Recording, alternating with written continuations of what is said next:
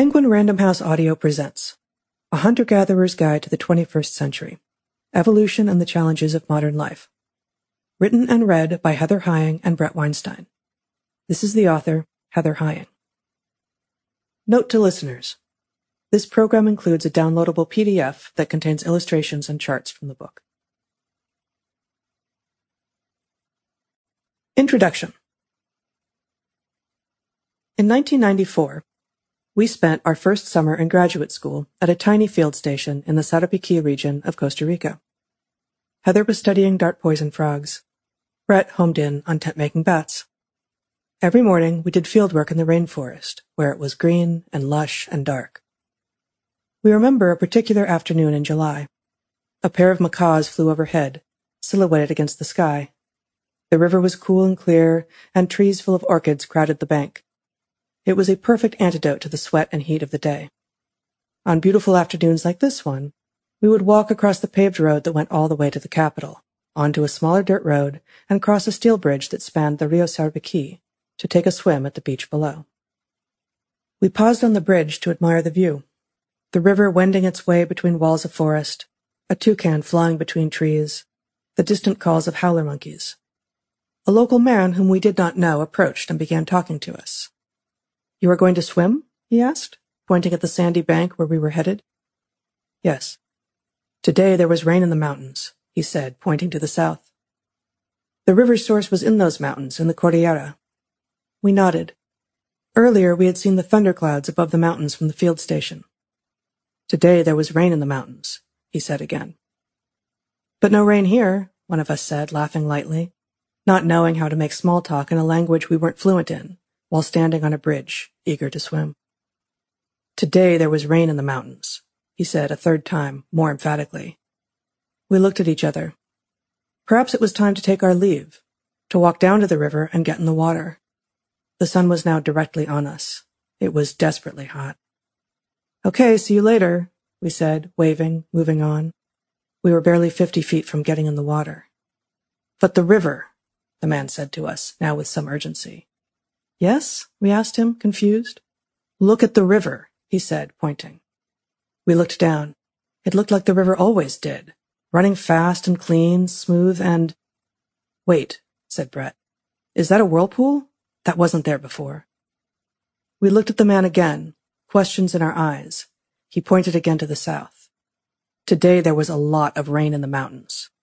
He moved his focus back to the river. Look at the water now. In the moments we had been looking away, the water had come up visibly. It was moving chaotically, roiling. It had changed color, too. From dark and calm, it had become pale and filled with silt. In short order, it was filled with more than that. The three of us stood transfixed as the river rose spectacularly, many feet in just a few minutes. The beach disappeared under a huge volume of rushing water. Anyone on it would have been swept away. Debris, including several logs, began to hurtle past. Anything that hit that new whirlpool disappeared, then shot back up beyond the bridge. The man turned around and began to walk off the way that he had come. He was a campesino, a farmer, but we didn't know where he was from or how he knew that we were there, about to descend to what could easily have been our deaths. Wait, Bret called, then realized that we had nothing to offer him but gratitude. We literally had nothing on us but our clothes. Thank you, we said. Thank you so much. And Bret took off his shirt and gave it to the man. Really? The man asked as Bret held out his shirt. Really, Bret confirmed. Thank you, he said, accepting the shirt. Good luck, and remember to think about the rain in the mountains. With that, he left. We had been living by that river for a month, swimming in it nearly every day, sometimes alongside local people. Suddenly, we felt like strangers, We'd mistaken our few experiences swimming in the river for the wisdom of actually knowing a place. How could we have been so wrong? At no other time in history has it been possible to think that you are a local, but to be so lacking the deep knowledge of a place that keeps you safe during rare events. We moderns struggle to grasp this gap in our knowledge for many reasons. For starters, we no longer rely on tight-knit communities or a deep understanding of local terrain like humans did until recently. Given how easy it is to move from place to place with relative ease, many people tend not to stay in one locale for long at all. The facts of our individualistic lifestyles and transience tend never to strike us as odd. simply because we've neither seen nor can imagine an alternative to the world we live in right now. One where abundance and choice are ubiquitous, we rely on global systems too complex to understand, and everyone feels safe. Until they don't. The truth is, safety too often proves to be a facade. Products on supermarket shelves turn out to be dangerous. A frightening diagnosis reveals weaknesses in a healthcare system too focused on symptoms and profits.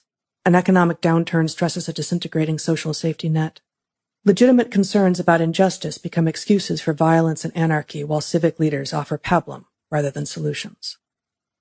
The problems that we face today are both more complex and simpler than experts make them seem. Depending on whom you've asked, you may have heard that we are living in the best, most prosperous time in human history. You may have also heard that we are living through the worst and most dangerous time. You may not know which side to believe. What you do know is that you can't seem to keep up. Over the past few hundred years, developments in technology, medicine, education, and so much more have accelerated the rate at which we are exposed to change in our environment, including our geographic, social, and interpersonal environments. Some of this change has been wildly positive, but hardly all, and other changes appear positive but have consequences so devastating that, once discovered, we struggle even to conceptualize them. All of this has encouraged the post-industrial, high-tech, progress-oriented culture we live in now. This culture, we propose, partially explains our collective troubles, from political unrest to widespread failing health and broken social systems. The best, most all-encompassing way to describe our world is hyper-novel. As we will show throughout the book, humans are extraordinarily well adapted to and equipped for change. But the rate of change itself is so rapid now that our brains, bodies, and social systems are perpetually out of sync. For millions of years, we lived among friends and extended family, but today, many people don't even know their neighbors' names.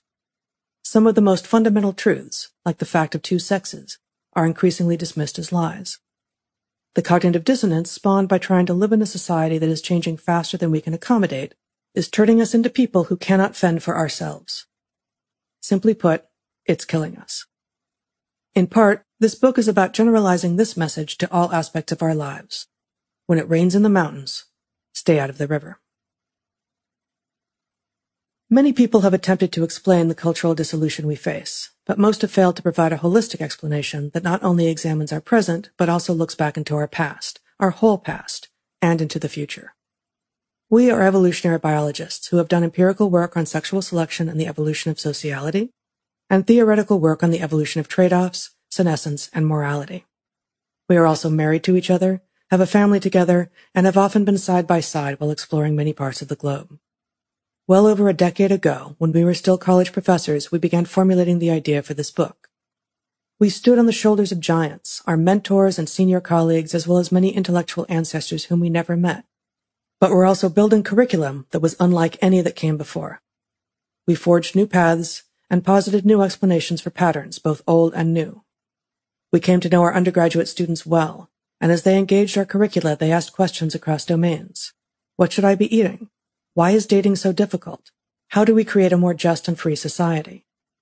The common threads throughout these conversations, in classrooms and labs, in jungles and around campfires, were logic, evolution, and science. Science is a method that oscillates between induction and deduction. We observe patterns, propose explanations, and test them to see how well they predict things we do not yet know. We thus generate models of the world that, when we do the scientific work correctly, achieve three things. They predict more than what came before, assume less, and come to fit with one another, merging into a seamless whole. Ultimately, in this book and with these models, we seek a single, consistent explanation of the observable universe that has no gaps, takes nothing on faith, and rigorously describes every pattern at every scale. This goal almost certainly cannot be attained, but there is every indication that it can be approached. Though we may glimpse this endpoint from our modern perch, we are a long way from reaching the limits of what can be known. That said, we are much closer to the goal in some areas than in others. In physics, we seem tantalizingly near a theory of everything, which really means a complete model of the least complex, most fundamental layer of explanation. As we move up in complexity, things become less and less predictable. Near the top of the stack, we reach biology, where processes inside even the simplest living cells are nowhere near fully understood. Things only get more complex from there. As cells begin to function in coordinated ways, becoming organisms made up of distinct tissues, the degree of mystery compounds. The unpredictability jumps again in animals, governed by sophisticated neurological feedbacks that themselves investigate and predict the world. And once again, as animals become social and begin to pool their understanding and divide their labor. Nowhere are we more regularly stumped than we are in understanding ourselves. We Homo sapiens are brimming over with profound mysteries, surrounded by paradoxes born of the very things that make us distinct from the rest of the biota. Why do we laugh, cry, or dream? Why do we mourn our dead? Why do we make up stories about people who never lived at all? Why do we sing, fall in love, go to war? If it's all about reproduction, why do we take so many years to get on with it? Why are we so picky about with whom we choose to do it? Why are we fascinated by the reproductive behavior of others? Why do we, sometimes, choose to impair and disrupt our own cognition? The list of human mysteries is endless. This book will address many of those questions. It will bypass others our primary aim here is not to simply answer questions, but to introduce you to a robust scientific framework for understanding ourselves, one we have developed over decades of study and teaching on the topic. It is not a framework you will find elsewhere. We developed it by working from first principles as much as possible. First principles are those assumptions that cannot be deduced from any other assumption. They are foundational, like axioms in math, and so thinking from first principles is a powerful mechanism for deducing truth and a worthy goal if you are interested in fact over fiction. Among the many benefits of first principles thinking is that it helps one avoid falling prey to the naturalistic fallacy, which is the idea that what is in nature is what ought to be. The framework that we present here is built to free us from these sorts of traps. It is intended to allow us humans to make sense enough of ourselves that we can, at a minimum, protect ourselves from self-inflicted harm. In this book, we will identify the most large-scale problems of our time not through the limiting, divisive lens of politics, but through the indiscriminate lens of our evolution. One of our hopes is that we can help you to see through the noise of our modern world and become a better problem solver. Modern Homo sapiens arose approximately 200,000 years ago, the product of 3.5 billion years of adaptive evolution. We are, in most ways, a generic species. Our morphology and physiology, though staggering and marvelous when considered in isolation, are not special when compared to those of our nearest relatives. But we uniquely have transformed the globe and become a threat to the planet on which we still thoroughly depend. We might have called this book a post-industrialist's guide to the 21st century, or an agriculturalist's guide, or a monkey's guide, or a mammal's guide, or a fish's guide.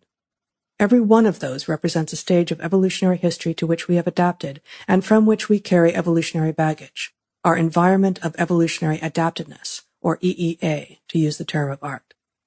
In this book, we speak to our environments of evolutionary adaptedness, which is to say, not just the EEA of the title, such as the African grasslands and woodlands and coasts on which our ancestors were hunter-gatherers for so long, but the many other EEAs to which we are adapted. We emerged onto land as early tetrapods, became lactating fur-bearing mammals, developed dexterity with our hands and visual acuity as monkeys, grew and harvested our own food as agriculturalists, and lived cheek to jowl with millions of anonymous others as post-industrialists. We chose to include hunter-gatherer in the title of the book because our recent ancestors spent millions of years adapting to that niche. This is the reason so many people romanticize this particular phase of our evolution. But there was not just one hunter-gatherer way of life, any more than there is one mammalian way of life or a single way to farm. And we are not adapted only to being hunter-gatherers. We also adapted long ago to being fish, more recently to being primates, and most recently to being post-industrialists.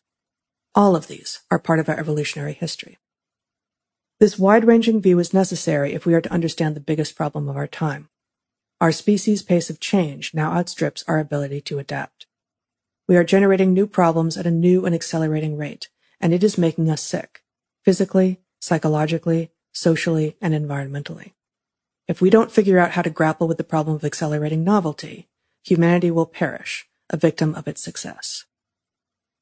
This is a book not only about how our species is in danger of destroying our world, it is also about the beauty humans have discovered and created, and how we can save it. An irrefutable evolutionary truth undergirding this book is that humans are excellent at responding to change and adapting to the unknown. We are explorers and innovators by design, and the same impulses that have created our troublesome modern condition are the only hope for saving it. Chapter 1 The Human Niche It was the best of times, it was the worst of times. It was the age of wisdom, it was the age of foolishness. It was the epoch of belief, it was the epoch of incredulity.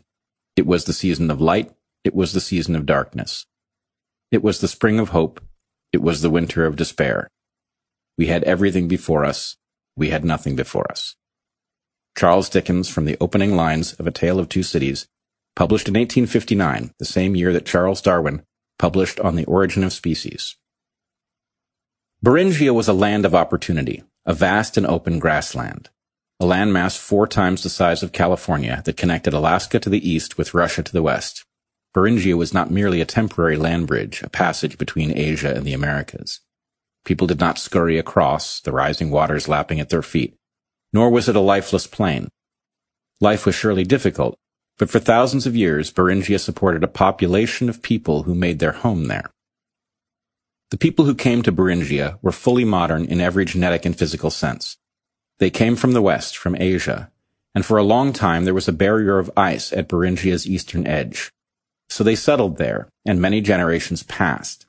As the world warmed, though, the ice began to melt, sea levels rose, and Beringia began to disappear, the coastline encroaching on what had been home. Where to go? Some Beringians, no doubt, went west, back to Asia, from where all of their ancestors had come, a land that may have lived in myth and collective memory. Perhaps in the intervening years, newer arrivals had come from there too, and brought with them updated stories of what their home to the west was like. As sea levels rose on the Beringians, some headed east, into a land that no humans had ever seen before. These were the first Americans. Probably the Beringians traversed the northern part of the west coast by boat. The ice was still there, but there would likely have been ice-free refugia peppering the coast, places where local animals concentrated, places that may have acted as stepping stones for those first Americans. This was, best estimates now suggest, at least 15,000 years ago, and possibly far deeper into history even than that. Depending on what the ice sheet looked like, perhaps they couldn't make permanent landfall until they got as far south as what is now the city of Olympia in Washington state. It was there that the glaciers ended.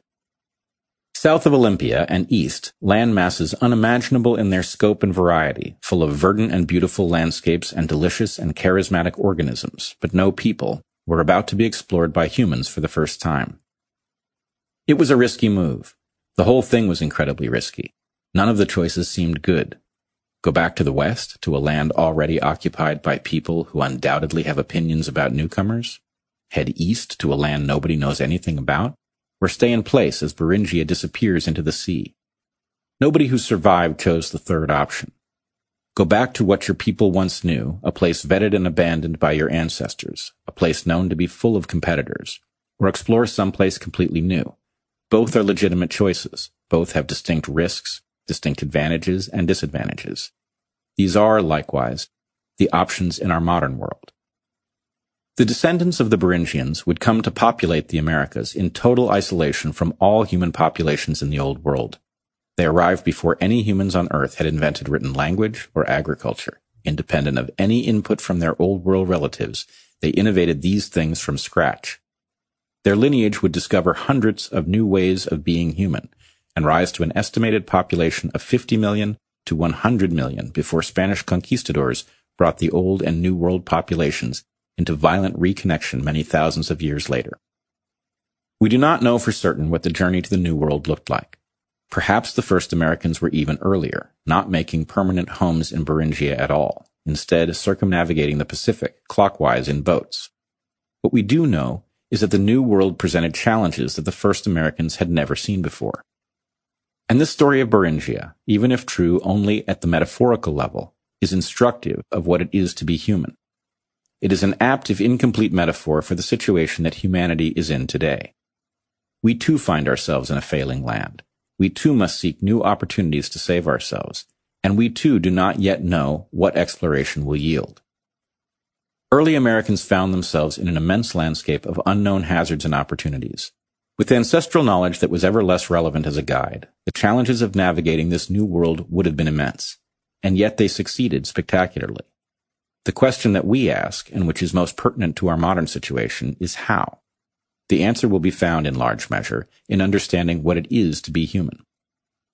Several generations in, sitting around the fire at night, a bit hungry because berry season was past its peak and the deer had grown scarce, one of these early Americans, call him Bem, might have observed that the bears seem to sustain themselves on the fish, so why can't we? Bem didn't know much about fish, though, not like So, who had spent many days at the river's edge watching fish and had an insight about how the fish behaved. So's insight about fish was heretofore not one she had shared, nor one that had seemed to her likely to have any value to her people. So in turn may not have had latent engineering skills as Gall did, and Gall may have lacked Locke's talent in experimenting with making rope. When so many people with distinct talents and insights come together around a campfire to discuss a shared problem, the spark of innovation can spread quickly. Most of the best ideas that our species has generated the most important and powerful ideas, have been the result of a group of people who had different but consilient talents and vision, non-overlapping blind spots, and a political structure that allowed for novelty. Gathered around the fire at the threshold of two continents new to humanity, many insightful observers and engineers, crafters of tools and synthesizers of information, came together and learned or relearned how to fish salmon from rivers, what bulbs were safe to eat and how to identify them, and how to transform trees into shelter. Those populations had keepers of the flame too, holders of tradition, individuals who would tell the story later, perhaps when a move was necessitated by the failure of a local salmon run and all of the original innovators were gone. What all were Bem or So or Gall or Locke doing exactly? They were innovating as part of and on behalf of their people. They were testing hypotheses, creating narrative, building material and culinary traditions, they were being human. The human paradox. 21st century people face opportunities and dilemmas similar to those of the original people of the New World. Innovations in technology and science have allowed us to enter new, previously unimagined realms.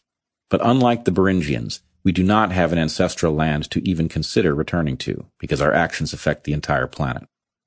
We have hunted and gathered, cultivated and machined our way around the globe, transforming the earth in our wake, bending landscapes to our will, and pushing many to the brink of collapse. Some look back at our species' successes, such as the success of the Beringians, and imagine that we can master nature, that we are in control of it. But we are not and never will be. The consequences of this bad assumption account for many of our problems today. The only way to course correct is to understand the true nature of what we are, what we might be, and how we might apply this wisdom to our benefit. Our species is brainy and bipedal, social and talkative. We make tools, cultivate land, produce myth and magic. We have reinvented ourselves over time and across space over and over again, learning to dominate one habitat after another. Species are defined by many things, their form and function, their genes and development, their relationship to other species. Perhaps most important though, species are defined by their niche, the particular way they interact with and find a way to make a living in their environment. Given our breadth of experience in geography, what exactly is the human niche? As our species has evolved, we seem to have escaped a fundamental law of nature. The jack of all trades is the master of none. To be dominant in any one niche, a species must typically specialize, sacrificing breadth and generality. It is this need to specialize that hobbles the jack of all trades, a principle so universal that it has been invoked for more than four centuries in print, one of the earliest instances being a 1592 jab at actor turned playwright William Shakespeare. The jack of all trades is the master of none is applied broadly from engineering to sports to ecological science. Species are, in this way at least, like tools. The more jobs they do, the more crudely they do them. Yet somehow here we are, jacks of nearly every trade imaginable, and simultaneously the masters of nearly every habitat on Earth. Our niche is nearly unbounded, and when we do find boundaries, we nearly immediately begin to test them. It's as if we don't believe there will ever be a final frontier. Homo sapiens is not merely exceptional. We are exceptionally exceptional. Unrivaled in our adaptability, ingenuity, and exploitative capacity, we have come to specialize in everything over the course of hundreds of thousands of years. We enjoy competitive advantage of being specialists without paying the usual costs of a lack of breadth. This is the paradox of the human niche. A paradox in science is like an X on a treasure map. It tells us where to dig. Our unrivaled breadth of specialization is a paradox that marks the location of a spectacular trove, not so much of riches, but of tools. By unraveling the human paradox, we can unlock a conceptual framework that allows us to understand ourselves and to navigate our lives with intention and skill. This book unpacks the human paradox and describes the tools we discover there. It is also an exercise in their application. Campfire. In our discussion of the first Americans, we have already seen one tool in this treasure trove, though it might not seem to be a tool at all. It is a campfire. Humans have been using fire for eons, we have used it to make light and create warmth, to increase the nutritional value of food, and to keep predators at bay. We have used fire to hollow logs to make canoes, to transform landscapes to new purposes, to soften and harden metal. We have also used fire for something even more important. The campfire is a forge for ideas, a place to discuss berries, rivers, and fish, a place to share our experiences, to talk, to laugh, to cry, to deliberate over our challenges and share our successes. From this forge emerge the kinds of ideas that render humans a true superspecies, one that surfs the rules of the universe, kicking up paradoxes in its wake. The exchange of ideas that has occurred around the hearth for millennia is more than simple communication. It is the convergence point of individuals with different experience, talent, and insight. The linking of minds is at the root of humanity's success. It doesn't matter how smart an individual is, and it doesn't matter how much they know. In nearly every case, when minds come together, the whole is greater than the sum of its parts. For the problems that humanity faces, from which bulbs are safe to eat, and how to catch rabbits, to how to equalize opportunity while creating a world that is safe from existential threats, we need more than individuals processing in isolation. If we are to survive the future, we need multitudes of people plugging in and parallel processing. Joining minds in this way exponentially increases the ability of humans to solve problems. Just as humanity broke down boundaries between niches that no other organism has broken down, so too have we broken down boundaries between individuals that nothing else has broken down so thoroughly. With regard to niches, we are a generalist species that contains individuals who are often specialists. A single ancient American may have been terrific at wayfinding, but terrible at keeping the flame. A single modern human may be terrific at rock climbing, but terrible at organizing their files or excellent with numbers but unskilled in the baking of bread. As a species, though, we are supremely good at all of these things. It is the connections between us that allow us to transcend our individual limitations, often focusing on our trade while being sustained by the specialized labor of others. At the boundaries between individuals, we consciously innovate and share ideas and then reify the best and most relevant of those ideas for the current moment in the form of culture. For millennia, this magic has occurred around the common campfire. Consciousness and culture, themes that we return to in depth in the penultimate chapter of this book, are in tension with each other, and humans need both. Conscious thoughts are those that can be communicated to others. We define consciousness, therefore, as that fraction of cognition that is packaged for exchange. This is no trick. We have not chosen a definition to make an intractable question simple. We have chosen the definition at the epicenter of what people mean when describing a thought as conscious. One truth that emerges from understanding consciousness in this way is that it makes little sense to assume that individual consciousness evolved first, or that it is the most fundamental form of consciousness. Rather, our individual consciousness likely evolved in parallel with collective consciousness and would become fully realized only later in our evolution. Understanding what is in the mind of another, known as theory of mind, is staggeringly useful. We see the rudiments of this capacity in many other species, and we see it extensively elaborated in a highly cooperative few, such as elephants, toothed whales, such as dolphins, crows, and many non-human primates. We humans are by far the most aware of one another's thoughts of any species that has ever existed, because we alone can, if we so choose, hand over the cognitive goods explicitly and with spectacular precision. We can accurately pass a complex abstraction from one mind to another by simply vibrating the air between us. It is everyday magic that usually passes without our notice. For theory of mind to function, one needs to run an emulation of the other person within one's own head. For me to benefit from a comparison between what I think on the one hand and what I understand you to think on the other, I am all but required to have a subjective experience of both you and me to bring the two into a single currency. Shared consciousness is an emergent, intangible space between people where concepts are lodged and co-cultivated. Each participant has a distinct perspective on the space, much as each witness to a physical event will have a somewhat different vantage point, but the space is a property of the collective. Imagine two populations composed of equally smart individuals. In the first population, individuals can not just propose ideas, but also must respond to and modify the ideas of others and then strategize and plan how to act on them, with each individual contributing in his or her own area of specialty. The second is made up of individuals who, while full of good ideas themselves, have no ability to conceptualize what others are thinking. When these two populations are in competition with each other, there is simply no contest. Even a rudimentary collective consciousness, what might be shared between wolves in a pack, for example, as they are hunting cooperatively, provides a staggering advantage. In lions, too, the pride is far greater than the sum of its individuals.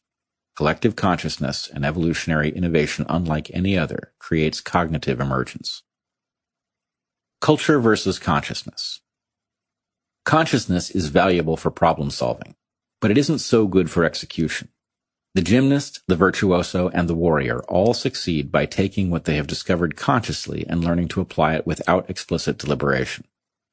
Transformative insights and ideas move out of the conscious layer and into the parts of us that know how to get things done. When one is in the zone, the conscious mind is present, but as a spectator who steers clear so as not to disrupt the flow. Behaviors become habitual and intuitive. In an individual, we might call this skill or craft. In a family or tribe, such habits become traditions passed efficiently from one generation to the next. Scale this up further, and we have culture. Homo sapiens, therefore, oscillate between two dominant modes. When we face problems for which our prior understanding is inadequate, we become conscious. How do we feed ourselves in this new land? We plug our minds into a shared problem-solving space and share what we know. Then we parallel process, proposing hypotheses, providing observations, offering challenges, until we arrive at a new answer, one that an individual would rarely reach alone. If the result works well when tested in the world, it gets refined and then driven into a more automatic, less deliberative layer. This is culture. The application of culture to the circumstances for which it is adapted is the population level equivalent of an individual being in the zone. This model implies a few important things. When times are good, people should be reluctant to challenge ancestral wisdom, their culture. In other words, they should be comparatively conservative. When things aren't going well, people should be prone to endure the risks that come with change. They should be comparatively progressive, liberal, if you will. This, of course, has a lot to say about the modern world, because for various reasons, there is little agreement at present on how well things are going. Moments before the Titanic hit the iceberg, the ship was a marvelous testament to human achievement. Moments after, it was a monument to the hazards of hubris. Too often it is only in retrospect that the rearranging of deck chairs appears absurd. More often than not, there is no iceberg, no clear demarcation of before and after of the moment when consciousness should become more salient than culture. Humans break 1. Niche boundaries by being both generalists and specialists. 2 interpersonal boundaries by oscillating between culture and consciousness. The financial collapse of 2008, Deepwater Horizon oil spill, and the Fukushima Daiichi nuclear disaster are all symptoms of a civilization level disorder, one that has no name. Let's call it the sucker's folly, the tendency of concentrated short-term benefit not only to obscure risk and long-term cost, but also to drive acceptance even when the net analysis is negative. These events are evidence that we are resting on our cultural laurels and speeding toward disaster, lulled into a false sense of security and away from collective consciousness by the opulence of our surroundings. The sooner we recognize this, the greater the chance to divert the ship to a safe course, a puzzle we will return to in the last chapter of this book. The answer to our earlier question then, what is the human niche, is this. Humans don't have a niche, not in the standard sense of that term. We have escaped the paradigm by mastering a different game. We have discovered how to swap out our software and replace it as the need arises by oscillating between culture and consciousness. The human niche is niche switching. Humanity is the master of every trade. If we were machines, we would be ones that are compatible with many software packages. The Inuit hunter knows the Arctic but has few of the skills needed to function in the Kalahari or the Amazon. Humans can be good at almost anything given the proper tools and software, and human populations can be good at many things by virtue of a division of labor. But each individual person will either have to limit themselves or accept the costs that come with being a generalist. As our world becomes increasingly complex, though, the need for generalists grows. We need people who know things across domains and who can make connections between them, not just biologists and physicists, but biophysicists, people who have switched gears and found that the tools they brought from their prior vocation serve them well in a new one. We must find ways to encourage the development of generalists. In this book, we argue that a key way to do this is to encourage a careful, nuanced understanding of what evolution is, what it has made us, and how we can resist its goals. To that end, let us first, in the remainder of this chapter, provide a few updates to evolutionary theory. The alterations that we are suggesting open a path to understanding evolution more deeply and also to understanding ourselves, our cultures, and our species. Adaptation and lineage. Adaptive evolution improves the fit of creatures to their environment. This is well established. In a rush to make evolutionary biology an empirical science, though, biologists prioritized defining fitness such that it could be easily measured. We biologists settled on a definition that is almost synonymous with reproduction. As is the case with many assumptions that ultimately fail, the belief that fitness and reproductive success were near synonyms was wildly successful at first, enough so that generations of biologists made great headway by simply treating them as one. All else being equal, a creature that is better fit for the environment tends to produce more offspring, and when that is the case, biologists have excellent conceptual tools for unpacking the evolutionary process that leads to it. What happens when all else isn't equal, however, and the creature with more offspring has cut corners in the pursuit of short-term fecundity? Under these conditions, the ability of biologists to understand the story is compromised. If the harm done to fitness shows up quickly, if an individual animal produces many offspring, all of which perish in the winter, we will likely come to understand that it failed in an evolutionary sense. If, however, the descendants prosper for a fairly long time, but die off in the next drought or the next ice age, there is a good chance biologists will botch our analysis of success. Fitness is indeed often about reproduction, but it is always about persistence. A successful population can ebb and flow through time.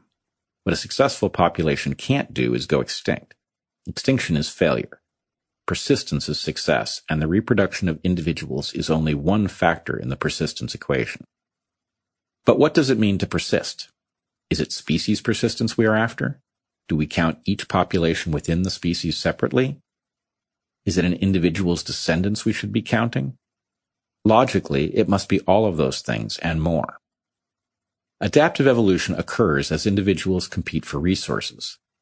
Each individual is the beginning of a line of descent, and the period over which its descendants persist is a good proxy for its fitness.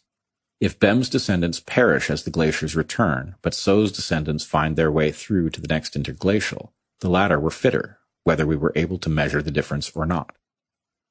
But those two individuals were not only the starting points for lines of descent going forward, each was also a member of many simultaneous overlapping lines of descent stretching backward to a large collection of ancestors about whom we can say the same thing. So if fitness is about persistence, then the apropos question is, the persistence of what? This is where we must break our sense of obligation to measure things. Adaptive evolution, the process that increases the fit of creatures to environment, is about all levels of descent at once. Adaptive evolution is therefore fractal, and the term that encapsulates it is lineage. An individual and all of its descendants comprise a lineage. A species is a lineage descended from that species' most recent common ancestor, as too are larger clades such as mammals, vertebrates, animals. Lineages descended from those clades' most recent common ancestors. Our job as evolutionary biologists is to figure out how adaptive evolution works with selection at all levels of lineage occurring simultaneously. In this book, we will proceed from the premise that lineages compete and those that are better suited to their long-term environment are favored by selection. That buys us a lot in terms of illuminating the paradoxes of human nature, but it's far from sufficient. We must also recognize that, contrary to conventional evolutionary wisdom, genes are not the only form of heritable information. Culture evolves. Furthermore, culture evolves in tandem with the genome and is obligated to the same objective. We need not know the degree to which, for example, sex-typical behaviors like female nesting or male bravado are transmitted culturally or genetically. The mode of transmission says nothing about the meaning of these patterns. Whether cultural, genetic, or a mixture of the two, sex roles inherited from a long line of ancestors are biological solutions to evolutionary problems. They are, in short, adaptations that function to facilitate and ensure lineage persistence into the future. This is a hard pill for many to swallow, but the truth is that culture exists in service to the genes. Long-standing cultural traits are as adaptive as eyes, leaves, or tentacles. In the 21st century, nearly everyone accepts that evolution has created our limbs and our livers, our hair and our hearts. Yet many people still object when evolutionary theory is invoked to explain behavior or culture. Even for many scientists, this position is driven by the belief that some questions should not be asked if the answers to them might be ugly. This has led to ideologically driven censorship of ideas and research programs, which has slowed the rate at which we have enhanced our understanding of who we are and why. Some of what evolution has produced is indeed ugly. Infanticide, rape, and genocide are all products of evolution.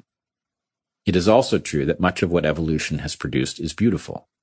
A mother's sacrifice for her child, enduring romantic love, and civilization's care for its citizens, young and old, healthy and not. A widespread lack of understanding of what it means for something to be evolutionary explains the concerns some people have. Many people fear that if something is evolutionary, it must be immutable.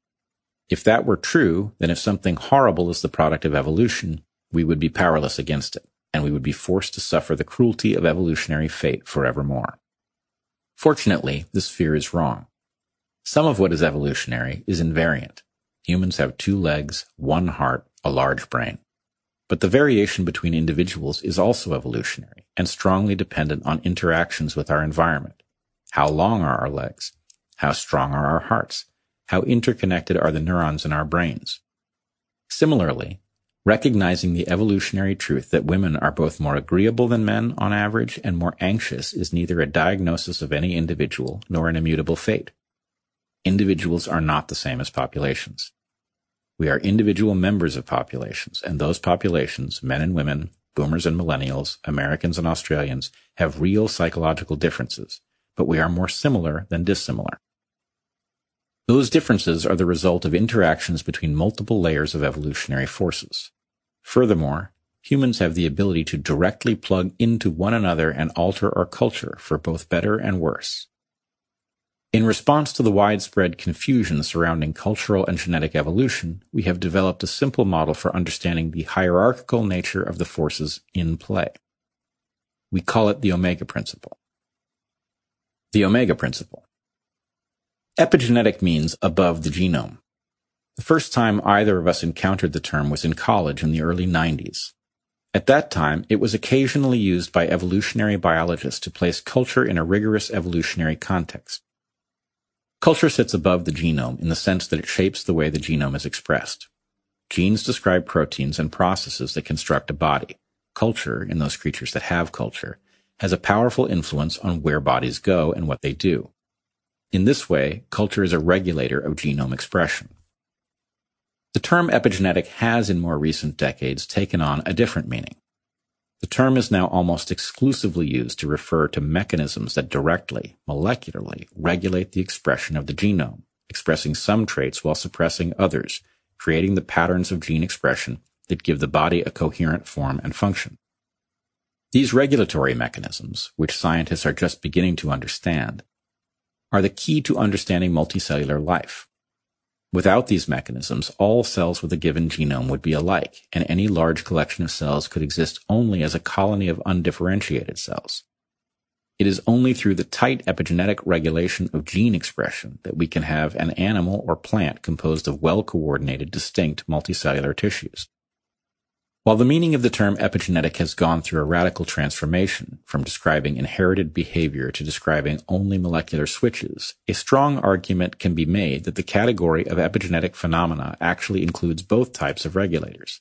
Molecular switches are the narrow meaning of the term, epigenetic sensu stricto in the strict sense, while the molecular switches plus inherited behaviors are epigenetic sensu lato in the broad sense.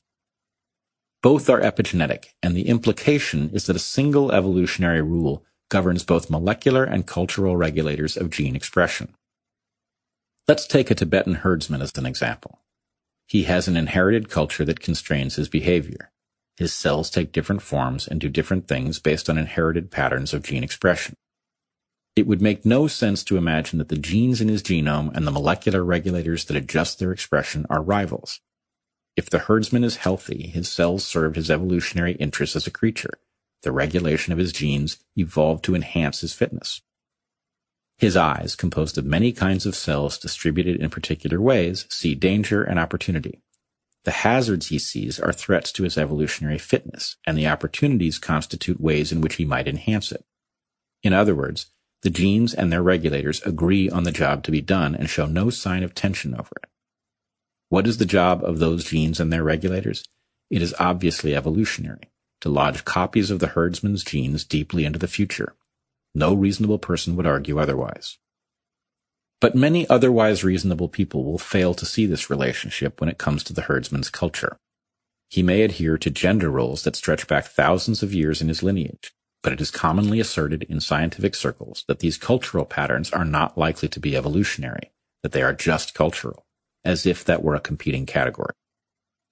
The problem stems from the initial 1976 presentation of mimetic evolution by Richard Dawkins in The Selfish Gene.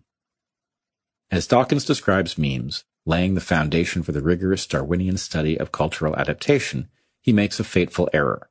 He describes human culture as a new primeval soup, in which cultural traits spread themselves much like genes do, rather than as a tool of the genome that evolved to enhance the genome's fitness. This misunderstanding has never been properly resolved, and the nature versus nurture confusion it engenders continues to block analytical and societal progress. Asking if a particular trait is due to nature or nurture implies a false dichotomy between nature, genes, and evolution on the one side, and between nurture and environment on the other. In fact, all of it is evolutionary.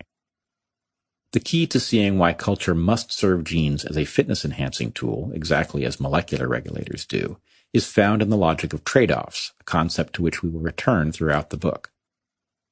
From the genome's perspective, culture is anything but free. In fact, nothing is more costly.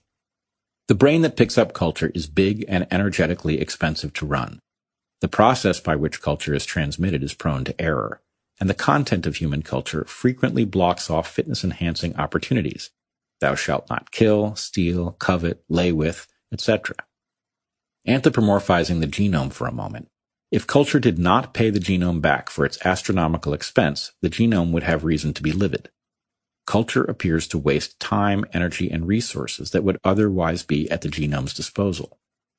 One might get the impression that culture is effectively parasitizing the genome. But the genome is in the driver's seat. A capacity for culture is nearly universal in birds and mammals. It has been elaborated, enhanced, and extended by genomic evolution over time. And it is at its most extreme in the world's most broadly distributed and ecologically dominant species, humans. These facts tell us that whatever culture does, it is not coming at a cost to genetic fitness. Rather, it enhances fitness in dramatic ways. If culture was not paying its way, the genes whose expression it is modifying would either go extinct or evolve to be as immune to culture as an oak tree. In our teaching of evolution to students, we have codified our understanding of the relationship between genetic and epigenetic phenomena in what we call the omega principle. It has two elements. Omega principle. 1. Epigenetic regulators such as culture are superior to genes in that they are more flexible and can adapt more rapidly. 2 epigenetic regulators, such as culture, evolved to serve the genome. We have chosen to use the signifier omega to call to mind pi, and thus indicate the obligate nature of the relationship. adaptive elements of culture are no more independent of genes than the diameter of a circle is independent of that circle's circumference. From the omega principle, we derive a powerful concept. Any expensive and long-lasting cultural trait, such as traditions passed down within a lineage for thousands of years, should be presumed to be adaptive. Throughout this book, we will discuss such traits, from harvest feasts to the building of pyramids, through this evolutionary lens. We will use first principles to extrapolate what makes humans so special, and why the novelty of the modern era has made us mentally, physically, and socially unhealthy. In order to discover those principles, we must look for clues. In the next chapter, we will explore our deep history, touring the many forms that we have taken, some of the many systems and abilities our ancestors innovated, and the human universals that unite us all. Chapter 2 A Brief History of the Human Lineage There are several human universals. All humans have language, we can tell self from other, and can distinguish self as subject, I cooked for her, from self as object, she cooked for me. We use facial expressions that are both general and nuanced, which include happiness, sadness, anger, fear, surprise, disgust, and contempt. We don't just use tools, we use tools to make more tools. We live in or under shelter. We live in groups, usually with family, and adults are expected to help socialize children. Children observe elders and copy them. We also learn by trial and error. We have status, governed by rules stemming from kinship, age, sex, and beyond. We have rules of succession and markers of hierarchy. We engage in division of labor. Reciprocity is important, both in the positive sense, barn raising for neighbors, exchanging gifts, and in the negative, retaliation for perceived wrongs. We trade. We predict and plan for the future, or at least we try to. We have law and we have leaders, although both may be situational or ephemeral. We have rituals and religious practice and standards of sexual modesty. We admire hospitality and generosity. We have an aesthetic, which we apply to our bodies, our hair, and our environment. We know how to dance. We make music. We play. It took so long for us to become who we are today. If you look deeply into the history of life on our planet, you can see how these universals emerged over hundreds of millions of years. And once you understand this, you will see why change, especially rapid change, isn't always such a good thing. Three and a half billion years ago, give or take a few hundred million years, life blinked into existence on Earth. That organism was the common ancestor of all life on our planet, and we owe much to it, although we don't resemble it much now. The first single-celled organism had no nucleus. It had no sex. It made its own energy, perhaps by converting sunlight into food as modern plants do, perhaps by converting inorganic molecules, such as ammonia or carbon dioxide, into food. As we move forward in history, as our ancestors get closer to us in time, we resemble them more and more closely. Two billion years ago, our replicating material became encased in nuclei, allowing DNA to organize itself, such that careful unpacking at the right moments would trigger cascading events. See the accompanying bonus PDF for phylogenetic trees of multicellular taxa, vertebrates, tetrapods, and primates. Much complexity hides in the timing and coding of events, and in how things are packed. The ability to pack efficiently turns out to be important for far more than suitcases and shipping containers. We were evolving so many ways to divide labor in that era, Organelles within cells separated cellular functions from one another. Microtubules and motor proteins began transporting cellular material around. Now that we had cells with nuclei, we were eukaryotes, but we still lived alone as single cells. A long time later, we began to associate more permanently with one another, combining forces, becoming multicellular individuals, rather than clusters of cells that aggregated. Specialization was crossing scales. Organelles within cells had long since innovated specialization. Chloroplasts for photosynthesis, mitochondria for power, but the specialization had stopped at the boundary of the cell. Now, with multicellular organisms, life was leveling up. Everyone who knows our deep history will have their favorite transformations, the ones that seem singularly important if anything downstream were to have a chance of happening. Perhaps you see the origin of brains, or of blood, or of bone, to be the evolutionary transformation on which all later innovations depended. All of them, except the earliest, hinge on conditions already created, so none of them were fated to be in the form that we know them. In the beginning, there was the evolution of those who create their own energy. This made possible the evolution of those who take what others have created. Heterotrophs, like us, who parasitize the energetic work of plants and other photosynthesizers. The particular way that we have evolved to be heterotrophs, to take the energy of others for our own, there was nothing inevitable about that. Organisms, all of us, need to respire, to take in nutrients and excrete waste, to reproduce. The larger the organism, the more likely other things are needed too. A plumbing system to move things around within the body, a control center or centers within which information is collected, interpreted, and acted upon. More than 600 million years ago, we became multicellular individuals who steal energy from those who make it from the sun. We became animals. Sex evolved in our lineage, and it has never gone away. Some traits blink on and off through evolutionary time. Birds developed flight, and then some of them reversed course, became penguins, kiwis, ostriches. Snakes lost the limbs that their and our ancestors had developed over tens of millions of years.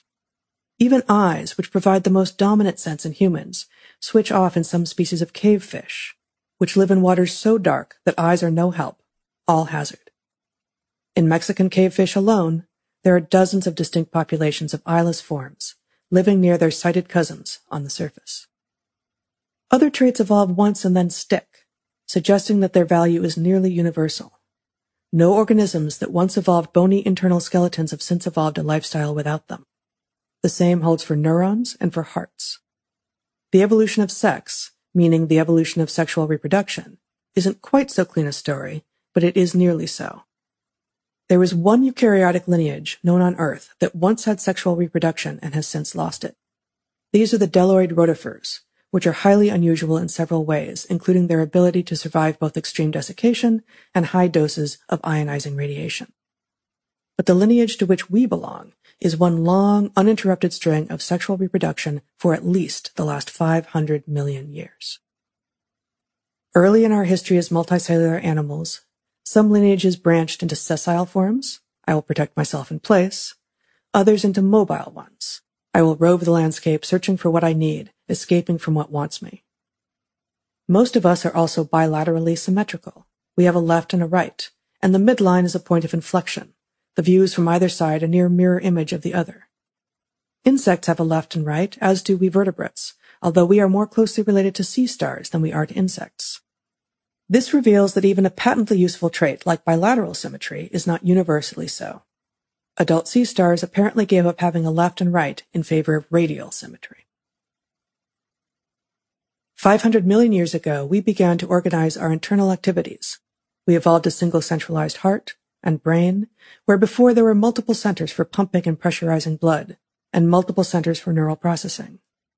With a single brain to organize inputs, we also developed ever more ways to sense our world. Soon enough, on a geological timescale, we had become craniates, the brainy ones, with our precious brains carefully protected within skulls.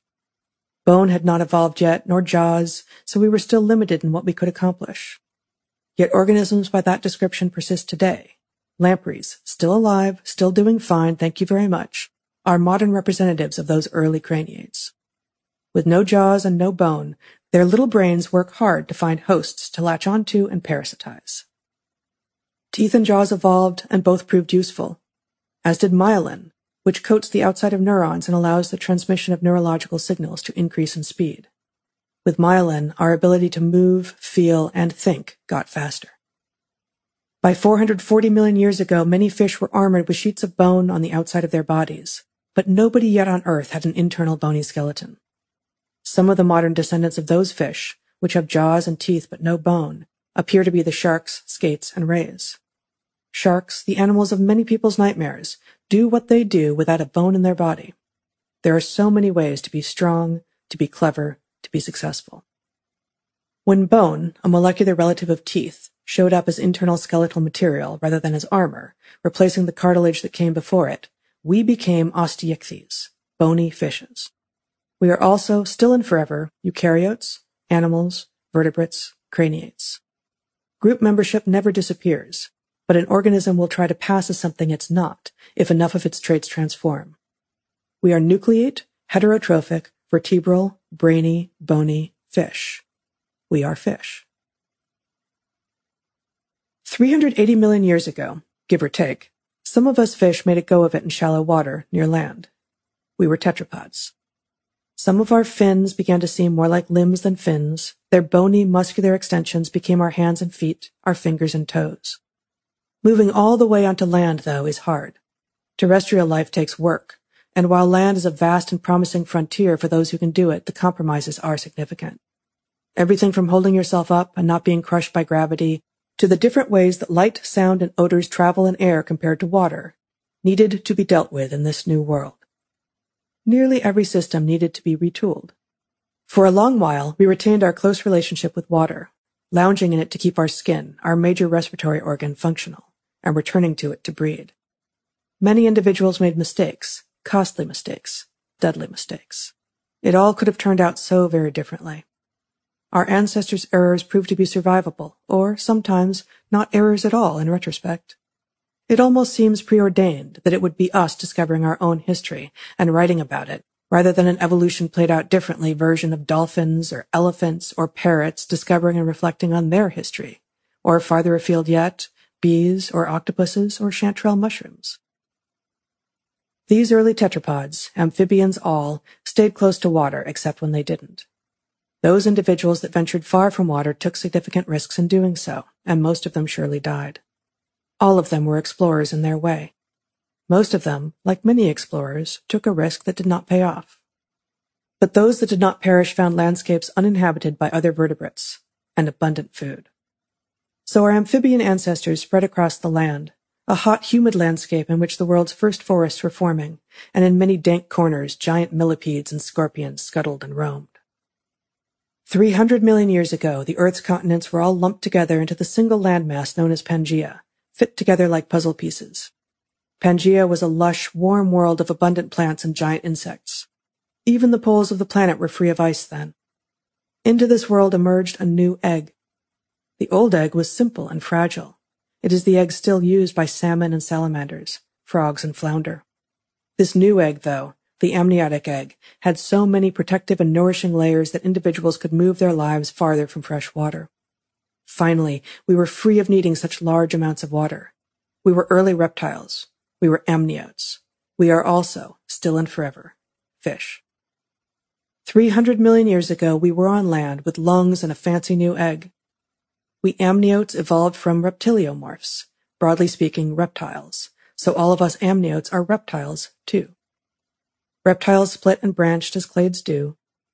Early on in our lives as amniotes, a branching occurred, between the lineage that would further diversify as reptiles and the one that would become mammals. Some reptiles lost their teeth and grew shells, and we call them turtles. Some reptiles developed forked tongues and paired penises, and we call most of them lizards. Later, some lizards lost their legs, and some of those legless lizards are what we now call snakes. Even without legs, though, snakes are still tetrapods, because their history doesn't change just because their form has. Some reptiles became dinosaurs, and some dinosaurs became birds. So yes, dinosaurs are not extinct. Birds are dinosaurs, and birds are also fish. Birds and mammals have a most recent common ancestor at the base of the reptile tree, and this ancestor of ours was low-slung and slow, cold-blooded and asocial, and didn't have much going on cognitively. Both the lineage that would become birds and that which would become mammals, independently and without input from the other, evolved into beings that run hot, stand up tall, move fast, and have big, hyper-connected brains. It's a more expensive path through the world, being warm-blooded and big-brained, and birds and mammals have addressed the expense and its problems in different ways, but for each of these two groups, it has worked out well for us. Both birds and mammals have more cultural learning and social complexity than any other organisms we know. Running hot and fast in the particular iteration of history we experienced seems to have contributed to the evolution of culture. Many species of birds have long lives, long developmental periods, high rates of monogamy, and bonds between individuals that last several seasons, even a lifetime. Some pair-bonded birds duet with each other so tightly that it can be difficult to tell that more than one bird is singing. The same can be said of some pairs of humans. At the base of the reptile tree, our ancestors branched off, and mammals developed our eponymous trait, mammary glands. Except for a few odd duck-billed platypuses and echidnas at the base of the mammal tree, we mammals have gestation and live birth as well. Parental care, at least from mom, now became unavoidable. Communication between mother and embryo in utero takes many forms, mostly chemical.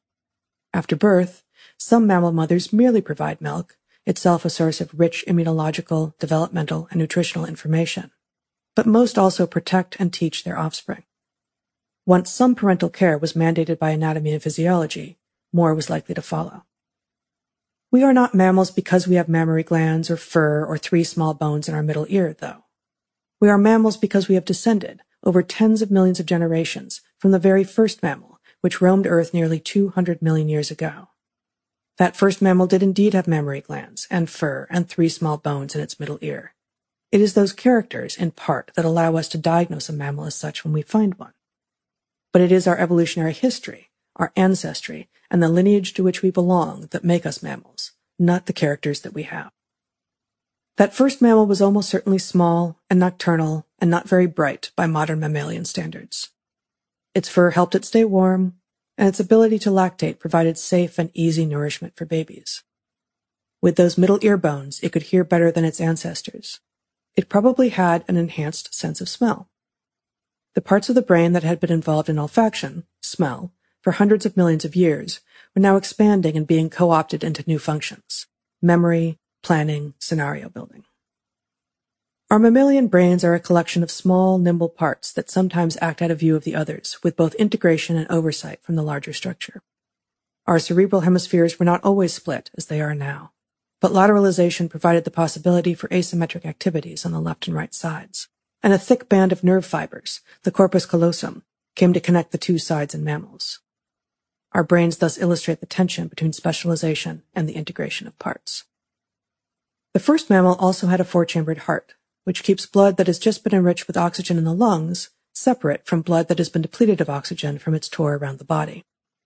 This allows for a more efficient and capable cardiovascular system. Mammals became endotherms, warm-blooded, generating our heat internally rather than relying on external sources, evolved new kinds of insulation, and began to experience REM sleep, and once again, birds independently evolved all of these traits as well, albeit sometimes in different form, feathers to our fur, for instance. Early mammals also solved a problem that had been with us since we came to land. When the earliest tetrapods became terrestrial, their side-to-side locomotion, which salamanders and lizards still exhibit, compressed their lungs, such that moving and breathing at the same time was an impossibility. This side-to-side locomotion put an upper constraint on speed and on the distance that one could travel before requiring a rest. Anyone who has spent time watching lizards in the wild will recognize the zippy bursts that characterize their movements, followed by rapid breathing. Mammals solve this problem by switching the axis on which we undulate. We undulate up and down rather than side to side. Now we have the freedom to run and breathe at the same time. It's a useful skill. Add to this another new mammalian feature, the diaphragm, the big muscle below our lungs that coordinates breathing. And mammals can now go faster and longer than our forebears. All of this comes with a cost, metabolically, of course. It takes considerably more calories to keep a mammal going than a lizard of the same size. Now that we were literally running hotter and faster than ever before, our computing power went up too. Early mammal adaptations allowed for greater efficiency in circulation, respiration, locomotion, and hearing. Early in our mammal history, we also became more efficient at chomping on things and in getting rid of waste in the form of urine. We humans are the beneficiaries of those evolutionary innovations of so many tens of millions of years ago, as are our cats and dogs and horses, as are the squirrels and wombats and wolverines. There were steps necessary to our becoming what we are, but how many of those would have been necessary for similarly conscious organisms in a rerun of history? What if we could start back at the beginning and try this historical experiment that is life on Earth one more time. In a rerun of history, the chances that the most conscious organisms on the planet would have a four-chambered heart, five digits, and eyes that are built backward are low. But in a rerun of history in which conscious beings once again emerge, selection would certainly have figured out some way to do an end run around its own inadequacies, creating brains, no matter the specifics, that can look into the future, even when selection itself cannot. 65 million years ago, the Chicxulub meteor hit the Earth near the Yucatan Peninsula. Its impact kicked up so much dust that the sun was blocked for years. Photosynthesis ground to a halt. On the other side of the planet, perhaps accelerated by Chicxulub, one of the largest volcanic features on the planet was forming, the Indian Deccan Traps, belching out large amounts of climate-changing gases. Mass extinctions followed, including that of all the non-avian dinosaurs, which have been doing pretty well for themselves for many tens of millions of years. There is still disagreement about how long it took mammals to begin to diversify, to turn into the great chaotic mess of nearly 5,000 mammal species extant on the planet today, half of which are rodents, another quarter of which are bats, and the remaining quarter of which include forms as varied as dolphins and kangaroos, elephant seals and antelope, rhinoceroses and lemurs. Some time back when dinosaurs still reigned, primates emerged from the mammalian ranks. Against the odds, our primate ancestors managed to survive the mass extinction 65 million years ago, as did the ancestors of every other organism on the planet today. 100 million years ago, well before Chicxulub, the common ancestor of all humans was a small, nocturnal, tree-dwelling primate. It was cute and fuzzy and lived in small family groups. As primates, we developed greater agility, dexterity, and sociality.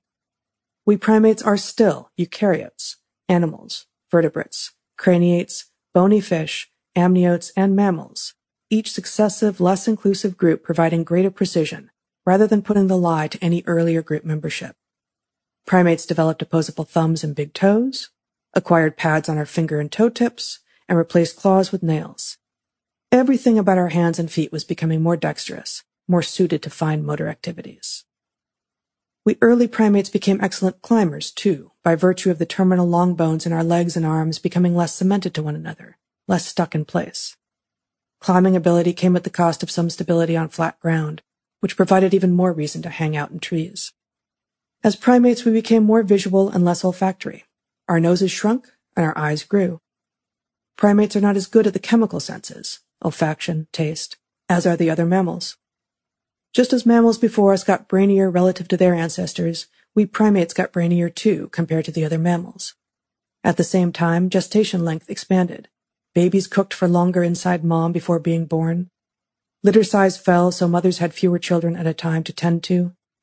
The period of parental investment after birth lengthened and intensified, and sexual development happened later and later, giving ever more time for young primates to learn how to feel, how to think, how to be. Monkeys, sensu lato, a subset of primates to which we belong, continued these trends. We became almost exclusively diurnal and even more highly reliant on sight. Our noses shrank further, and our eyes became even larger in our skulls. Monkeys have singletons or twins rather than litters, and accordingly, all the extra sets of nipples disappeared, the ones that would never be needed to feed young, except the ones on males. With even fewer babies to tend to at a time, monkey mothers, and far more rarely monkey fathers, spent more time with each child, teaching it how to be a monkey.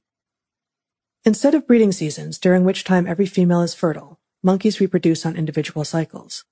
We mate when conditions are right, Humans have overlaid this with the narrative, we mate when we choose to. There is choice in when and with whom to mate, of course, but there are also underlying conditions that render pregnancy more or less likely to succeed, and they most surely correlate with our feelings of desire and choice, whether we know it or not. Some of these conditions apply population wide. In time of famine, nearly nobody reproduces, as individuals lack the nutritional and physiological resources with which to bring a baby to term and feed it after it's born. Other conditions, though, are particular to the individual. Is your body ready for its first pregnancy? If you've had previous pregnancies, how old is your youngest child? Is she weaned? Do you have older children around to help? Sisters or friends? Your preferred mate? When breeding seasons were the rule, reproductive timing was synced up, so there was lower variance in the answers to these questions. It was also easier with breeding seasons for a single male to monopolize the reproductive efforts of several females. With individual cycles, male monopolization of female reproduction is more difficult, which lays the groundwork for relationships between individual males and females to evolve, for monogamy and biparental care to evolve. 25 to 30 million years ago, apes evolved from monkeys, and we are them. Other apes living today include several species of gibbons, by most accounts the most beautiful of the living apes, deeply furred, pair-bonded individuals living in the canopies of the tropical rainforest of Southeast Asia. Some species sing to one another at dawn and dusk, communicating location, certainly, but also perhaps information, this tree has delicious fruit. Concern, do you have the children? Or intention, I'm heading home now, see you soon. One of the innovations of apes is brachiation. We swing really well. The cartoon vision of monkeys swinging arm over arm through trees is not nearly so accurate as one of gibbons or chimps or even us doing the same. The other apes, the so-called great apes, are less beautiful, but even brainier. Orangutans, like gibbons, live in and near the tropical rainforests of Indonesia. Gorillas, chimps, and bonobos are all restricted to sub-Saharan Africa. More than six million years ago, our ancestors, Homo, split from the ancestors of chimps and bonobos, Pan, who are our closest relatives living today. It would be millions of years yet before modern humans would evolve or before modern chimps or bonobos would evolve either. But the question of what our most recent common ancestor looked like is an intriguing one. One way to approach it is to imagine that it was either more chimp-like or more bonobo-like. Among those imagining a chimpy past, without recognizing that this is what he was doing, was 17th century philosopher Thomas Hobbes, who famously declared that humans, in our state of nature, that is, without government, are destined to live lives that are, quote, solitary, poor, nasty, brutish, and short, more recently, intellectual luminaries from Sigmund Freud to Steven Pinker have similarly imagined that humans need civilization to save us from our basest instincts. It is true that chimps tend toward war rather than peace, and are often found fighting at the edges of their territories. Bonobos, in comparison, tend toward peace rather than war, and at the edges of their territories, they're more likely to be sharing food with another troop than beating up on each other. But humans engage in both war and peace, whether we take up arms when strangers show up at our door, or provide alms and invite them in to share food with us, is highly variable across both cultures and contexts. Given that we are exactly as equally related to both chimps and bonobos, looking to one rather than the other for insight into what humans are makes little sense. We have much to learn from both. Chimps and bonobos, our closest living relatives, communicate with each other via facial expression and gesture. Their faces don't have the expressiveness that ours do, though, we have more muscle control and we have whites in our eyes. Their gestures are meaningful and abundant. One chimp can ask another to come with them, give them an object, or move closer. While chimps also vocalize, their utterances cannot, given their laryngeal anatomy, begin to match human linguistic capacity. Gesture and onomatopoeia are firmly rooted in the tangible world. As humans expanded our linguistic arsenal, we were able to explore abstraction more easily. Humans are long-lived and have generational overlap, learning not just from parents but also from grandparents. We have large permanent social groupings, culture, complex communication, grief, emotion, and theory of mind. Look to baboons, parrots, chimps, elephants, social dogs, corvids, crows and jays, and dolphins to start for these traits in other species. Those organisms are not all closely related, though, so this cluster of human-seeming traits evolved convergently, repeatedly over history. Three million years ago, North and South America came together, forming the Isthmus of Panama, closing the connection between the Pacific and the Atlantic Oceans. No hominins were anywhere close to the Western Hemisphere at that time, so wholly unhindered by us, the flora and fauna of the Americas began to interchange, with camelids moving south and ultimately evolving into the llamas and alpacas of the Andes, marsupials moving north, most of which went extinct, with just one small lineage of opossums left to represent marsupials throughout the New World. Sometime after our ancestors diverged from Pan, chimps and bonobos, we moved down out of the trees, having gone into them many tens of millions of years earlier, long before we were even primates. Around the same time that we came out of the trees, our ancestors stood up on two legs, slowly becoming more and more hind limb dominant, losing our prehensile big toes, becoming stable once again on flat ground, shifting the shape of our pelvis and the musculature around it. The landscape in which these ancestors lived was not homogeneous, so standing tall likely brought benefits in both seeing over tall African grasses and breathing while wading in shallow waters. The changing biomechanics of our newly bipedal gait also brought greater efficiency in overland travel, such that bipedalism may well have facilitated multiple new modes of food acquisition, both long-distance hunting and shallow water fishing. Gait changes have repeatedly opened up new niches and therefore new worlds to us and our ancestors. In the case of bipedalism, our hands also became free to carry things, such as tools. Crows and chimps and dolphins are all known to fashion and use tools, but all are limited by their ability to carry them places. Humans, however, don't just transport tools without them getting in the way of our ability to move through the world. We can even use them while we're on the move, depending on the tool. Furthermore, standing up on two legs had cascading effects throughout the body, including, ultimately, the restructuring of the human vocal tract, such that we can now create more sounds than any other animal of similar cognitive ability. It is possible that becoming bipedal was a necessary precursor to having speech. 200,000 years ago, the bodies and brains of our common ancestor were those of a fully modern human. Take an ancient Homo sapiens from the African Rift Valley, give him a shave and a haircut and modern clothing, put him on a crowded, busy street in the 21st century, and likely nobody gives him a second glance. Except, of course, that he has no idea what is going on. His hardware is that of a 21st century human, but his software is not. These anatomically modern humans, 200,000 years ago, were hunter-gatherers living in fission-fusion groups on the African savanna, in open woodland habitats or on the coast. They lived by gathering plants, by hunting and scavenging wild animals, and in many places by fishing.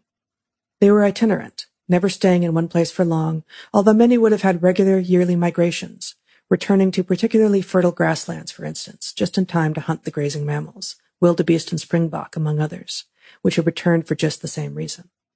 Today, this method of subsistence is restricted to a few human populations, including Mbuti pygmies, !Kung bushmen, and the Hadza.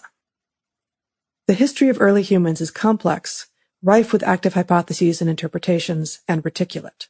Probably we split from others like us, and then occasionally came back together with them to breed. Those histories, the histories of the Denisovans and the Neanderthals and the hobbits of Flores Island, among others, are better told elsewhere. One clear trend in humans is this. As early humans collaborated ever more with one another to gain control over their environment, their biggest competitors soon became each other. We gained ecological dominance through collaboration, which then set us to focusing on competing with others of our own kind. We cooperate to compete, and our intergroup competition became ever more elaborate, direct, and continuous, until finally becoming nearly ubiquitous in modern times. Oscillating between these two challenges, ecological dominance and social competition, we became expert at exploring new niches. We are the ultimate niche switchers.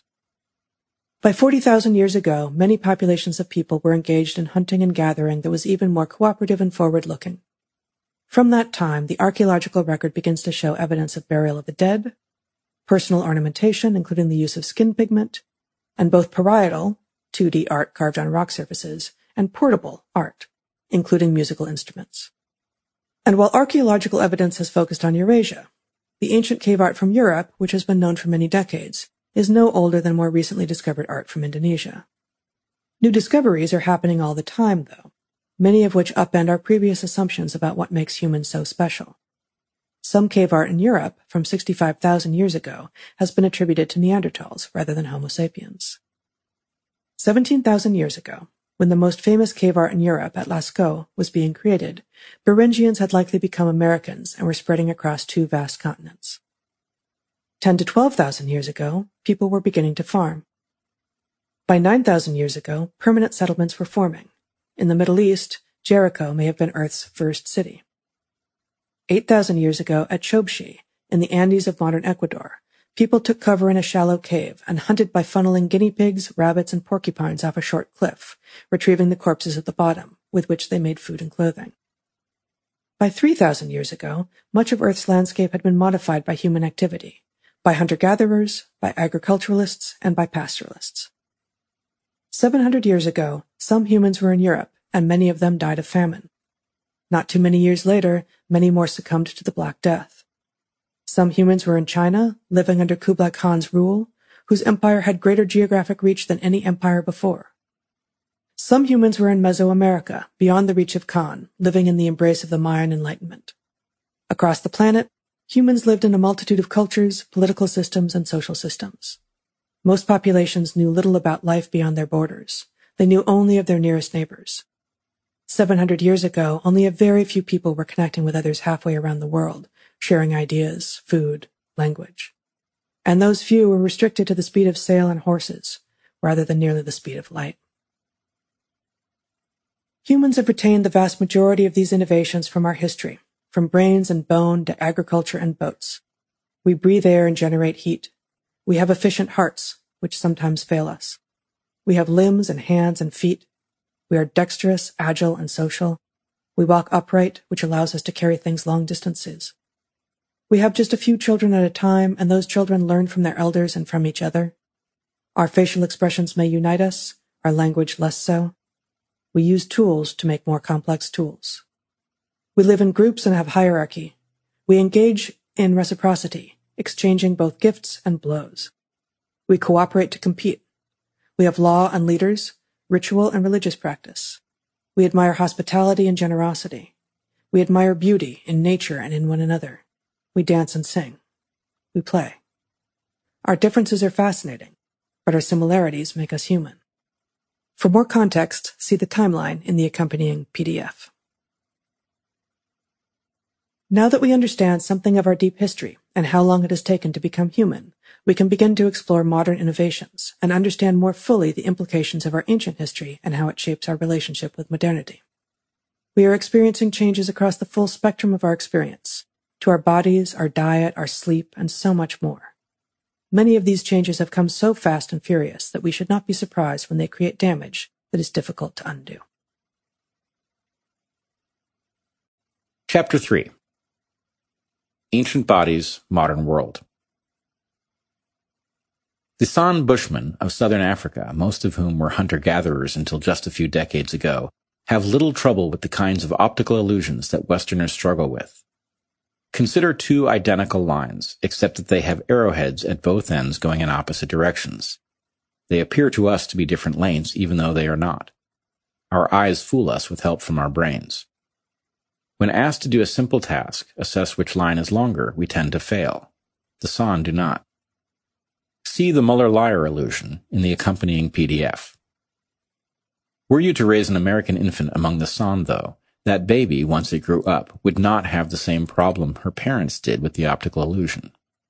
Similarly, raise a San child in Manhattan, and susceptibility to the illusion would again show itself. In this case, sensory capability and physiology are being driven by differences in experience and environment, not by genetic differences. Most readers and listeners of this book likely live in weird countries, Western nations with a highly educated populace and industrialized economic base that are relatively rich and democratic. As societies, we have benefited from industrialization and democracy, which have raised the quality of life for nearly everyone who lives in these countries but there are many negative, unintended consequences downstream of society-wide changes. While it is clear to most people how much the 21st century weird environment has expanded the menu of possible experiences that we have at our beck and call, it is less obvious how 21st century weird life has curtailed other experiences, often to our detriment. Why can we, unlike the San, be fooled by a simple set of lines? It has to do with an alteration in our visual sphere, our homes are clean, climate controlled, and square. Just as depriving kittens of some visual inputs renders them less capable of seeing as adults, perhaps, with our modern comforts and conveniences, we are effectively depriving our weird selves and rendering ourselves less capable. Or perhaps our visual capacity is being tailored to our uniquely square environment. Either way, modernity is doing something to us at a deeply fundamental level, and the fact that we don't understand it is alarming. One thing we can be sure of is this. Models of human behavior and psychology, which tend to be based on empirical studies of weird undergraduate students, may well be accurate readings of the psychology and behavior of weird undergrads, but they do not inherently make for good models of the rest of the world. Indeed, it is now clear that we in the weird countries are outliers when it comes to many aspects of the human experience. The implications of this are far more important than being easily tricked by visual illusions, but understanding why we are susceptible to such illusions can provide insight into the risks of hypernovelty. It is likely that our highly geometric homes and playgrounds, which make up so much of what we see during early childhood, calibrate our eyes such that we suffer from such illusions far more than do those in the rest of the world. That geometry, which we mostly take for granted, emerged in part from being able to run wood through sawmills and create dimensional lumber. Most people, when their culture began to run wood through sawmills and build homes out of the dimensional lumber that results, would not have thought to ask what in our human experience and capability might be affected by this. Dimensional lumber and the carpentered corners that result are novel features of the modern human's environment. How has it changed how we perceive the world? Reframing your approach to the world such that those questions do occur to you, even if you are not sure what the answers might be, is part of the goal of this book. Compare the change brought on by carpentered corners to the following example of evolutionary change that is understood to be genetic in nature. Lactase persistence among adult Europeans. A majority of adults worldwide cannot comfortably tolerate lactose, milk sugar, in their diet because they have stopped producing lactase, the enzyme that breaks down lactose. Lactose is a strange sugar, totally unknown other than in mammalian milk. No other mammal species continues to drink milk after weaning. Even among humans, most Asian and Native American people, as well as many Africans, do not do so, so the trait that needs to be explained in humans is not so much the lactose intolerance among the majority, but rather lactase persistence in the minority of us who continue to enjoy dairy as adults. The adaptive value of being able to eat dairy into adulthood is varied. Pastoralists of European descent domesticated several species of mammals, and while the value that they received from those animals was diverse, meat, wool, and skins being some of the others, milk was on the list as well. The invention of culinary techniques to preserve dairy for later consumption, in the form of cheese and yogurt, for instance, would have further increased the quantity and frequency of dairy in the adult diet. Similarly, people at high latitudes gain adaptive advantage from the combination of lactose and calcium in milk. Many of us are familiar with the role that vitamin D is thought to have in facilitating the uptake of calcium, itself critical to bone growth and strength. But vitamin D is rare at the poles. Lactose, it turns out, is a functional substitute for vitamin D in promoting the uptake of calcium. Milk is thus protective against rickets. Finally, among desert peoples, one of the largest risks is dehydration. Being able to digest milk provides both nutritional and hydrational benefits. So what mechanism explains lactase persistence in some human populations? European pastoralists, Scandinavians, Saharan people such as the Bedouin, the explanation is multi-pronged, but relatively straightforward. Among dairying people and their descendants, a genetic variant that provides a high capacity to digest lactose into adulthood is far more common than among populations that do not regularly consume dairy after weaning. Raise an ethnically Japanese baby in France, and he is no more likely to be able to enjoy a creamy eclair than if he had been raised back home. Raise an ethnically French baby in Japan, and dairy is a viable option for that child, but probably lacking in availability. Lactase persistence was born of particular environmental conditions and moved into the genetic layer where it now lives. It brings differential success in some environments and not others, but the experience of being in a part of the world that enjoys or rejects dairy does not affect your ability to digest it. Following the discovery of the DNA double helix, there emerged a conflation of evolutionary traits with genetic traits. The terms evolutionary and genetic began to be used interchangeably, which made it more and more difficult over time to talk about evolutionary change that was not genetic. Darwin, had he been aware of Gregor Mendel's work with peas, or had he been around to see the discovery of DNA, would have been pleased to know a mechanism of adaptation by natural selection but he would not, we believe, have assumed that this was the only such mechanism. The conflation of evolutionary with genetic traits became entrenched in popular culture, as in the specious dichotomy of nature versus nurture. Again, remember the omega principle. Genes and epigenetic phenomena, such as culture, are inextricably linked, and they evolved together to advance the genes. Asking nature or nurture isn't wrong simply because the answer is nearly always both, or because the categories themselves are flawed but also because once you understand that there is one common evolutionary goal, getting precise about mechanism is less important than understanding why a trait came to be.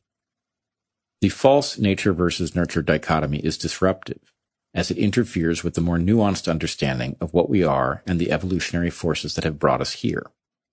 The change in susceptibility to optical illusions seen in the weird countries is no less evolutionary than the change in ability to digest dairy in European and Bedouin peoples. The latter has a genetic component, and we have no reason to think that the first one does, yet they are both equally evolutionary. If homes full of carpentered corners have made us more susceptible to particular kinds of optical illusions, altering our ability to see, what other costs to a weird lifestyle might exist? As recently as the 1990s, you would have been considered a crackpot if you had suggested that spending your workdays sitting at a desk might have long-term effects on cardiovascular health or risk of type 2 diabetes. No longer. Carpentered corners create great susceptibility to certain optical illusions. Over-reliance on chairs creates all manner of negative health outcomes.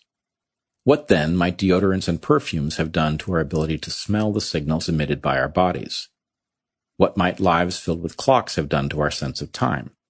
What have airplanes done to our sense of space, or the internet to our sense of competence? What have maps done to our sense of direction, or schools to our sense of family? You get the point. In this book, we are not arguing for an abandonment of technology. The solution to the many problems laden in a hypernovel world is not so simple. Instead, we embrace careful application of the precautionary principle. When faced with a question of innovation, the precautionary principle considers the risk of engaging in any particular activity and recommends caution when the risk is high. In circumstances where the degree of uncertainty about the outcomes of a system is high, when it is not clear what negative effects might result if society engages in, say, carpentering corners or powering our electrical grid with nuclear fission reactors, the precautionary principle suggests that changes to extant structures should be engaged in slowly, if at all. Put another way, just because you can doesn't mean you should. Adaptation and Chesterton's fence. In college, Bret had a friend who was stricken by appendicitis and rushed to the hospital just before her appendix burst. It was traumatic and scary for her and for her friends. Many of us know of similar stories, and we all know it's a risk. Our appendix might burst, so what the hell are we doing with such a liability in our bodies? Why do we have this famously vestigial organ? In the early 20th century, medical doctors were wondering the same thing. Many of them came to the conclusion that not only the appendix, but indeed the entire large intestine, was a hazard to humans, and that their removal would be attended with happy results. It was a rare voice that suggested our structures might be adaptive, and there might instead be a mismatch between our bodies and the quickly accelerating changes brought on by living in a post-industrial culture. The appendix, we are told now, is vestigial, but vestigial is often code for we don't know what the function is. Has evolution really left us with an organ that is nothing but cost, poses risks to our health, and can be relatively easily surgically removed? As it turns out, the answer is no. Of course the answer is no. Many years ago, Bret developed a three-part rubric for establishing whether a trait should be presumed to be an adaptation. It's a conservative test in that it correctly identifies some traits as adaptations while leaving undiagnosed as adaptations some other traits that are as well. In the language of hypothesis testing, the test can therefore produce false negatives type 2 errors, but not false positives type 1 errors. This test therefore reveals the sufficient but not necessary evidence that something is an adaptation. Three-part test of adaptation.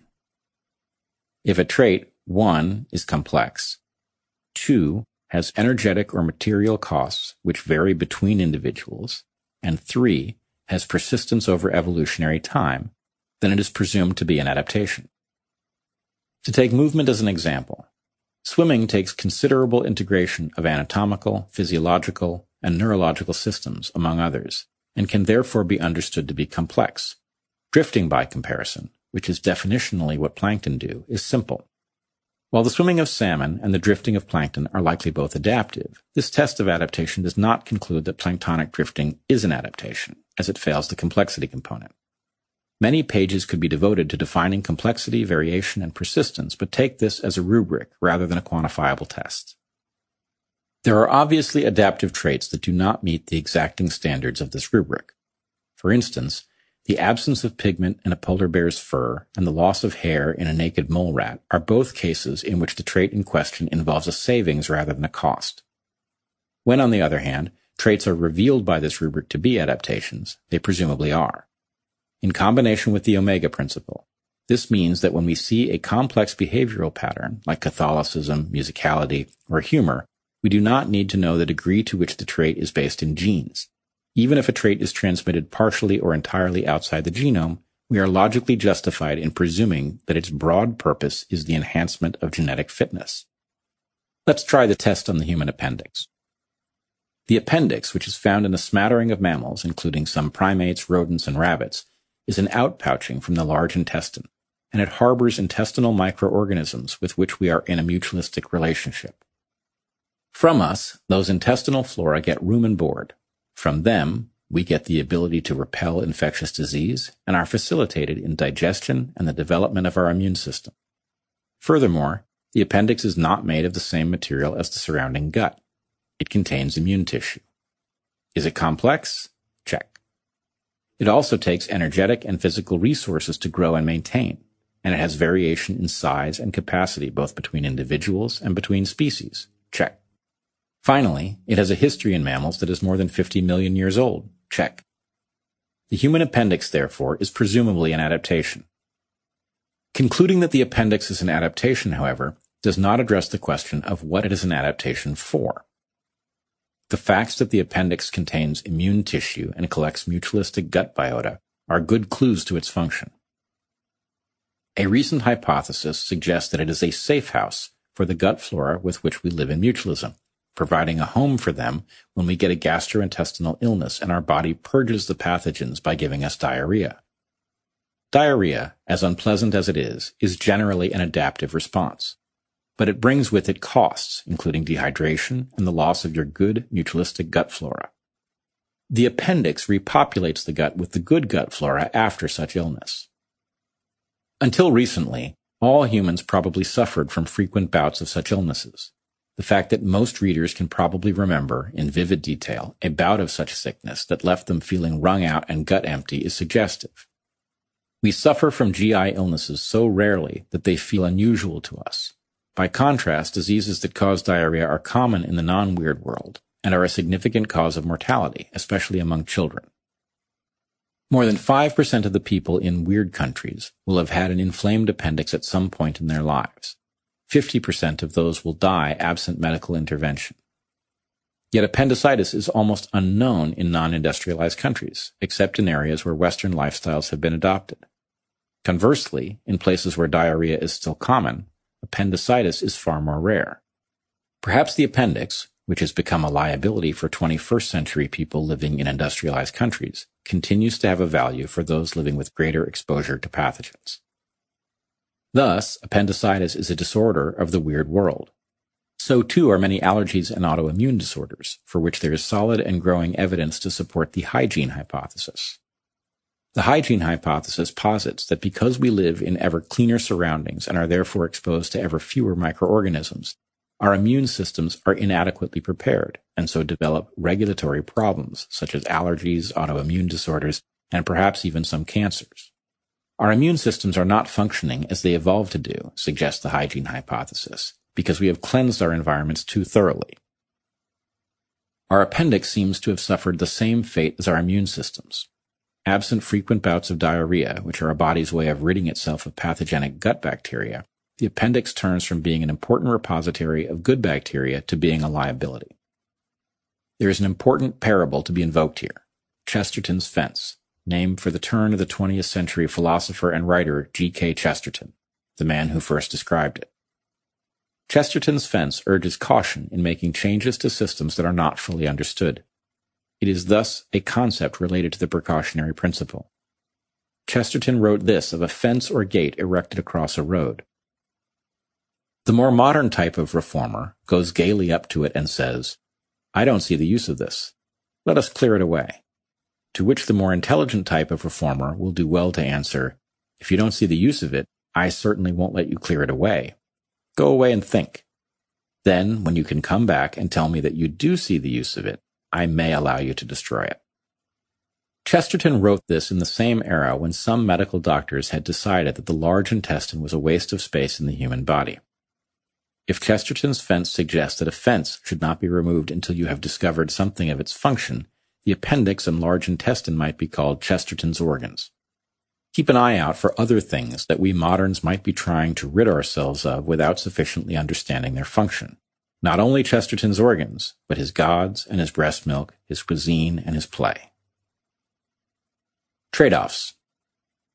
Chesterton's fence reminds us that things that have been built by humans, or have been selected for over many generations, are likely to have hidden benefits, at the point when early 20th century doctors were declaring the appendix and large intestine to not only be useless, but actually hazardous, people aware of Darwin, or of trade-offs, or both, should have been able to put on the brakes. Whatever the problem with the large intestine was perceived to be, it would have been smart to try to figure out what benefit it brought before yanking it out and tossing it away. In everything, there are trade-offs. There are hundreds, if not thousands, of distinct competing concerns in any given organism. So how can you possibly know where to begin to look for the trade-off relationships? In fact, pick any two traits, and they are in a trade-off relationship. Trade-offs exist, like the peaks on an adaptive landscape, whether they have been discovered or not. Broadly speaking, there are two types of trade-offs. Allocation trade-offs are the most obvious, well-studied, and famous. They are the ones that people assume you're talking about if you just say trade-off. Because many things in biology are zero-sum, meaning that there is a finite amount of resources to pull from. The pie has a size that does not change. We can easily intuit that if you're a deer, in order to make a larger set of antlers, something else has to give. You've got to borrow from elsewhere in order to get bigger antlers. Perhaps you lose some bone density, or spend down other reserves. Under some conditions, perhaps you could just start eating more and grow more antlers, but this raises the question. If it were that simple and eating more benefited you in this easy way, what prevented you from doing it before? Assuming that something is constraining your diet such that it cannot simply be increased, growing bigger antlers means having less of something else. The second type of trade-off is design constraint. Unlike allocation trade-offs, design constraint trade-offs are insensitive to supplementation. You cannot just add more of something to solve the problem. For instance, robustness, broadly being big boned and muscular, is valuable, as is locomotor efficiency, but you can't maximize both. Again, something has to give, and the problem cannot be solved with more resources. Similarly, if you're a bird, or a bat, or an airplane, you can fly with speed or agility, but you will only be middlingly fast and maneuverable if you try to maximize both. Some other bird will be faster, a third one more agile, but you, you can be a generalist, which is its own kind of success. The speed versus agility trade-off is easily seen in the body shape of fish. The deep body form of, for instance, angelfish allows them to hover in place and turn at tight angles while moving almost not at all. This is useful if one of your main jobs in life is nibbling stuff off coral. Compare the shape of an angelfish to that of a sardine, however, long and thin. The sardine is best at speed over straightaways. It can probably pull a good zig in advance of a predator's zag, but it can't stand still. So design constraint trade-offs reveal that you can't be both fastest and most maneuverable. Design constraint trade-offs also reveal that you can't be both the most robust and the most efficient. Less intuitively, you also can't be the fastest and bluest. Humans do a great job of evading some trade-offs, of course. For instance, we have addressed the fast versus impenetrable trade-off by building outside of ourselves, by having extended phenotypes. The domestication of horses and the advent of castles allowed some humans to be both fast and impenetrable. And as we discussed in chapter 1, we seem to have beaten the odds when it comes to the trade-off between specialists and generalists. Humans are a broadly generalist species, with the capacity of individuals and cultures to go deep and specialize in myriad contexts and skill sets.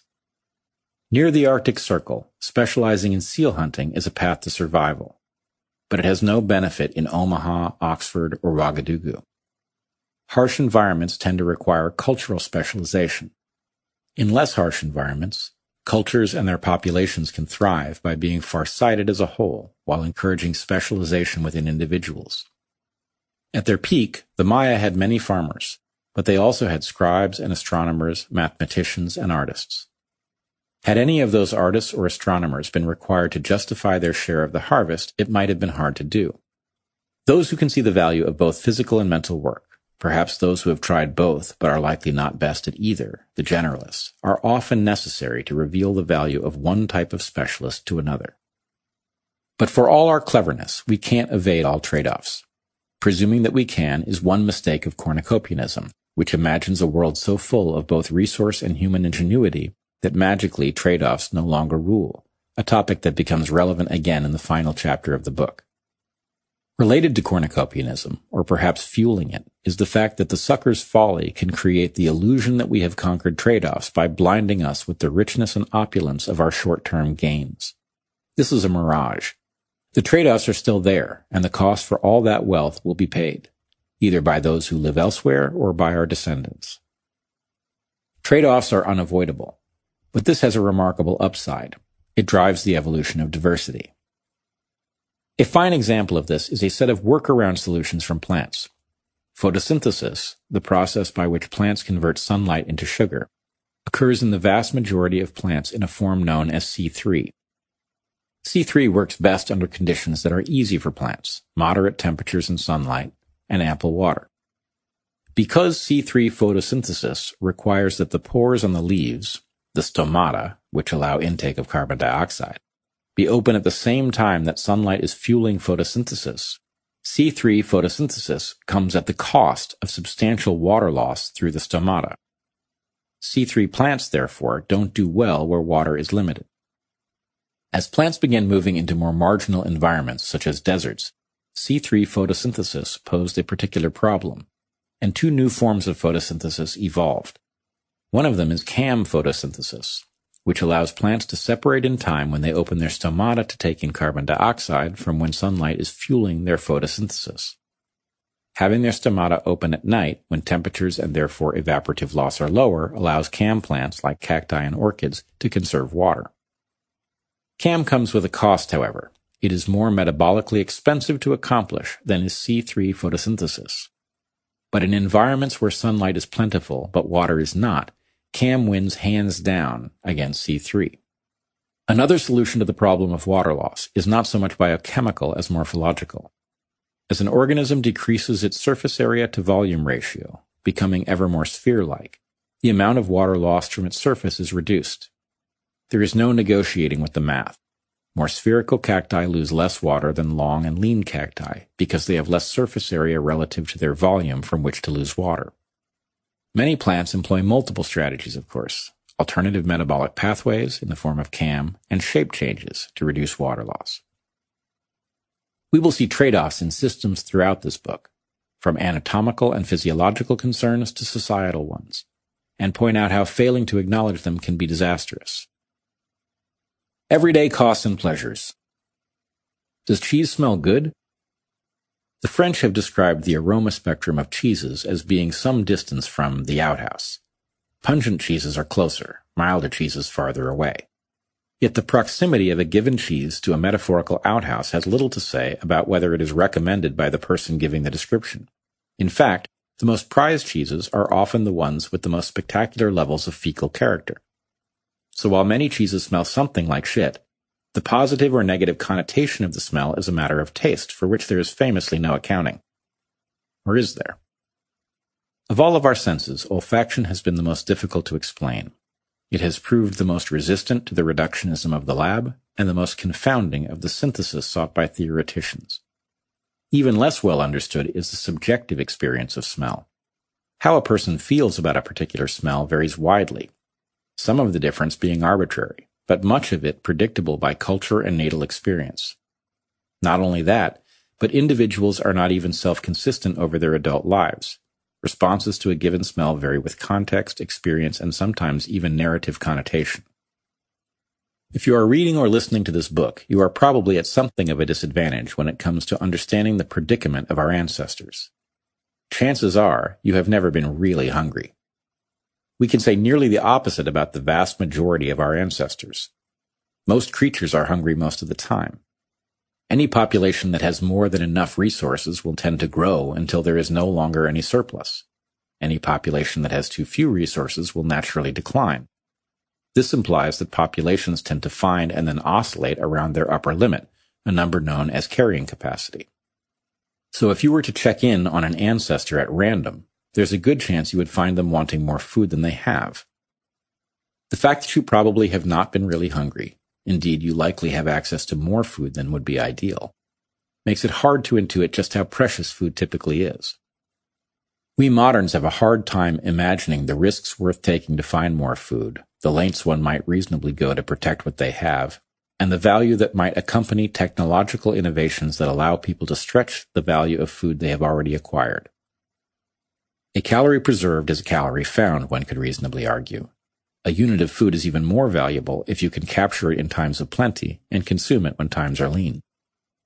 While we tend to think that the goal of cooking is to make food taste better, Much of the world's many culinary traditions have more practical goals, detoxifying foods, amplifying their nutritional value, and protecting them from microbial competitors as we carry them across space or preserve them over time. We salt and smoke meats to ensure that microorganisms that attempt to steal them will die of dehydration. We make fruit preserves with high concentrations of sugar for much the same reason. We pasteurize and freeze perishable vegetables to kill the microbes already on them and to exclude all newcomers. These are not the only techniques at our disposal. Many cultures have learned the art of beating microorganisms to the spoiling punch. In effect, we rot foods safely so they don't get a chance to rot dangerously. When you get to a milk jug after environmental bacteria have begun to capture the contents, your nose gives you clear directions about what you should do next. Even with considerable nutritional value remaining in that half full bottle, the potential cost of drinking it exceeds the cost of throwing it away. That's why it stinks. Stinking is nature's way of telling you that you would have to be quite desperate to drink that milk. That observation hints at a risk of using milk from domesticated animals as a food resource. Milk evolved to nourish babies straight from their mother's mammary glands. As such, milk is full of nutrients. But because milk is meant to be consumed immediately, with little or no contact with the outside world, milk has no defense against environmental bacteria and we moderns must go to extreme lengths, pasteurization, hermetic sealing, followed by refrigeration, just to preserve milk for a week or two. Clearly, an ancestor who needed to preserve milk over a long and unproductive winter would have needed a better solution. One of those solutions is cheese. By rotting milk carefully, using specially cultivated bacteria and fungi that are not pathogenic to humans, milk can be preserved indefinitely. Cheese is such an elegant solution to the problem that, once made, even a block of cheese that is colonized by bad bacteria on the outside can have a thin layer of its surface removed to reveal fresh, untainted cheese beneath. The catch is that humans are programmed to be repulsed by the smell of spoiled milk because, in general, it is a bad idea to consume any substance that has been overrun by microbes. How do we override the ancient wisdom, our noses and brains working in tandem to help us avoid the smell and taste of spoiled milk in order to profit metabolically and culinarily from eating cheese? If you are born into a culture that has perfected the art of cheese making, being repulsed by all spoiled milk is costly. What one needs is a means of distinguishing what's good and what's bad. The fact that something smells a bit like an outhouse is not a sufficient guide. When Heather was doing research on a small island off the coast of Madagascar in the 90s, sleeping in a tent, showering in a waterfall, the diet was almost entirely rice. During the middle of one months long field season, she and her field assistant were shipped a large block of cheese. Practically swooning in anticipation, they prepared a makeshift macaroni and cheese and offered it to the two Malagasy conservation agents with whom they shared the island. The men leaned in to smell what was on offer, then literally recoiled and gagged. There is no history of cheese in Malagasy cuisine. For us moderns, the fact that a cheese is being sold in a store is a pretty reliable indicator that it isn't going to trigger microbial warfare in our guts. For an ancestor, the behavior of one's kin would provide the same sort of guide. In the end, the proof is in the pudding. If one tries some carefully spoiled dairy product and does not get sick in the following hours and days, then it is safe. Add that discovery to the information one's mouth and digestive apparatus have acquired about the nutritional content. If the value is high, and with cheese it will be, then the smell, whatever it may be, is an indicator of concentrated value. That's true even if it smells a bit like crap. We could tell a similar story about thousand year old eggs, sauerkraut, kimchi, or myriad other carefully preserved foodstuffs from around the world. Here is what we have learned so far. We are all born with basic rules of thumb about what we should and shouldn't eat. A peach smells good. A clam that has been sitting in the sun smells bad. Grilled meat smells good. Carrion smells bad. These rules are an initial guess at the net value of a potential food. But if one stops there, then a lot of nutritious edible things will be missed. And to a hungry creature, which is almost all of them, that's no small matter. There has evolved, therefore, a secondary system that allows us to remap foods according to the empirical information that may be picked up from kin via culture, or perhaps discovered in hunger driven desperation via consciousness. We are constantly remapping foods based on their actual value, rather than on our initial reactions. We may acquire a taste for coffee because it stimulates us, and for beer because it carries the nutrition of bread without the short shelf life. Were this the end of the story, we could rest easy. As a rule, weird people have plenty of food. We can map and remap our preferences as we like. And one person doesn't need to like what another likes. Taste and preference have become increasingly arbitrary in modern times as our cultural norms have become generic, global, and market driven. But that isn't the end of the story. Evolutionary novelty rears its ugly head in the story of smell as well. Do solvents smell good? Unfortunately, many of them do. They are, of course, famously toxic, so we should clearly remap where they go in our internal models to avoid ingesting them. But that update doesn't go nearly far enough. Most noxious smells from our ancestral world are warnings about interacting with an object. It is best not to come into contact with vomit, for instance, or decaying flesh. The smell of vomit, carrion, or a human corpse, however, is not itself a hazard. This is not the case for many smells to which we are now often exposed. Not only do many solvents smell pleasant, but the very act of smelling them is itself dangerous. Our long evolved warning system if it smells bad, be wary, is unreliable in two ways. One, many solvents smell good to some people, and two, smelling them is sufficient to cause physiological harm. Just a few solvents that both smell good to some people and are toxic are acetone, widely used as nail polish remover, toluene, which was used in magic markers until recently and is still in many brands of rubber cement, and gasoline. If we don't train ourselves to avoid breathing when these semi-pleasant smells are in the air, we actually do damage to ourselves. Worse still, some truly toxic and otherwise dangerous substances encountered in the modern world have no detectable smell to them at all. Natural gas and propane are gases that have no smell we can detect, and each is capable of concentrating in ways that the tiniest spark, even the electrical arc that accompanies the flick of a light switch, can create a massive explosion. The problem of explosive gases accumulating and being ignited is something that no ancestor had to worry about until recently, and so selection has not built in a natural disgust or alarm response. The danger is so great that post-industrial moderns have cobbled together a solution, tapping into a circuit built for disgust because it effectively gets and keeps our attention.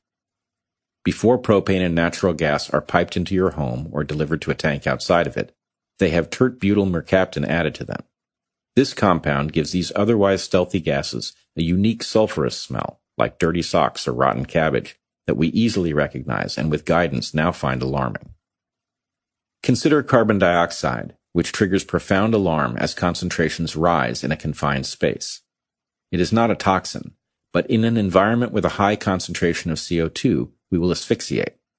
Our detectors for CO2 are so ancient and deeply wired that even people with brain damage to the amygdala, such that they never panic under other fear-inducing circumstances, find themselves triggered into panic by high concentrations of CO2. By comparison with CO2, carbon monoxide is extremely dangerous. It binds to hemoglobin, displaces oxygen, and brings on a quiet sleep from which people do not wake. Why then do we have an internal detector for CO2, which is dangerous at high densities but non-toxic? but we don't have a detector for carbon monoxide, a deadly toxin. The answer is tied up in evolutionary novelty. Animals take in oxygen and breathe out CO2. Our ancestors would have occasionally encountered enclosed spaces that were safe to be in temporarily, but in which the actual act of breathing would make those spaces lethal over time. A detector that causes an animal to become antsy, anxious, and in need of going elsewhere as their cave fills with CO2 is essential equipment. While it would be great to have a similar detector for carbon monoxide, that need is primarily modern, a consequence of industrial combustion. There is no reason to think that a carbon monoxide detector would have been harder for natural selection to create, but the value of it is simply too recent to be in our hardware yet. When Harry Rubin, Bret's maternal grandfather, was a chemical engineer at RCA in the 1940s, he was exposed to substances whose safety to humans was unknown. OSHA did not yet exist. When Harry had to walk through clouds of unspecified gas, he would hold his breath, which earned him a reputation for being fearful. In the Pleistocene, men probably learned courage and the skills necessary to be productive in part by mocking one another when they showed cowardice. The hyper-novel world of post-industrial Earth, though, renders this a dangerous strategy. In the Pleistocene, the big risks to a human's continued existence were other people and the occasional hippopotamus. So the models that they developed with the senses and proclivities that evolution had given them, and with help from their peers, would have been sufficient. When, however, the risks include chemicals never before experienced by another human, the situation is much different. Harry was an adventurer. In his 60s, he both learned to ski and climbed Mount Whitney with Bret. But he was also alert to what he did not and could not know. He outlived his chemist colleagues, who died earlier than they should have. Harry lived to be 93. The lesson to be derived from all this is clear. We have been equipped by selection with an ability to smell a wide range of compounds in our environment. We are also born equipped with a rough guide as to what kinds of smells should attract us and which should leave us repelled. That map is crude and imperfect, matched at best to past environments that do not perfectly mirror our present circumstances. The human ability to remap our olfactory world according to information gleaned from other people or from the environment itself would be sufficient but for the rate at which technological progress has changed our environment. We now regularly create and concentrate deadly things that our ancestors would never have encountered, and that we are therefore unable to detect. Smell is no longer a sufficient early warning system for hazards because detection and harm are now simultaneous in many cases. As we will see repeatedly, the problem that modern humans face is that, although we are built to deal with novelty, the 21st century is characterized by more than we have seen before. We face novel levels of novelty, and selection simply can't keep up. The corrective lens. Become skeptical of novel solutions to ancient problems, especially when that novelty will be difficult to reverse if you change your mind later. New and audacious technologies, from experimental surgery to the cessation of human development using hormones to nuclear fission, may be wonderful and risk-free, but chances are there are hidden and not so hidden costs. Recognize the logic of trade-offs and learn how to work with them. Division of labor allows human populations to beat trade-offs that individuals cannot, and by specializing in different habitats and niches, the human species beats trade-offs that no single population can. Become someone who recognizes patterns about yourself. Hack your habits and your physiology. What stimulates you to eat, to exercise, to check social media? Understanding the patterns in your behaviors gives you a better chance of controlling those behaviors. Look out for Chesterton's fence and invoke the precautionary principle when messing with ancestral systems. Remember this, just because you can doesn't mean you should.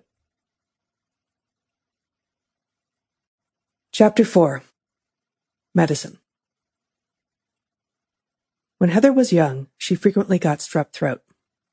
As an adult, the strep disappeared, but she began getting laryngitis at least yearly, sometimes a few times a year. It was bad enough that, with some regularity, she thoroughly lost her voice and couldn't lecture. One of those times, in 2009, she gave the following brief presentation, via text on a screen, to her students. The medical profession's response to my frequent laryngitis is that I really ought to take some pharmaceuticals, and then some more to counteract the side effects of the first ones. Why those pharmaceuticals? Because in some cases they reduce some instances of the inflammation that can cause laryngitis. What are the shared symptoms between those cases and mine? The medical professionals don't know. Furthermore, they don't seem to care. Just take the drugs, they advise. I don't do as they ask. The treatment of the vast majority of medical complaints with drugs, rather than with actual diagnosis, weakens the ability of the medical system even to do diagnosis. It also pollutes the data stream. Who knows who is sick with what and from what origin if so many people are on pharmaceuticals with unknown side effects? When I show up on the doorstep of the medical establishment with laryngitis again, they ask me, Are you on our drugs?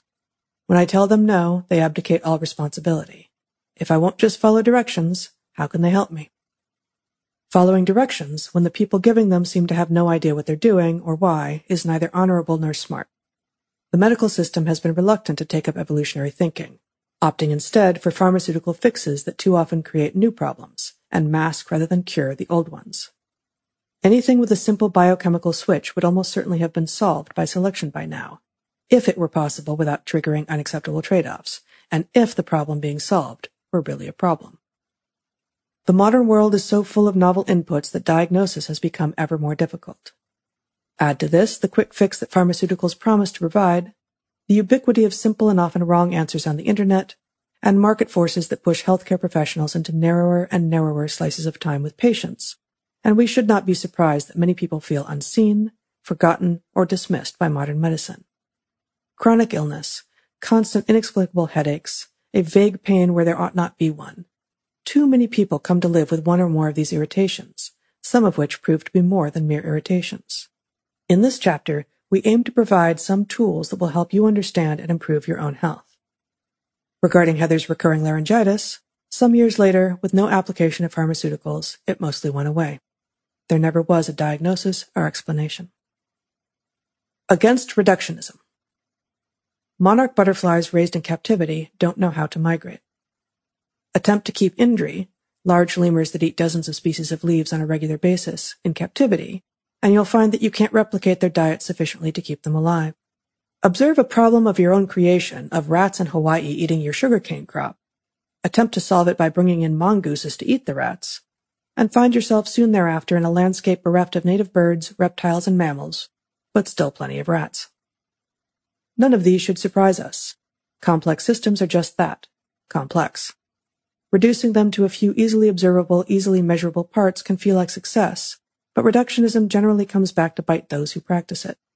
Add to this the hypernovel condition of being able to isolate and synthesize molecules that cause physiological change, and we have a recipe for medicalizing the world, which often makes us less healthy, not more so. The modern approach to medicine, which can broadly be characterized as reductionist, reveals itself clearly in scientism, an ill-named but important concept. The concept of scientism was introduced by 20th century economist Friedrich Hayek. He observed that, too often, the methods and language of science are imitated by institutions and systems not engaged in science, such that the resulting efforts are generally not scientific at all. Not only do we see words like theory and analysis wrapped around distinctly untheoretical and unanalyzed and often unanalyzable ideas, but worse, we see the rise of a kind of fake numeracy, in which anything that can be counted is, and once you have measurement, you tend to forego all further analysis. Once we have a proxy for something, a category, we think we know it. This is particularly true if the proxy is quantifiable, if numbers can be attached to it, no matter how flawed those numbers might be. Furthermore, once we have a category, we often stop looking outside of the categories for meaning, as our formal system of carrots and sticks exists solely within the categories. Calling this scientism is a mistake just like calling the eugenics programs of early and mid 20th century Europe and America social Darwinism is a mistake. Scientism is a bastardization of the tools of science, just as social Darwinism is a bastardization of Darwin's ideas and a woeful misunderstanding of evolutionary theory. The mistake of scientism is compounded by the mistake of imagining that we are simply machines with fixed rules and codes rather than people. This is the engineer's approach to what humans are, as opposed to the biologist's, and it vastly underappreciates how complex and variable we are. Everyone is susceptible to this error. We look for metrics, and once we find one that is both measurable and relevant to the system we are trying to affect, we mistake it for the relevant metric. Calories become the metric to keep track of with regard to food, especially for those trying to lose weight, even though calories from carbohydrates, protein, fat, and alcohol have different effects on the body. Pharmaceuticals become the preferred treatment for mental disorders. And it is also true that many forms of mental discomfort and distress have been misdiagnosed as disorders. Consider Laura Delano, the woman who was profiled in an excellent 2019 New Yorker piece by Rachel Aviv, after being overprescribed psychiatric drugs for years. Laura was multi-talented and beautiful, privileged by all externally visible metrics, when her internal world began to disintegrate while she was studying at Harvard. Psychiatrists stepped in with a series of diagnoses, including bipolar disorder and borderline personality disorder, and prescribed her over 19 different psychiatric medications in just a few years. Her doctor saw her drugs as precision instruments, but none of the meds relieved her of her chronic feelings of emptiness and despair.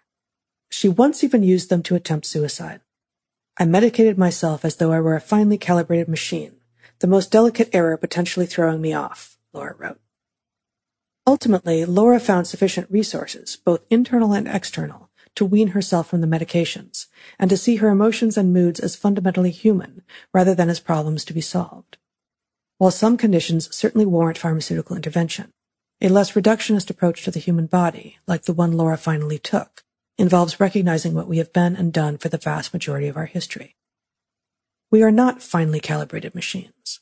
We are embodied beings with feedback systems between brain and body, hormone and mood that will not be adequately understood or fixed with simple switches. Moving our bodies, as our ancestors always did without needing to think about it, has positive effects on mental health and is a better first approach to treating mood disorders than our prescriptions. Research on the role that regular exercise could play in improving outcomes for inpatient psychiatric patients is growing rapidly, and results are promising. And while our modern exercise regimens tend to break down our activities into smaller components, for example, cardiovascular, strength training, flexibility, engaging in more ancient activities, be it walking or sports, gardening or hunting, will often integrate all aspects of physical activity without any planning or counting being required. Furthermore, we are all distinct. What will work for one person may not work for another. This variation between individuals is perhaps the most fundamental of evolutionary observations. Heather used to teach comparative anatomy to undergrads, which comprised 10 weeks of dissections of sharks and cats, each student coming to know their specimens well as they studied the visceral, muscle, circulatory, and nervous systems. There were always one or two students who wanted to opt out of the wet labs and instead learn the material from a book or online. But learning anatomy from a book can never replace being in a room with 20 specimens of the same species. Comparative anatomy is nominally about comparisons between species, but comparing individuals within a species is in some ways even more elucidating. Why, for instance, do the attachment points of muscles never vary between individuals of the same species, but there can be large differences in circulatory anatomy, such that even major vessels like the jugular veins can travel different paths. Because while the function of a muscle changes if it is connected to a different endpoint, so long as the circulatory vessel gets where it's going, the particular route is not critical. This variation between us as individuals also contributes to the difficulty of predicting whether a solution that worked for one person will work for another. Considering the risks of reductionism as we choose what to put in our bodies. Is vanillin the same as vanilla? Is THC identical to marijuana? No. In both cases, a single molecule, active and important in the human experience of the larger thing, vanilla, pot, is not representative of the whole. In the case of vanillin, the effect appears to have culinary ramifications only. Foods flavored with vanillin do not have the full richness of vanilla. In the case of THC, which has long been understood to be the main psychoactive constituent of cannabis, Breeding only for that molecule made plants that would certainly get you high, but they had insufficient antipsychotic tempering effects from CBD, another active molecule in pot. Oops.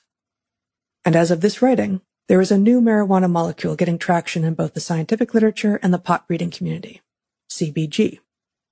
It is being purported to have benefits even greater than those of CBD. Maybe. But it is the human discovery of that molecule that has elevated it to the status of being studied. It was there all along, but now we have imbued it with mystical qualities. Our discovery of it changes nothing about what it does. We often mistake an effect, e.g. of an action, a treatment, a molecule, for our understanding of the effect. What a thing does and what we think or know that it does are not the same thing. A combination of hubris and technical capacity has humans recreating this error over and over again. From fluoridated drinking water to shelf-stable foods with unintended consequences, from the myriad issues with sun exposure to whether GMOs are safe, we are constantly seduced by reductionist thinking, led astray by the fantasy of simplicity where the truth is complex. Reductionism, particularly with respect to our bodies and minds, is harming us. Sometimes it is even killing us.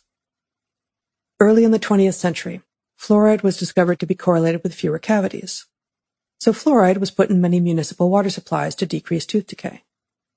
The fluoride in drinking water is a byproduct of industrial processes, though, not a molecular form that appears in nature or has ever been part of our diet. That's one point against it. Furthermore, we find neurotoxicity in children who are exposed to fluoridated drinking water, a correlation between hypothyroidism and fluoridated water, and in salmon, a loss of the ability to navigate back to their home stream after swimming in fluoridated water. Is fluoride a magic bullet for reducing cavities with no costs to other aspects of health? Seems not. More to the point, the quest for magic bullets, for simple answers that are universally applicable to all humans in all conditions, is misguided. If it were that easy, selection would almost certainly have found a way. Think you found a solution that is too good to be true? Look hard for the hidden costs. Remember Chesterton's fence. The modern food supply chain benefits from shelf stability of processed foods. While the foods along the perimeter of a grocery store tend to be less processed and therefore less shelf stable, nearly all of the foods in the middle of grocery stores have expiration dates many weeks or even months away. Minimizing fungal growth in our food is certainly desirable, but at what cost? Propionic acid, PPA, inhibits mold growth and is a prominent additive to processed foods for that reason. But its presence in utero affects fetal brain cells and is linked to an increase in diagnoses of autism spectrum disorder of children thus affected. We should not be surprised that being shelf stable comes with costs. Similarly, people who live near the poles or who rarely go outside can come to suffer from short stature and weak and curved bones, a condition known as rickets. Vitamin D was identified as the missing molecule for such people, and as we moderns seem to like our pills, we are provided vitamin D as a standalone product or as an additive to milk. But what does our history have to say on the subject? At the end of the first millennium, the Vikings, unlike other northern Europeans, did not succumb to rickets. This turned out to be due to a diet rich in cod. They didn't know that it was the cod that was keeping them healthy and strong, but it was and we can say with absolute certainty they did not achieve health through the consumption of a distillate version of vitamin D packaged in pills or tinctures. The historical evidence suggests that most of us could go out in the sun for a bit every day, or eat cod, or do some combination of both. But pills are easier, and they reek of scientism, which is easily mistaken for science and for taking control of your health. How often have you heard someone say, maybe even said yourself, Something like I'm being proactive. I'm supplementing with vitamin D or C or fish oil or whatever the quick fix product du jour is. Once again, we should not be surprised to find that this reductionist and ahistorical approach has yielded no evidence to support the claim that adding vitamin D to your diet will keep your bones strong. Indeed, lack of vitamin D may be a symptom rather than a cause of rickets and related conditions. Not only is loading up on vitamin D not the solution, we are not even sure its scarcity is the problem. Related to the reductionist thinking around vitamin D is the fact that for decades now, we have received a nearly universal recommendation to slather ourselves with sunscreen whenever we're in the sun. Reduce your exposure to the sun, the logic goes, and skin cancer rates fall. True enough. Guess what goes up when sun exposure goes down, though? Blood pressure. And as blood pressure climbs, so do rates of heart disease and stroke. People who avoid the sun have higher overall mortality rates than do people who seek it. A research study on Swedish women reported this remarkable result. Quote, Non-smokers who avoided sun exposure had a life expectancy similar to smokers in the highest sun exposure group, indicating that avoidance of sun exposure is a risk factor for death of a similar magnitude as smoking. So reductionist scientism has misled us yet again and likely caused many deaths. Should we stay out of the sun and take vitamin D? Or seek moderate sun exposure and get the nutrients we need by seeking something closer to an ancestral diet? An evolutionary analysis suggests the latter. At least on this topic, the medical literature is catching up to that conclusion as well. Given this track record of reductionist science and health advice, should we trust that GMOs are safe just because those who would profit from their acceptance, either intellectually or financially, tell us they are? We suggest not. Are some GMOs safe? Almost certainly. Are all GMOs safe? Almost certainly not. How will we know which are which and can we rely on those who have created them to be vigilant on our behalf? Until we know the answer to those last questions, the precautionary principle suggests steering clear. Finally, it is worth noting that some of the major successes of Western medicine, surgery, antibiotics, and vaccines, are firmly rooted in a reductionist tradition and have saved millions of lives. The problem we are highlighting is the over-application of a reductionist approach. The germ theory of disease, in its simplest formulation, the recognition that pathogens cause much disease, led to the discovery and formulation of antibiotics, a huge health boon for humanity. Then we overgeneralized and imagined that all microbes are bad for us. We are now coming to realize that our microbiome has evolved with us and is necessary for a healthy gastrointestinal tract. Antibiotics are one of relatively few powerhouse tools of Western medicine, but as they have been overprescribed, we have seen an attendant rise in people becoming sick, often chronically so. Just as people are falling ill from lacking healthy microbiomes due to overprescription of antibiotics, so too are our livestock. Furthermore, there are unintended side effects of many antibiotics that will be shocking to most people. Heather's personal experience with the unintended consequences of antibiotics was a ruptured Achilles tendon. It is now understood that tendon and ligament injury is one side effect of Cipro and all of the antibiotics in that class, the fluoroquinolones which Heather took in quantity in the 1990s to ward off GI bugs while conducting research in the tropics. From fluoridated drinking water to antifungals and shelf-stable food, from sunscreen to the overuse of antibiotics, over and over we make the same kinds of mistakes. Combine reductionism with a tendency to overgeneralize in a hyper-novel world where quick but expensive and potentially dangerous fixes are common, and we have explained some of the major errors of modern health and medicine. Bringing evolution back to medicine. Evolution is the central unifying theory of biology. The implications of this can be subtle, though, subtle enough to confound whole fields, including, to a large extent, medicine. Ernst Mayr, one of the 20th century's great evolutionary biologists, formalized the distinction between proximate and ultimate levels of explanation. In attempting to tease apart cause and effect in biology, he distinguishes two branches within biology, which many scientists themselves may not be aware of. Functional biology, Mayr argues, is concerned with how questions. How does an organ function, or a gene, or a wing? The answers to these are proximate levels of explanation. Evolutionary biology, in contrast, is concerned with why questions. Why does an organ persist? Why is a gene in this organism but not that one? Why is the swallow's wing shaped the way that it is? The answer to these are ultimate levels of explanation. Good science needs both approaches, and indeed, all scientists who consider complex adaptive systems need to have facility in both realms. Because how questions, that is, proximate levels of analysis, questions of mechanism, are more easily pointed to, observed, and quantified than the underlying question of why, mechanism has become most of what is studied in science and medicine. Not coincidentally, how questions also tend to be what are reported in breathless sound bites by the media. Too often, these proximate questions are imagined to be the level at which the scientific conversation needs to be had. This serves nobody, not those who are interested in the study of why, nor those who are interested in the study of how. Some traits are still beyond the scope of our understanding from a mechanistic perspective, but that does not render them immune to analysis at the ultimate level. Even if we don't yet have a sense, for instance, of how love or war emerges, that need not preclude us from investigating why they do. Nothing in biology makes sense except in the light of evolution, said biologist Theodosius Dobzhansky in 1963. Medicine is biological at its heart, that does not mean, though, that most medical research being done is evolutionary in its thinking or in the questions being asked. Combine a tendency to engage only proximate questions with a bias towards reductionism, and you end up with medicine that has blinders on. The view is narrow. Even the great victories of Western medicine, surgery, antibiotics, and vaccines, have been over-extrapolated, applied in many cases where they shouldn't be. When all you have is a knife, a pill, and a shot, the whole world looks as though it would benefit from being cut and medicated. Even bone setting is due for reinvestigation with an evolutionary lens.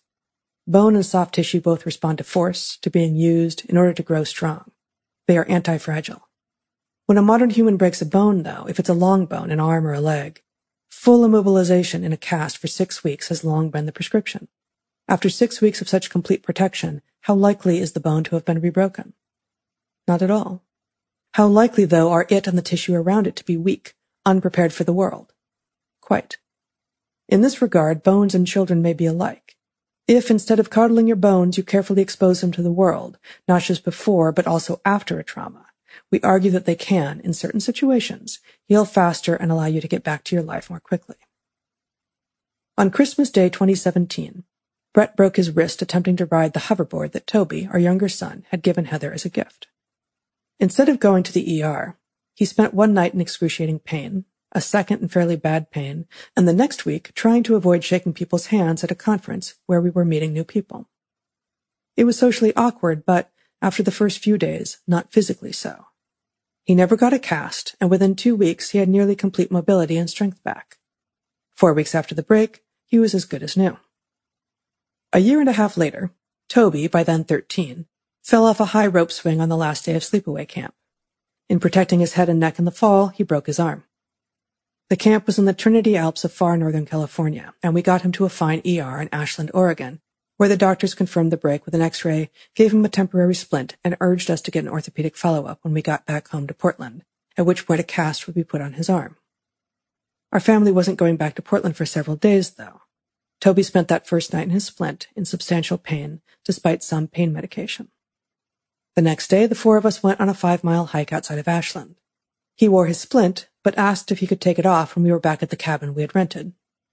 His hand and arm were swollen, but he could begin to move his fingers when the splint was off, 24 hours after the break. By three days later, the pain was mostly gone, He was off all pain medication, and he climbed, one-armed, up a tall rope structure in Ashland's beautiful Lithia Park. We did take him for an orthopedic follow-up when we got back to Portland, and the good doctor did allow that the splint was an acceptable alternative to a cast, so long as Toby wore the splint all the time except for showers. We let him stop wearing it altogether seven days after the break. Two weeks after the break, he went for a bike ride. Six weeks after the break, his final ortho check earned him not only a clean bill of health, but also some astonishment from the medical staff at how strong and capable his arm was. A proximate approach to broken bones identifies the acute problem and arranges a quick fix of the problem. The bone is broken? Cast it. An ultimate approach considers what must have been the case when our ancestors on the savannah broke bones. Some of them died of infection, of exposure, of being eaten by carnivores. Some didn't, though, and those who didn't would have used pain as their guide to what was possible, pushed their activity to that limit, and no further. Muting pain with medication interferes with the feedback system in our bodies, making it much harder for us to know what we should or should not do. Similarly, eradicating swelling in the wake of an injury means that you are much more likely to injure yourself again in the same place. Swelling after an injury is uncomfortable and cumbersome, and often adaptive. It immobilizes a limb like a dynamic cast. If you let your body communicate with you, with pain, swelling, heat, more, you are far more likely to get back in the game, whatever your game is, sooner and more safely. The story that we tell in chapter 9 about the time that Zachary, our older son, broke his arm and required surgical intervention to fix it further reveals the dangers of reductionist thinking, even if that thinking is evolutionary in nature. If we had acted as if all fractures are the same, and time and natural processes would be sufficient to heal them all, our older son would now be in very poor shape. Employing evolutionary logic is not exclusively about discovering our strengths. It is also about understanding our weaknesses and when to augment with modern solutions. Whom to believe in the era of reductionism and hypernovelty. In this chapter, we have critiqued the reductionism that pervades much of modern medicine. Combined with this is the hypernovel world in which we live, so complex, so filled with choice and authorities of varying credentials arguing opposite things, that many of us crave simple, immovable rules with which to navigate our lives. We want, at least in some realms, to be able to set and forget, to rely on culture rather than consciousness. This is part of what drives brand loyalty, taking the same commute even when a better one is available, and sticking to pharmaceutical and dietary recommendations even after they've been debunked. In our quest for set and forget rubrics, we fall prey to reductionist thinking. What we need instead is flexible, logic-based evolutionary thinking with which to navigate. In February 2020, early in the COVID-19 pandemic, both the World Health Organization, the WHO, and the U.S. Surgeon General repeatedly told the public that masks aren't helpful in protecting against SARS-CoV-2. In this case, too many people listened to the authorities rather than thinking through the logic themselves. Why, for instance, if masks are pointless, are they exactly the equipment used by health professionals when trying to avoid infection from respiratory ailments? When the directives were later reversed, people who had followed them based on authority alone lost faith in those same authorities. It was then difficult to regain the public's trust sufficiently to encourage a careful, nuanced approach to reducing the spread and impact of this novel coronavirus. Simple prescriptions make snappier sound bites, and they are easier to remember for those looking for set and forget solutions. But when they fail you, you are left with nowhere to stand, no ability to problem solve for yourself. Rather than blindly trusting the science or following the lead of authorities, learn to do at least some of the logic for yourself, and seek authorities who are willing to both show you how they arrived at their conclusions and admit when they have made mistakes. Again, our hope is that we can help you become a better problem solver. How we moderns see our bodies informs how we see our food. Everything from diet culture to eating disorders operates on the reductionist idea that our bodies are machines and can be engineered into compliance. When we look at other cultures, we see a less engineered approach and more reliance on myth and tradition, which rarely attempt a dispassionate analysis of why they prescribe what they do. The lack of antibiotics in much of the non-weird world has needlessly led to the death of many. We argue that a decrease in reliance on tradition and self-sufficiency in much of the weird world has also led to many deaths. Both can be true. In the next chapter, we will explore some of human history and prehistory, our traditions and innovations, with a focus on food. The corrective lens. Listen to your body, remembering that pain evolved to protect you. Pain is information about the environment and how your body is responding to it. Some injuries require professional treatment, but some can be monitored without intervention. Pain is both unpleasant and adaptive. Think twice before shutting down its message. Move your body every day. Take walks. Mix it up. Don't do the same thing all the time and don't move your body in the same way whenever you move it.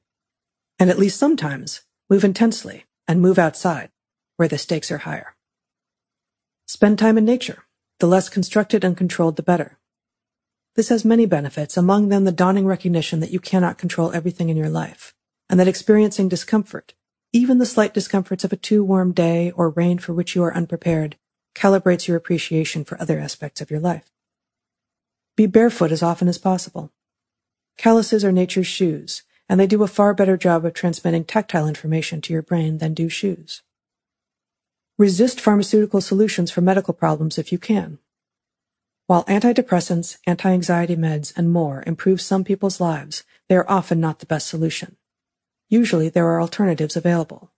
Many mood disorders, such as depression, are beginning to be understood by Western medicine to be treatable with diet, ample sleep, and regular activity. Look out for mismatched diseases, such as adult onset diabetes, atherosclerosis, and gout. These are diseases that reflect an inconsistency between one of your environments of evolutionary adaptedness and your current life. They also tend to reflect affluence compared to your evolutionary past. For at least some of these, bringing your modern behavior closer to that seen in an older EEA could help mitigate the damage. Consider this informal test to assess certain types of ailments and whether a modern fix is called for. In environments similar to the one I am living in, did people suffer from this ailment prior to modern medicine? If yes, a novel solution is warranted. If no, look to history for the solution. Take rickets as an example for someone of European heritage living in the Pacific Northwest. Did people suffer from rickets in such northern latitudes in the past? One type of answer is that evidence suggests that at least some populations of northern Europeans did not suffer from this condition. Seek answers there. Remember the Vikings and their cod. A second type of answer is that native people in the Pacific Northwest did not suffer from rickets. What worked for them might not work for someone who is not of native heritage, but it well might. Look to geographically local history for solutions. Chapter 5 Food What is the best diet for humans?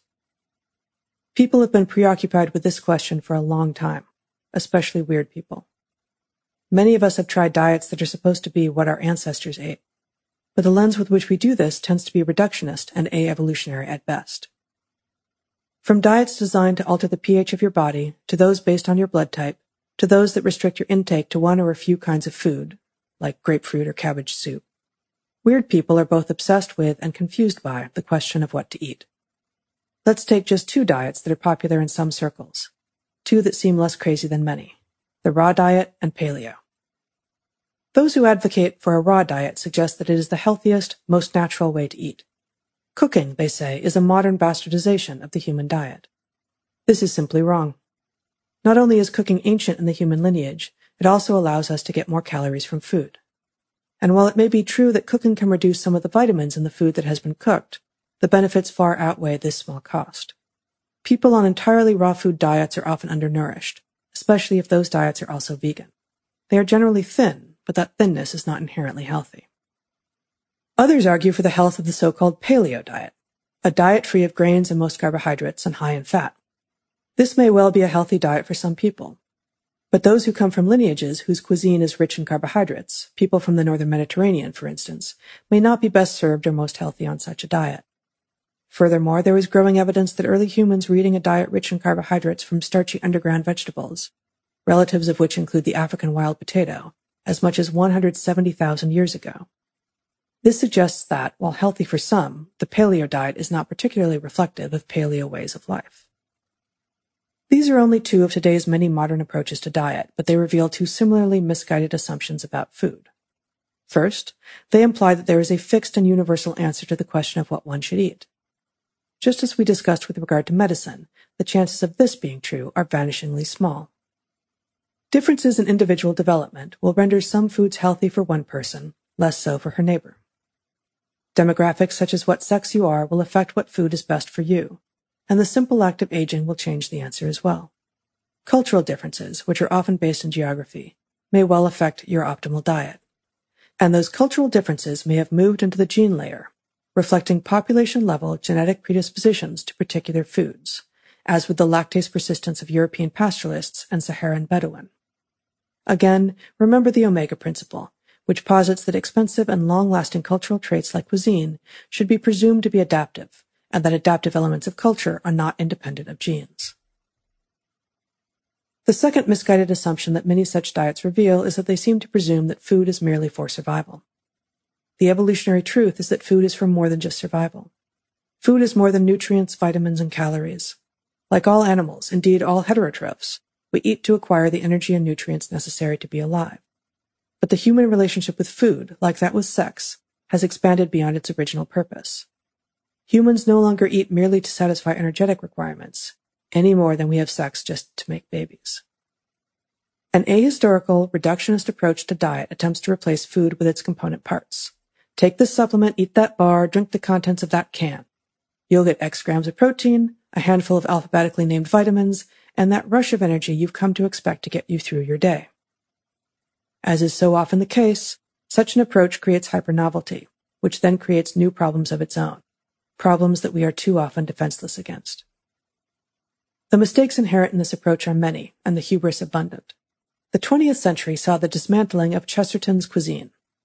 As suggested by Chesterton's fence, we ought to have understood what cuisine was for before we took it apart. In its place, we got easily quantified and commodified pieces and parts that can be added and subtracted on a whim by the producers of processed food. Instead of chasing the newest diet advice with processed food, now with more B12, we should be eating real food. Real food is that in which the base ingredients are recognizable as coming from a living organism. There are just a few exceptions, like salt. Some things taste delicious and flavorful to everyone.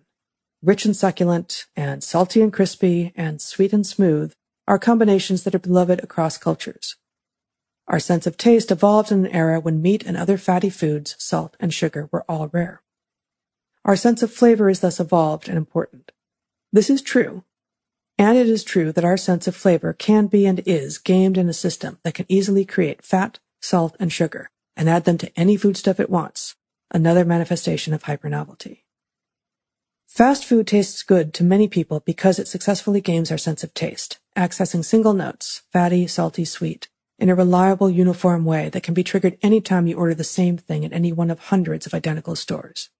By contrast, a plate of carne asada, rice and beans, with freshly made tortillas, pico de gallo, guacamole, and pickled vegetables from a local taco stand or from your own kitchen, will always be more nutritious, and more delicious too for many of us and for anyone who chooses to develop a palate that finds it so. That plate of less processed, more species diverse food is more nutritious than a plate of fast food, just as it is more nutritious than taking pills that are supposedly a match for all of the nutritional benefits you're getting from your food. The whole is greater than the sum of its parts. But why is the whole greater than the sum of its parts? Or, to put it another way, why is a holistic approach often better than a reductionist one? Two reasons. First, the parts of a given system that we have turned into pills are usually not descriptive of the whole system. Remember the discussion of vanillin, a component of vanilla, and THC, a component of marijuana, from the previous chapter. Second, there is often emergence in the combination of food in its less processed form, such that our bodies can use food more effectively than it can use pills. This is especially true for those foods that have a long culinary history together, such as the three sisters of corn, beans, and squash traditionally eaten by Mesoamerican peoples. When these foods are eaten together, they constitute a complete protein. Such a long culinary history points to the human discovery, usually unconscious, that just as smells good was a good proxy for good for you until recently, so too was tastes good a good proxy for good for you.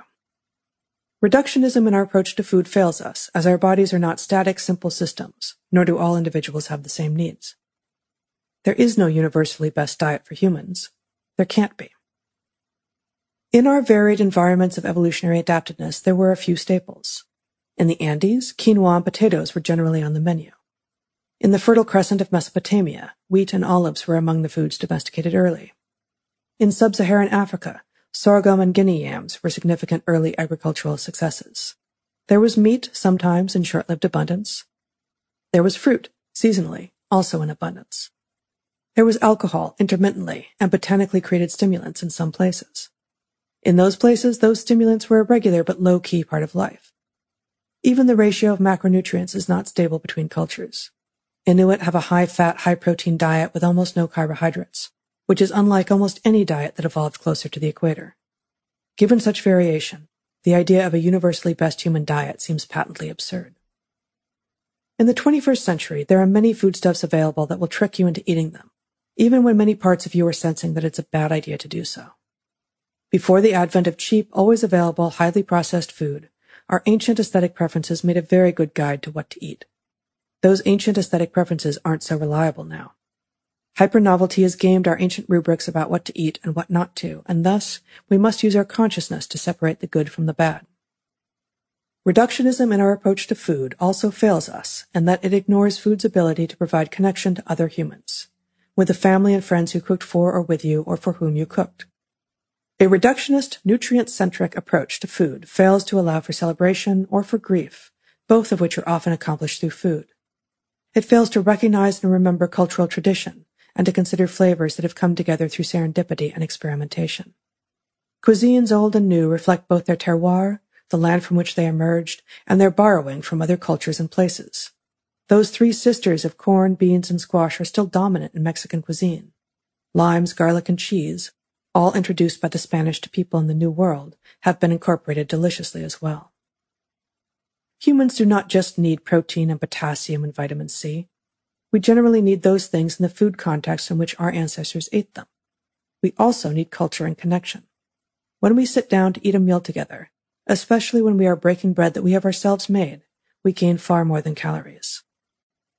Let us now look to our evolutionary history, how we ate and what we ate, as a way to understand how best we might feed ourselves today. Tools, fire, and cooking. Since long before we split from our chimpanzee-like ancestors, we have been using tools to extract food from our environment. Modern chimps, which are not the same organisms from which we split some six million years ago, show considerable evidence of tool use for food extraction. Some use stones to crack open nuts. At Gombe National Park, Jane Goodall first observed chimps engaging in ant dipping, in which they dip a stick into an ant nest, pull it out covered in ants, and lick the ants off. Both modern chimps and humans adore and pursue honey as well, and sometimes use similar means to get it, by inserting a stick in a crevice and licking the honey-covered stick after it emerges. Among the Hadza, a hunter-gatherer people of East Africa, though, the most successful hunters use two additional tools, and procure far more honey than any chimps can. The first is an axe, which affords them greater precision in reaching the honey, the second is a fire stick, with which they smoke out the bees, making access to the honey far less dangerous. After our split from a chimp-like ancestor over six million years ago, our tool-making abilities began to flourish and diversify. By 3.3 million years ago, our ancestors were using stone tools. Two and a half million years ago, our ancestors were using stone tools to butcher the carcasses of animals they had hunted or scavenged, and to extract marrow from the bones. Our ancestors may have been controlling fire for more than a million and a half years. Fire brings many advantages, of course. It provides warmth and light, a warning and protection against dangerous animals, and a beacon to friends.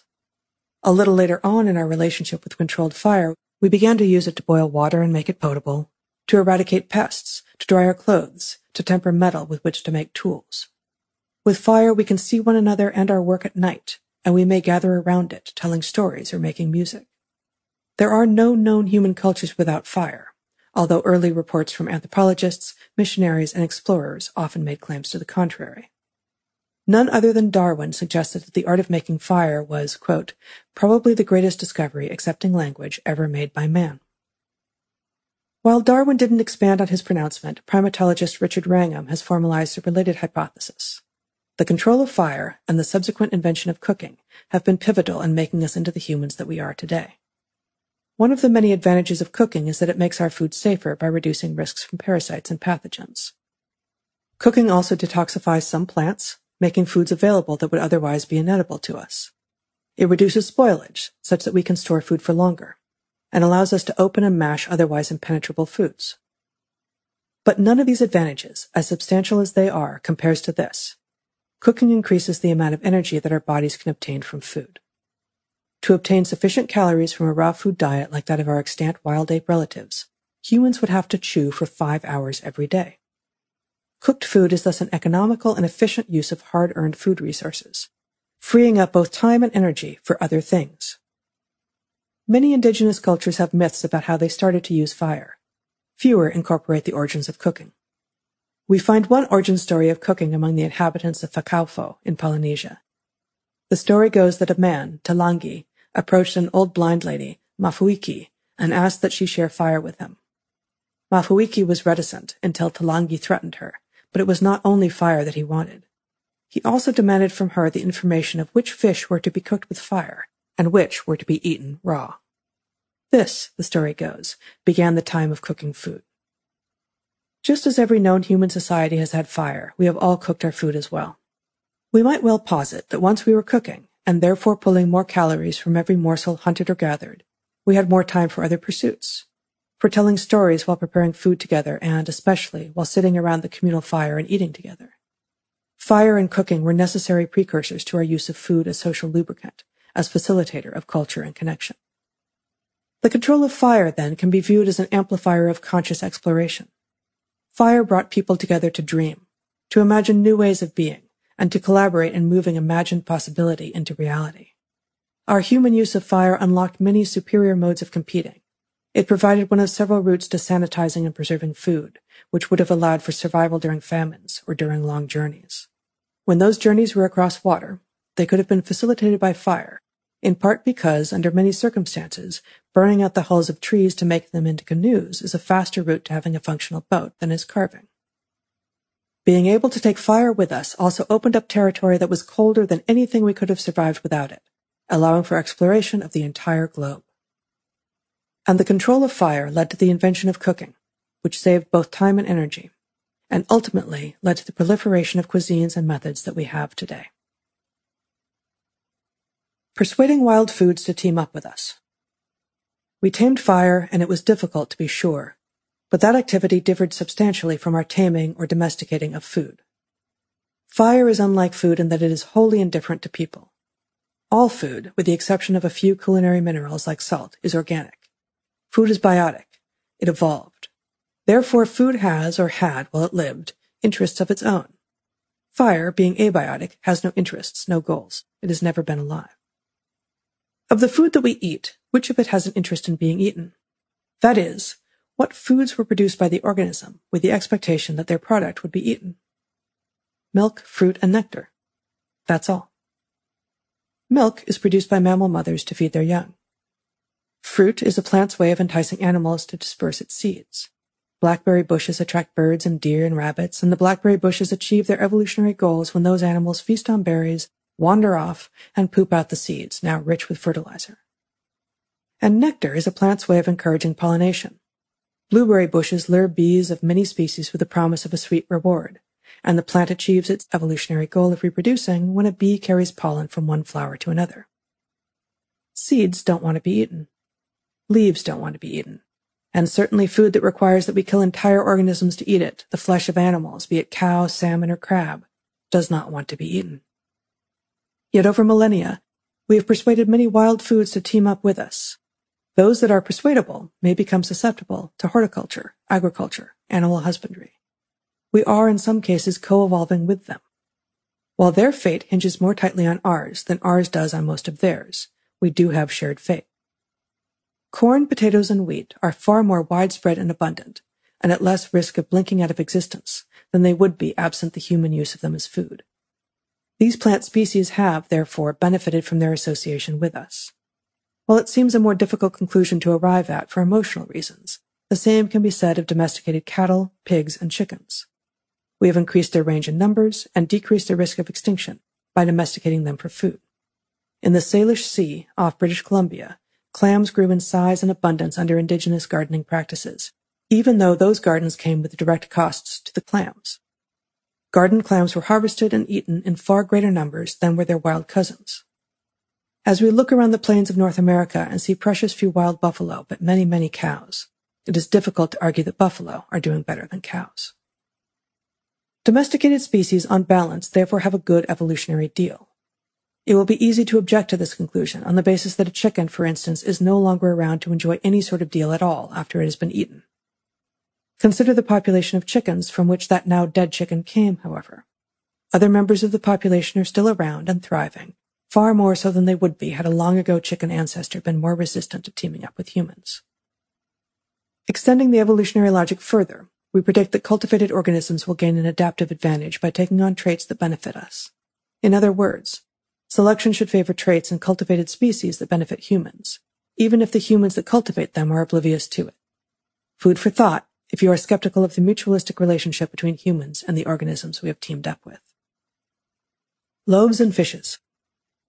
One of the most famous stories from the New Testament is the multiplication by Jesus of just five loaves and two fishes into enough food to feed 5,000 people.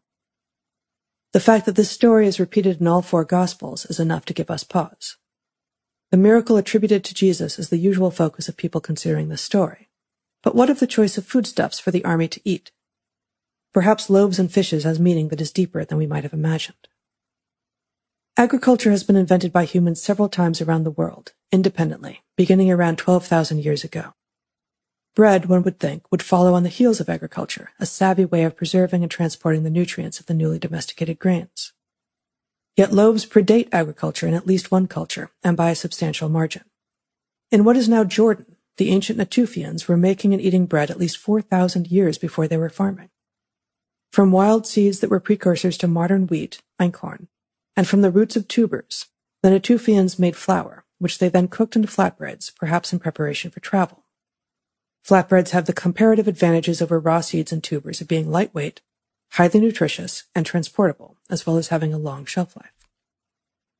Agriculture affords myriad advantages over the harvesting of wild plants. Farmers are now in greater control of both space and time, they know where to go to find the majority of their food and can coordinate when it is likely to be ready for the harvest. Domestication of farm species further allows for humans to select for those things that we value, e.g. larger fruits, higher fat content, ease of access to the desirable part of the plant, and select against those things that we don't, such as toxins the plant has put on board to keep organisms from eating it. But we were recognizably human, even culturally so, long before we were agriculturalists. Cooking, which long predated farming in every human society, would have been facilitated by having vessels in which to cook. In China, pottery existed for 10,000 years before farming. The pottery was almost certainly used for cooking of both hunted and gathered materials. Ceramic crocks were probably used to carry and store water and raw foods. Perhaps they were also used as vessels for fermenting or preserving foods, including the production of alcoholic beverages. Modern humans think of alcohol primarily as a social lubricant, but it is in fact an excellent calorie-rich way to preserve food that would otherwise spoil. Beer is, in many regards, a liquid loaf of bread. As important as fire, cooking, and tools were to our transformations into modern humans, agriculture, once it took hold in societies around the world, tended to bring about huge changes in human culture. Just a few of these changes include a shift to permanent settlements and sedentary lifestyles from a more migratory, nomadic existence greater specialization by individuals, including the rise of full-time craft specialists, which then would have allowed for the elaboration and expansion of trades, arts, and sciences, increases in commerce and other aspects of economy, the formalization of political structures, an increase in wealth disparities between individuals, and changes in gender roles, which we will return to in Chapter 7. What, though, of the fishes in the parable of the loaves and fishes? Stone tools, fire, and cooking have all been linked to changes in human anatomy and social structure. Similarly, the consumption of fish, turtles, and other coastal foods may have been instrumental in the development of our large brains. Coastal and riverine fishing is less dangerous and more accessible to people without sophisticated tools and communal hunting techniques, that is, the hunting of large terrestrial mammals. Considerable evidence suggests that we migrated along coastlines for well over 100,000 years, which is consistent with aquatic fauna having been an important part of our diet. Chimps have been observed fishing for crabs in the Nimba Mountains of Guinea. Extrapolating to early humans in similar habitats, we might infer that our early diet included a substantial amount of fish and other aquatic fauna. The Beringians specializing in salmon on their route into the New World may have been improving on an ancient script. Fish eating may have been a critical piece of the puzzle of early human evolution. A prehistoric world populated by millions of hunter-gatherers transformed within a period of 10,000 years into a world of 1 billion people consuming traditionally farmed food. And within the last 200 years, we have transformed it further into a population of 7 billion people surviving on intensive and unsustainable fossil-fueled farming, with which only a small percentage of the population has any direct contact. Those who have at least some relationship with the origin of their food, whether they grow it themselves, pick berries on occasion, or strike up conversations with the growers at their local farmers market, are more likely to value its complexity, the value of terroir, and the constant sharing between culinary traditions.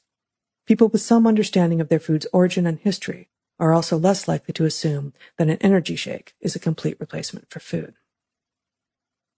Harvest Feast At the end of one of Heather's field seasons in northeastern Madagascar, where she was studying the sex lives of poison frogs, she was invited by the patriarch of a local family to photograph a retournement, a turning of the bones ceremony.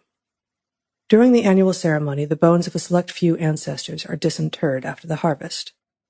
Those who have died recently, who were in body boxes, are rewrapped and put back in smaller bone boxes.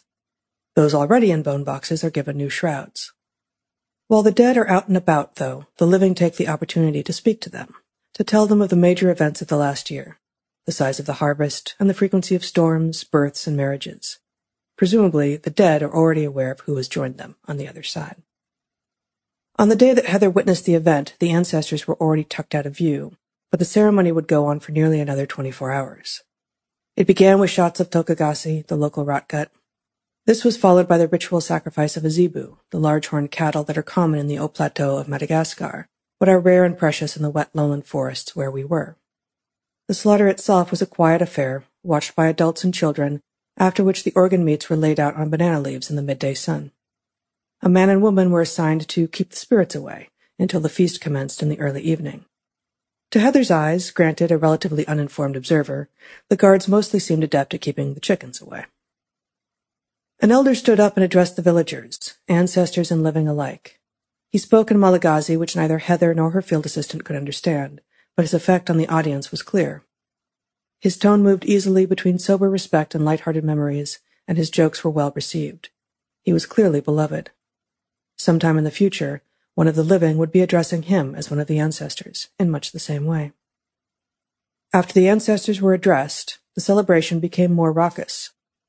In the hours before the night-long feast would begin, there was music, dancing, and more toaka gasy.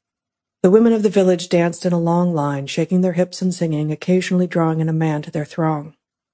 The feasting that night, especially the meat of the zebu, would be remembered for a long time to come. Madagascar is a land of feasts, Madagascar is also desperately poor. Everyday meals tend to consist of rice, ranapango, burnt rice water, which is colloquially considered the national drink, and little else. One of the common greetings on the street, which even we, as obvious Vaza, white-skinned foreigners, sometimes received from strangers in our time on that giant red island is, How many bowls of rice have you eaten today?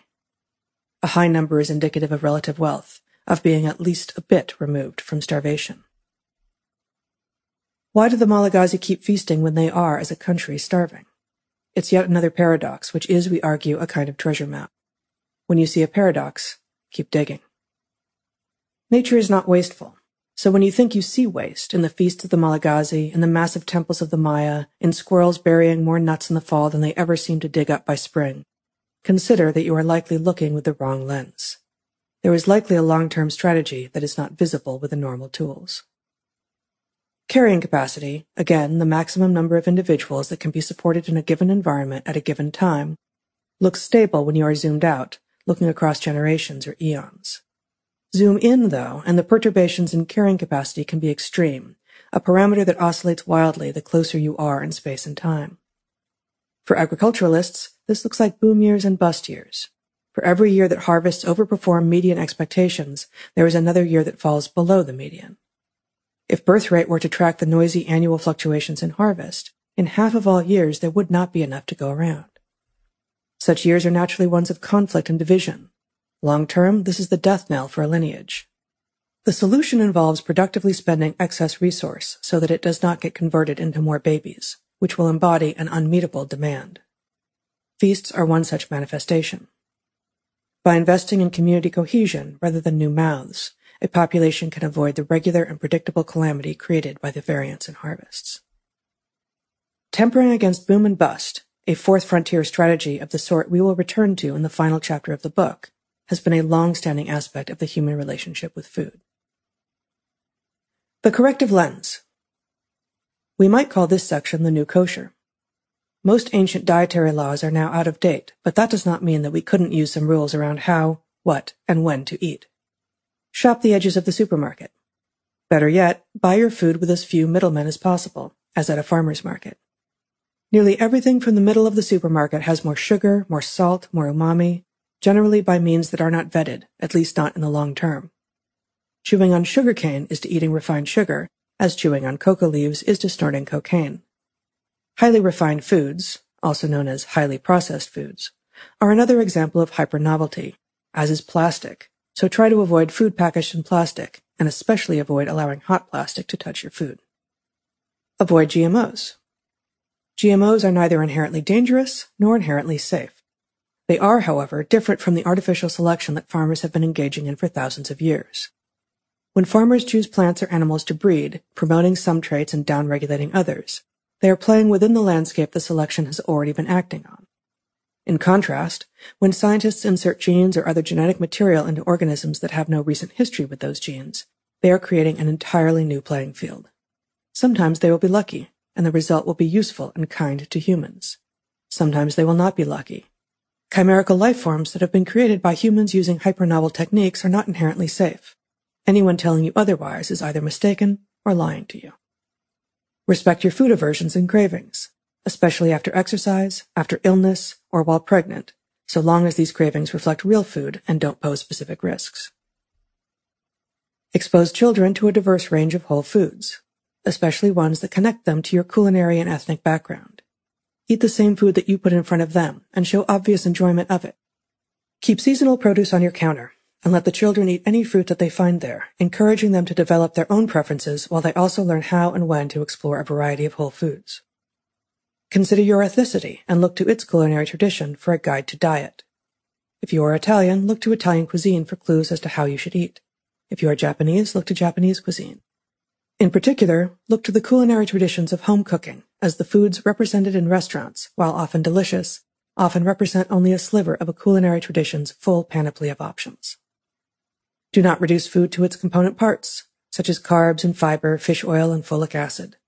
Instead, think of food as the species from which it came, the cultures that first used it, the myriad ways it is now prepared and eaten across the world.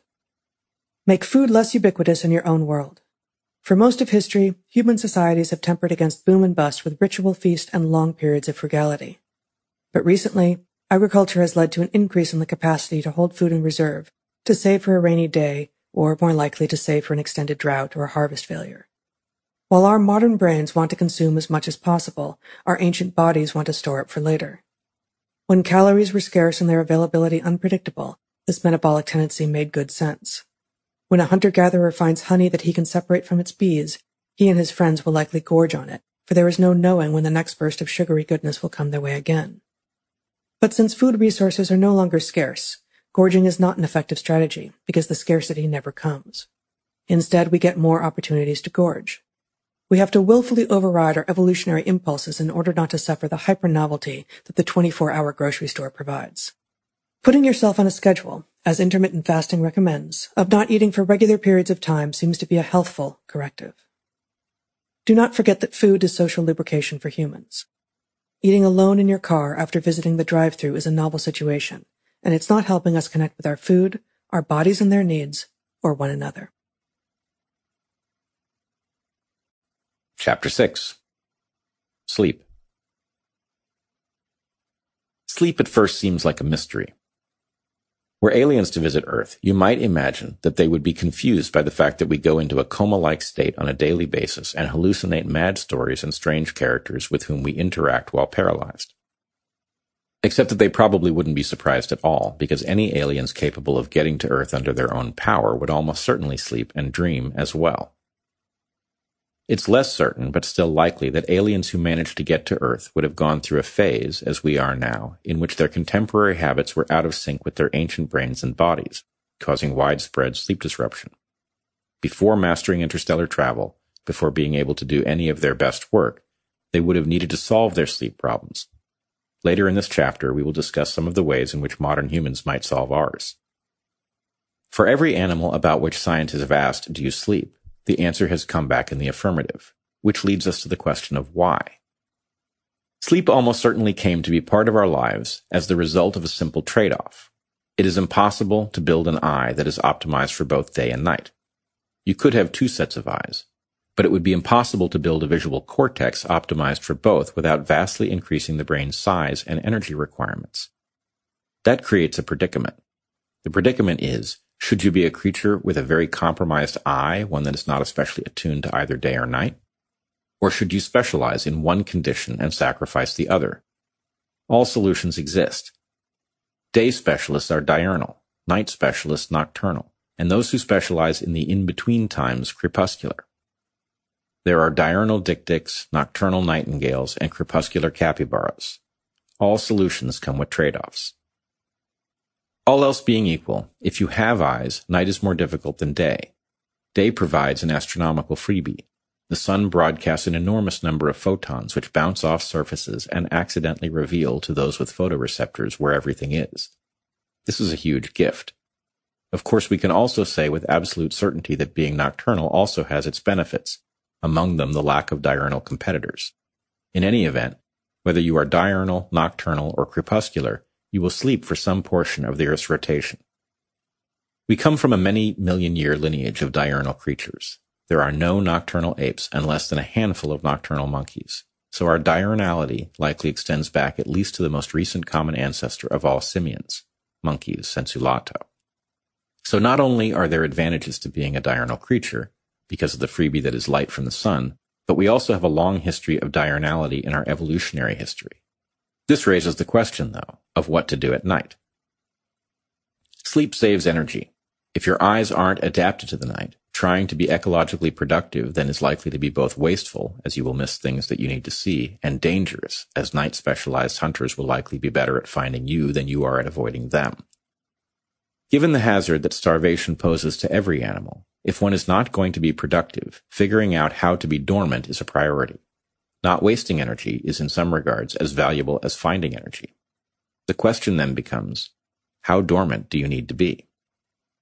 For humans in particular, it would be a shame to take the marvelous computer that we have riding around on our shoulders and totally sideline it during the night, just because our eyes are out of their depth. Because even when we can't literally see what's going on in the world, we can consider what we've already seen. In response, selection has borrowed the incredible computing power that exists in our visual apparatus and repurposed it for a kind of movie making. We are physically dormant at night, but not mentally so. In sleep, we predict and imagine what we might see in the future and do a bit of scenario building around the possibilities, so that next time we know what to say, how to feel, so that next time we are prepared. We can predict that intelligent aliens would recognize sleep right off the bat because although the Earth is special in many ways, day and night are shared features of all planetary bodies on which life is likely to evolve. If aliens are complex, smart, and social enough to have visited us, they likely come from a planet with a similar predicament, one with light-filled days and dark nights, one in which physical dormancy for part of the day has made historical sense, but during that time the mental apparatus has become highly active. Broadly speaking, sleep as we know it can be broken into two types. Rapid eye movement sleep, in which the eyes flit rapidly around and the muscles of the limbs and trunk go limp, producing paralysis. And non-REM sleep, the deepest form of which is slow wave sleep, during which brainwave activity slows and synchronizes. All animals appear to sleep, but only mammals and birds have REM sleep, although the first stirrings of REM sleep have been observed in an Australian lizard. Slow wave sleep is thus more ancient than REM and in species that experience both types, it occurs earlier in the night as well. During slow wave sleep, our brains fix memories in place, as do the brains of great apes, including chimpanzees. Our brains also prune out old and redundant information during slow wave sleep and gain mastery over skills that we learn while awake, typing, skiing, calculus. Hence the adage, to sleep on it. REM sleep, the newcomer in evolutionary time, provides us our dreams. During REM sleep, we engage in emotional regulation, reflect on what has happened, look forward to what might be possible, and imagine both possible pasts and futures. REM is a creative state. It is sleep's explorer mode. REM can be chaotic and disorganized in its creations, and it might be said that slow wave sleep acts as a corrective to some of REM sleep's products. Once selection discovers that there are useful ways to utilize a mind during bodily dormancy, It discovers all kinds of utility, and sooner or later individuals become dependent on their ability to access this state. Our bodies and brains, linguistic and emotional lives, social and behavioral repertoire are all dependent on sleep. Slow wave sleep is ancient, going back at least to the origin of animals, and is necessary for all kinds of repair. Thus, the benefits of sleep are far more ancient than those of dreams, but our dream state is so beneficial to us in scenario building that it has far outstripped in the positive direction the risks of sleep. The upsides of sleep are greater than the downside of spending a third of every day physically dormant. Dreams and hallucinations. In the darkest, quietest moment of some night long ago, hours after we had both been asleep, Heather sat up, looked at Bret, and said, Do you seriously intend to leave these car parts in the bed? Bret's answer, I think so, yes, did not ease tensions any. Furthermore, the fact that there were, of course, no car parts anywhere near the bed would not be admitted as evidence in this discussion. It wasn't the first time that Heather had said something while deeply asleep that was impossible to engage using the normal rules. When Bret responded to Heather's sleep talk, the tone generally decayed quickly. There was, it seemed, no reasoning with either of us.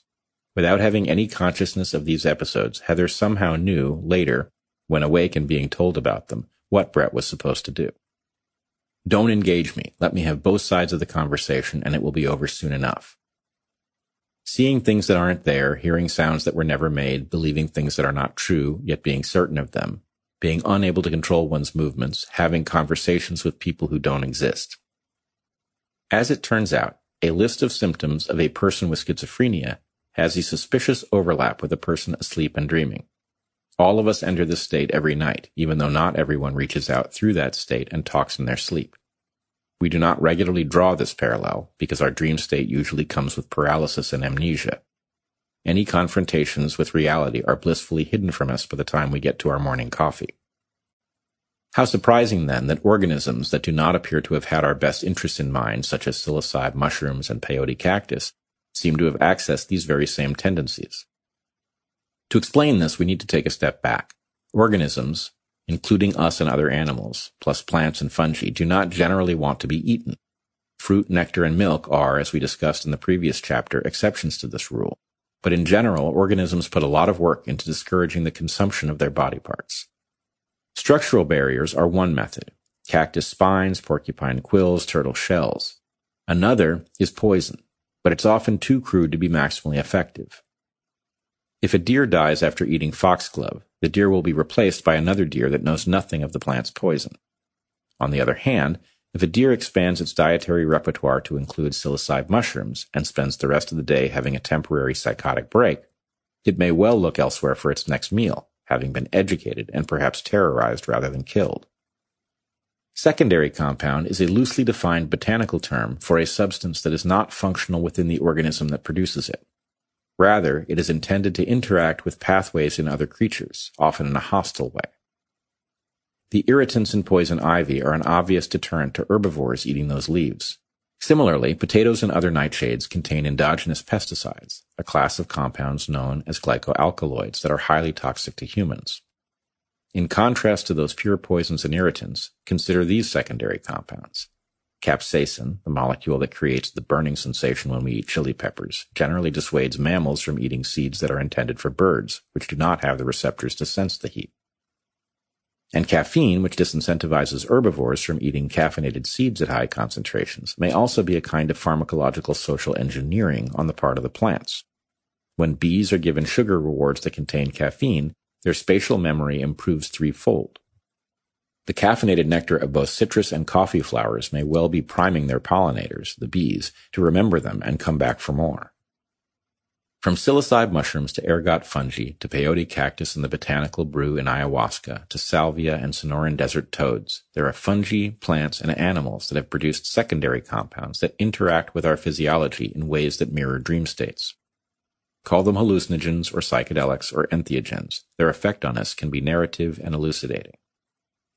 We live our days connected by dreams. Lest we wake up each morning imagining we were brand new beings, our dreams give us context and allow us to grow between days. We are conscious during the day and unconscious in the first part of the night during non-REM sleep. Once REM picks up in the second half of each night, our consciousness is borrowed, our bodies taken safely offline, paralyzed, and our conscious minds create fictions strange, hypothetical, and extravagant. Sometimes they are even true. A vast array of cultures have some tradition in which hallucinogenic states are intentionally triggered in some or all of their members. Humans being human, it is not surprising to find that many cultures have borrowed secondary compounds that trigger terrifying waking dreams and have turned what might have been a bad trip into an important tool of human consciousness expansion. More on this in chapter 12. Just as many cultures have appropriated the hallucinogenic secondary compounds of plants and fungus to expand the consciousness of their members, many also have sleep rituals, from the simple to the elaborate, by which individuals prepare for their nightly slumbers. Even some of our closest relatives engage in rituals in advance of sleep. Nightfall in the jungle. Night was falling all over Tikal. Now a grand ruin with a jungle encroaching on all sides, Tikal was once a center of commerce, politics, and agriculture for the Maya. Dusk in the rainforest is a time of transition. The diurnal are slowing down for the day, the nocturnal are waking up, and the crepuscular are skulking about looking for opportunity. This is their moment. The sounds of the day, birdsong, and the endless throbbing drone of cicadas disappear as choruses of frogs begin to thrum, and myriad spiders become visible by the red shine of their eyes. Because no animal is equally active in the day as in the night, at dusk, as at dawn, the cast changes. It was the early 1990s, and we were in the middle of a long backpacking trip through Central America, near the base of one of Tikal's temples, as the shadows grew long. Dusk fell fast, as it does in the tropics, this was long enough ago that camping right next to the temples was allowed. We found a place to pitch our tent as the light faded and talked about our day. Then the spider monkeys arrived, high overhead in the canopy of the rainforest. They too were bedding down for the night. They too talked to each other.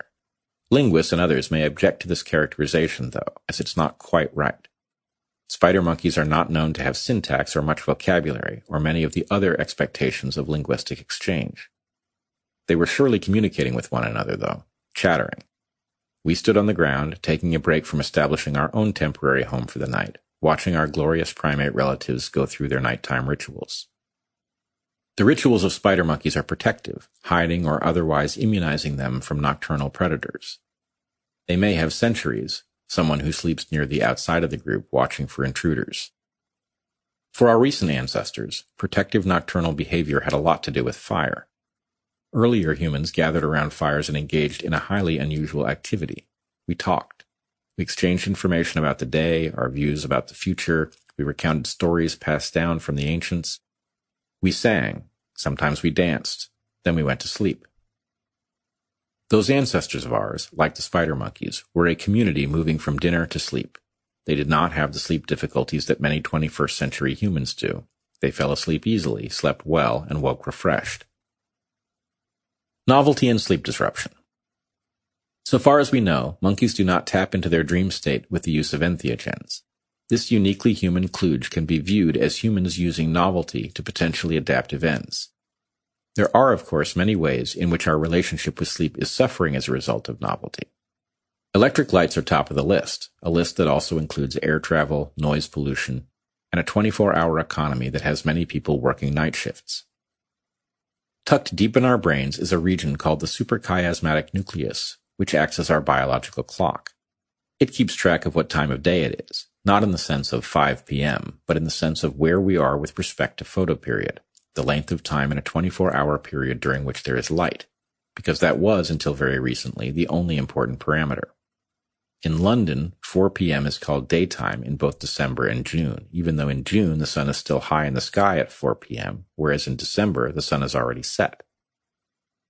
Until recently, darkness mattered far more than one's position in a 24 hour day, so we humans have done the expedient thing. We've used ingenuity to extend our productive period by inventing artificial light. The benefits of this are obvious, but the hazards aren't. Before electric lights were invented, humans never experienced light after sunset of the intensity or duration that we are now commonly exposed to in our indoor spaces. Daylight is intense, even on overcast days, but our brains do a fantastic job of obscuring from us just how bright or dim our surroundings are.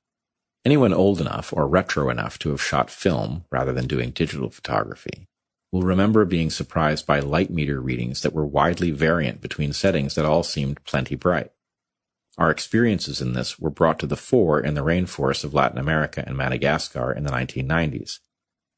The understory of a lowland tropical rainforest is a dense, lush tangle of vines and shrubs punctuated by massive buttressed tree trunks and the sounds of insects. Rainforests don't seem like particularly dark places until you reach an edge and walk out into a logged pasture or onto a road and find yourself blinded by the sun.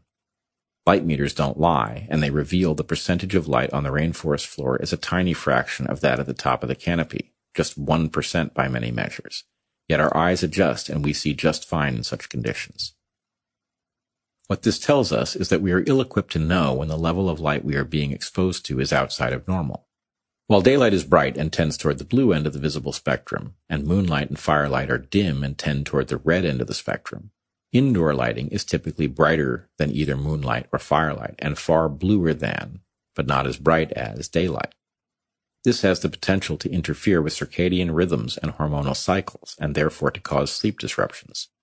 It has now been demonstrated that evening light in the intermediate intensity ranges causes circadian disruption, and it is also true that differences between individuals in susceptibility to such disruption are high, making it difficult to extrapolate from anecdote to whole populations. By contrast, humans have such a long history with fire that our pineal glands are well equipped to encounter red fire spectrum light well past sundown, without negative consequences for sleep. Being able to turn on blue day spectrum light at any moment, however, is a brand new phenomenon, one for which we are less well adapted. Empirical science has begun to reveal just this. Blue spectrum light is unhealthy at night. Recently, the market has responded with an abundance of red filters and software that change the spectrum emitted by screens at night. We could have figured this out far earlier if we had applied the proper precaution to the invention of lightning in a bottle. It is obvious that the ability to generate light at the end of a wire has transformative potential. The chances that it would be harmless approach zero. And now we are making that same error again. The transition from tungsten-based light bulbs through fluorescence and into LED has again pushed us in the direction of colder, bluer light, characteristic of daytime. Worse than that, for many weird 21st century people, little blue LEDs now shine or blink in every room of our homes, unless they are covered or otherwise obscured, which we recommend. Our brains evolved being able to intuit the time of day by the spectrum of light coming into our eyes. Now we have midday blue flashing at us at all hours. No wonder sleep has become elusive for many. If we really understood the costs and benefits, we as a civilization would tightly regulate light spectrums so as to leave our sleep and wake cycles intact. Many suffer from insomnia at home but watch it vanish on a camping trip, as the cycle guided by the light of the sun and moon returns us to a more ancestral state. We hypothesize that eradicating daylight spectrum light from the night might have a curative impact on some people who are experiencing debilitating psychological disorders. Those who suffer from daytime delusions, paranoia, hallucinations, those who are, it might be said, having their dream state intrude on their waking day. As if that is not enough to concern us, we are hardly the only organisms that have shown a deadly sensitivity to electric light. Everyone has watched moths pointlessly captivated by a light bulb. They do this because they are wired for a non-technological world, they may be navigating based on the angle that they are flying relative to the moon, which until recently would have been the only large bright object in the sky. Or they may be trying to escape the light and failing abysmally. Whatever the reason, when we place other bright objects in their world, their program has a devastating effect. They fly, holding those objects at a fixed angle, circling to the point of exhaustion. Sleep-wake cycles in wildlife are also altered where light pollution occurs and many biological rhythms and behaviors desynchronize when exposed to light at the wrong time of day. Many organisms, especially far from the equator, use photoperiod as a clock. It is used to schedule such things as germination and bud formation in plants, and mating season, molting, and embryonic development in animals. And animals as distantly related as crows, eels, and butterflies have difficulty migrating when artificial light is present. Electric lights dramatically change the when, where, and what spectrum of light historically available to us. Not only are we confusing our brains and making ourselves sick with electric lights, but we are deeply confusing many other organisms as well. These last four chapters have focused on the survival of our individual bodies in the realms of health and medicine, food and sleep, in a world wherein it's becoming increasingly difficult to do so. The evolutionary story of humans is not primarily one of individuals surviving, however. It's one of people coming together. Indeed, the extent to which we are interconnected may confound and challenge the modern imagination. In the next section, we move to things larger than the individual sex and gender, parenthood, and relationship. The corrective lens. Allow celestial bodies to set your sleep wake pattern. Wake with the sun, know the phases of the moon, navigate sometimes by the light of the full moon. Navigate sometimes as dawn emerges or as dusk falls, paying attention to the shifting of your senses as light becomes more or less available. Spend time outside, letting your body take cues from the light of the sun rather than from the light switch on your wall or the screen you gaze into. Get closer to the equator at some point during your winter. Cross the equator and keep going for ever more light during the dark days in your home hemisphere. Especially if you are susceptible to seasonal depression, you probably live relatively far from the equator, such that winter brings months of darkness in the form of short days and low sun angle.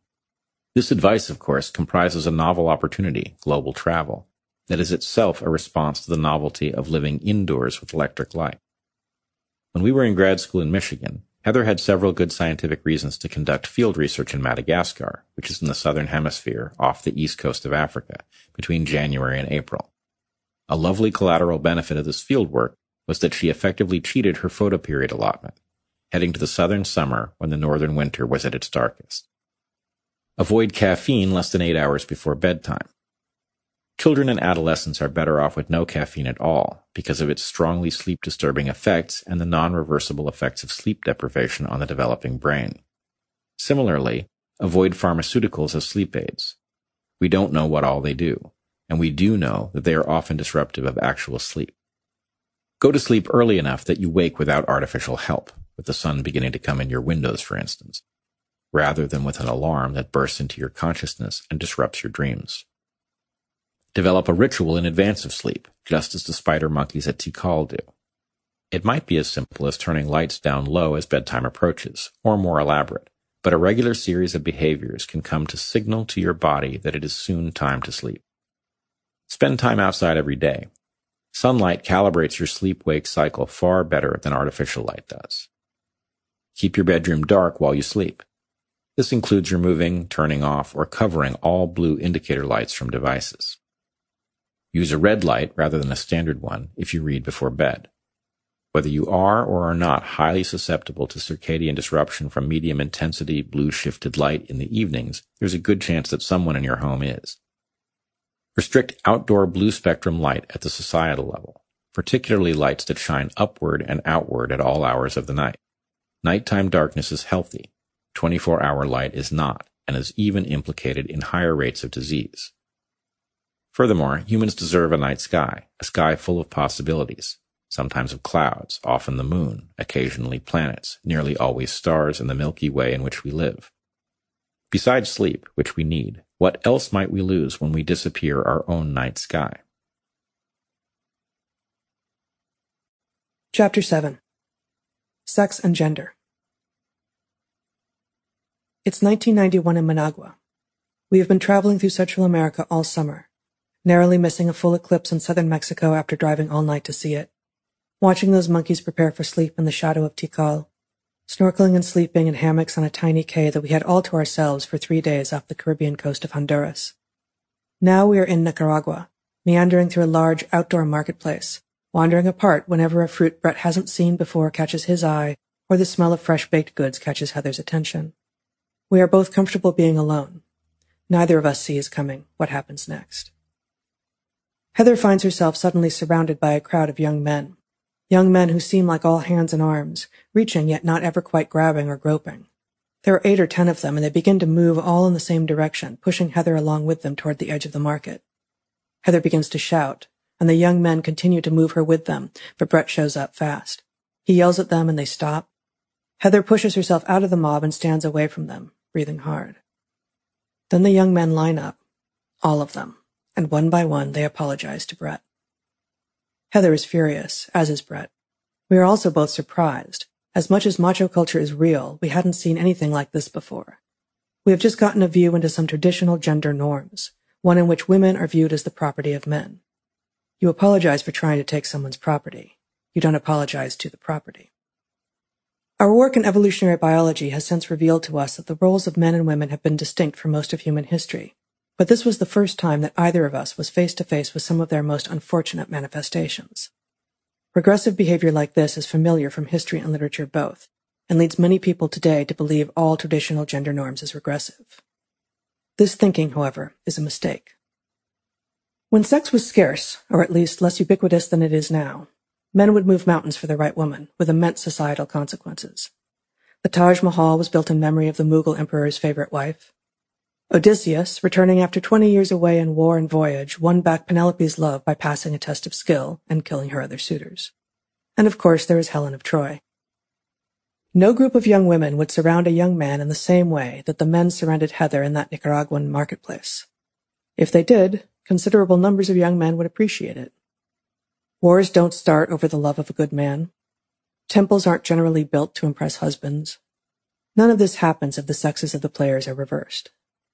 What happened in that marketplace is offensive to modern mores because it reveals a belief in women as resources to be exchanged, rather than as whole entities with all attendant desires and aspirations. Modernity does not abide that, nor should it. But some traditional gender norms will be more tenacious than others. Today, men and women work side by side in nearly all domains. Both sexes have broken through boundaries once thought impossible to break to the benefit of individuals and society alike. Some of the population level differences that have long been attributed to men and women turn out to be mutable. Women should not be confined to healing or teaching professions, nor men to ones requiring brute strength or raw ambition. Recognizing these things does not mean, however, that we are the same at the population level. For instance, men are taller than women is a true statement about averages. An average difference does not imply that all members of population Y, men, are taller than all members of population Z, women. True statements about populations do not manifest in all individuals in those populations. Believing otherwise is falling prey to the fallacy of division, first described by Aristotle. In populations where the overlap of a trait is significant, it can be difficult to parse population level patterns from individual experience. If you as an individual do not fit a particular pattern, the discrepancy can feel like evidence that the pattern is false, but that feeling does not make it so. In professions from medicine to sales to soldiering, men and women work together, but are we really doing the same thing? Female doctors are more likely to go into pediatrics. Men are more likely to become surgeons. In retail, men are more likely to sell cars. Women are more likely to sell flowers. And while retail jobs in the U.S. were split nearly evenly between men and women in 2019, wholesale jobs skewed strongly male.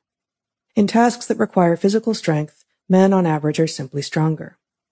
An all-female force engaging in hand-to-hand combat would not beat an all-male one, and it would be beyond foolish to pretend otherwise. We work side by side, and some of us imagine that because we are equal under the law, we are also the same. We are and should be equal under the law, but we are not the same, despite what some activists and politicians, journalists and academics would have us believe. There seems to be comfort for some in the idea of sameness, but it is a shallow comfort at best. What if the best surgeon in the world was a woman, but it was also true that on average, most of the best surgeons were male? What if the top 10 pediatricians were women? Neither scenario provides evidence of bias or sexism, although those are possible explanations for the observed patterns. In order to ensure that bias or sexism is not predictive of who does what work, we should remove as many barriers to success as possible. We should also not expect that men and women will make identical choices, or be driven to excel at identical things, or even perhaps be motivated by the same goals. To ignore our differences and demand uniformity is a different kind of sexism. Differences between the sexes are a reality, and while they can be cause for concern, they are also very often a strength, and we ignore them at our peril. Sex, the deep history. We have been sexual beings for at least 500 million years, since long before we were human. That number may well be an underestimate, too. It is quite possible that we have been sexual since becoming eukaryotes, anywhere from between 1 and 2 billion years ago. That is a very long time indeed.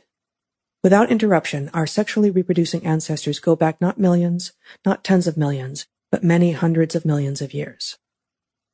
Sexual reproduction has always been a messy, costly operation. You have to find an appropriate mate. You have to convince the mate that you're a good bet. It may need to be the right time of year, the mating season, or else it's possible that your gonads have been reabsorbed to save weight and to use those resources for something else. Many migratory birds do this. Male song sparrows have essentially no testes while they're migrating long distances, and they regrow a pair upon landing in their mating grounds. If you do manage to find and convince another individual of the right species and breeding status to mate with you, you may have to tend to the developing egg or fetus. You may have responsibilities that extend for years, decades even, after you have a child that is the result of sexual reproduction. Compare these to the biggest cost of all. In terms of genetic fitness, when you reproduce sexually, you are taking a 50% hit. If you cloned yourself, you would be 100% related to all of your offspring, spreading your genes with perfect accuracy. With sex, only half of your genes are in each of your kids. Given all of these costs, why on earth did sexual reproduction evolve? And why did it stick? While actively discussed among scientists still, the broad answer is that asexual reproduction is only a win for you and your offspring if the future looks exactly like the past. So long as conditions stay the same, if life worked out for you, it should work out for your clones. But conditions don't stay the same, do they? Some change is predictable, like seasonality, for instance. Most change isn't. Can you predict when and how bad the next giant flood will be, or harvest failure? Mixing up your genotype with someone else's, possibly breaking up some bad genetic combinations that have been riding around in you, perhaps discovering new good combinations, and giving your offspring a chance at being a better fit in a landscape that has not yet occurred. These are the benefits of sexual reproduction. In alligators, the temperature of an egg as it develops determines the sex of its inhabitant. Low temperatures create females, high temps make males. The same is true for tortoises, but the outcomes are reversed. Cool eggs produce males, warm ones produce females. And in crocodiles and snapping turtles, intermediate temperatures produce males while either extreme produces females. In mammals and birds and a smattering of other animals, by comparison, sex is determined chromosomally. In all but a very few species of mammals, females are XX, males are XY. Unlike in some organisms with environmental sex determination, famously clownfish, no mammals or birds have ever been known to change sex. When human sperm fertilizes an egg, all the genes in the zygote that aren't on the Y chromosome discover the sex of the individual they will become. By ratio, our genome is overwhelmingly sexless, the presence or absence of a single chromosome making the determination. But the fact of our overwhelmingly sexless genome does not imply that distinctions between the sexes are either small or arbitrary. Our chromosomes start us down a path toward femaleness and maleness. One of the genes on the Y chromosome, for instance, is SRY, which, when initiated, controls the regulation of a whole series of masculinizing actions, including the formation of what will become the testis, in which sperm is made. Hormonal cascades further masculinize a body with testosterone and other androgens, or feminize it with estrogens and progesterone. Even when the quantity of gonadal hormones is controlled for, though, sex chromosomes themselves affect such varied differences between males and females as pain perception and response, the anatomy of individual neurons, and the size of various brain regions, including parts of the cerebral cortex and corpus callosum. All of that is true. All of these explanations are true, mechanistic, proximate explanations of how individuals become female or male in mammals. Yet these explanations can get nowhere in explaining why male and female exist at all. For that, we need ultimate level explanations. Evolutionary explanations. Explanations that begin with the question, why? Why are there two sexes in nearly all of the sexually reproducing organisms on the planet, and not three or eight or 79? Fungus does things rather differently, but among plants and animals, there are only ever two types of gametes, reproductive cells. In order to reproduce sexually, you need two things DNA from multiple individuals and a cell. The machinery of the cell, for example, mitochondria and ribosomes, is big and bulky, at least compared to DNA, but it's necessary for life. So if you are going to reproduce sexually, at least one partner has to contribute that cellular machinery known as the cytoplasm. That cell, which we call the egg, is therefore big for a cell. Trade-offs being what they are, that big cell is also largely sessile. It doesn't move. The next problem in sexual reproduction is how the gametes will find each other. Since some gametes are sessile, others need to be zippy, which is facilitated by being stripped of most of the cellular machinery that would be required to make a zygote. Those gametes are called sperm in animals, pollen in plants. They move around their environment looking for eggs. Intermediate gametes, ones with some cytoplasm and some ability to move, would be worse at both things.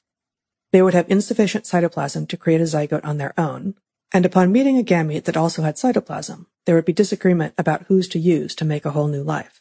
And they would be slow to find other gametes to hook up with. Anisogamy, the evolution of two different, aniso, gamete sizes, gami, therefore occurs because of the poor performance of intermediate gametes. Fast forward many hundreds of million years, and differences between the sexes abound. Humans are sexually dimorphic across many domains, extending far beyond reproduction. Men and women have different disease risks, etiology, and progression for conditions from Alzheimer's to migraine, from drug addiction to Parkinson's disease. Our brains are structured differently. We tend to have different personality traits by sex, and they are mediated by our environment. Personality differences are greater in countries that have abundant food and a low prevalence of pathogens. In general, women are more altruistic, trusting, and compliant, as well as more prone to depression than men. Men are more likely to be diagnosed with ADHD. Women are more likely to have anxiety disorders. Finally, on average, men prefer working with things and women prefer working with people. It is no accident that, in every human culture known, there is language that distinguishes male from female. It's a human universal. Sex changes and sex roles. Sometimes conditions are so dire that normally sexually reproducing individuals become asexual in order to reproduce. Among vertebrates, this has been observed in a few snakes and a hammerhead shark. Female Komodo dragons, which strictly speaking are not actually dragons but very large lizards that live on rather small islands in eastern Indonesia, have also been known to produce viable eggs despite having had no exposure to any other Komodo dragons. This presumably is an adaptation, a last-ditch response when you've shown up alone on an island and have none of your kind with you. It's not optimal, but it's better than nothing. Similarly, sometimes conditions are such that it is evolutionarily appropriate to change sex. In a few species of plants, many species of insects, and several clades of reef fish, sequential hermaphroditism is common, in which an individual begins as one sex and switches to the other at some point in their life. Flame wrasses, for instance, may begin life as females but transition as large adults into particularly colorful males that attract most of the sexual attention from females. Among the tetrapods, however, those vertebrates that came onto land back in the Devonian period, there is only a handful of species that are known to have switched sex, and only one that does so with regularity, the African reed frog. Among sequential hermaphrodites like flame wrasses, after a female changes into a male, he has changed not only his sex, which gamete he produces, once eggs, now sperm, but also his sex role, which is the behavioral expression of his new sex. In humans, we call this gender, or sometimes gender expression. In moose, the sex role, gender expression, of males includes engaging in showy combat, and injury is not uncommon. In golden-collared manakins, neotropical birds, the sex role of males includes clearing an area on the forest floor and dancing on it.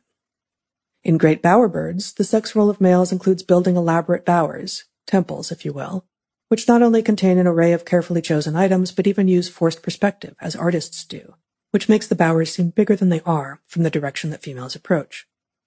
In all of these species, the sex role of females includes choosing from among the males, the combatants, the dancers, the temple builders, and raising the children, be they moose embryos and calves or bird eggs and chicks. The usual roles of sex roles, then, are ones of male display and female choosiness. This stems from that long ago difference in investment between the sexes, the large resource-rich egg and the small streamlined sperm. Furthermore, in those species in which parental care is necessary for the offspring to survive, which means all of mammals and birds and a good proportion of reptiles, amphibians, fish, and insects as well, males tend to put more effort into what happens before sex, and females put more effort into what happens afterward. To put it in strictly evolutionary terms, in the vast majority of species, females are the limiting sex, because females invest more in offspring, from eggs being larger than sperm through parental care typically, though not always, falling to females more than males, males must compete for access to females, and females get to choose among their suitors. Males thus tend to be larger, think elephant seals, or more aggressive, as in woolly monkeys, or gaudier, peacocks, louder, nearly all frogs, or more melodious, mockingbirds, than the females of the species. There are a few rare species out there that we call sex role reversed, in which the usual rules of male display and female choosiness are flipped. Sex role reversed species have also flipped which sex invests the most when. In these cases, the male is the limiting sex. Several polyandrous waterbirds do this, including northern jacanas. Among them, we find dominant females defending large territories, inside of which a female's many male mates build nests, incubate eggs, and tend to the young. While humans don't start wars over the love of a good man and generally don't build temples to impress husbands, in sex role reversed species of birds, these things might just happen. Still, sex role reversal, what we might call gender switching in humans, is not the same as changing sex. In mammals and birds, with our genetic sex determination, there is no sex change possible. No pigeon or parrot, no horse or human has ever changed what sex they actually are. Behavior, though, call it sex role, call it gender, that is highly labile, open to change. We humans are the most labile behaviorally of all the animals. So it shouldn't surprise us too much that many of us are abandoning some old gender norms, behaviors that have in the past been tightly coupled with our sex, and configuring new ones.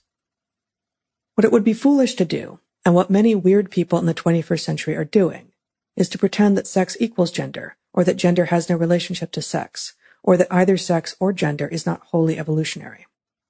Remember the Omega principle, which tells us that adaptive elements of our software, that is gender, are no more independent of our hardware, sex, than the diameter of a circle is independent of that circle's circumference. Gender is more fluid than sex and has many more manifestations, but acting feminine, gender, is not the same as being female, sex. If you want, be a woman who gets into bar fights or a man who wears makeup. But don't imagine that getting into bar fights makes you a man or that wearing makeup makes you a woman.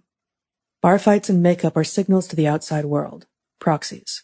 Proxies are not the thing itself, and these particular proxies are also outdated and regressive. Some of gender, however, is neither outdated nor regressive.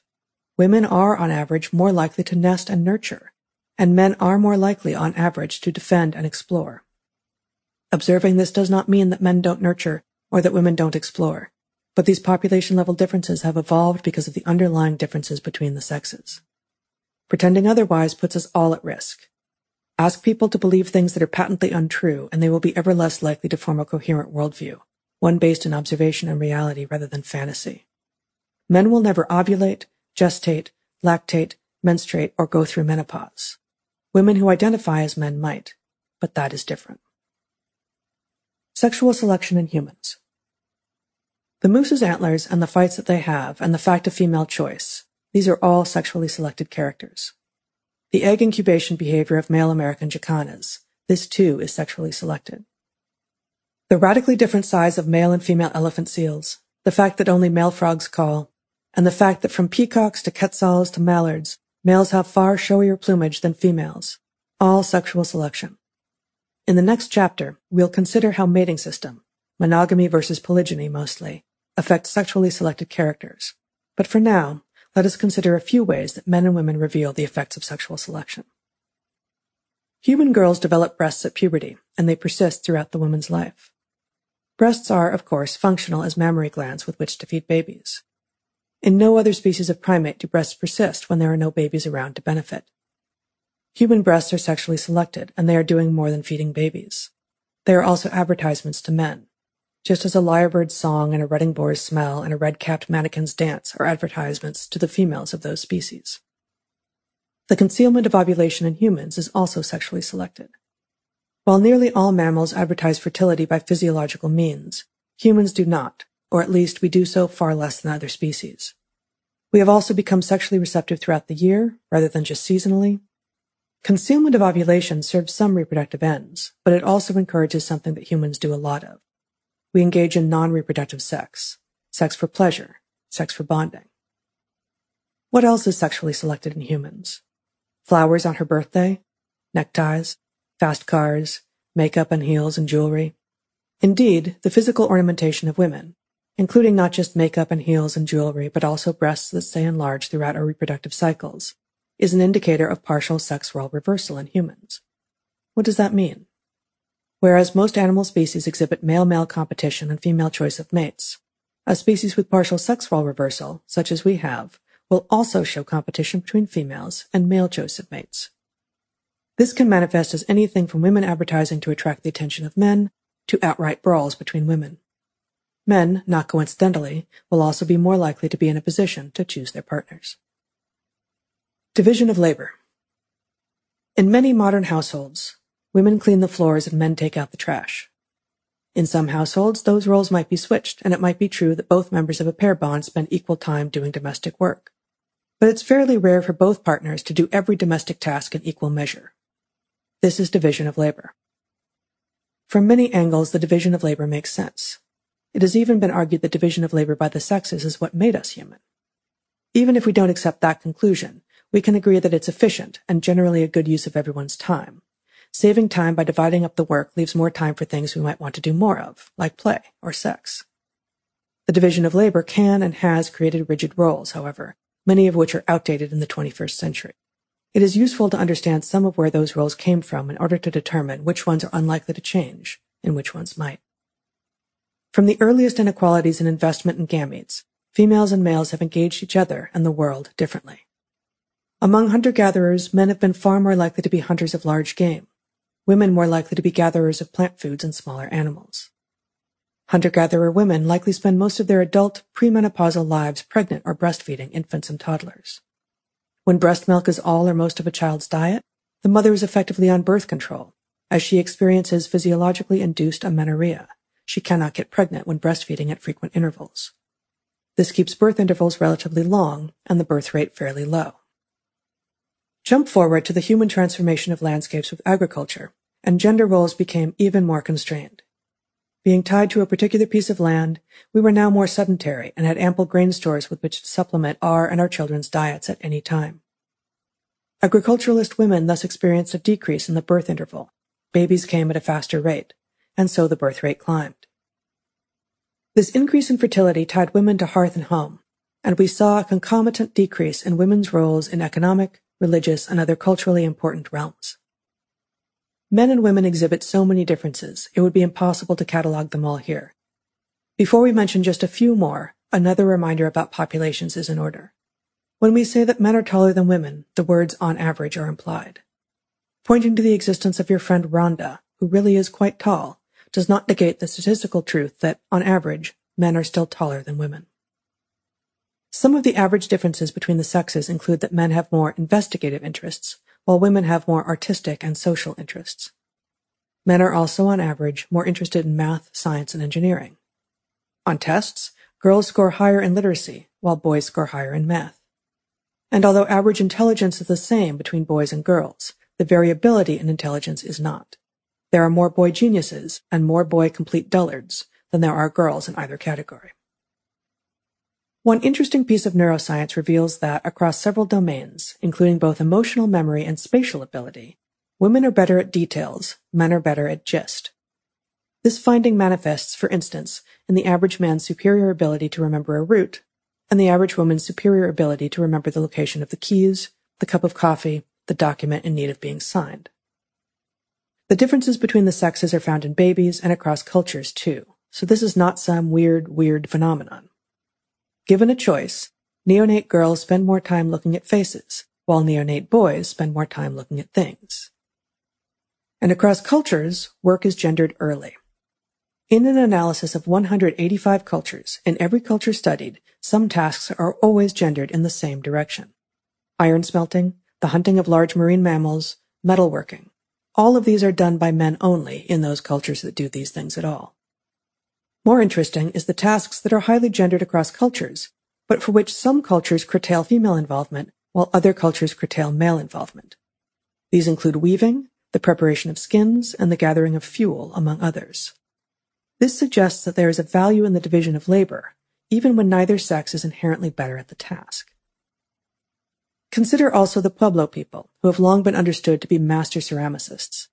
It had been assumed, given contemporary patterns, that pottery making was exclusively the domain of women.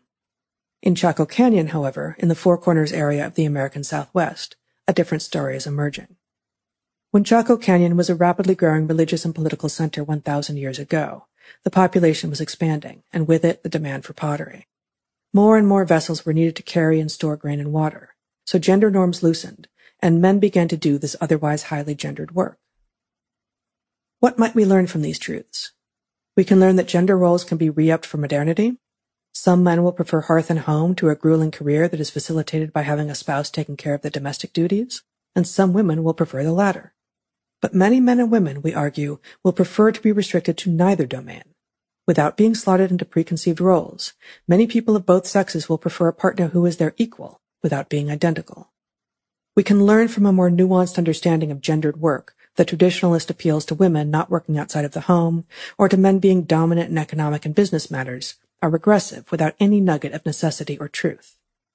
Historically, women and men have had division of labor, both in family units and in societies. But other than those tasks mandated by anatomy and physiology, gestation, lactation, there is little in the modern world that some women might not choose to do. Similarly, men are ever more welcome in traditionally female fields such as nursing and teaching, although we shouldn't expect parity there either. Different preferences lead to different choices.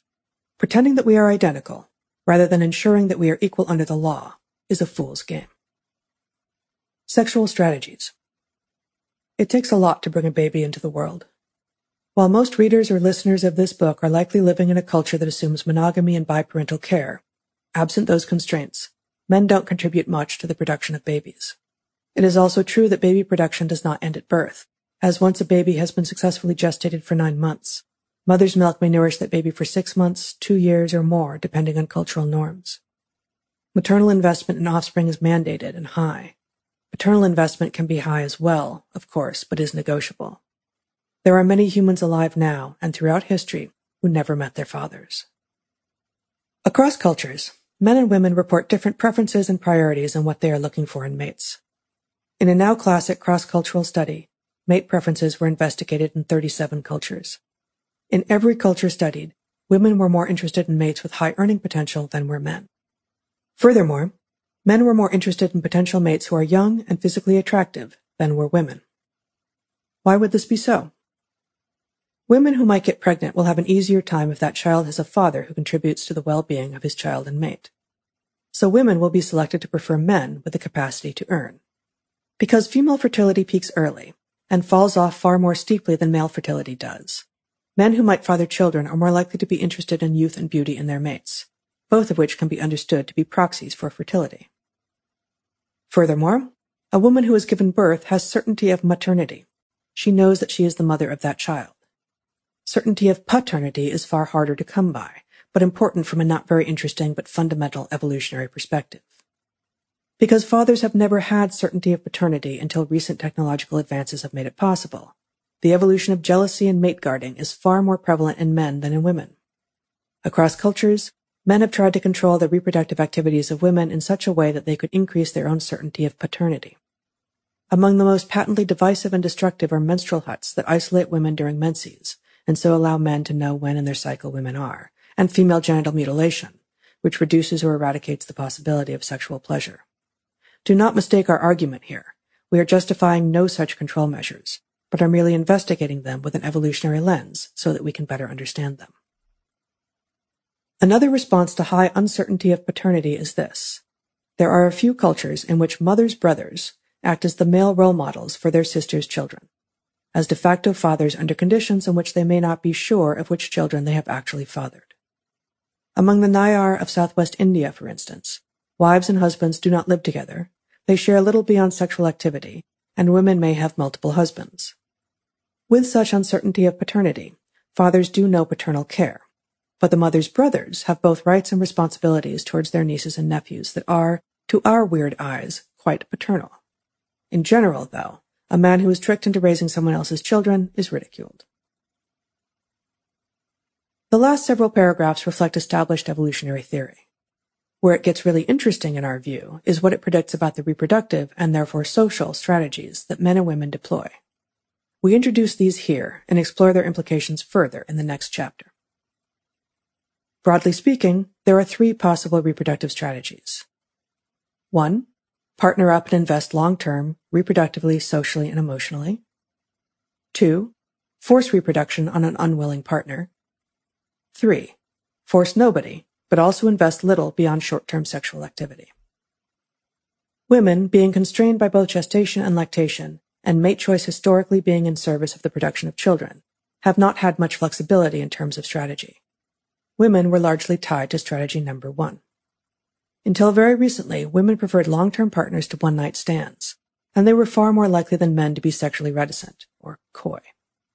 Women have thus tended to engage in a long game, looking for a man with whom to partner, to co-parent, and to grow old together. This is the best strategy for women if they want to leave their genetic mark in the next generation. Gestation and lactation are anatomically, physiologically mandated features of being a female mammal. Given that women are forced by nature to invest in their children, they have a better chance of successfully parenting if they have a partner who is invested as well.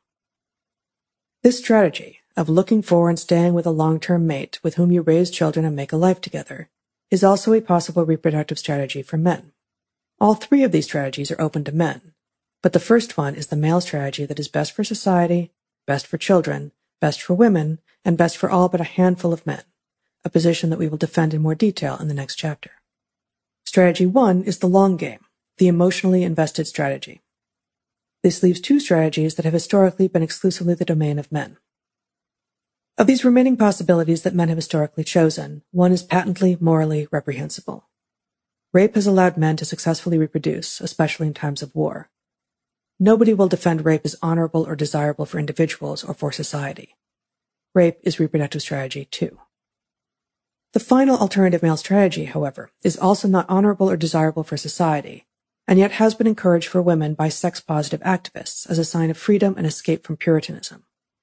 This third reproductive strategy is that of one-night stands, of sex with strangers, of sex without commitment or expectation.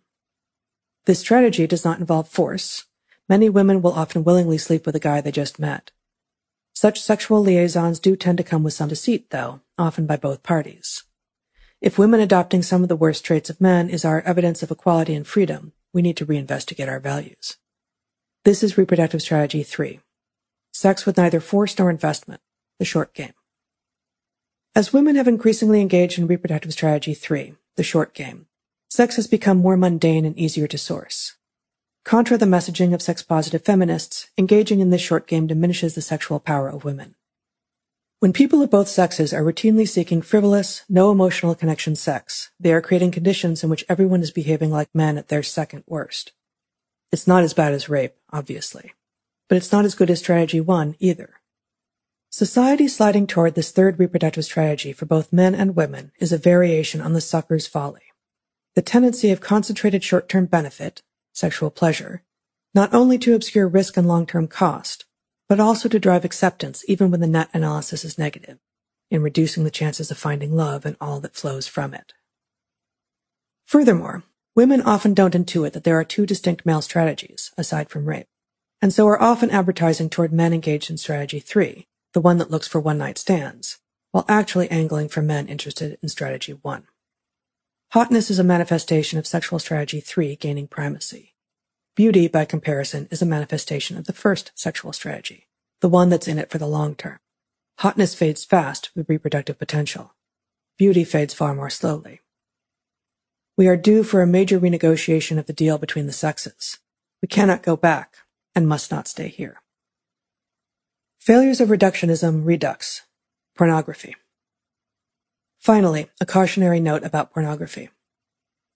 There is no such thing as having sex. It's not like watching Netflix or playing the guitar. Sex is interactional and emergent, such that having sex with person A is not the same as having sex with person B. This is, once again, the mistake of reductionism, imagining that a proxy for a thing is the whole thing. Imagining that if we can count and record it, then we have counted and recorded the vital heart of the thing, Chemical imbalance is mental illness. Energy drinks are food. Porn is sex. Wrong on all counts. Of course, people are fascinated by human sexuality. There is information in watching others about hazards and opportunities, both evolutionary and personal. Doing so triggers that third sexual strategy, though, the one that wants to get to the act of sex right away, the one in which it doesn't matter who it is that one is having sex with. Just as jealousy varies by sex, Men are more likely to be jealous of physical infidelity. Women are more likely to be jealous of emotional infidelity. So too do the target audiences of porn and erotica vary by sex. In general, women prefer erotica, which brings with it a backstory, as it were. Porn, targeting that third sexual strategy, reduces human bodies to our constituent parts and puts a premium on extreme sexual acts as a result of economic competition for attention. Among populations that have come of age on a steady diet of porn, women are far more likely to report being asked to engage in anal sex, strangling, and other violent games that are represented on screen, even though few real women want these things in life. Porn, we posit, produces what we will call sexual autism. Of course, we are using the word autism metaphorically. It goes without saying that we mean no offense to those who have been diagnosed with autism in a clinical sense, nor are we arguing that people with autism don't desire true connection, love, and relationships any less than all the rest of us. Here we take the diagnostic criteria for autism and suggest that porn produces, in its adherents, something similar with regard to sexuality. Incoming sensory data are of primary importance, and emotional and social communication is backgrounded, if considered at all. Those who learn sexual behavior via porn tend to display repetitive behavior and atypical sensitivity to sensory inputs. Sexual communication is difficult for them, probably because communication is a two-way street, and the other person cannot be fully predicted in advance or controlled. People who have learned about sex through porn have difficulty developing, maintaining, and understanding sexual relationships, insist on inflexible adherence to routine, and show intense fixation on narrow interests. It is, in short, difficult for them to contend with novelty and surprise, with discovery, I didn't know I could feel that way, and with emergence, I didn't know we could feel that way. If the most complete human sexuality is, as we argue, an emergent property between whole individuals, bodies and brains, hearts and psyches, porn reduces sex to commodity, to acts, to mere bodies. Selecting from a narrow menu of options, sex learned from porn will be repetitive and inflexible, with a narrow focus on orgasm. Those who learn about sex from porn are likely to be insensitive to feedback from anything but their own body. Communication and feedback will not be priorities, nor perhaps understood as values at all. Relationships will be difficult to form, harder still to understand. Discovery and serendipity never happen when choosing from a menu. This is safer in a way. While you risk not discovering the true highs of human relationship and connection, you are also protected from some of the true lows. Sex learned from porn can thus effectively flatten human sexuality. What of the world of emotional, deeply human discoveries that are possible with a richly connected sexuality? Without those, you might as well just be going for a walk. The corrective lens. Avoid sex without commitment, including sex for hire. Cheapening sex by seeking it everywhere and at all times renders it more difficult to form a stable bond with one individual, which is the best predictor of a relationship of equals in which neither partner feels chronically subservient or undervalued. Instead, seek ecstasy and passion, which are more consistently discovered with someone whom you know well and who knows you well. For straight women, do not succumb to social pressure to embrace easy sex. If you aren't interested in sleeping with a guy within hours or days of meeting him, and he passes you by for someone who is, what have you lost?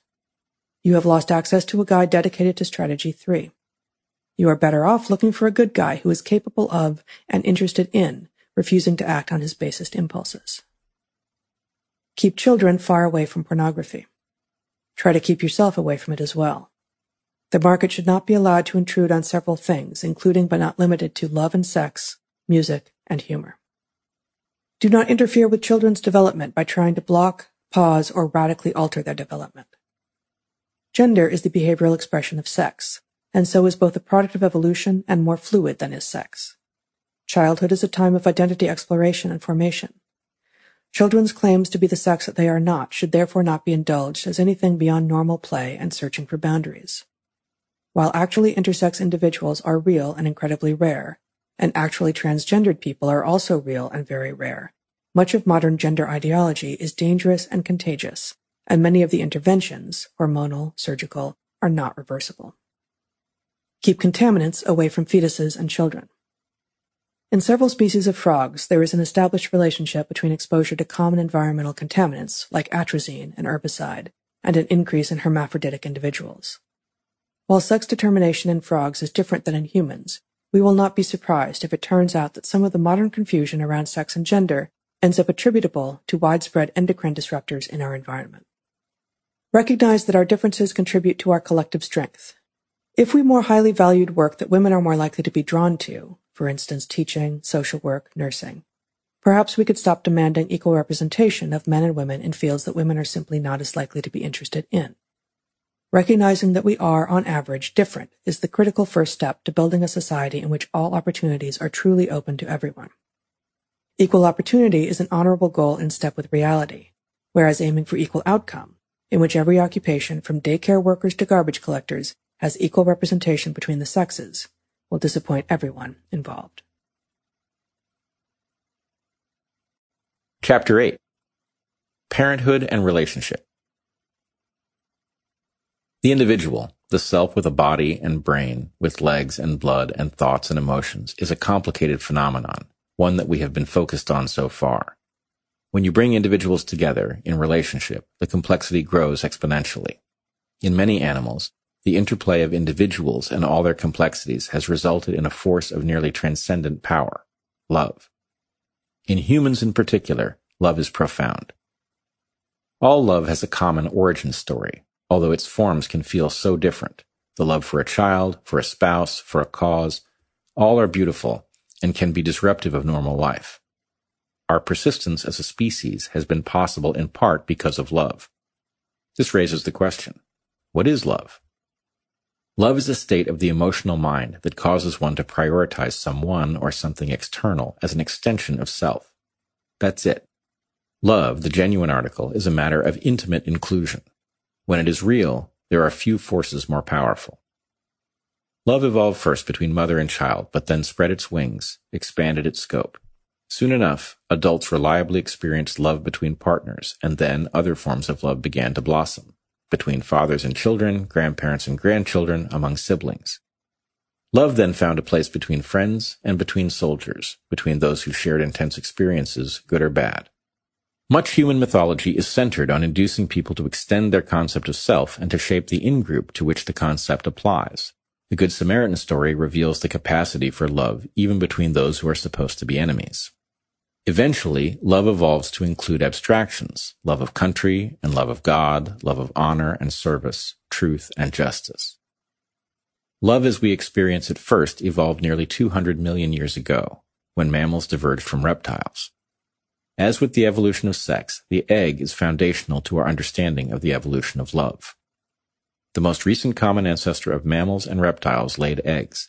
In egg-laying species, the egg must contain sufficient nutrition to feed the embryo through hatching.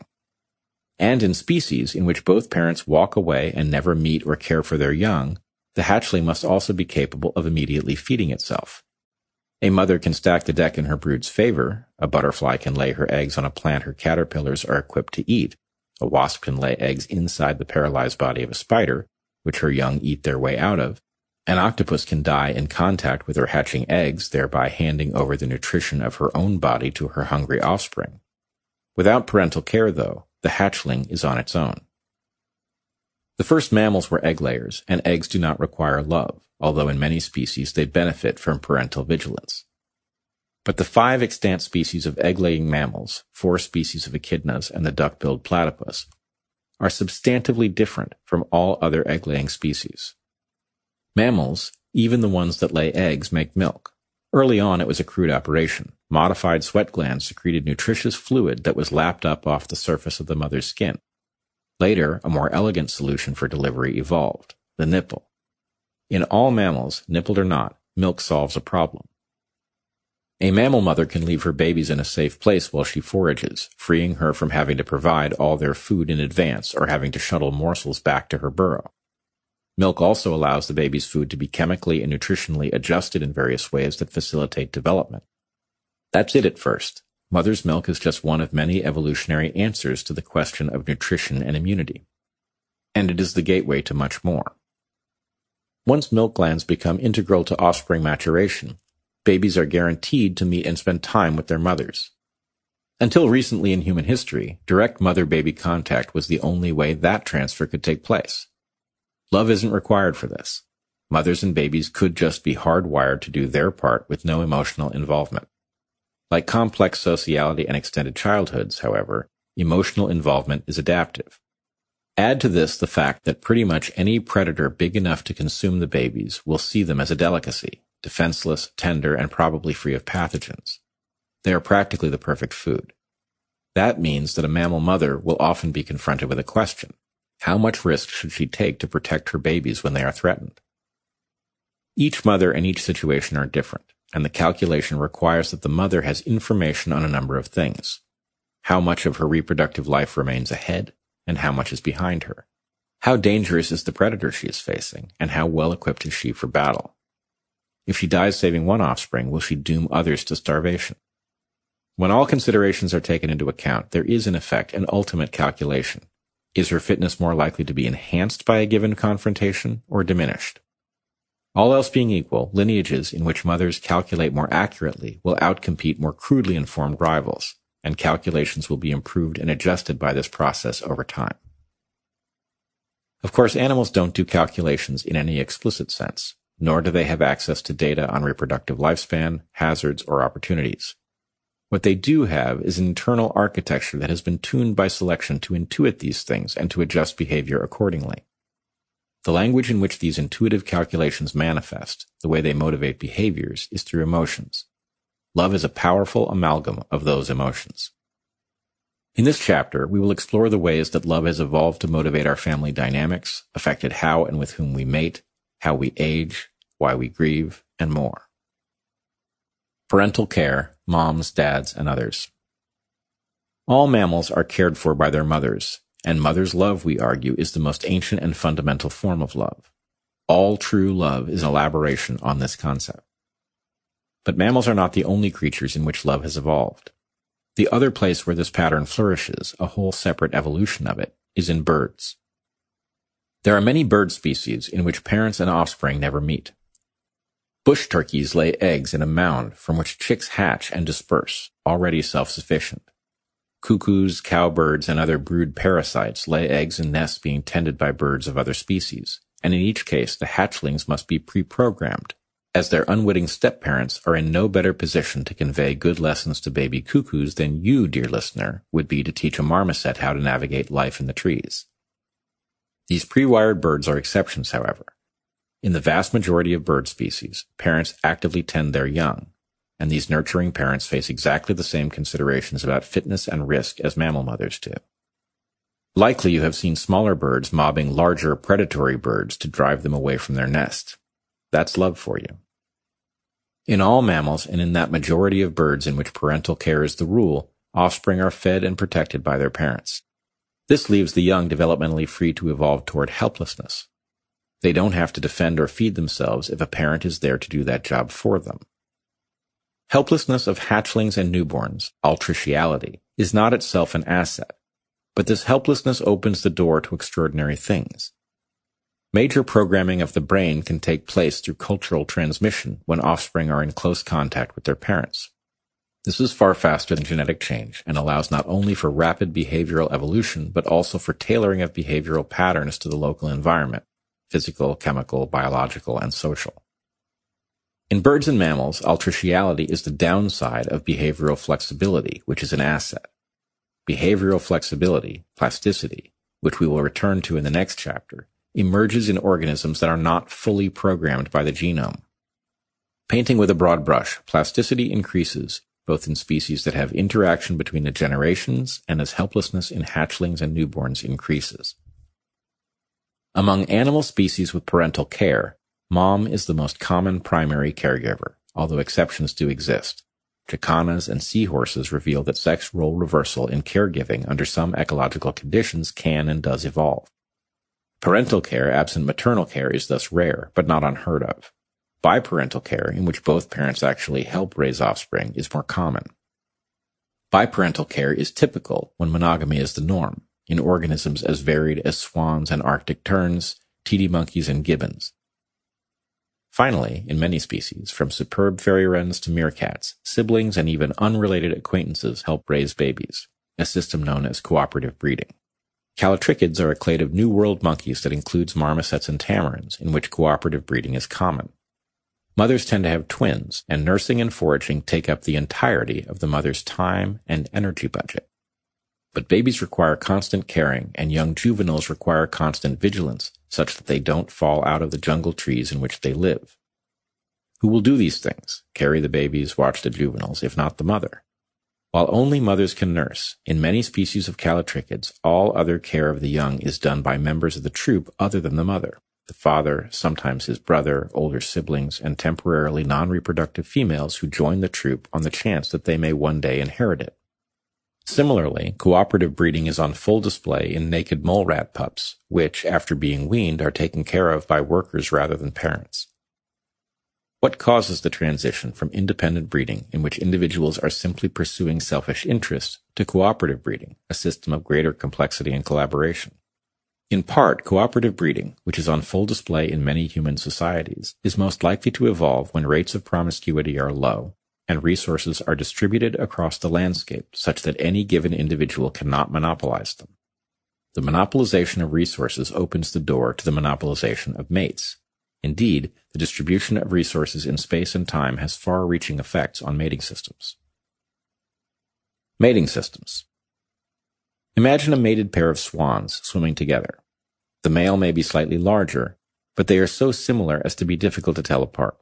Across monogamous species, males and females closely resemble each other in color, size, and form. Compare this to elephant seals, which are decidedly polygynous. A single male can monopolize the reproductive activity of dozens of females. Males have outsized noses and are more than three times the size of females. Sexual size dimorphism is a strong predictor of polygyny across vertebrate species.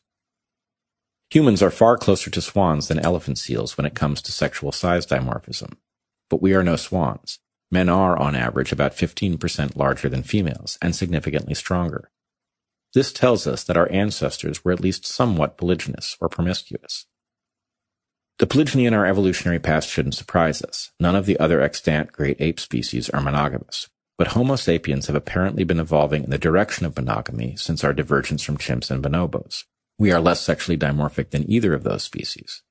And while the majority of human cultures have been polygynous at some point in time, the majority of people alive today belong to cultures in which monogamy is the norm. Monogamy is fragile and easily and often breaks down into polygyny in mammals. Despite this, monogamy is the superior system. Types of mating systems. Mating system refers to the number of mates members of each sex typically have. Broadly, the types are Monogamy. Individuals of both sexes have just one partner at a time. Polygamy. Individuals of one sex have just one reproductive partner, but individuals of the other sex have multiple partners. Subtypes include polygyny, poly, many, gyne, female, one male and multiple females. Polyandry, poly, many, ander, male, one female and multiple males. Promiscuity, Members of both sexes have multiple partners. In humans, this is sometimes called polyamory. To defend the bold claim that monogamy is the superior system, let us start here. Monogamy is the mating system with the greatest potential for cooperation and fairness, beginning with child rearing. In primates, monogamy is also correlated with the largest relative brain size. Across the biota, females are the limiting sex, which allows them to be choosy about their partners. In a polygynous system, sexual partners abound for females, but they are in short supply for males, and, absent an intent to invest beyond the act of sex, males tend to have incredibly low standards for sex partners. If a female does not show obvious signs of a communicable disease, a male is likely to accept just about any willing female, even if she is not of precisely the right species. A tiny chance of producing offspring, even hybrid offspring, is evolutionarily better than no chance at all. Absent monogamy, this is what sexuality reduces to. Females burdened with the entire chore of reproduction, and undiscerning males always on the make.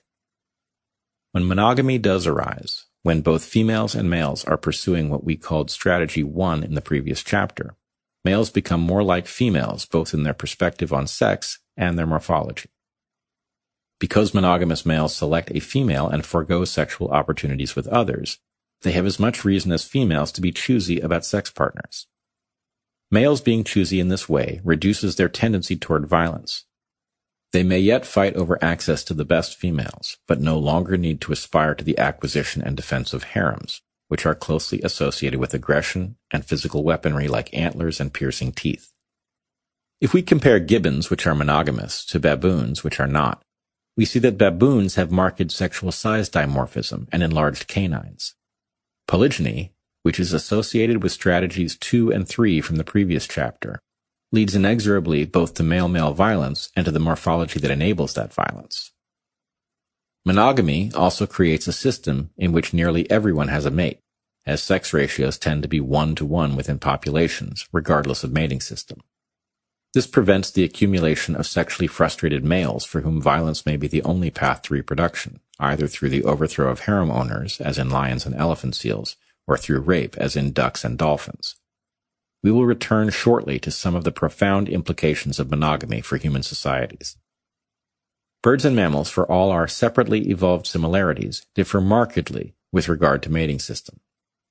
Few mammal species are monogamous, but most bird species are at least somewhat so. That is to say, most birds have extended periods of sexual exclusivity, one male, one female. Some pairings last for a breeding season, some couples mate for life. Why the difference? All bird species lay eggs. Bird eggs, strange as this will sound, are a powerful antidote to male sexual jealousy. That's because avian eggs are fertilized right before the shell goes on, and shortly before they are laid. As such, a male bird need only guard a female against his rivals for a brief period of time before and after mating in order to be certain that he is the genetic father of her brood. Live-bearing mammals, by contrast, have a long period between fertilization and birth, and most males cannot therefore be sure that a female with whom they mated did not also mate with another male around the time of conception. Males without certainty of paternity are unlikely to stick around to pair bond with a female and help raise the kids. Male birds tend to have high certainty of paternity, but male mammals are rarely certain at all. As a result, male mammals tend to abandon mates and offspring when, if they could just be confident of their paternity, selection would clearly favor their sticking around to help. Mammals have a harder time evolving stable monogamy, even though it is, in most regards, the superior mating system. Once pair bonded, a male is faced with a choice. He can merely guard his chosen female against rivals, or he can contribute in some way to the provisioning and care of their offspring. Paternal care is not universal in monogamous species, but it is common. Paternal care increases the chances that offspring will live to be reproductively viable, and also increases the number of viable offspring that can be produced, both of which contribute to the fitness of male and female alike. Monogamy thus expands the reach of love beyond that between mother and child to that between pair bonded mates, and often to between father and child as well. Friendship can also be facilitated by monogamy. Jackdaws, which are relatives of crows, form lifelong pair bonds. As they fledge, they form friendships with jackdaws of similar age, gifting one another with food, which helps them form strong affiliative bonds. Pair bonding also creates an opportunity for a useful division of labor. In a uniparental system, the single parent, usually the mother, simply has to do it all. Pair bonding stands to cut her work in half. Among western sandpipers, mothers incubate eggs in their Arctic breeding grounds at night and fathers take over during the day. Monogamous freshwater fish known as Midas cichlids have fathers that focus on territorial protection and mothers that focus on nurturing their young. Pygmy marmosets, whose mothers spend all their time procuring food sufficient to meet their own and their baby's needs, have fathers that do all the remaining infant care. In humans, there seems to have been a positive feedback loop. As babies got more and more helpless, with longer and longer childhoods, the bond between co-parents got tighter and tighter. Love is a manifestation of the tightness of that bond. As families have evolved, so too has love between siblings. The flip side of such love is sibling rivalry, which is a strong force across all those species in which siblings meet one another. When parents are pair bonded, their offspring will be genetic full siblings. By contrast, in species in which mothers do all the care and males engage wholly in sexual strategy two or three, offspring may be half sibs, so only half is related to one another. From a purely genetic standpoint, full sibs thus have twice the genetic basis for cooperation as do half sibs, Given that monogamy is the route to having full sibs, monogamy thus enhances cooperation between offspring and reduces the tendency of intra-brood conflict. An extreme case of such cooperation is known in naked mole rats, which have evolved eusociality reminiscent of that seen in ants, bees, wasps, and termites. In mammals, the relatedness of siblings has another rather bizarre implication. Illnesses faced by mothers during pregnancy are often the result of a conflict of interest between mother and fetus an often gentle but real tug of war for resources. A mother has a strong interest in dividing resources between her various offspring over her entire reproductive lifespan, whereas a developing fetus, which has hormonal access to its mother's bloodstream and is only 50% related to its mother, has an interest in taking more than its share, so long as its stake doesn't put its mother's life at risk. That conflict of interest is mitigated in monogamous populations in which the fetus has double the interest in the survival of future full siblings compared to populations in which future siblings will be sired by different fathers. From the perspective of a father in a non-monogamous species, another way to put this is that males take advantage of the maternal behavior of females, and their genes continue this parasitism through pregnancy. Implications of monogamy in humans. Sex, gender, relationship, and mating systems. Four topics intimately intertwined and shot through with complexity and significance. There is little more central to the human experience. We discussed these themes in the previous chapter, but here we return to them with a bit more context and nuance. Mating systems shift as ecological conditions change. When resources are in surplus, monogamy is likely favored. It provides a clear advantage at the lineage population level by bringing all able adults into child rearing, allowing the population to capture resources at the fastest rate. When a population reaches carrying capacity, though, and zero-sum dynamics are once again in play, the incentives of high-ranking men tend to shift in the direction of polygyny. Male-male competition becomes a driving force as men with wealth and power seek to dominate the reproductive output of multiple women. In weird countries, this pattern can be obscured because when a man leaves his family to have a new one with a second, usually younger woman, we call him serially monogamous, but in reality, this is clearly a form of polygyny. When polygyny is on the rise in a society, we see an increase in sexually frustrated young men who are willing to take big risks for the possibility of gaining a mate. The lineages of the relatively few powerful males who benefit from polygyny also benefit by arming frustrated young men and sending them abroad with dreams of coming back with a bride or as a marriageable war hero. The possibility of gaining territory and treasure through military adventurism has clear evolutionary implications. It expands the resources available to the conquering population and thereby increases its size. Such military adventurism is also a transfer of resource frontier, which, as we discuss in the final chapter, is a form of theft. The cost of polygyny can still be obscure though, so here are some more from research that models the effects of mating system, monogamy versus polygyny, on fertility and economic status and compares that model with existing empirical data. All else being equal, people in monogamous cultures experience lower birth rates and higher socioeconomic status than those in polygynous ones. Furthermore, the age difference between spouses is smaller. In part, this likely reflects the move away from viewing women and girls as commodities, which strongly polygynous cultures often do. Polygyny is often conflated with a fantasy of promiscuity, in which there is an increase in sexual and reproductive freedom without negative consequence. The sexual revolution would seem to bear this out, but it is an illusion for two reasons. First, absent birth control, promiscuity is good for men who procreate almost without cost and dangerous to women to whom the entire burden of child rearing gets shifted. Second, promiscuity tends to break down into polygyny as powerful men discover that they are in a position to demand exclusivity from multiple reproductive partners, either in sequence or in tandem.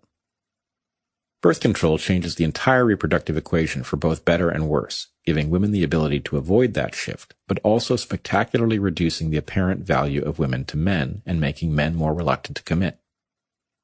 Prior to birth control, women and their close kin guarded their reproductive capacity with tremendous diligence. Because human babies are so hard to raise, a woman who could insist on help from a man would be foolish to forego it. In such a world, men had great incentive to impress women to whom they would commit. Our modern arrangement gives women a lot more freedom to enjoy sex without the risk of becoming single parents, but it also radically undercuts their bargaining position with respect to long-term commitment, especially if they engage in reproductive strategy 3, the short game. Men might seem to be getting the better part of this deal, and indeed with respect to physical pleasure, easy access to sex is a prize from which most men cannot look away. But as we discussed in the previous chapter, the sex in question is low stakes, rewarding in the moment, but meaningless in the long term. Men may physically feel as though they have been judged sexually worthy by large numbers of women, but subconsciously they know that the bar for such acceptance has been lowered so far as to be meaningless. Yes, it is sex, but it is junk sex, formulaic, and without depth. Women may consciously want to enjoy sex without commitment, but they are wired to fall in love with the men they bed because sex, babies, and commitment are evolutionarily inextricably linked for women, Sex and orgasm trigger the release of oxytocin in females, which promotes bonding. The situation is similar for males, except that it is not oxytocin but vasopressin that does the job. The role of these hormones in human sexual and social behavior has been well studied, but their relationship to pair bonding is even more extensively documented in monogamous prairie voles, whence much of what we know about these hormones' role in bonding comes. Given the inherent imbalance of reproductive investment between men and women, though, we predict that the system is even more complex than this, at least where men are concerned. Consider that if you are a man engaging in reproductive strategy two or three, it does not benefit you to fall in love. While reprehensible, these strategies have been effective for men throughout history, so selection has surely facilitated them under some circumstances. Such strategies tend to involve sex quickly upon meeting a sex partner. So we predict that vasopressin will not be released or will be released in far lower amounts in men who are having sex with women they just met. The pair bond facilitating vasopressin, we argue, will be most present in men when they have sex with women they have known for a longer time. If true, what this would mean for women is that sleeping with a guy you're really into on the first or second date will actually decrease the likelihood that he will fall in love with you. In this world of low stakes sex, many men have lost one primary incentive to achieve in myriad realms and have become mercurial about the very commitments that many view as life's greatest source of meaning. Women have been freed from some constraints, to be sure, but released into a world of adolescent sexuality, an endless game of shallow partnerships without purpose. Who wins from this arrangement? Two categories of men benefit the wealthy and powerful who are in a position to have multiple partners, and those who delight in pretending to be interested in commitment in order to bed women in whom they then invest nothing. Some men in both those categories also propose sexual quid pro quo with women trying to advance their careers, a position that women can find impossible to recover from without damage. Somehow, we have replaced a deeply flawed system of mating and dating with one perfectly positioned to transfer all the spoils to kings and cats. Things are even worse where sex ratios have been distorted from their usual balance by war or other forces. When eligible men are scarce, they are in high sexual demand. This puts women in a quandary. How does one get a man's attention when everyone else is attempting the same? Sex sells, and scarce men find many sexual opportunities and little reason to commit. The result is that women who want families in such environments often find themselves having to accept the cost of single parenthood. This is exactly what has happened among men for whom a lack of economic opportunity and underfunding of schools have led to elevated mortality, crime, and imprisonment. In the United States, a large fraction of black men have been forced into such a situation.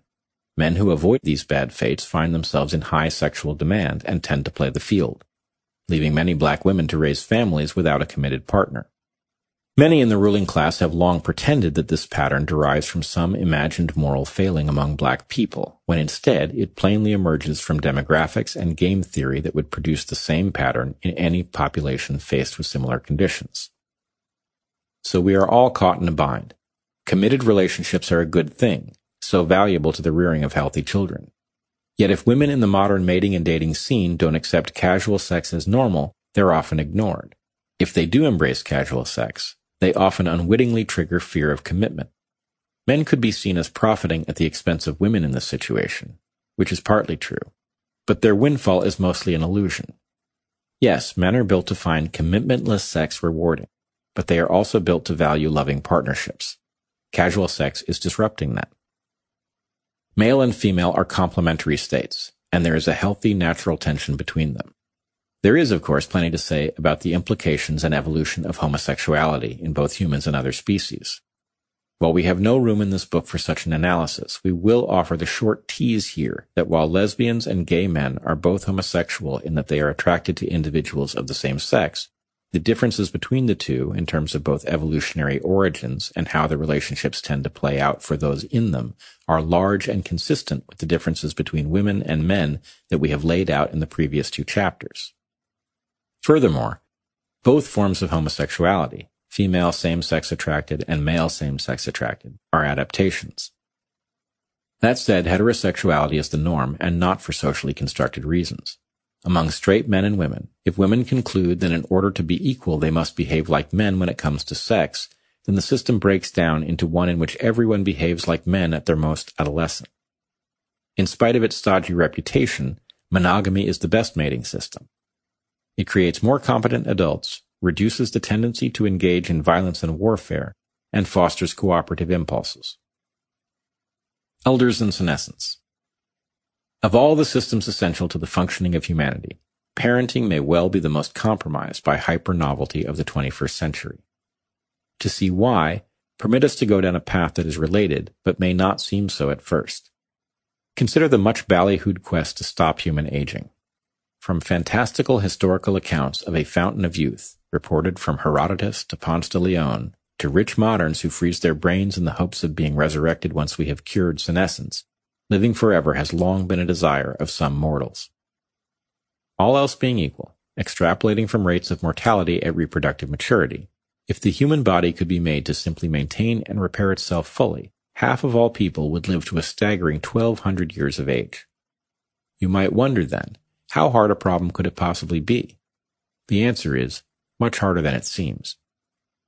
Imagine, though, for the purposes of this chapter, that the senescence of the body turned out to be an easier problem to solve than curing cancer or the common cold. Imagine further that despite major differences between brain tissue and the rest of the soma, senescence of the brain could somehow be cured too. What about the mind? That may seem like a distinction without a difference, but brain and mind are not synonyms. The mind is a product of the brain. Brain is hardware, mind is software. A perfectly functional piece of hardware is of little value if the software and the files are seriously corrupted. If we fixed the brain without somehow retooling the mind, even if every physical pathology of the brain could be banished, most of the centuries of extra life would be wasted in a nightmare scenario of senile minds hobbling youthful bodies. Human minds have a capacity. In order not to fill up with ephemera, we must forget almost everything. A process that leaves us unreliable witnesses to the events of our own lives. At very advanced ages, even the most cogent among us have decidedly fragmented cognition. How much more destructive would the process be if we had to budget for centuries?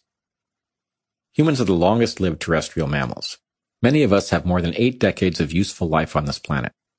But that lifespan pales in comparison to the deep evolutionary solution for the problem of aging, by which we do approach immortality, our descendants. We spend decades acquiring skills and knowledge about how to function effectively in the world, but this hard-won programming is trapped within bodies that soon succumb to the hostile forces of nature. Were we neurologically hardwired by our genomes, we would be born knowing how to be adults, and we could get there directly. Even among organisms that do have parental care, there is often considerable pre-programming. A horse, for instance, is on its feet within minutes of its birth, sensing the world and moving about in nearly adult fashion. And we could do the same if our lives were as straightforward as those of equids. That is not to say that horses have nothing to learn. They must learn both their social roles in their herd and a map of the hazards and opportunities in their environment. But the basic parameters of being a wild horse are similar, no matter the environment. This allows horses to be precocial, highly capable from birth. For humans, it is the opposite. The human niche is niche switching. Our niches transform radically, sometimes over remarkably short distances. Consider again the difference between populations of Arctic hunters who hunt big game a few kilometers inland and those who specialize in aquatic mammals at the coast.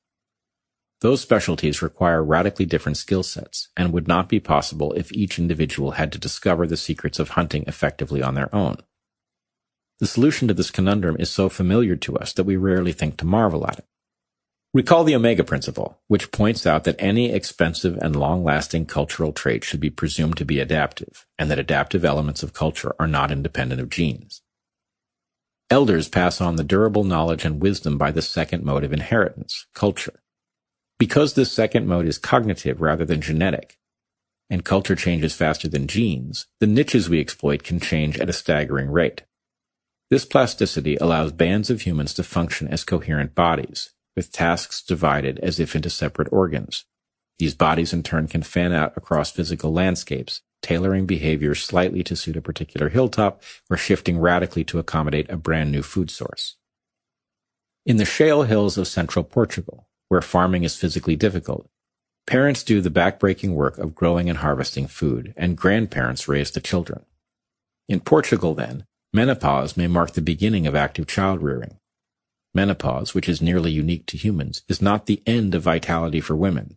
It is the end of direct reproduction. But the ability to provide wisdom and care to the young, to children and to grandchildren, after the risk of continuing to produce new babies is past, can be considered a great gift.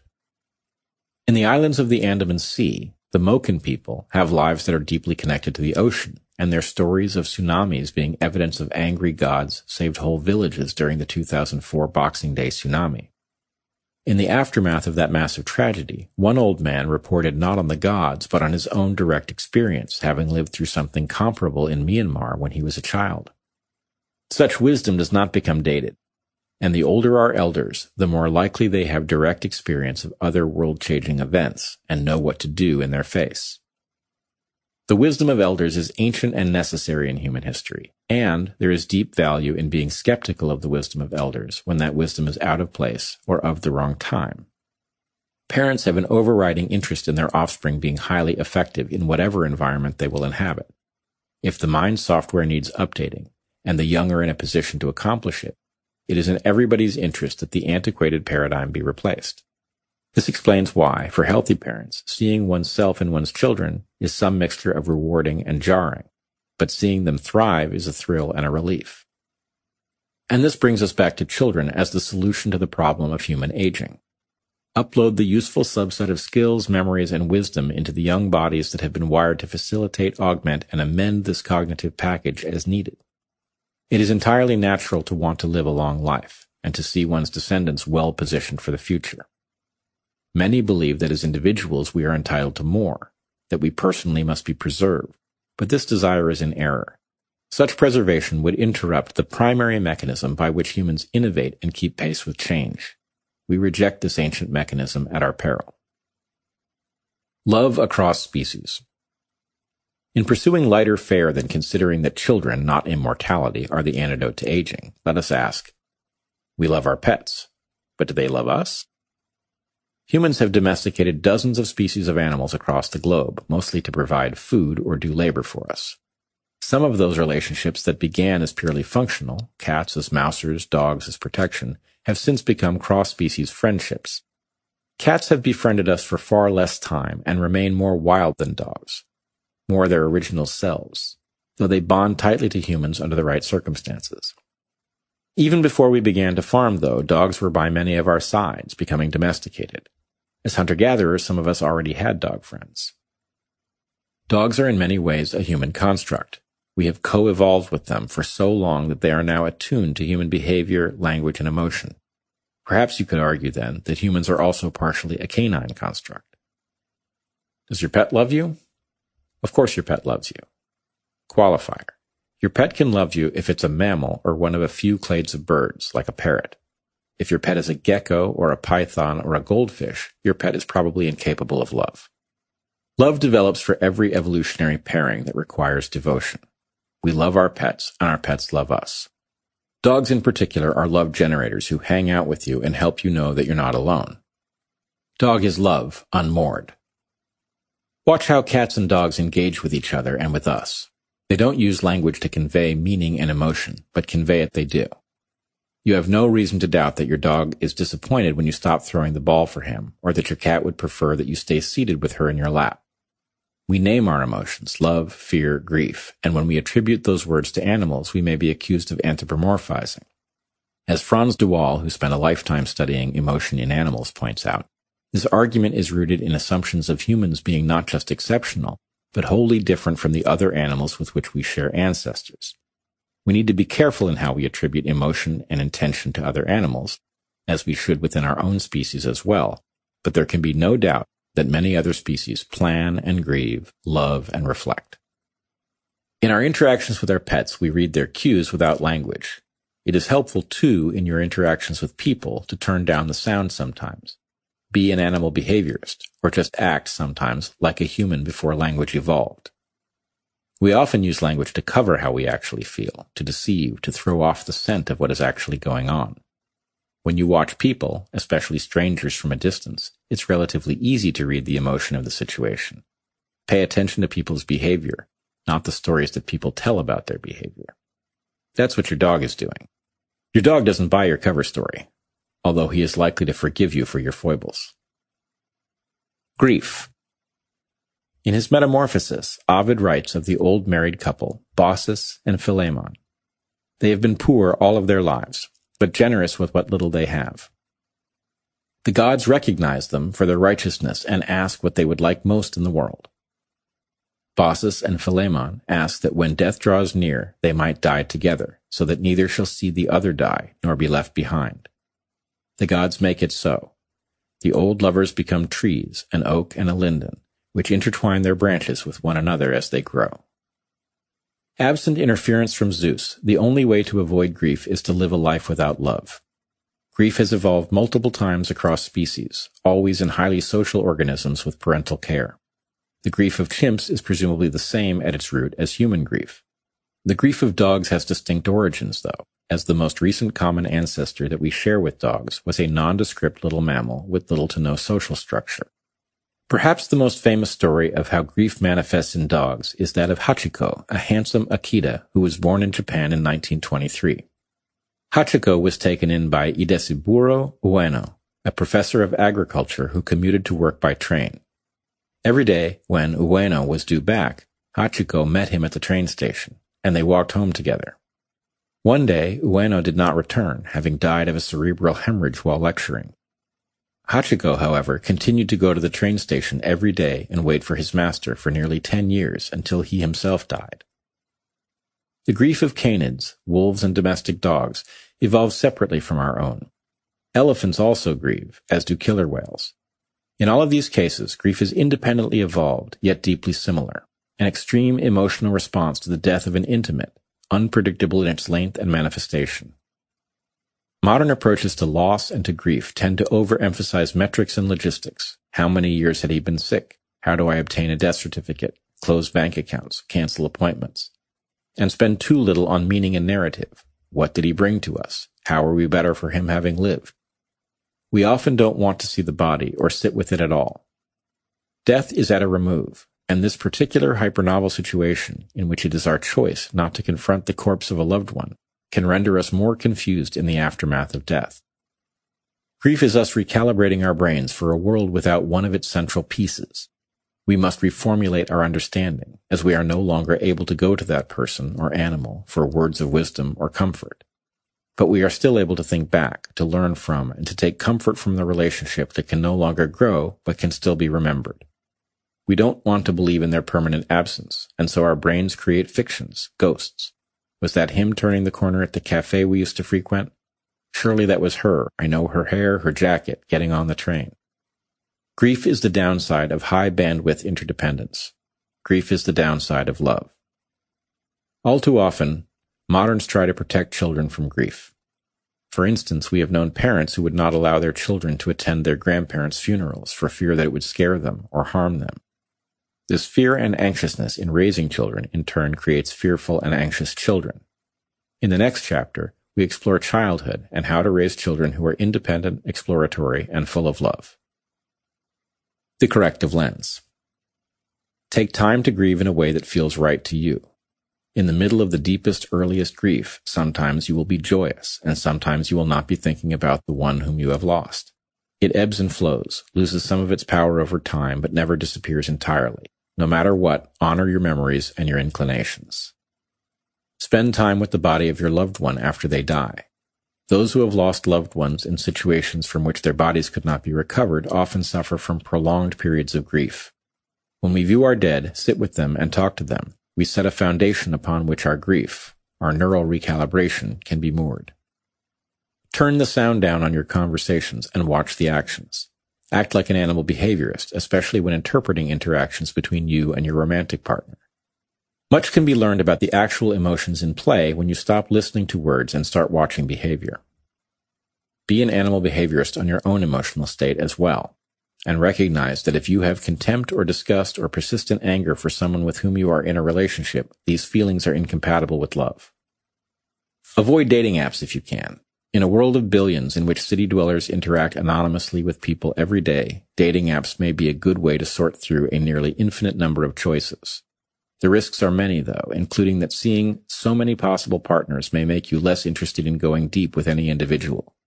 In such a sea of opportunity, it is also possible to become a perfectionist, to get the sense that the perfect one must be out there if you just keep swiping long enough. Best to have real life interactions early and often in any relationship that you think might be worth developing. Encourage alloparenting of your children by grandparents, older siblings, and friends. If you have only adult women or only adult men in your household, an alloparent of the opposite sex stands to be particularly beneficial for your children. Breastfeed your infants if you can. Adults who were breastfed have better formed palates and better aligned teeth compared to those who were bottle fed. And breast milk has in it all manner of nutrients and information that we do not understand. It may, for instance, contain cues with which the infant entrains his sleep-wake cycle. Thus, if you do breastfeed and also pump milk to feed the baby at other times, feeding your baby milk that was pumped at the same time of day as it currently is could be helpful in getting your baby to sleep when you want him to. Put another way, beware Chesterton's breast milk. Chapter 9 Childhood Childhood is a time of exploration. It is a time to learn rules, to break rules, and to make new rules. When our older son Zach was five years old, he innovated a new mode of locomotion downstairs, which involved a large rubber ball and a mattress. It worked well, until it didn't. His arm break required the surgical insertion of metal pins to stabilize the growth plate of his humerus, and another surgery six weeks later to remove them. But he healed beautifully and innovated with more wisdom going forward. A young orangutan, following his mother through the trees, may whimper and call for her upon reaching a gap that is too large for him to cross. She will return and bridge the gap, allowing him both to cross and to see how it is done. Young ravens spend years in large social groups after they become independent from their parents, and before they form pair bonds with long-term partners. Alliances form during this time, but conflicts also arise, and those ravens that figure out how to reconcile with one another experience less aggression going forward. When a young snow monkey named Imo innovated cleaning her sweet potatoes by dipping them into the sea, the adults in her troop were slow to take notice. They lived together on a tiny islet in Japan, but only two adults in the troop copied her behavior over the next five years. The young monkeys, though, the other children and subadults watched and learned. Five years on, nearly 80% of the juvenile monkeys were cleaning their sweet potatoes in the style of Imo. During childhood, we learn how to be. We also learn who we are, and we dream about who we might become. Humans are not blank slates, but of all organisms on Earth, we are the blankest. We have the longest childhoods on Earth, and we arrive in the world with more plasticity than any other species, meaning that we are the least set in stone. Software, which is the interplay of experience and knowledge with capacity, is more important in humans than in any other species. A profound demonstration of this can be seen in the peopling of the Americas. A handful of ancestors came into the New World with Stone Age technology and diversified into hundreds of cultures across two continents, inventing writing, astronomy, architecture, and city-states along the way, the pace of change being far too rapid to be attributable to genes. It all took place on the software side. Our ability to learn language is part of our hardware. Nearly all human babies have this competence latent in them. Which language a baby will speak, however, is entirely context dependent. That's software. Furthermore, we quickly lose some of our ability to hear and construct the phonemes and tones of languages that are not in our environment, regardless of our particular ethnicity or lineage. Just as we are born with more neuronal potential than we use, most of our neurons die off before we become adults, we are also born with more linguistic potential than we use, and some of it is lost during childhood. We are born with broad potential, and that potential narrows over time. On its surface, the paring down of initial capacity may seem like a tremendous waste. So why do we do it? The answer is that when we are born, we are in a mode of exploration. We cannot predict ahead of time precisely what neurons we will need or what language we will speak, so we are born with a surplus of capacity. This permits us to optimize our minds to whatever world we find ourselves born into, without the need for prior knowledge. We are born to explore the world around us, discover its secrets, and structure our minds accordingly. Once this job is done, we shed our surplus capacity, lest it become a metabolic liability, all cost and no reward. Humans are social, with long lifespans, and have overlap between generations. Grandparents, parents, and children may all live in the same place at the same time. These characteristics also apply to the other apes, to the toothed whales, dolphins and orcas, and to elephants, to parrots and corvids, crows and jays, wolves and lions, and more. All species that are social, are long-lived, and have generational overlap also tend to have long childhoods. These other species' childhoods come with tantrums and play, emotional depth and cognitive capacity, just like ours.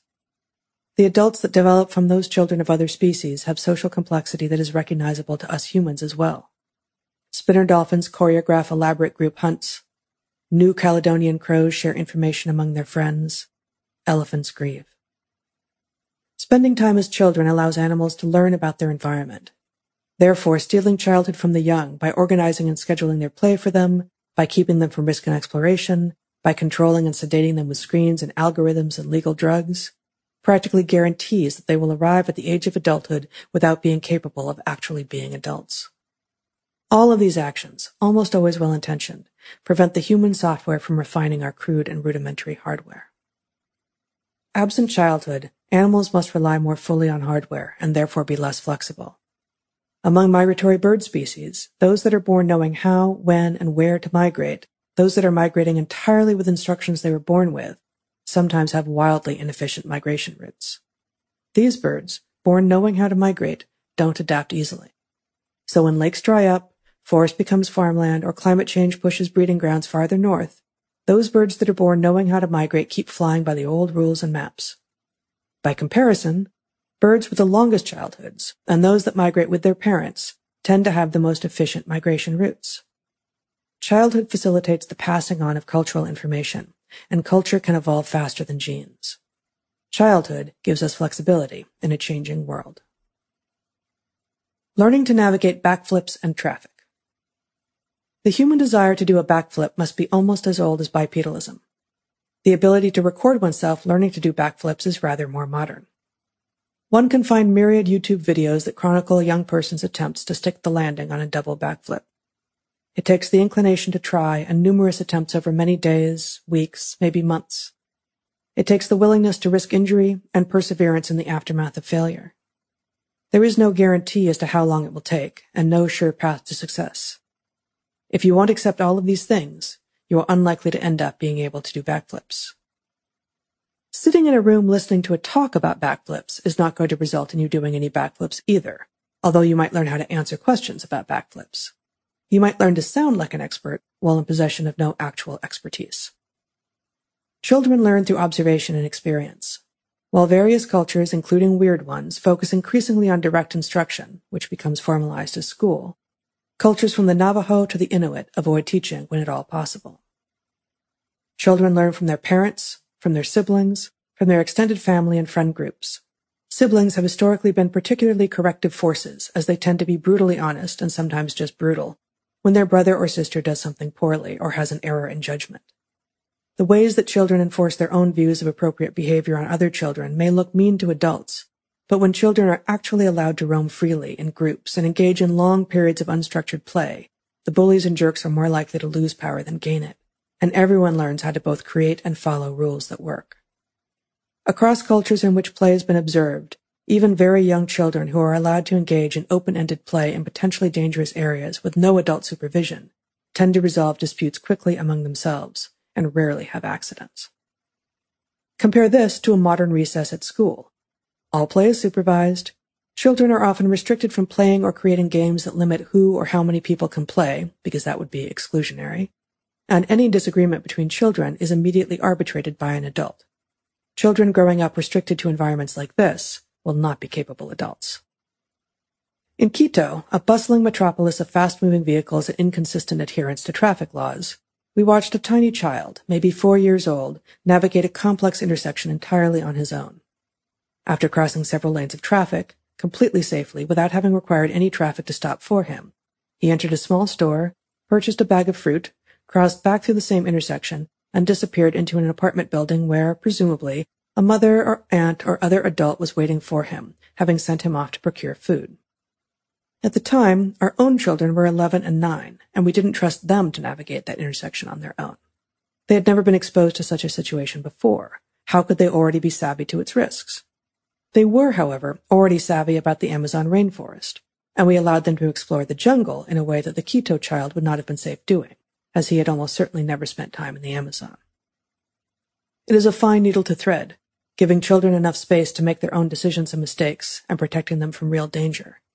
Our societal pendulum has swung too far to one side, to protecting children against all risk and harm, such that many who come of age under this paradigm feel that everything is a threat, that they need safe spaces, that words are violence. By comparison, children with exposure to diverse experiences, physical, psychological, and intellectual, learn what is possible and become more expansive. It is imperative that children experience discomfort in each of these realms, physical, psychological, and intellectual. Absent that, they end up full grown but confused about what harm actually is. They end up children in the bodies of adults. Children are perfectly designed to acquire and to want to acquire the skill set that they will need as adults. We moderns have disrupted this to a remarkable degree. Children will self-program if we let them. Similarly, adults will provide a roadmap to the environment in which their children are growing up, unless market forces intervene, a point to which we will return at the end of the book. Buying snake oil in the form of authoritative parenting books, well-intentioned though they may be, is now considered a badge of good parenting, but it should not be. We say that knowing that we are, in part, presenting as authorities offering parenting advice. Meanwhile, trusting yourself to do right by your child and to let your children explore and take risks gets the side eye. This is backwards land. Plasticity. Childhood, and by extension parenting, is an interplay of love and release, of holding someone close while also giving them freedom to explore, even perhaps to leave. In biology, we speak of plasticity, often phenotypic plasticity, to refer to the many outcomes that are possible from the same starting materials. Roughly speaking, a genotype, say the alleles for brown eyes, produces a phenotype, the actual brown eyes. Phenotype is the observable form of an organism. For many traits, though, a particular genotype encodes information for a range of possible phenotypes, and interactions with the molecular, cellular, gestational, and external environment determine what phenotype will actually be produced. Phenotypic plasticity allows individuals to respond in real time to changing environments, to avoid being canalized into set patterns and lifeways by their genes. The skulls of dominant wild hyenas are big and robust, with large sagittal crests on top and broad zygomatic arches at their cheeks. Both of these structures provide places for muscles to attach, much needed if you're in the business of asserting your dominance with your teeth. Compare this to the skulls of hyenas born and raised in captivity, which have no such structures. The different environments of wild versus captive hyenas affect what form, morph, they have. In the same vein, human children who choose soft processed foods have smaller faces as adults than those who grew up chewing hard, tough food. Spadefoot tadpoles can grow slowly into omnivorous morphs, or if they are tightly packed and running out of time and space in the ephemeral pools in which they live, they can grow more quickly into larger, fiercer cannibal morphs and feed on each other. Which morph a spadefoot tadpole develops into is entirely context dependent. When temperatures soar, zebra finches communicate this to their unhatched chicks. Zebra finch chicks whose parents told them about high temperatures while they were still in their eggs alter their begging behavior as nestlings, and when they become adults, they prefer hotter nest sites. Even our critically important aortic arch, the first arterial branch off the heart that takes oxygenated blood to the body, has several common anatomies within human populations, which can develop from highly similar genetic starting gates.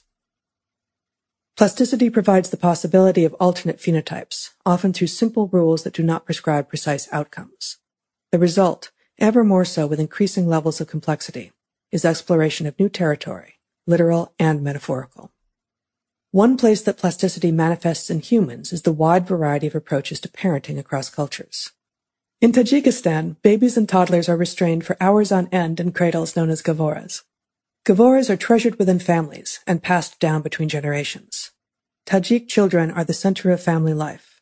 Mothers, grandmothers, aunts, and neighbors are always available and immediately respond to cries from a cradled baby with food, singing, or other comfort.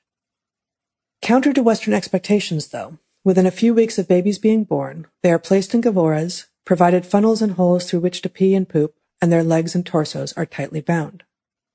Children thus cradled can move their heads but little else.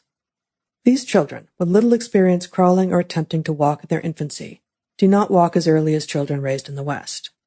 The World Health Organization's formal expectations for when children start to walk are between 8 and 18 months, and yet Tajik children may not walk until two or three years of age. Are the Tajik babies dullards or physically incompetent? No.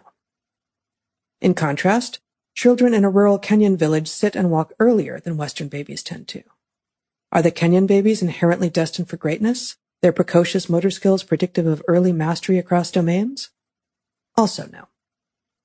Variations in baby raising culture across humans exemplify some of the great plasticity that humans have. Kenyan babies walk earlier than Western babies, but all but the most severely disabled Western babies learn to walk soon enough. Weird parents are not just focused on our children, we are focused on the metrics that are easily recorded and conveyed to others. The when of our child's first smile, word, or step. Once we have such metrics in hand, we are easily confused into imagining that the when is a critical measure not just of health, but of future capacity. Once again, the easily measured thing, the calorie, the size, the date, becomes an inaccurate stand-in for a larger analysis of the health of the system. By believing in the false notion that when a benchmark is met is the salient measure of health and progress, we play into our modern fear of risk. It is risky for my child to miss a benchmark. It is risky for me not to force my child to meet arbitrary deadlines. Such parental focus can instill fear in our children, which they carry forward as an aversion to risk. Fragility and anti-fragility. Humans are anti-fragile. We grow stronger with exposure to manageable risks, with the pushing of boundaries. As we grow into adults, exposure to discomfort and uncertainty, physical, emotional, and intellectual, is necessary if we are to become our best selves. Just after fertilization, the zygote is incredibly fragile. A large percentage of pregnancies end in early miscarriage, and in many of these cases, it happens so early that the woman never even knows she was pregnant. With every passing day, the zygote becomes more robust, more resilient, and more capable. But even at birth, the baby isn't exactly ready to rock and roll. We are born unformed, in need of active, nearly constant parental care for a long time. From extremely fragile zygote to fairly fragile baby to ever less fragile child and young adult, the goal for the individual and their parents is that they become anti-fragile, not merely unfragile. In part, this takes recognizing that development is a continuum. Just as mothers to be are advised not to feed their fetuses alcohol by drinking when pregnant, we don't give alcohol to babies or toddlers. The line grows fuzzier and fuzzier over time, though, and at some point it becomes okay for a young person to drink alcohol, because the anatomical and physiological systems are developed enough to deal with the insults and injuries that drinking brings. Similarly, we don't expose our children to physical or emotional risk in utero if we can help it. Birth seems like this bright line, a clear and unambiguous border, and it is in some regards. But the less of a bright line we can make it for the baby, the stronger and more anti-fragile that baby will grow up to be. Expose children to risk and challenge is therefore a rule, like so many rules in complex systems, that is context dependent. So while exposing your child to ever greater risk as they grow up is integral to their becoming anti-fragile, you cannot do so by simply throwing them in the deep end. First, you must make sure that your child knows, at the deepest level, that they are loved, that you have their back, and that no matter what, if they are in trouble, you will do everything possible to come in and get them. Bond tightly with your children early on. As we have shown, different cultures do it differently. We are fans of attachment parenting, carrying your child as you move through the world, so that they see what you see and are in literal contact with you, and co-sleeping with your baby, which, contrary to some reports, makes having an infant easier on parents, not harder. When your baby cries, go to him. Assure him that he is not alone. A child thus treated is likely to have the confidence pretty early to go out adventuring because they know that someone, their parents, have their back no matter what. So when some parents try to make their babies resilient by putting them alone in dark rooms and expecting them to learn to comfort themselves, those parents are not understanding what sort of being they have on their hands. There is nothing in our millions of years of evolutionary history that should lead an infant to feel secure alone in a room. The screaming that results may actually not just be maddening to parents, but may also be a way for a baby to assess whether or not she's safe from danger. If she's safe, and helpless infants, unlike college students, do need safe spaces, she can go about her business learning how to be a human. It may not look like she's learning much, but she is and the neural circuits that she's laying down now will almost certainly look different if they emerge from a position of, I'm confident and secure because I am taken care of, as opposed to, I don't know what's what. The latter is likely to produce fear and anxiety. The fact that the child has no idea what she is doing or why does not make it any less real or any less evolutionary. The calculus involved in the building of a snail shell is real, but no sane person concludes that snails are consciously doing calculus. The younger the child, the more secure and safe she needs to know that she is, which creates the inner strength and resilience to go out and explore sooner and with greater skill and courage. Just because a parent knows that he adores his child and would let harm come to himself in order to protect her does not mean that this is known by the child. Tiny larval forms can't know that yet. The only inputs a baby can take in are, when I communicate my needs, are they met? Do I have evidence that my parents are present when I call for them? Of course, children will quickly learn to test the system and to try to game their parents. Parents and children are together for the long haul, and children are selected to figure out parental moves and to attempt to manipulate them. Indeed, manipulation begins before birth. A fetus is selected to extract resources from its mother even as the mother is selected to provide for her child, while also keeping some in reserve, both for her own health and for that of future children. Static rules don't work with children. Rules have to be nimble, able to change as the child matures, and responsive to both the needs and the tactics of the child. That being said, as early as possible, and really far earlier than there is any expectation that the child can understand what you are saying, talk to your children as if they are mature and responsible beings. Hold them responsible for their actions and for ever more of their needs as they grow up. Give them real work to do, not busy work. Do not make false threats. If you keep doing that, I'll turn this car around. Always make sure that they know they are loved. With full understanding that luck and timing are beyond a family's control, and that even the best laid plans in parenting are no guarantee of success, allow us to tell you how this has looked for us. With our own children, we have expected them to make their own breakfasts and lunches on school days since they were in elementary school, as well as to feed the pets daily and do their own laundry every week. We also gradually exposed them to a wide range of risks. By the time they were 10 years old, they were trustworthy on top of mesas in eastern Washington, with coral snakes in the Amazon, in forests and surf at various locations, but less competent in cities. When they did get hurt in minor ways, we didn't put bandages on boo-boos, Instead, we told them to get up when they fell and get back on the bike or scooter or up the tree. But when they were tiny, one of us was usually touching the child, wearing him, carrying him, sleeping with him. Now they are adventurous and polite, with senses of humor and justice. They know to honor good rules and question bad ones. We have told them that sometimes we'll make mistakes and give them bad rules, but we are 100% on their team, and they should ask why our rules are what they are but it is counterproductive to simply break them for the sake of breaking them. For the most part, they don't.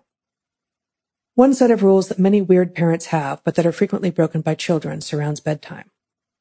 How do you increase the chances that you will end up with children who literally never come out of their bedrooms after bedtime, as we did, thus securing hours, weeks, months of time for the other adults in your life? For the first yearish of their lives, our boys slept with us or next to us, and when they cried, we responded quickly. Sometimes it felt endless, to be sure, but in short order they didn't cry much.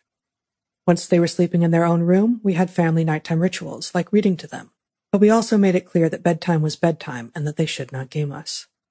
When it was time for bed, we tucked them in, and neither of them ever did come out of their room with nighttime demands. We believe that this is in part because they knew that we were there, and that if they really needed us, we would come. Play and tinkering and sport. Humans are both competitive and collaborative. We cannot be human without both of these things, and unstructured play reveals both in children. Play, it has been proposed, serves to enable mammalian children to develop kinematic and emotional flexibility for use in unexpected and uncontrollable situations. In young golden lion tamarins, small Brazilian monkeys with orange manes, play can be wild and raucous. It costs metabolic energy and forces adults to be vigilant on their behalf as the risk of predation from hawks, big cats, and snakes is real for these diminutive monkeys. Despite these costs and risks, complex play persists, and so, harkening back to the three-part test of adaptation introduced in Chapter 3, play must be adaptive. Play can look so many ways. Broadly speaking, play can explore the physical world, the social one, or some combination of the two. There is terrific value in tinkering, in taking physical objects and moving them through their paces, and taking them apart and seeing if they go back together again. We are both old enough to remember hobby shops and Radio Shack being places that facilitated such investigation. The decline and demise, respectively, of such spaces, in combination with widespread replacement of mechanical parts with electronic ones, in everything from cars to toasters, means that this kind of play is more difficult to come by in the 21st century. It is well worth seeking, however. This investigation of mechanical space is no less exploratory than a hike off trail through physical space. Many girls are more likely to want to explore explicitly social space, staging tea parties in which they act out the words and intentions of their guests, which may be dolls and stuffed animals in advance of having real guests with whom they can interact. And that, too, is exploratory. Formal sport often brings both together, especially team sports. Team sports can bring the physical and social together in a fun and creative way and are a valuable platform for exploration. They are not for everyone, but sports are one way to ensure physical skill, and physical skill facilitates mental clarity and strength.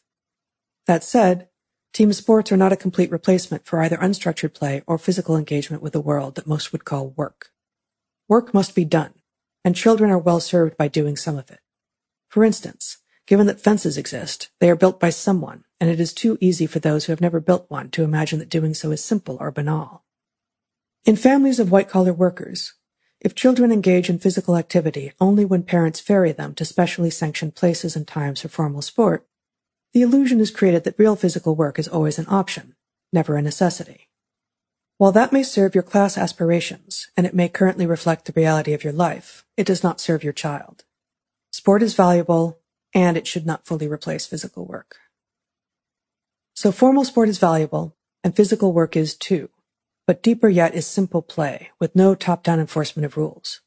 When children play a pickup game in their neighborhood, making up the rules as they go, or modifying rules for established games for whatever court and gear they have at hand, they are learning deep truths from play. Those children learn even more if they are of many ages and skills. Younger children gain access to activities they could not do alone, are able to observe activities they are not ready for, and receive mentorship and emotional care beyond that which their peers could offer.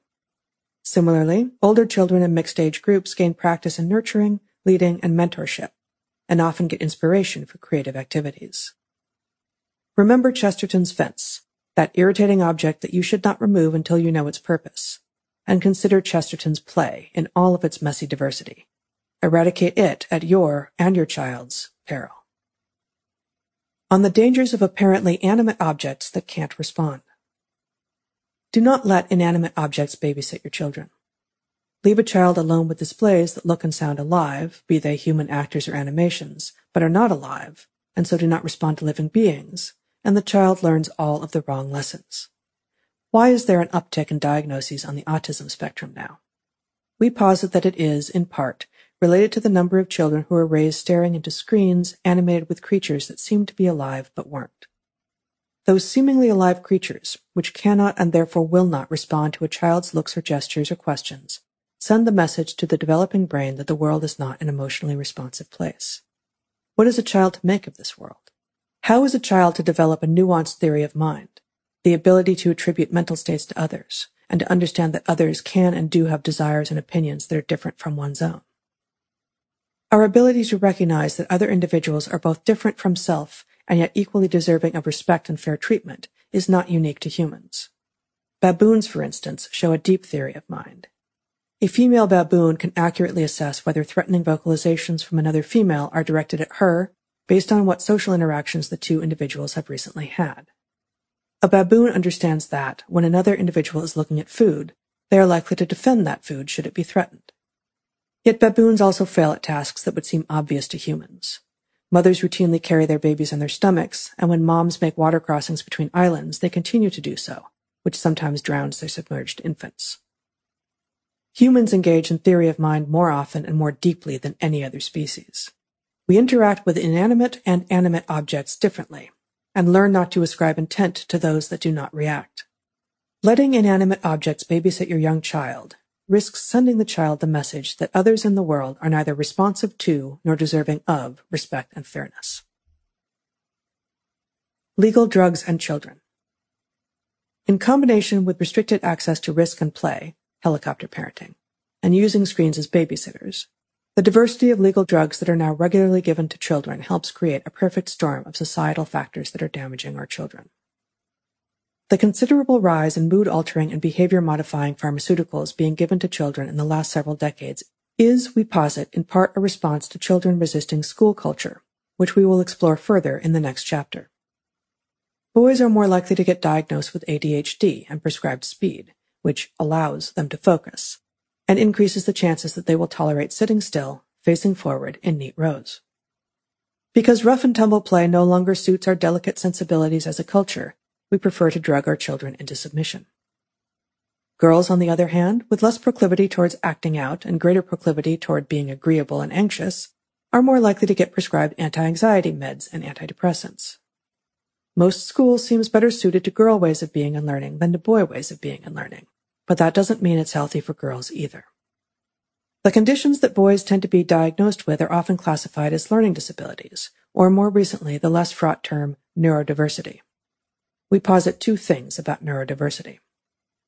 First, except for rare extreme examples, many people who exhibit neurodiversity benefit from trade-offs that allow them enhanced insight or skills in other areas. There is also value simply in being the rare phenotype, in looking at the world differently from how the majority sees it. This logic applies not just to people who have autism spectrum disorder, especially if they are high functioning, but also to people who have ADHD or are dyslexic, dysgraphic, colorblind, left-handed, or more. Given a choice, you might not choose any of these traits for yourself or your children, but that preference may say more about our inability to understand trade-offs, especially cryptic intellectual trade-offs, than it does about what is actually beneficial for individuals and for society. Second, while learning differences aren't inherently good or bad, they can serve to break bad educational relationships. A good teacher-student relationship is liberating, but a bad one can be devastating. And this is made more likely by the quantification of teaching that can turn teachers into SEAL trainers rather than holistic educators. Once education has become highly canalized, directing people unswervingly into banal and generic choices, the canals themselves become toxic. Having a learning disability can free a person from even being able to play in the toxic canals, which can force such young people to forge their own educational path. This provides a view not only into the current metric-heavy system, one that too often fails to reveal wisdom or capacity, but also into a better alternative future, one in which there are multiple routes to becoming successful, productive, and anti-fragile. But the pharmaceutical industry has found in neurodiversity yet another opportunity to profit. Because having quiet and compliant students suits schools that have too many children and too few resources, much neurodiversity is now being suppressed with drugs. In our own experiences teaching college undergrads for 15 years, we received health histories from all of our students nearly every quarter in advance of taking them on multi-day field trips to the scablands of eastern Washington, the San Juan Islands, the Oregon coast. By the late aughts, 2008, 2009, some of our academic programs had a populace in which more than half of the students were still on or had as children been on mood-altering pharmaceuticals. Again, typically but not always, speed for the boys, anti-anxiety and anti-depression meds for the girls. That number did decline some in the years that followed, although this happened in parallel with an uptick in doctor-prescribed exogenous cross-sex hormones and hormone blockers. And there was always a substantial minority of students on something prescribed by a doctor. Many of these students were actively trying to wean themselves from these cocktails. Some of them were even successful. Does a butterfly remember how to be a caterpillar? As a child grows, from toddler to early child into the tween and teen years, that child changes. It is not just the child's anatomy and physiology that are changing, though. Her size and shape, her proportions. Her brain is changing too, her psychology. These changes, this process by which we learn how to be adult humans, are indeed the point of childhood. So it is particularly challenging being a child in an era when there are permanent reminders of an earlier time. When, as a 13-year-old, you see a photograph of yourself as a six-year-old, you know that you both are and are not the same person you were then. You are in the act of transformation. As humans, we can and do continue to transform throughout our lives, but the most intense period of transformation is childhood, just as identity is being formed. The fact of transformation can make it challenging to reconcile who you were in early childhood with who you are in late childhood. More challenging yet is reconciling who you were in late childhood when perhaps you thought yourself already an adult with who you are as a young adult. This is made even more difficult with a permanent record of those earlier phases always around to remind you. If running into photographs of you in an earlier instantiation is difficult to reconcile with the new and updated you, Social media make this orders of magnitude worse. If you are a middle-class 14-year-old in the weird world today, you are likely on social media, posting evidence of your awesome self. Just a few years later, those earlier posts seem to provide evidence of what you were, even if you yourself know that the posts were, at best, curated, at worst, outright lies. Children are now competing with earlier versions of their own selves. Combine calls to be your authentic self with a Western cultural norm of always being right, and early social media posts are destined to confuse and thwart children as they should be metamorphosing into their adult forms. If running into photographs that you and your peers put on social media beginning in your early teen years is difficult, it only gets worse the earlier that record starts. If you are on social media in middle school, your identity is bound to be confused and confusing. If your parents were posting images of who you were at seven, and you have those to compare to as well, it's harder still. Yes, we deserve to have photographs of our children at all stages of development. In general, those photos should not be on display for everyone to see, unless they clearly represent a particular moment in time that is not meant to be universal. We are being solidified by modernity into states that, in prior eras, would have been more ephemeral. Consider the philosophical question, first introduced by the ancient Greeks, of the ship of Theseus. If over time this ship has a plank replaced because of rot, then another, and another, such that ultimately every single original part has been replaced, is it still the ship of Theseus? Is it in fact the same ship? With an individual organism, even more than for a ship, the answer might be both yes in one sense and no in another. Yes, we have a continuous lifeline from our birth until our death. Yet the transformations that occur, most intensively as we move from childhood to adulthood, mean that we are not the same beings as we were, and that if we try to hold ourselves to a previous identity, we will restrict our future. So, does a butterfly remember how to be a caterpillar? It does not. The incomplete nature of memory in this case is not a flaw in the programming. There is no need for a butterfly to remember its caterpillar life. Similarly, adult humans remembering precisely how they thought about the world when they were younger is not, in general, necessary to living a good life, especially if those thoughts and images are doctored, not reflective of what was actually true. Being constantly reminded of what we looked like, how we acted, what thoughts we decided to post on social media when we were younger and different is actively getting in the way of the ability to grow up. This applies to adults as well as children. The corrective lens. Do not expect your children to keep up with the Joneses. Some developmental delays are indeed delays and indicative of physical or neurological problems. But development is wildly plastic and doesn't always happen in the order you expect it to or at predetermined moments. Don't panic if your kid isn't reading in the second grade. The chances he's going to grow up illiterate are slim to none. Earlier is not necessarily better. Early walkers, talkers, or readers do not inherently become more adept, smarter, or more productive adults. Encourage active engagement with the physical world. Do this mostly by modeling it, but also by making opportunities and, to some extent, toys that make it easy and fun available. Allow mistakes. Expect accidents, falls, minor injuries. Be prepared for the possibility of larger injuries. Remember that people do not learn exclusively from being told what others have learned, especially physical truths. They have to have the close calls themselves. Do not let inanimate objects babysit your children, especially if those objects are masquerading as animate ones. Do let children play without adult supervision as early and often as possible. This includes in game and sport situations where there are established rules.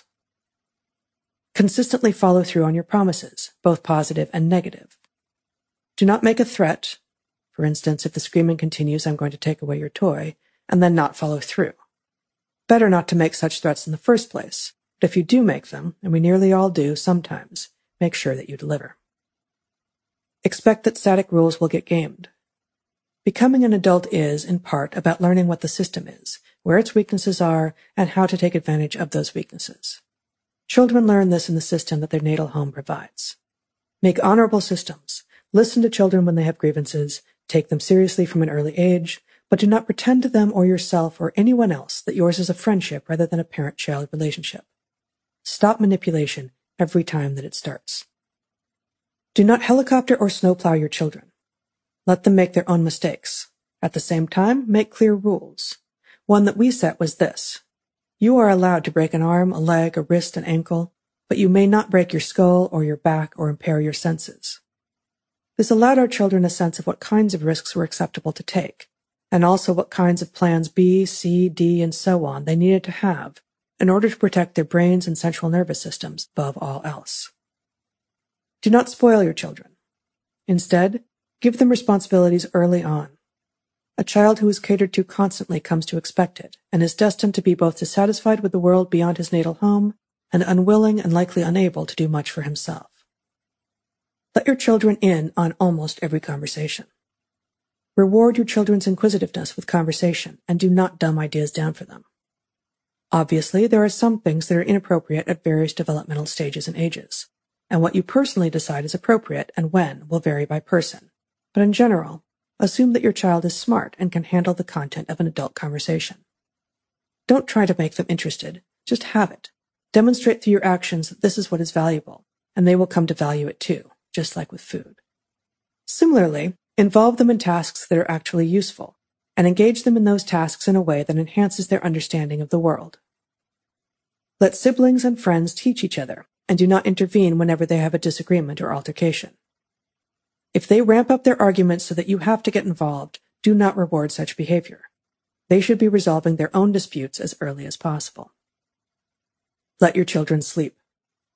Sleep plays a crucial role in brain development, and when synapses, the connections between neurons, are being generated at a very high rate, sleep expands in scope as well. Do not succumb to dominant parenting expectations. Most of them are silly, at best unnecessary, at worst actually harmful. Listen to your own self and don't let parental peer pressure get you doing things that you take issue with or that feel wrong for your children. Examples might include constant play dates or scheduling lots of meetings and lessons. Do not make a habit of displaying your children on social media. Provide ample free time for your children and, if possible, allow them to explore unwatched during that time. Many moderns, however, live in situations that do not allow for this. Be the kind of person you want them to become. Monkey see, monkey do. Don't be surprised if your children eat processed food and ask to buy things at every store, if that's what they see you doing. Chapter 10 School In the Anthropology of Childhood, Cherubs, Chattel, Changelings, David Lancy writes, Children across cultures and through time have managed to grow to adulthood and learn to become functioning members of their society without the necessity of schooling. Jump to the 21st century, and we find a world where childhood without schooling is unthinkable. In A Different Kind of Teacher, Solving the Crisis of American Schooling, John Taylor Gatto writes, The primary goal of real education is not to deliver facts, but to guide students to the truths that will allow them to take responsibility for their lives. The western Amazon was experiencing a drought. Our class of 30 undergraduates, plus our boys, then 9 and 11 years old, were staying at a remote site on the Shiripuno River. The Shiripuno flows into the Cononaco, which feeds the Curaray, then into the Napo, and finally the Amazon itself. It was searingly, blindingly hot. Bret, our boys, 10 students, and our skilled guide Fernando were hiking through the jungle to find a salt lick, where animals congregate to replace precious nutrients. It's always dark in the understory, but the light fell even more as, after far too long without rain, water began to pour from the sky. Soon the trail was a stream, and soon after that it had disappeared entirely. Fernando advised the rest of them to stay put while he retraced their steps and refound the trail. Winds kicked up, whipping the canopy branches wildly. As the monkeys fell silent, the forest itself began to howl, trees joined by lianas pulling against one another, the tension forcing high-pitched squeals. Into the middle of this came a distinct, sharp crack. Seeing movement just before it crashed down on them, Bret dove onto the boys, covering them and flattening them to the ground. They disappeared under a massive canopy tree. Buried under foliage and branches, they had been hit by the crown, but not by the trunk.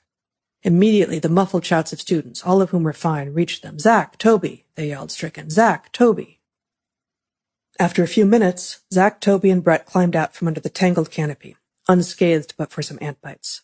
The winds were still high, rain streaming down, the forest floor now a maze of fast-moving streams, but everyone was safe.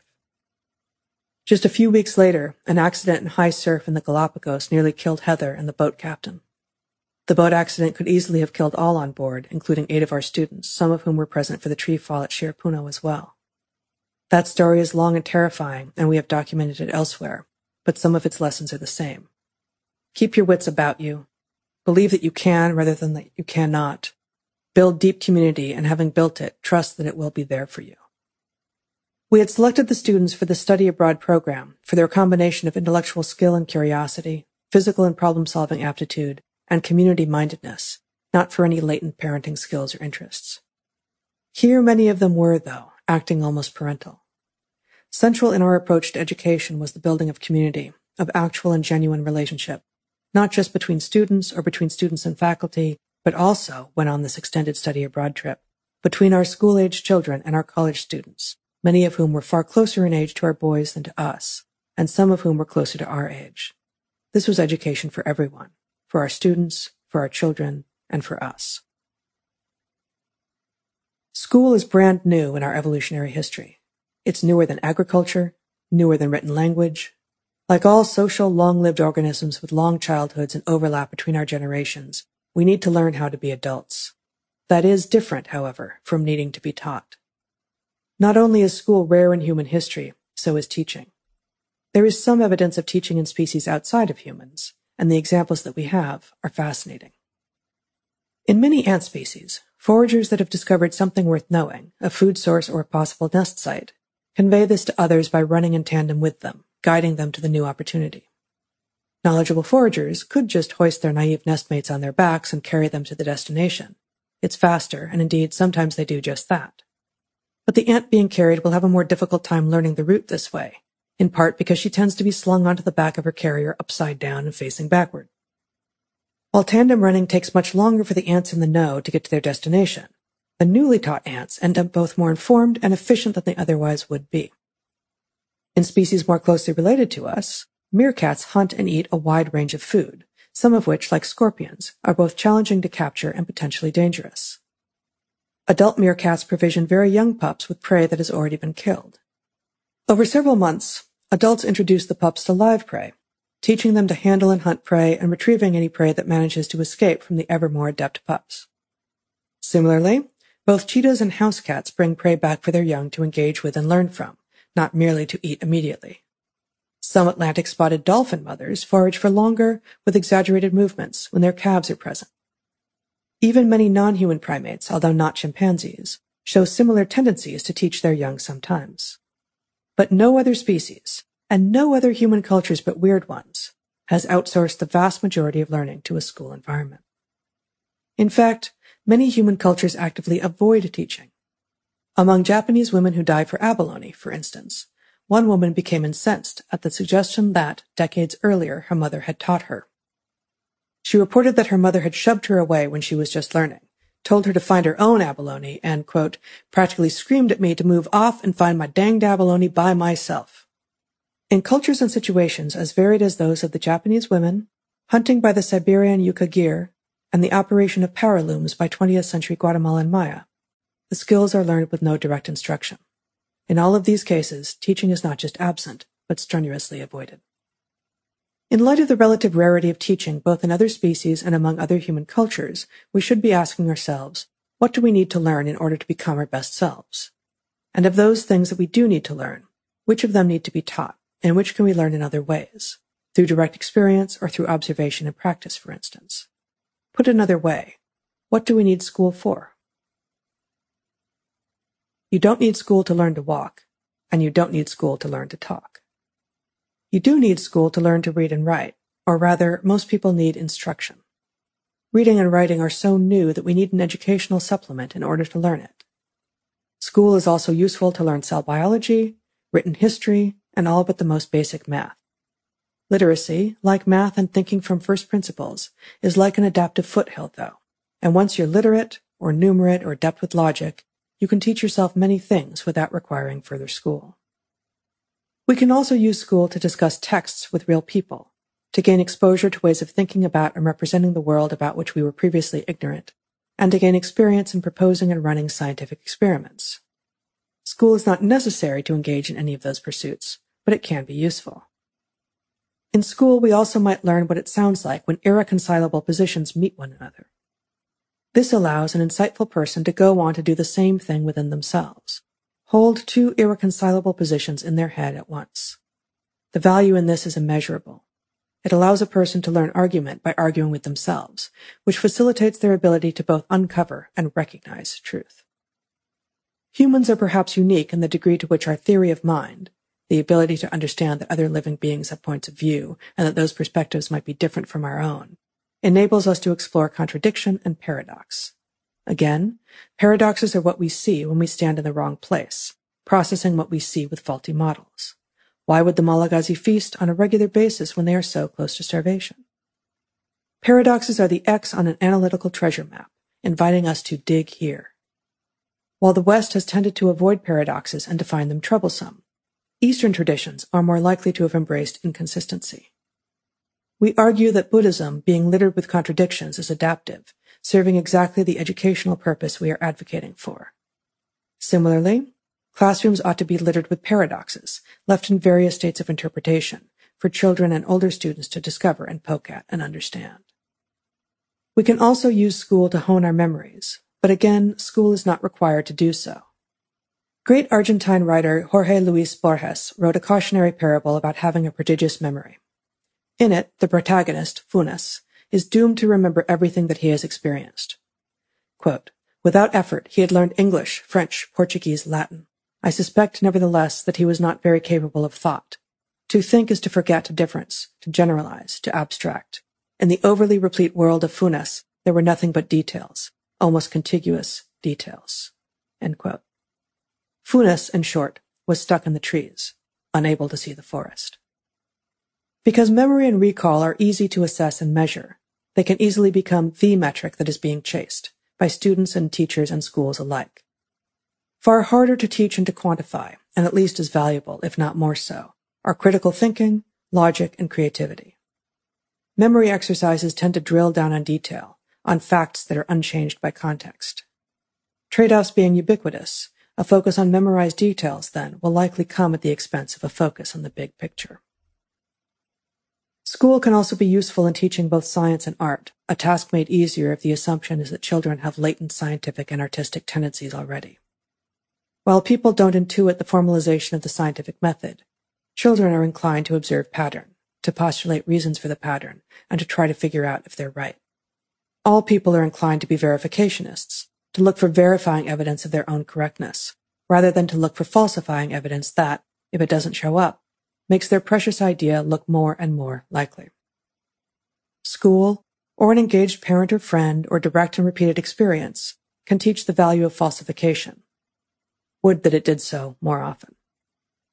Similarly, an individual cannot intuit the method by which pigments are generated for the palette or the history of artistic movements, but individuals are inclined to observe and represent the world in ways ranging from realistic to wholly fanciful and do not require formal education to do so. Left to their own devices, people reveal that they are inclined to be both scientists and artists. What is school? For children, school can be understood as love and parenting commodified. Put another way, part of what school is is parenting that has been outsourced. We have already seen many of the harms and risks of reductionism. Yet one more is that reductionism facilitates the commodification of easily quantifiable things, while tending to ignore those things that are less quantifiable. Thus, school becomes about metrics. How much, how fast, how well. Did the little one read, do their multiplication tables, memorize a poem? It should go without saying that there is clear and enduring value in reading, multiplication, and poetry. A focus on speed and quantity is an error, however. What myriad things are not being learned in school because they succumb less easily to reductionist assessments? School is based on an economic efficiency, while being unimaginative about what could be accomplished. The economics, not to mention the perverse incentives behind compulsory schooling, of school tend to fill children's heads with knowledge without showing them a path to wisdom. Perhaps school should serve the purpose of helping young people grapple with the question, who am I and what am I going to do about it? Another way of phrasing this might be, what's the biggest and most important problem I can solve with my gifts and skills?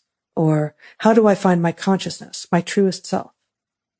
Done well, then, School can provide a great platform for formalizing and delivering rites of passage. Rather than focusing on any version of these questions, though, modern schooling, especially the compulsory sort widespread across the weird world, is more apt to teach quiescence and conformity. What if we took, as one of the goals of school, teaching children how to understand and hack their own incentive structures? Knock them off the low adaptive peaks that they are surely on. I'm not good at math, language, sports, or conversely, I am so good at math, languages, sports that other things fail to grab my attention. Into valleys that are uncomfortable, but from where there are many possible peaks to climb. Or perhaps school should reveal to children that fringe positions should be explored and considered, not thrown out immediately on the basis that they are unpopular. Betting against the fringe is an easy bet, usually a safe one, and when done in a tone of paternalistic indulgence, say, or authoritarian disdain, it usually shuts down dissent. While most fringe ideas are in fact wrong, it is exactly from the fringe that progress is made. This is where the paradigm shifts happen.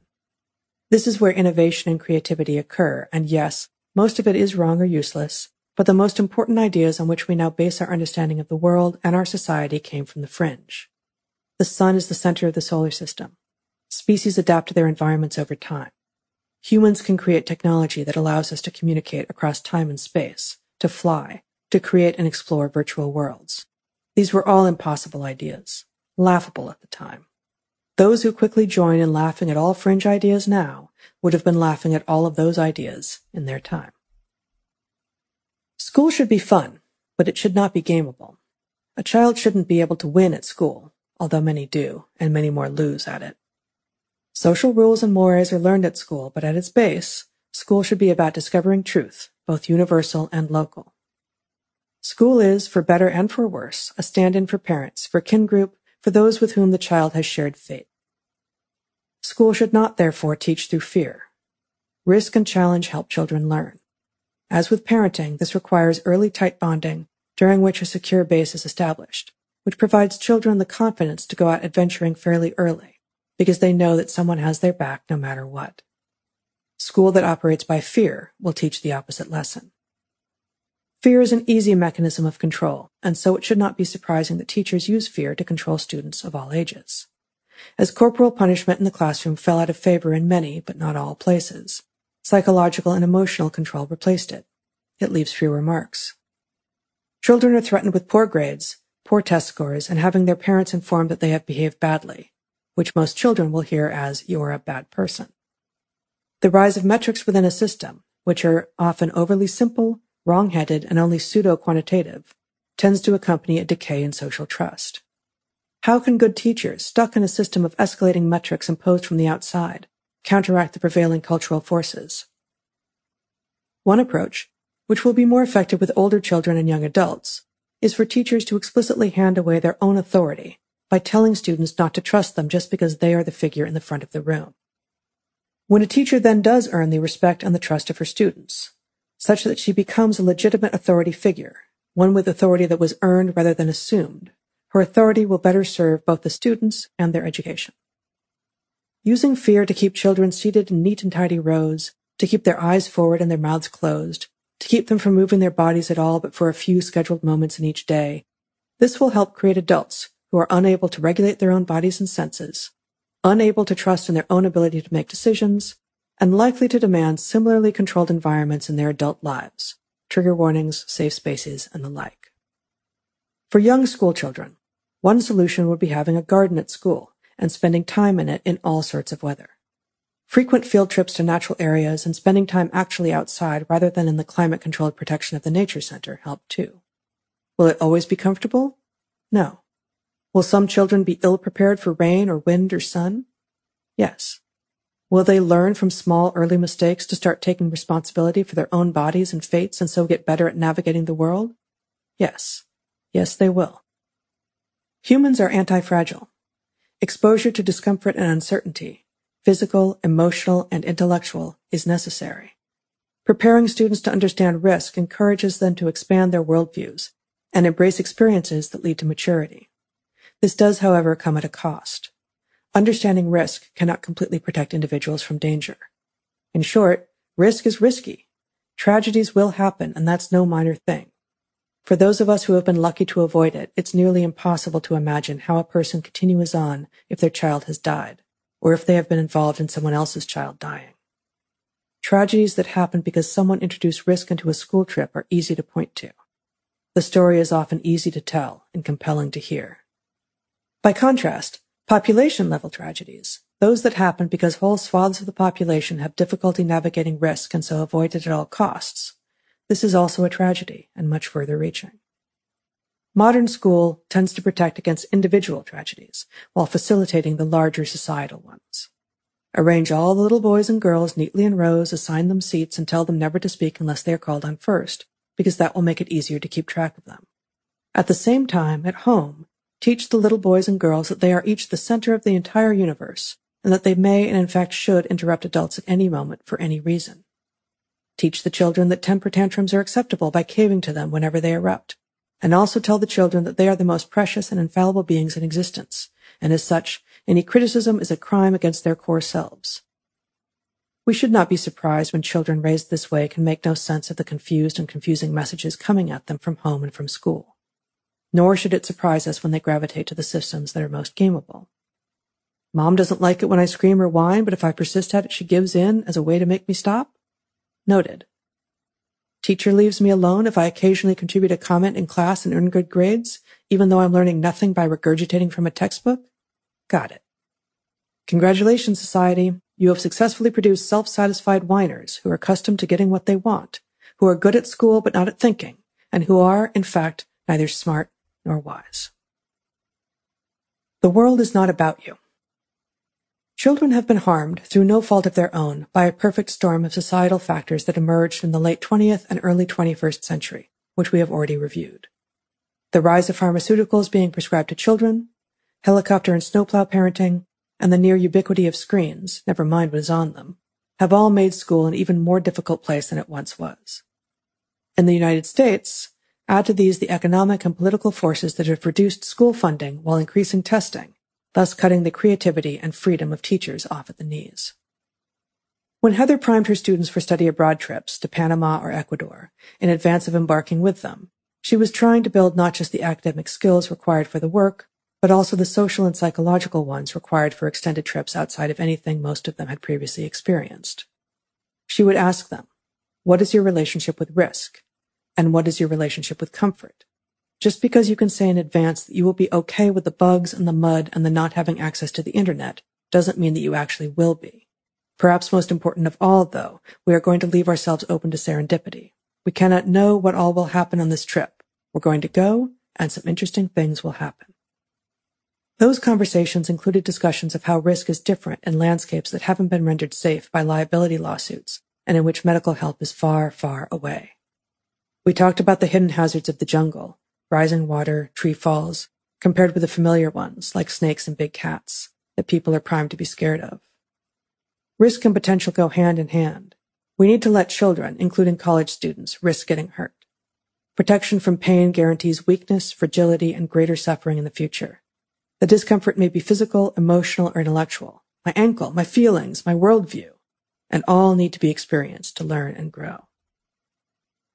The students whom we took on study abroad trips were carefully chosen, mature, capable, smart, and adept. Even so, the inability to control our surroundings, the intentionality of succumbing to serendipity when in the jungle, threw many of them into states of confusion, which sometimes manifested as anger. Many of them believed themselves to be excited about exploration, about discovery, but only when it looked and felt as they had already imagined. By inculcating in children the sense that order is always better than chaos, and that being easily counted and prioritizing doing things that are easily counted is the honorable way to go through school, and therefore life, many would extrapolate. Society creates adults who bristle at the unexpected and the new. Not only doesn't the jungle look or feel as you are led to believe from even the best nature documentaries, but the people on the streets of Panama City or Quito aren't what you think. The cloud forest and the people who called it home long before the Inca or the Spaniards ever arrived will surprise you too, as will everything else, if you take your blinders off and let yourself experience the world without taking everything so personally. Mostly, the world is not about you, but you can learn from it, and education should allow you to do just that. Higher Ed. Imagine a scholar. What do you see in your mind's eye? Put aside the phenotypic stereotypes, the glasses, the suede patches on the elbows, and realize that, in all likelihood, you imagine someone consuming something that had already been produced. Your iconic scholar was reading a book, in all likelihood, perhaps perusing the stacks of a library. When they enter college, students have already learned this trope. First you read, then you respond. Perhaps someday you too will write such a tome, which others will, in turn, sit and read and respond to. And so the cycle continues. This model of academic activity, of what it is to have a life of the mind, to be a critical, engaged citizen of the world, has never been quite right for some academic pursuits. Science and art, in particular, often mistakenly described as at opposite ends of some imagined spectrum in the pursuit of truth and meaning, do not make their primary impact in the world through careful, thoughtful assessment and critique of what has come before. Yes, we stand on the shoulders of giants, and yes, the history of ideas and of creations that came before us is integral to what we know and think and do. But that does not mean that it ought be our primary focus, or that it is our mission. There are new things under the sun, but it is the fate of every generation to think that it arrived too late, that everything is understood, and that the best response is to fall into nihilist disarray. At its best, a college education has the potential to open up worlds of wonder, creativity, discovery, expression, connection. For 15 years at the Evergreen State College, a small public liberal arts college in the Pacific Northwest, we did just that. There, the ability to go deep into complex topics with students whom we came to know well in classrooms and labs in the field, both near to campus and decidedly remote, provided a window into what is possible in higher ed. Drew Schneidler, a former student of ours and an extraordinary intellect who had had a terrible time in school rather like Bret's, and now also a friend and our research assistant on this book, said to us as we were writing this, Walking into your classroom was like walking into an ancestral mode for which I was primed, but didn't even know existed. This statement, like nearly everything in this book, deserves a book of its own. Here are just a few of the things we learned and innovated during our time as faculty in higher education. Tools are more valuable than facts. One of our messages to our students was this. There are intellectual tools that are more valuable than facts, in part because they are harder won. You can wield these tools with both power and precision, and with them, you may discover things nobody has even yet framed a question for. But how do you teach tools in a vacuum? How do you actually teach people how to think, not what to think? It's easy to say, but how is it done? A well-intentioned critic might argue that the students need some stuff to think about, don't they?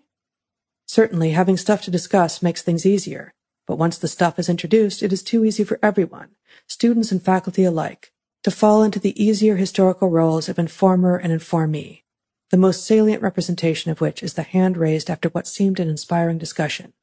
Will this be on the test? One piece of the puzzle is to break the carrot and stick paradigm. Explicitly tell students and make sure that it is true that they are not in competition with one another. Our students actually learned more when they collaborated with one another. There was never a curve looming that guaranteed that some would fail. Another piece of the puzzle is to break the this is the time of day that we are educated paradigm by leaving the classroom and spending more time together.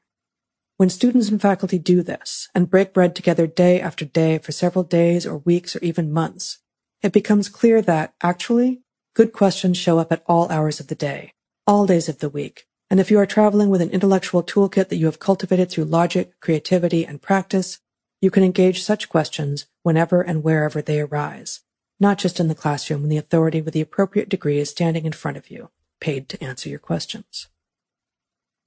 Intellectual self-reliance.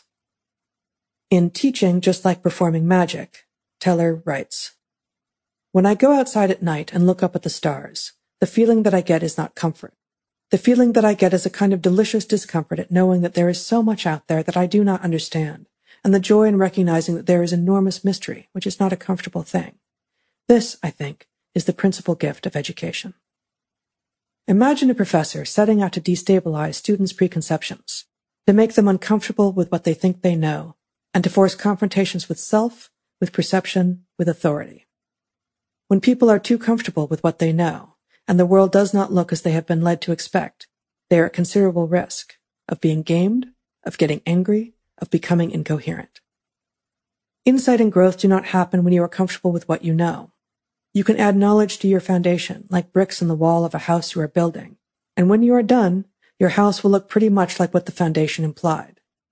For most of us, though, that foundation that we arrived on the cusp of adulthood with is not necessarily the base of the intellectual house that we want to live in. Those bricks in the wall, they kill off creativity. They kill off curiosity. Their existence makes it seem as though starting from scratch, perhaps with no blueprints or foundation at all, is impossible. They keep us comfortable, those bricks. It's easy to keep piling bricks up, higher and higher. The brick in the wall model creates minds that are all alike, minds that are ever less capable of generating or considering strange new ideas, minds that are outraged by confusion and by uncertainty. Nearly every student whom we taught was, in the end, game to be challenged, actually challenged, told when they were wrong, told when we were wrong, and told that they needed to learn to pose real questions and then sit in the not knowing for long enough to figure out how one might figure it out. As faculty, we should aim to take our students away from the classroom. Better yet, if it is somewhere with no internet and no library, the scablands of eastern Washington, Kuna Yala in Panama, the Ecuadorian Amazon, for instance. Once there, questions can be posed. How did these rocks get here? How do the local people catch fish? What are those parrots doing? Which are answerable, but the students will need to learn to use logic, first principles, and rigor to do so. The conversation is forced into the here and now. What answers can they generate with their own brains rather than with the collective brain of the internet that fit with what they observe? If they reinvent the wheel while they're at it, so be it. They will have honed their skills in scientific hypothesis and prediction, experimental design, logic. Once students can do that, not only are they becoming educated, they are increasingly educable. In a successful classroom discussion, when a question of fact emerges and nobody in the room appears to have the answer already in their head, why shouldn't somebody just look it up? What harm could possibly come from establishing whether Mendeleev's first periodic table looked like it does now? How many people died in the bombing of Dresden? Or when we think the first peoples in Beringia came into the New World? What harm can come from looking up answers to straightforward questions? The harm is that it trains us all to be less self-reliant, less able to make connections in our own brains, and less willing to search for relevant things that we do know, and then try to apply those things to systems we know less about. If answering how questions quickly with a few keystrokes impedes the development of self-reliance, what of the desire to pursue why questions this way? It is even more likely to kill logical and creative thought. Why do birds migrate? Why are there more species closer to the equator? Why does the landscape look this way? Before you look it up, think on it, walk on it, sleep on it, talk about it. Share your ideas with your friends, and when they disagree, engage the disagreement. Sometimes agreeing to disagree is the only route. Usually, though, something more can be learned if you dig a little, and you and your friends will end up more capable of understanding the world. Calm down, level up. When teaching one study abroad program in the Amazon, Heather watched rumors of the dangerous, wild, and wicked Amazon grow before her eyes. There was one other class at the remote field station where they were based, and the other professor was telling her own students about the deadly dangers of spiders, peccaries, and toads. All of the rumors were literally false, but being presented as if they were true. One in particular was about a toad that shoots toxins into people's eyes. True causing the person thus afflicted to go permanently blind. Not true.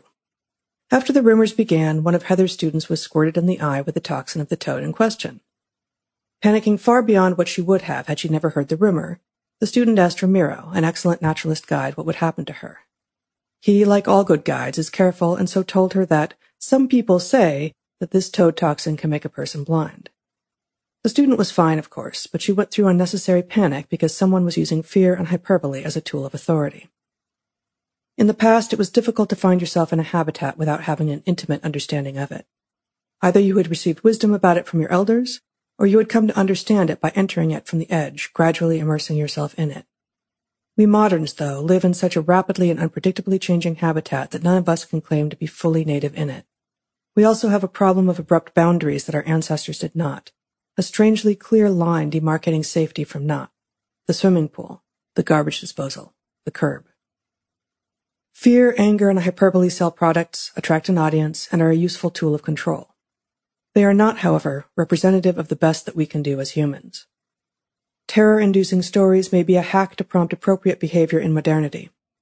Being able to sleep one night in bustling cosmopolitan Quito and the next night deep in the Amazon is a luxury of modernity, but it has the costs of landing people in an environment for which they may have no history and no preparation.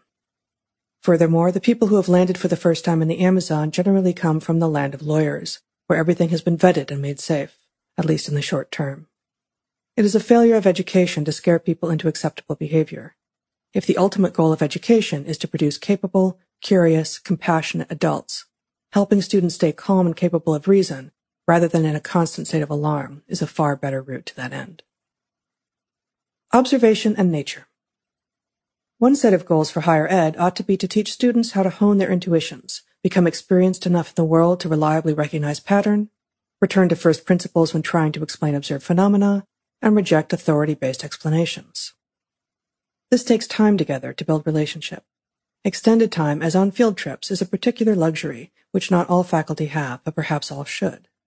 It takes being willing to say to students who may have been told all their lives that everything they do is commendable, no, that's wrong, here's why. It takes being willing to fix your own errors. Modeling for students the actual process by which ideas emerge and are refined and tested, then rejected or accepted, allows them to move away from the linear models of knowledge acquisition that most of their schooling and nearly every textbook have inculcated in them. Over the course of several trips, both domestic and abroad, we saw students rise to challenges in ways that they simply could not have done at home. We purposefully sought out field sites that were remote, not just because nature is more interesting and intact in such places, more lianas climbing their way up to the light, more vine snakes mimicking those same lianas, but also because encountering nature in its least disturbed state often comes at the cost of having no connection to the outside world. Far from the virtual eyes that document our every move, people are revealed, to themselves and to others. But there are risks. Ants bite, fungus invades, trees fall, boats flip. Why take such risks? Is studying the politics of land use, the cultures of early Americans, or territoriality in butterflies worth it? In the field, we watched some students descend into their own darkness, depression gripping them, and we watched as they emerged from it, stronger and more grounded. Romantic ideas of the jungle disappear with the reality of constant sweat and biting insects, and the realization that in order to see charismatic animals do interesting things, you have to get out there and fade into the forest, and then wait patiently for it to come back alive around you. Some people hate it. They cannot abide the lack of control, the discovery that nature is not a nature documentary. Most, though, find hidden strength and unanticipated freedom. One evening in the Amazon, our students were attempting to give research presentations under a corrugated metal roof when a squall came up. The rain pounded the roof so noisily that we had to reschedule. There was no hearing human voice under these circumstances and no place else to go. We dispersed, some taking the opportunity to catch up on sleep, some wandering off into the forest to explore the warm, wet embrace of a tropical jungle at night during a rainstorm. If education is, in part, preparation for an unpredictable and shifting world, teaching courage and curiosity ought to be a priority. We did also read in our classes the primary scientific literature, books of many types, essays, fiction, and some of what we read contradicted other things that we read. Building a toolkit, though, educating minds to assess the world actively and with confidence when new ideas or data arrived, these things required getting away from texts. We went outside and engaged with the physical world and its myriad evolved inhabitants. Louis Agassiz, one of the 19th century's preeminent naturalists, urged people to go to nature, take the facts into your own hands, and see for yourself. By creating opportunity to go into nature, regardless of what your discipline is and what you are trying to teach, you allow students to begin trusting themselves, rather than taking other people's words for what is true. When you teach a small number of students intensively for two or three quarters at a stretch, as we did, education becomes personal. We told students things they did not expect, we need metaphor to understand complex systems. You are not here as consumers and we are not selling anything. Reality is not democratic. And we did not accept generic responses from them in return. We poked and prodded them intellectually. They were forced to stretch because repeating material back to us wasn't going to cut it, and we wanted to know something about every single one of them so that we too could learn from them. But many professors train students to be mindless workers, Another professor once told Heather, without irony, that he saw it as his job to teach the students to be cogs because, after all, that was their fate. Faculty should know better, but with students it's different. Seduction and education are etymological sisters. Students may think that they want to be seduced, led astray by false praise as it feels good in the moment. Most whom we met, though, wanted to be educated, led forth from narrow, faith-based belief into intellectual self-sufficiency, where they could assess the world and the claims in it from first principles, with respect and compassion for all. The corrective lens. School, and obviously parents, should teach children respect, not fear, to honor good rules and question bad ones. All people run into bad rules, whether in the legal system, at home, at school, or elsewhere. If you are a parent, strive to show your children that you are 100% on their team, no matter the trouble they've bumped up against. Children should be free to ask why the parents' rules are what they are, but also know that it is counterproductive to break the rules simply for the sake of breaking them. To get out of their comfort zone and explore new ideas. You will likely learn the least in exactly the areas where you are most certain of what you already know, whether or not what you think you know is actually accurate. The value of knowing something real about the physical world. When you have a sense of physical reality, you are less likely to be gameable by the social sphere. Never accept conclusions on the basis of authority. If you find that what you are being taught does not match your experience of the world, do not acquiesce. Pursue the inconsistencies. What complex systems actually look like? even if the messiness of those systems is beyond the scope of the lesson. Nature is an example of such a system. Nature provides, among other things, a corrective to the ideas that emotional pain is equivalent to physical pain, and that life is or can be made perfectly safe. Exposure to complexity is key. Higher education, in particular, should recognize that civilization needs citizens capable of openness and inquiry. These should therefore be the hallmarks of higher ed the need for nimble thinking, creativity in both the posing of questions and the search for their solutions, an ability to return to first principles rather than rely on mnemonics and received wisdom, these are ever more important as we move forward in the 21st century. A misunderstanding of how work will look in the future is driving people to specialize earlier and more narrowly. Higher ed is the natural place to counteract that trend and push toward greater breadth, nuance, integration. Students of traditional college age today cannot accurately predict what their career will look like by the time they are 70, 50, 30. College is where breadth should be inculcated. A university cannot simultaneously maximize the pursuit of truth and the pursuit of social justice, as Jonathan Haidt has famously noted. This is a basic trade-off and unavoidable. It becomes important then to ask what the purpose of a university is. Is it necessary that we focus on the pursuit of truth? Yes, in fact it is. Social risks, intellectual, psychological, emotional, must be taken, but doing so in front of strangers is particularly difficult. Both small classes and extended time together building community are correctives to anonymity. Authority is not to be used as a bludgeon to shut down the exchange of ideas. Bob Trivers, evolutionary biologist par excellence, and our mentor in college, once advised us to seek positions in which we taught undergraduates. His reasoning was this. Undergrads do not yet know the field, and so are likely to ask questions that you aren't expecting. Dumb questions, or ones imagined to already be settled. When the educator is confronted with such questions, one of three things is likely to be true. Sometimes the field is right, and the answer is simple, full stop. Sometimes the field is right, but the answer is complex, nuanced, or subtle. Figuring out or remembering how to explain that complexity or subtlety is worth the time of any thinker who deserves the title. 3.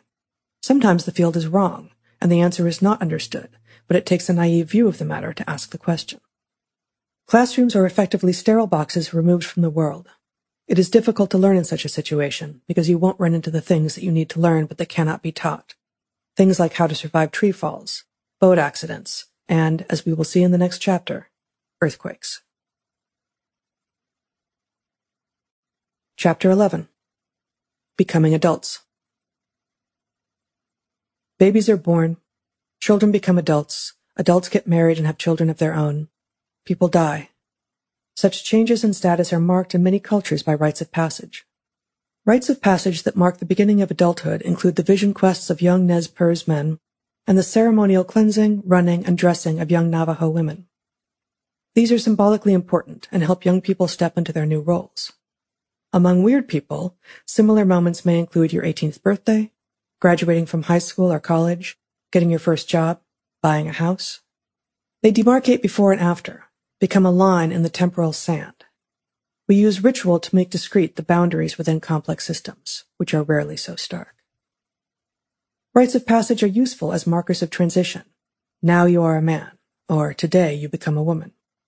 But they are rather uncommon among weird people, less ritualistic, and this has contributed to our losing track of the characteristics of adulthood. Historically, adults were those who knew how to feed and shelter themselves, how to be constructive and productive members of a group, how to think critically. This knowledge does not magically accrue with age, though. It must be earned.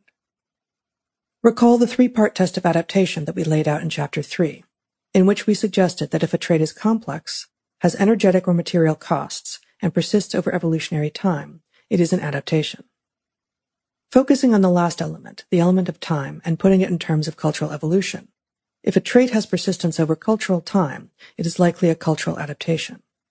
That does not, of course, mean that is inherently good, for individuals or for society, or that the conditions that rendered it adaptive in the past haven't changed, rendering it neutral or maladaptive now.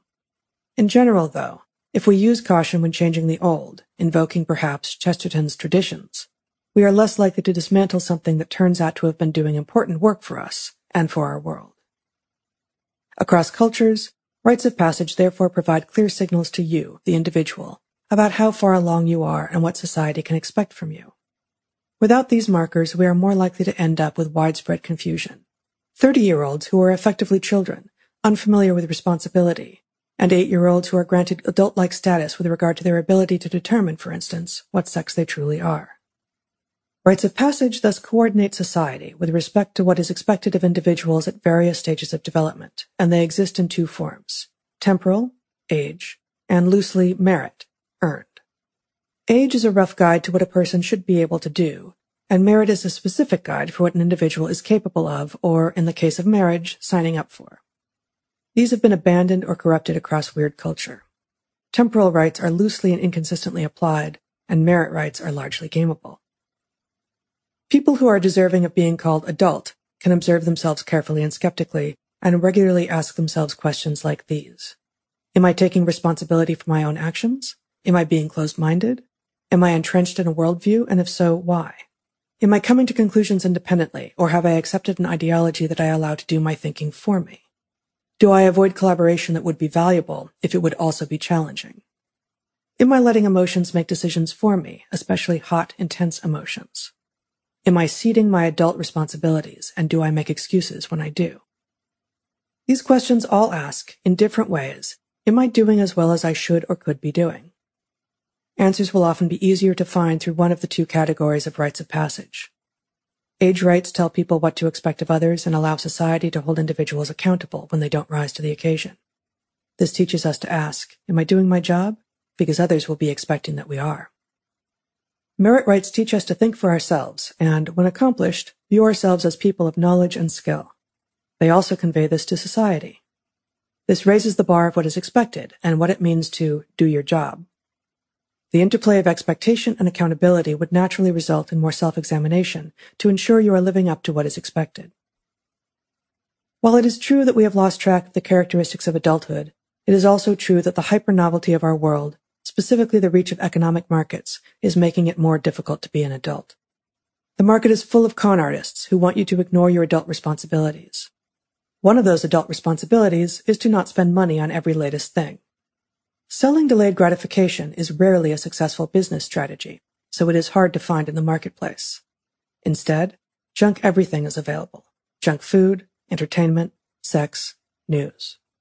The aggregate of the market is therefore selling infantile values, which make you a desirable consumer, but a poor adult. Absent the hypernovelty and unconstrained market forces of 21st century weird societies, childhood is when you take in information from your ancestors and discover the world that you inhabit, both physically and cognitively. Adulthood, then, is the phase in which you operationalize what you have learned and become productive. The primary modality of advertisers is to create dissatisfaction, along with the impression that others are more satisfied. To take just one well-documented example, shortly after television was introduced to the island of Fiji, teenage girls became focused on the Western ideals of beauty conveyed there, contra their own cultural norms. Far beyond the shores of Fiji, the algorithms of social media have now moved into this niche as well. The ability of advertisers to create dissatisfaction is facilitated by the fact that our natural human obsession with narratives is being addressed by a narrative generating mechanism in which the stories have not stood the test of time. Many of the narratives we hear are tailored to sell product and are therefore what advertisers and algorithms want us to believe, rather than what we need to know. Our narratives are also no longer shared at the societal level. The tremendous choice that we have in picking and choosing narratives means that when we partner with people, we generally share a language, but not the baseline set of beliefs or values that we would have in an ancestral environment. Historically, shared narratives, or at least the cross-pollination of narratives, kept manipulation in check. Now those systems are breaking down. In the past, those creating and those others consuming the narratives, be it religion or myth, news or gossip, had shared fate, and they knew it. Now we live in such a fractured society that most of us have little sense of our shared fate, that we all live, for instance, on a single planet on which we depend. So while it seems that we live in an ever more pluralistic world, in which, for instance, people across religions can intermingle without hatred, our political tribalism has reached a fever pitch, helped by algorithms that divide us into silos. Children are growing up in a world that is designed to hurt them. School, which should be helping young people learn how to be successful adults, is mostly rudderless at best and actively harmful to development too much of the time. Products and algorithms coming at children will do them harm, their motivational structures will be hacked, their peers will lead them astray. They will not be unscathed. How then to become functional adults? Laboratory of the Self. The self is inherently an anecdote, a sample of one. Therefore, the concept of self as laboratory will set trained scientists on edge. The problem for humans who are trying to figure out how to live in the world is that we are each our own unique, complex system. There are some universals to be sure. Toxins and advertising and sedentary lifestyles are risky for all of us, many of which we have already discussed in this book. Consider, though, that our internal wiring is so distinct from that of the next person that for many topics, the advice that works for person A may well fall flat for person B. To borrow very loosely from Tolstoy, Every functional liver is essentially the same, whereas every modern human mind is dysfunctional in its own individual way. Your best friend's anxiety, disordered sleep, and perfectionism are not the same as your second cousin's anxiety, disordered sleep, and perfectionism, in either their etiology or their manifestation. The puzzle of modernity compounds this problem a thousandfold. Humans are capable of inhabiting every human niche that has ever been exploited. We are hyperplastic. Combine that with a modern environment that is ultra noisy, and we all face an independent landscape of dysfunction. What this means is that we all have to sort out what works for us as individuals. The advice of other people will vary vastly in its applicability, even when the advice is effective for the person giving it. We have to get good at scientifically testing which things actually result in net positive change within our own individual complex systems. Advice is everywhere. A zillion people have claimed to have figured out how to help us become our best selves. We are not blind to the fact that, in a sense, with this book, we are claiming to have done this as well. Roughly speaking, such would-be self-help gurus fall into four categories. The con artists, the confused, the correct but of finite applicability, and the universally useful. We posit, and we hope by now you agree, that many evolutionary truths are universally useful. Effective con artists are hard to see in advance, but it's up to all of us to learn to do so. In the second category are those who are confused, spouting wisdom because it attracts people and money, not recognizing that such wisdom may have no relationship to truth or value. Both con artists and the confused are generally playing an entirely social game. Many of the confused and the con artists appear to have dispensed with core beliefs altogether, navigating in an entirely social mode with no reference to external reality. Rather than having generated ideas based on their fit with reality, they have generated them based on how they are received by their audience. Sometimes there will be tells in how they present material. However you figure out who they are, do not seek such people for advice.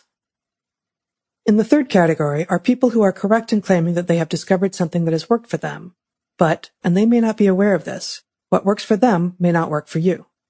Their wisdom has limited applicability. Finally, the fourth category includes those rare people who have advice that is universally applicable. The trick then is in figuring out how to dispense with the con artists and the confused, those in the first two categories.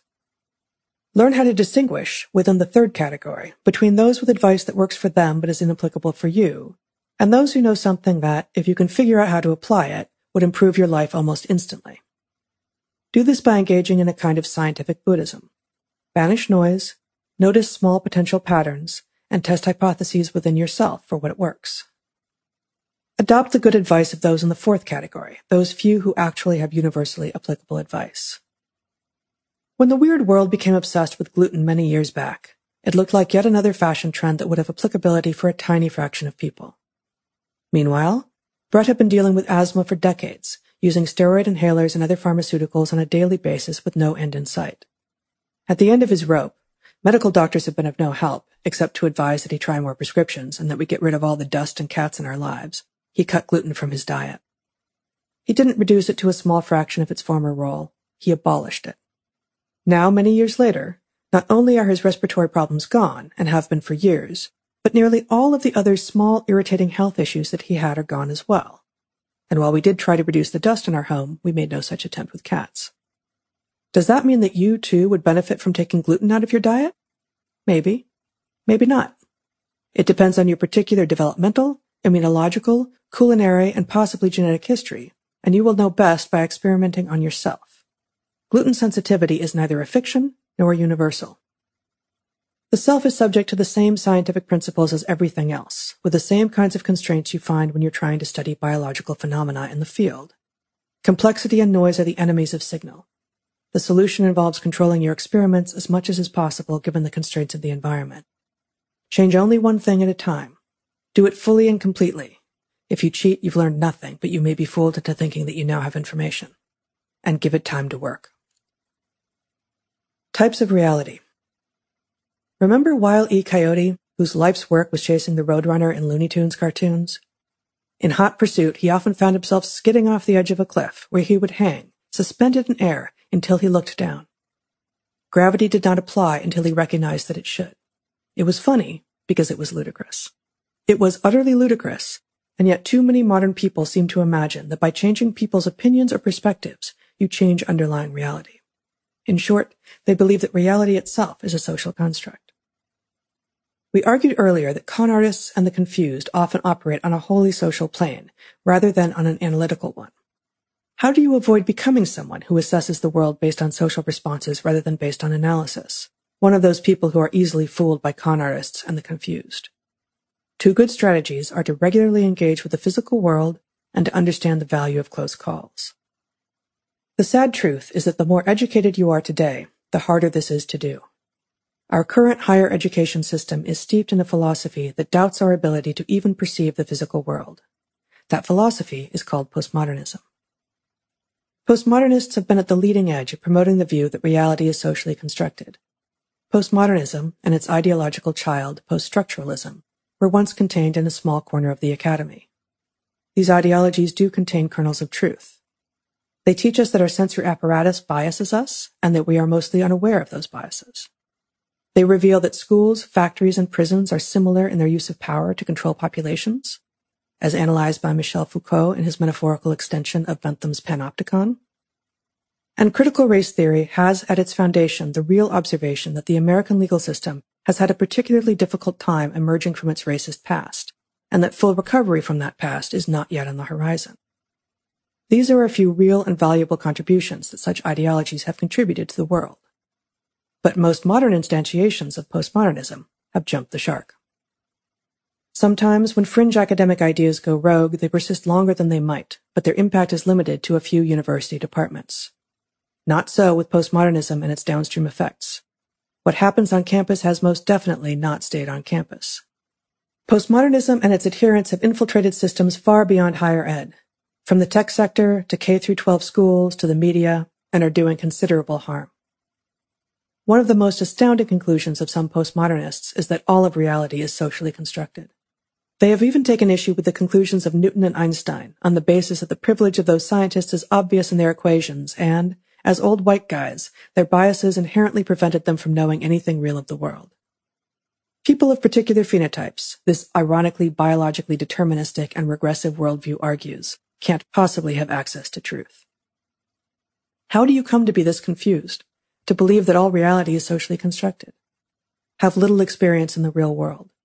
No carpenter or electrician could believe that all of reality is socially constructed. No forklift operator or sailor could. Nor, we would have thought, could any athlete.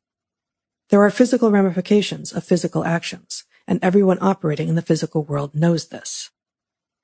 If you have not thrown or caught many balls, or used hand tools, or laid tile, or driven stick shift, in short, if you have little or no experience with the effects of your actions in the physical world, and therefore have not had occasion to see the reactions they produce, then you will be more prone to believing in a wholly subjective universe, in which every opinion is equally valid.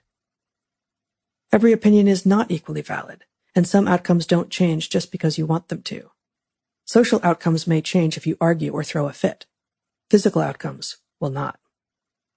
Everyone, no matter how trapped they are in their body, with its particular flaws and strengths, has the opportunity to experience the world of actions and reactions in the physical world.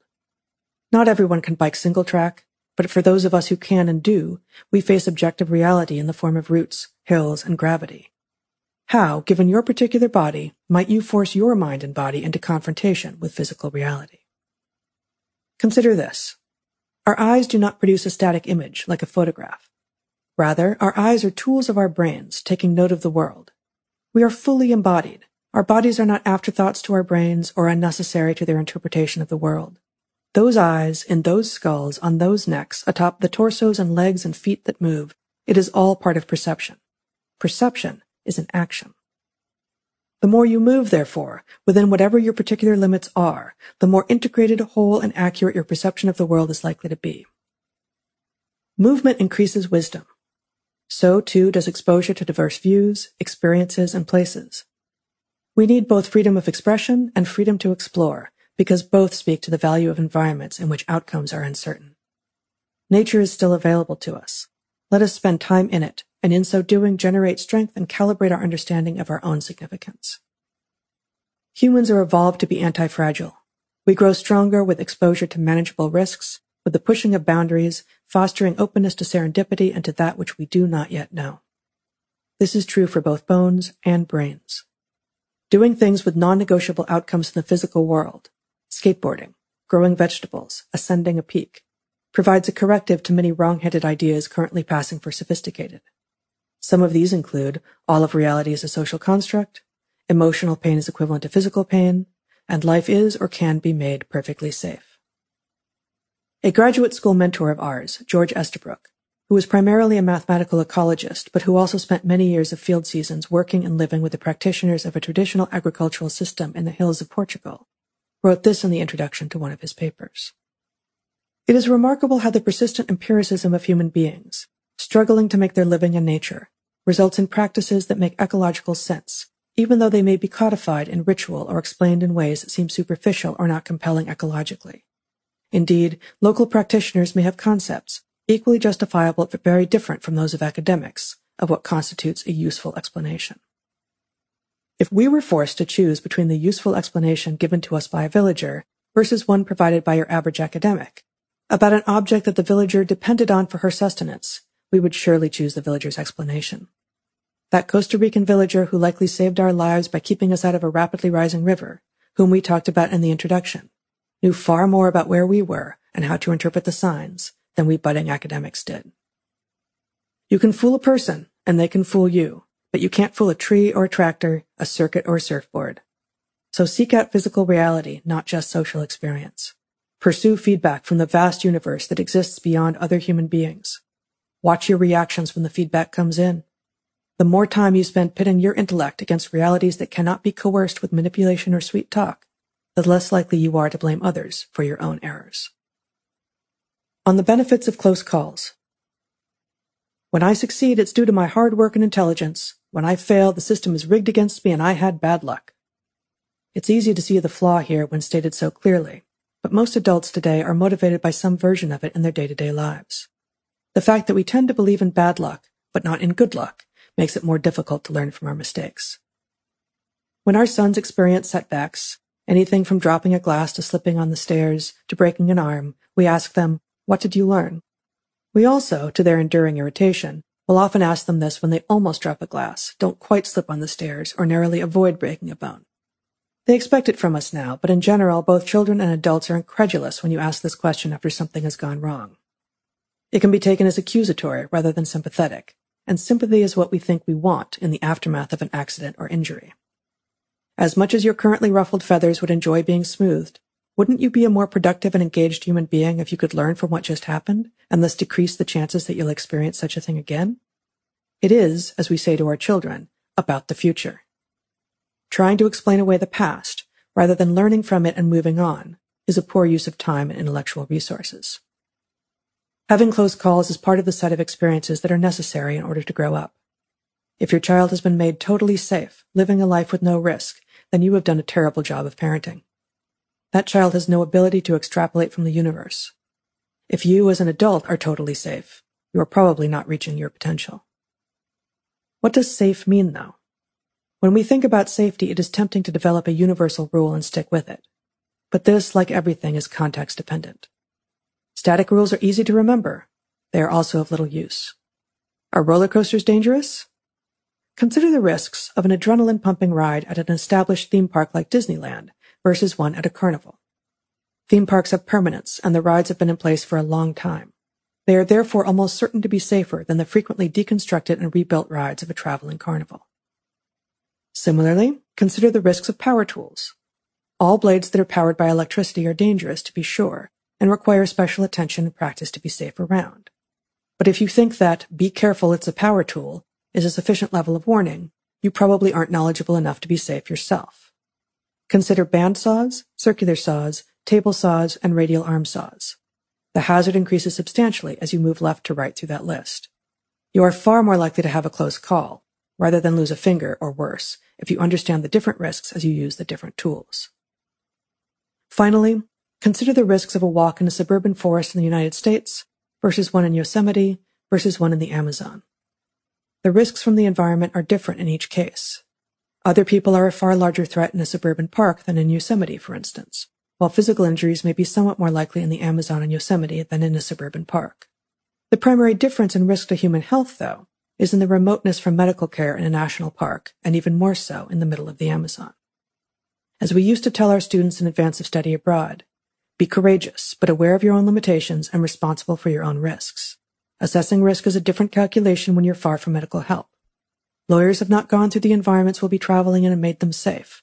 In that truth lies both much of the fun and much of the danger of the journey. During our 11 week study abroad trip through Ecuador in 2016, we had one primary and explicit rule. Nobody comes home in a box.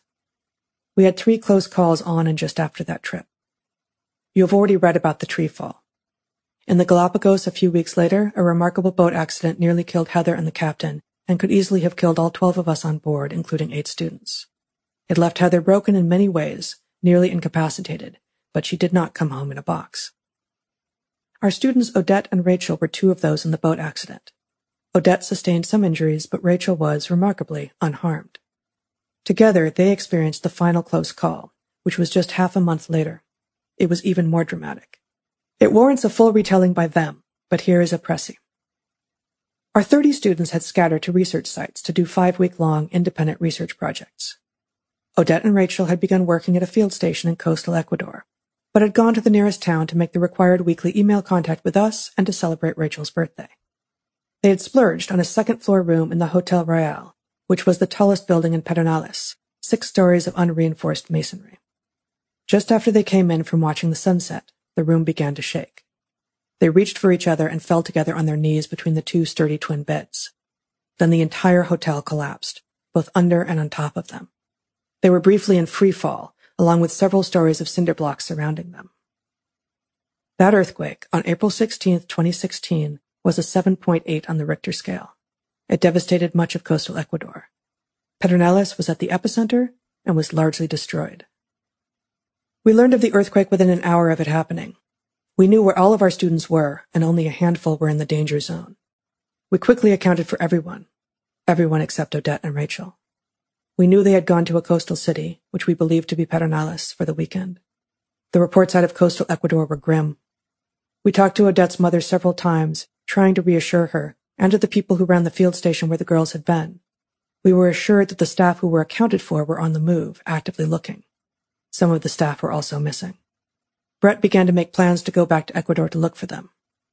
Heather could still barely move from her own injuries from the boat accident, but Bret could go. It wasn't clear that it was the right move, but it was the only action possible, and we needed the girls to be all right. Mid-afternoon of the following day, after 20 hours of hoping desperately for signs of life, we got a short, grateful email from Rachel. They were alive. They had salvaged almost nothing, but they were alive. As far as we know, Rachel and Odette were the only survivors from the Hotel Royale. They fell in just the right place, between beds that had been so overbuilt that they withstood several stories of masonry on top of them. So they got lucky. Then their considerable wisdom and clear-headedness pulled them through what would be a nearly 24-hour horror show. They were trapped under and amid concrete rubble and dust, ghostly apparitions in the light of Odette's tablet, which had somehow both survived and was findable by them in the immediate aftermath of the quake. Aftershocks began shortly. The concrete slab over their heads moved slightly. They heard voices outside and they shouted. Three men heard them, and together they all dug through the masonry with their hands, enlarging a tiny gap into one large enough for the girls to get through. Odette had considerable but not life-threatening injuries. As a ballet dancer, she was familiar with pain, but this was far different. She couldn't walk. Rachel was, once again, unharmed. They needed to get to Quito, but their journey was never simple. They were helped by many good people and ignored or rebuffed by many who could barely take care of their own. In Pedernales, all was chaos. They saw a woman holding her lifeless child in her arms. They began to hear people murmuring about tsunami. One of their many rides out of town, which seemed promising, fell apart when the driver learned the fate of his family. While ensconced in another ride in the back of a utility van, a makeshift medic cleaned and stitched the long laceration in Odette's foot an injury that would later require more than one surgery to heal. One of their rides ran out of fuel. Another had to turn around at a missing bridge. Again and again they were returned to Pedernales, the scene of twisted concrete and sobbing people and a fine white dust on everything, in part the remnants of the Hotel Royale. At last, having found seats on a bus to Quito, they encountered massive landslides from the earthquake that nearly blocked the road. As they edged past, chunks of earth disappeared into the chasm below. Finally, they made it to Quito. They were alive and they were safe. Nobody came home in a box on that trip, and despite the extensive physical damage and psychological trauma she endured, Odette later said to us, quote, the trip was singular, remarkable, terrifying, extraordinary.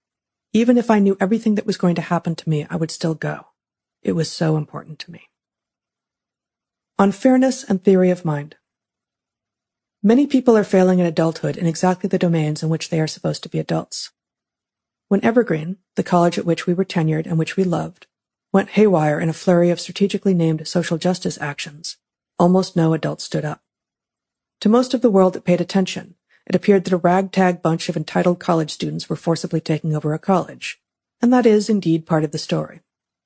A more accurate yet still woefully incomplete rendering is that, behind the scenes, a few faculty bullies had indoctrinated students and taken over several key college functions, and the administration, the people who are paid to act like adults when things at a college go haywire, evidenced dereliction of duty.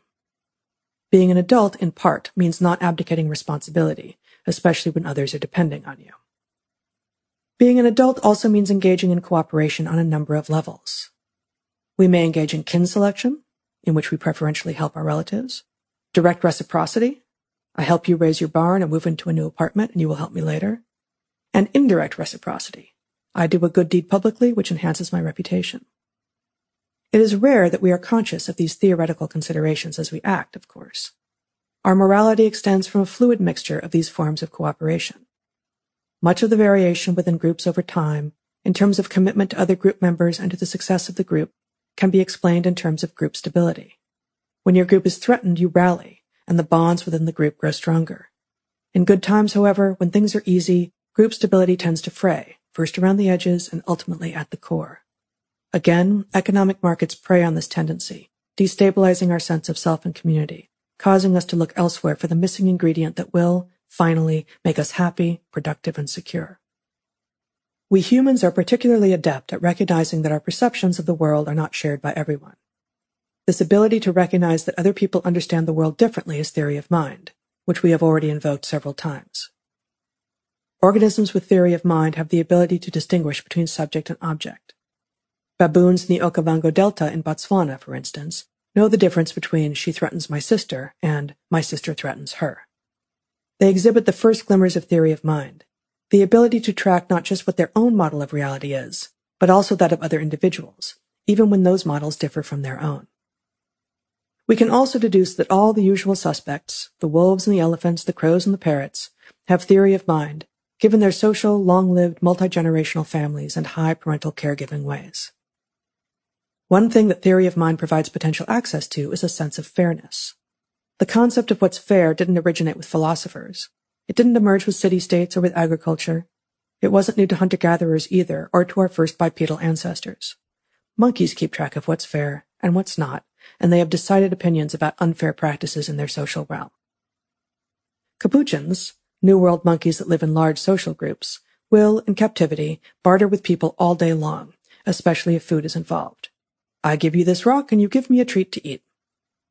If you put two monkeys in cages next to each other and offer them both slices of cucumber for the rocks they already have, they will happily eat the cucumbers. If, however, you give one monkey grapes instead, grapes being universally preferred to cucumbers, the monkey that is still receiving cucumbers will begin to hurl them back at the experimenter. Even though she is still getting paid the same amount for her effort of sourcing rocks, and so her particular situation has not changed, the comparison to another renders the situation unfair. Furthermore, she is now willing to forfeit all gains, the cucumbers themselves, to communicate her displeasure to the experimenter. Markets prey on our sense of fairness. They fool us into thinking that everyone else is getting grapes while we are stuck with cucumber.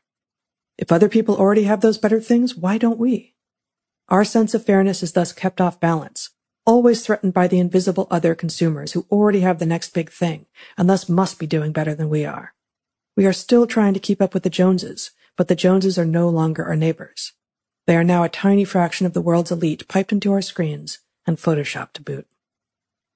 As humans, one of the ways that we test the moral waters and assess the mood of a group and its boundaries is through humor. It helps mitigate questions of fairness. Humor is the mechanism by which we sort out the gray area of what can and can't be said. A humorless society, community, or group of friends likely has large problems lurking just beneath the surface.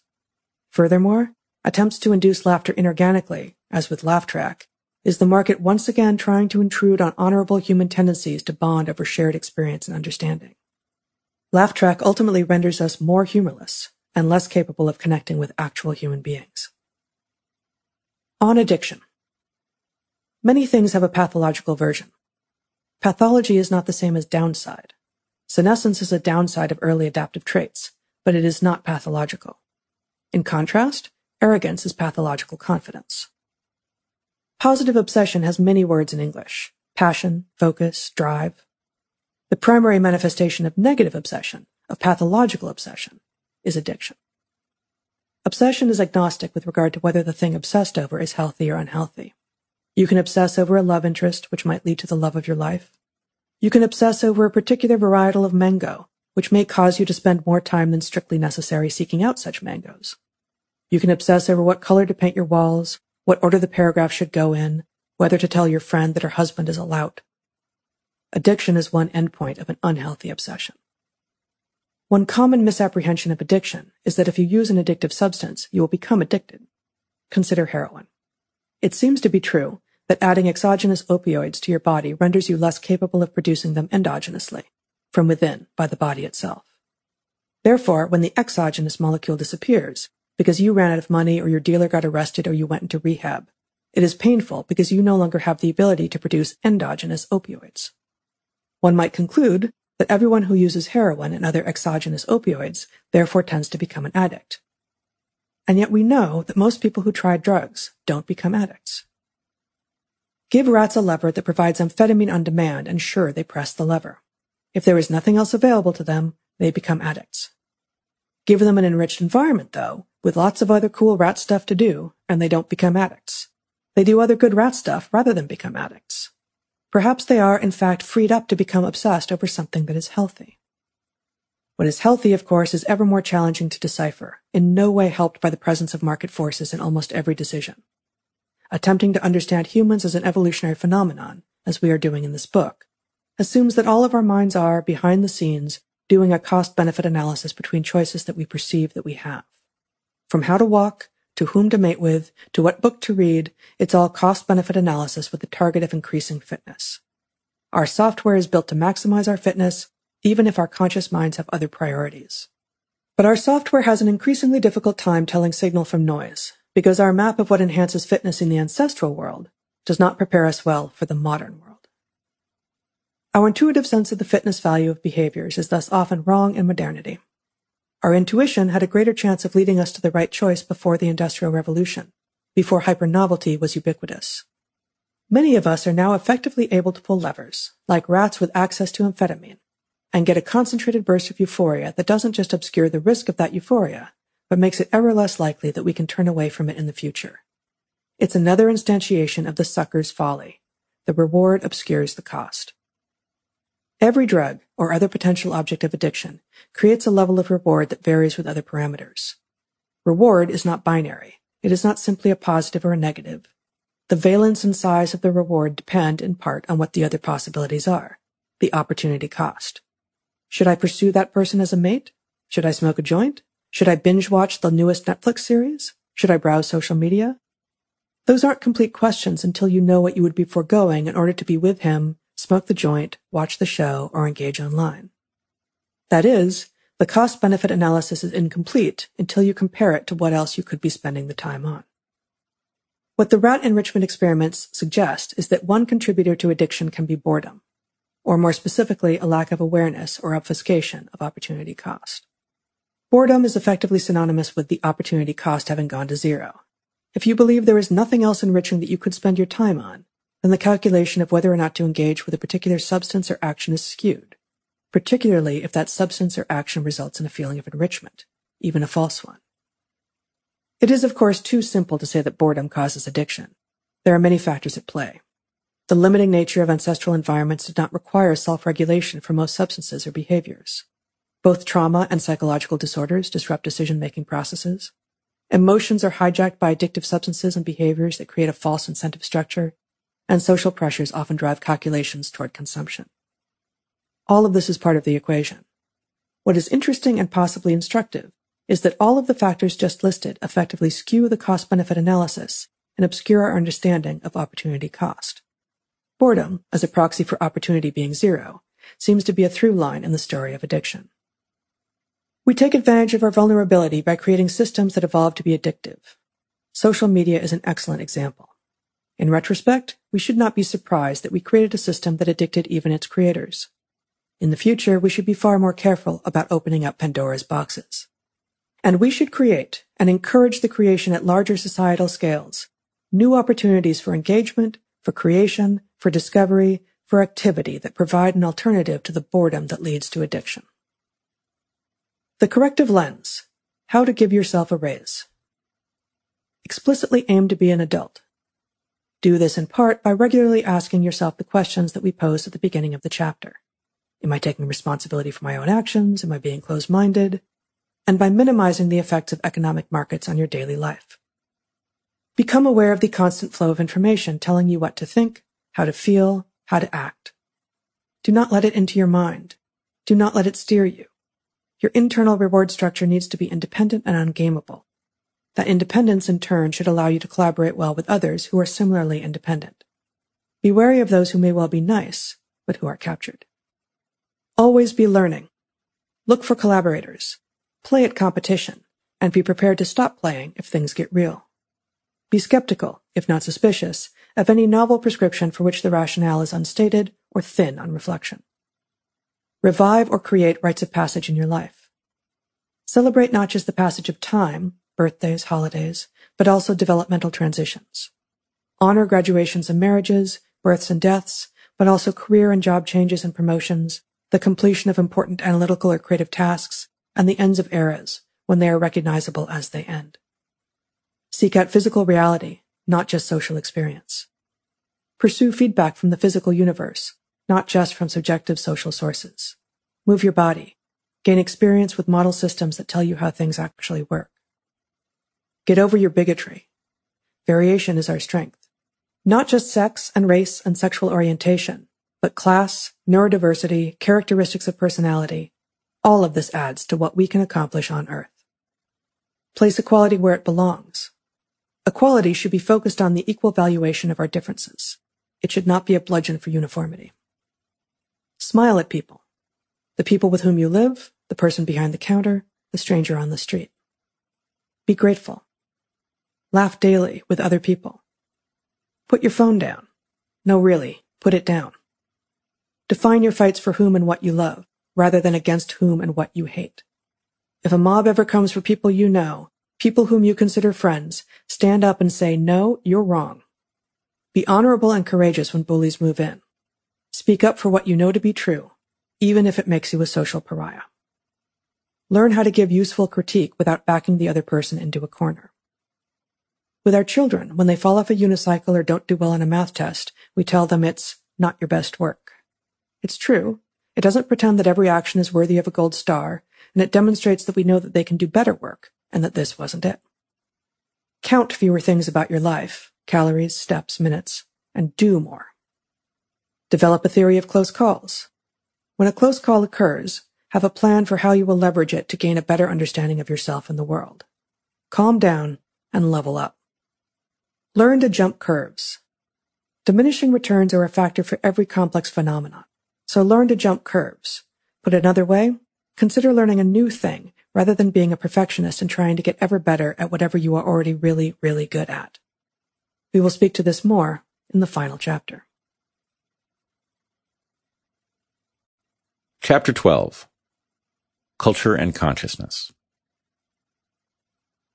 On the shore of a lake on Orcas Island, in the far northwest corner of the United States, there is a campfire. It is a crisp October night, and the sky is both clear and dark enough to see the stars. Many in our class are sitting around the fire. A couple of students have guitars, one a harmonica, so there is music. Sometimes it dominates. Sometimes it weaves around the conversation. We are warming our bodies and sharing ideas, memories of the day. We speak of research designs that different groups came up with to answer the question, does biodiversity vary with altitude on this island that we are on? It is a question that must have concerned people here millennia ago, even if not in those terms. Hunters and gatherers would have kept track, subconsciously if not consciously, of where they were most likely to be successful in their attempts to find food. We speak of sex and of drugs. How should we view sex without commitment?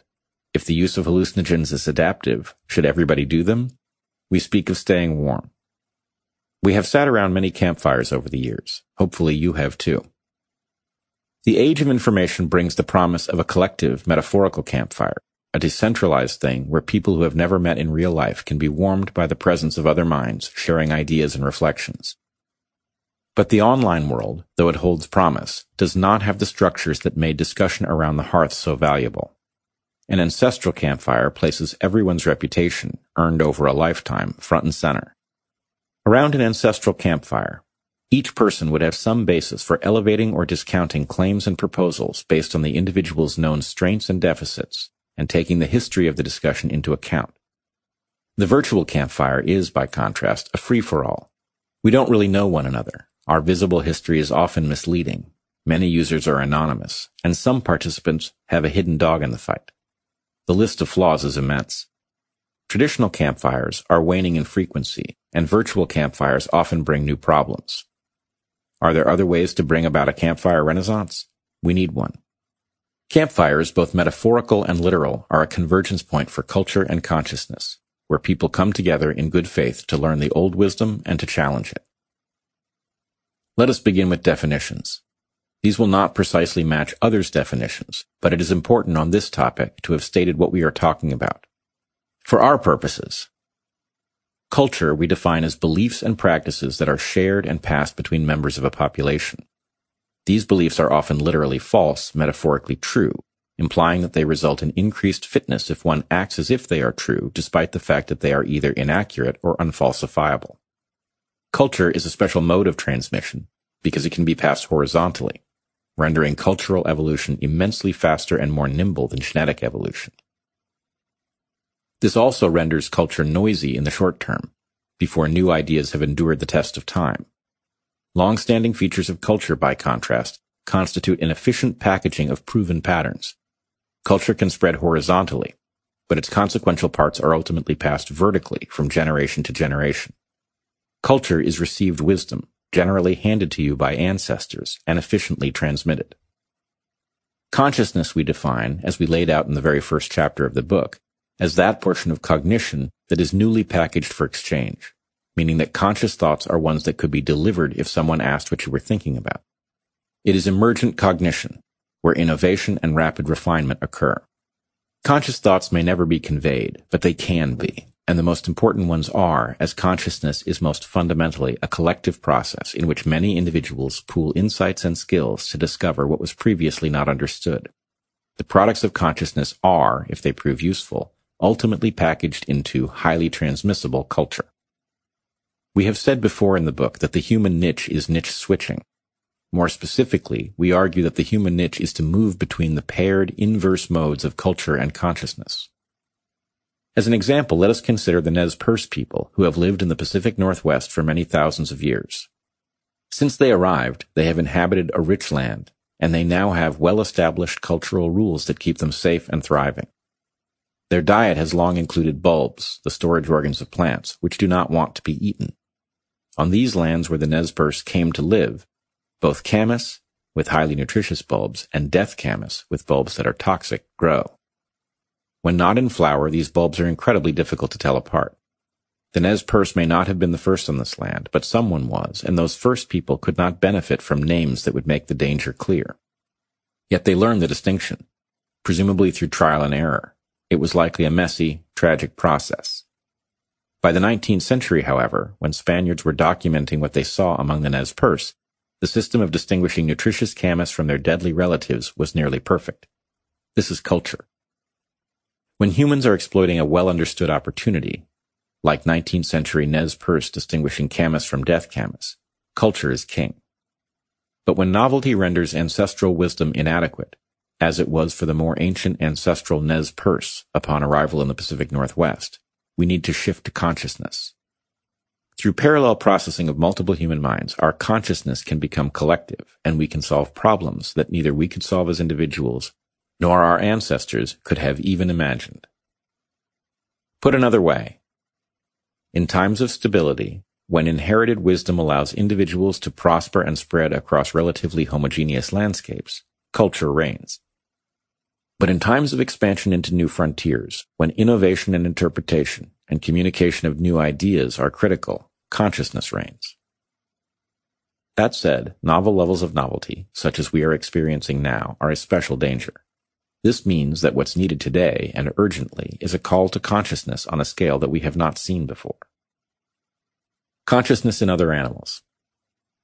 In other animals, when social, species-level generalists have wide geographic range, individuals will often become problem-solving specialists that share their insights with conspecifics.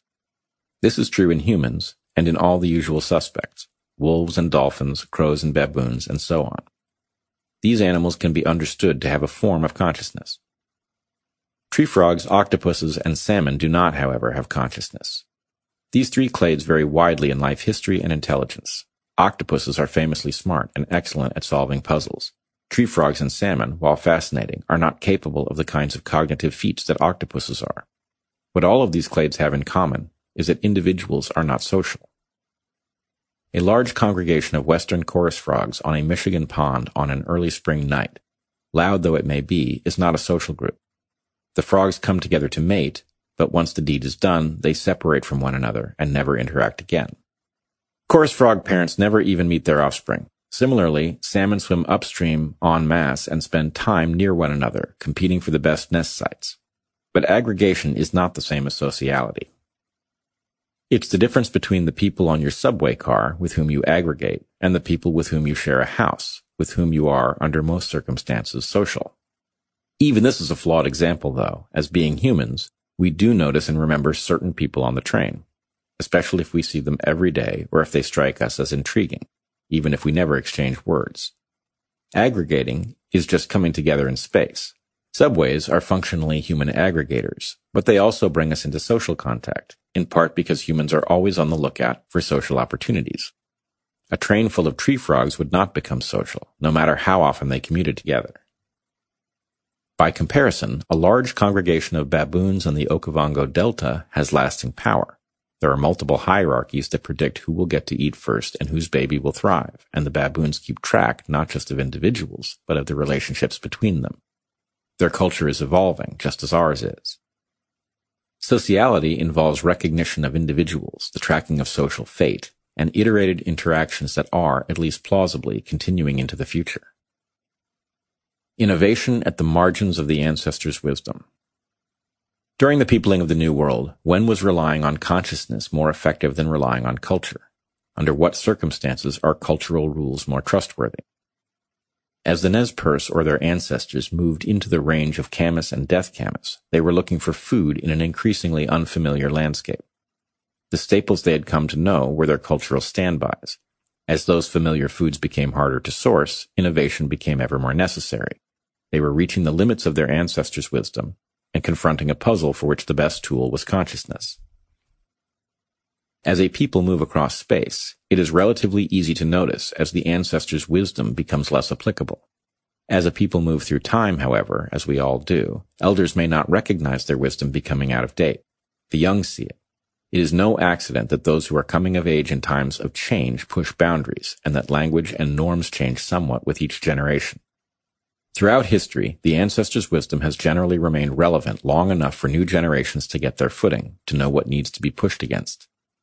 As a people move through time that is changing extremely rapidly, however, as our world is now, it is more difficult to know what to do with the increasing irrelevancy of the ancestors' wisdom, and with what to replace it. The margins of the ancestors' wisdom are rarely hard and fast. At those margins, wherever they are, it is time to niche switch. Consider three broad contexts in which humans have learned and innovated in times past. The first is the utterly new idea, the idea that springs to mind often unbidden and without explanation. This was the territory that the first Mayan, Mesopotamian, and Chinese people were in when they innovated farming. Similarly, the innovation of the wheel, metallurgy, and pottery. Before those things existed, nobody knew they were possible. The second context in which innovation occurs is when you know that something is possible on the basis that it has been done before, but you have no idea how to make it happen. The Wright brothers saw flight in other organisms and felt confident that it could be accomplished by a machine. Third and finally, you might have instruction. You know what you're shooting for and have someone or some set of rules or instructions telling you how. Between school and YouTube, we often conflate this third kind of learning for the only kind of learning that is possible. The third type of learning is the most cultural. It is the learning of received wisdom. In contrast, humans are at our most conscious and therefore our most innovative in the first two contexts. When the status quo is no longer sufficient, we must seek to innovate to push beyond how it's always been done. Status quo is in inherent tension with our unique insights. Those ideas that we have deep at night are often syntheses reflecting the pulling together of common threads into uncommon meaning. Conformity. In 1951, social psychologist Solomon Asch asked to what extent social forces alter people's opinions. Like baboons, we definitely track what other people think. But to what extent does knowing what other people think change what we ourselves proclaim? In what is now considered the classic experiment on conformity, Asch asked people a simple, factual question. Which of three lines is the same length as a fourth line? The question wasn't difficult, and the answer wasn't ambiguous. When, however, a naive participant was put in a room with several Confederates, people in on the ruse, and those Confederates provided identical wrong answers, only one quarter of the naive participants always resisted social pressure and answered correctly. The vast majority of naive participants succumbed to social pressure sometimes, although only a tiny fraction of participants gave the wrong answer every time. Unlike many classic psychology experiments, Asch's has stood the test of time. It has been widely replicated under a variety of conditions. Among other things revealed in the decades since Asch first did his work in the mid-20th century, women are found, in some studies, to conform at higher rates than men, which is in keeping with women being more agreeable. Conformity has a time and a place, like most traits. It is not simply worse or better than not conforming. There is a tension between conforming and disagreeing in the face of apparent inconsistency. This tension is a hidden strength of humans, the push and pull between wisdom and innovation, between culture and consciousness. Humans are generalists at the species level, but have tended to be specialists at the individual level. Historically, we have combined forces in social groups such that in a single group, many people with distinct skills created an emergent whole one in which generalist capabilities emerged even if all members of the group were specialists. Now, though, it is time to innovate, because change is accelerating and the received cultural wisdom isn't sufficient. Individuals themselves becoming more generalist, through learning skills across domains, for instance, rather than diving deep into only one, will help us in this endeavor. It is important to know what the group thinks, but that is not the same as believing or reinforcing what the group thinks. In a time of rapid change in particular, then, it is important to be willing to be the lone voice. Be the person who never conforms to patently wrong statements in order to fit in with the crowd. Be Asch negative. Literally false, metaphorically true. Cultural beliefs are often literally false, but metaphorically true. Consider farmers in highland Guatemala who have a long-standing tradition to both plant and harvest crops only when the moon is full.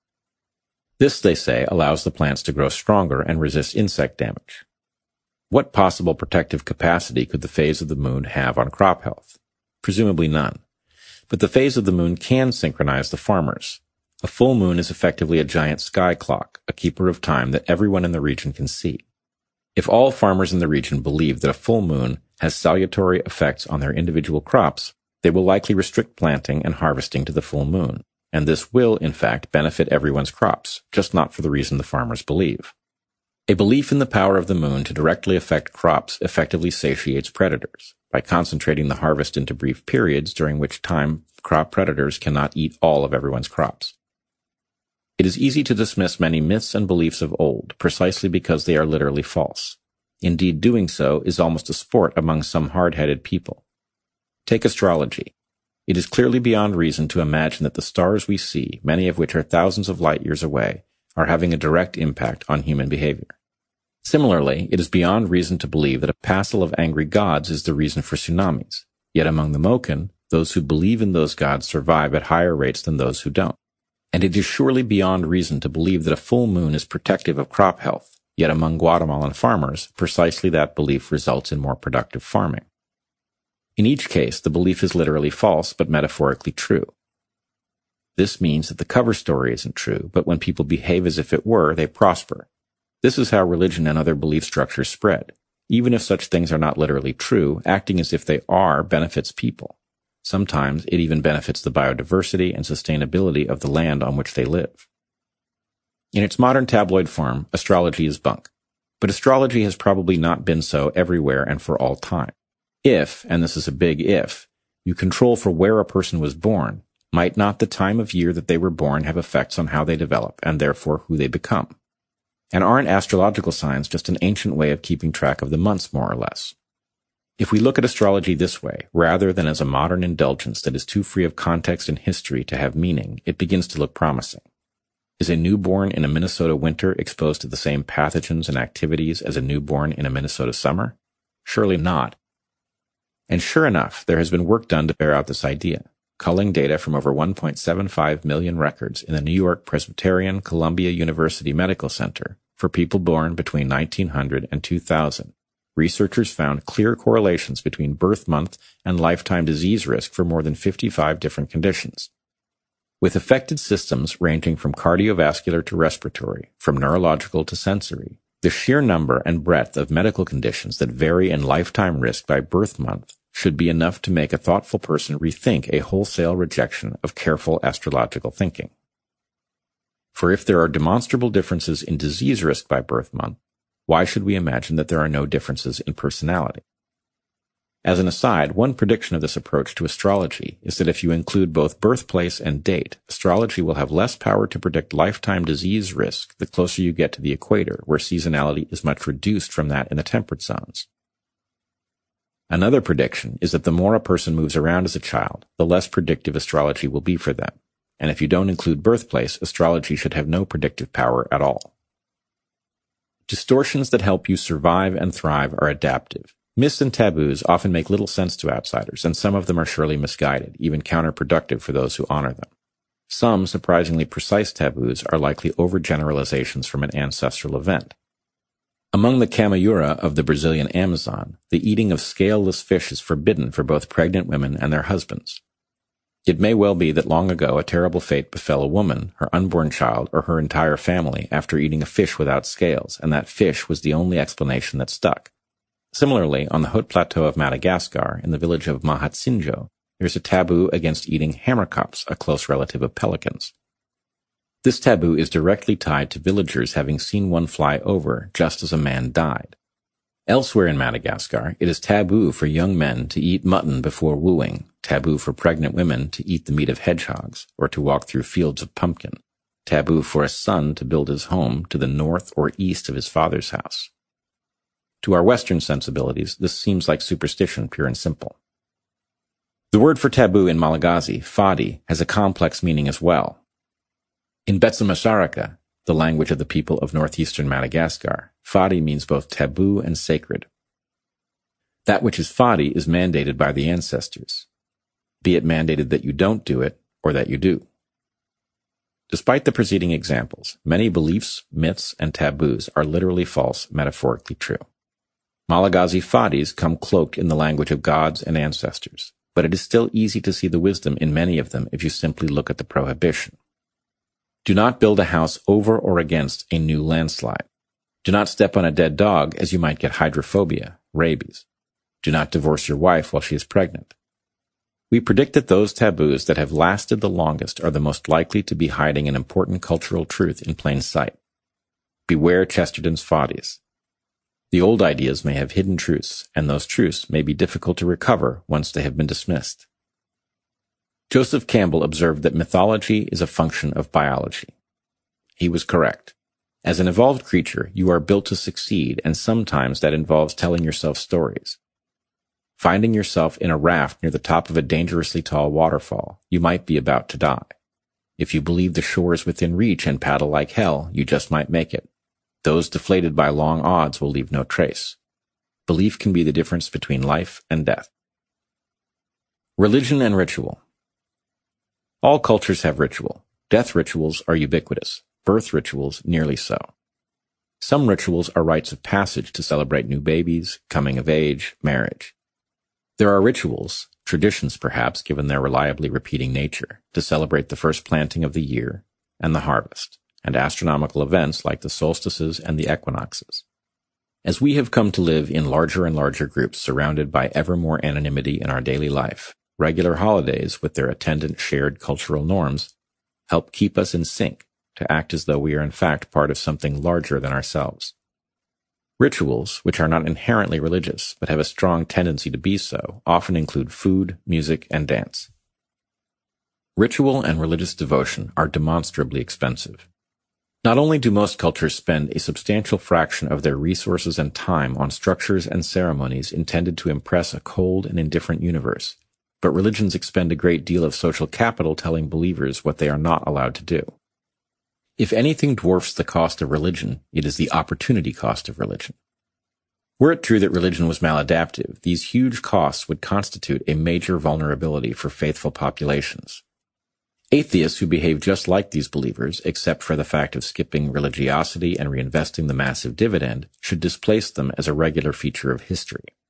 If religiosity had no adaptive benefit, great leaders in every population's history would have said, all you must do is work hard and ignore the mumbo jumbo and their lands will be yours.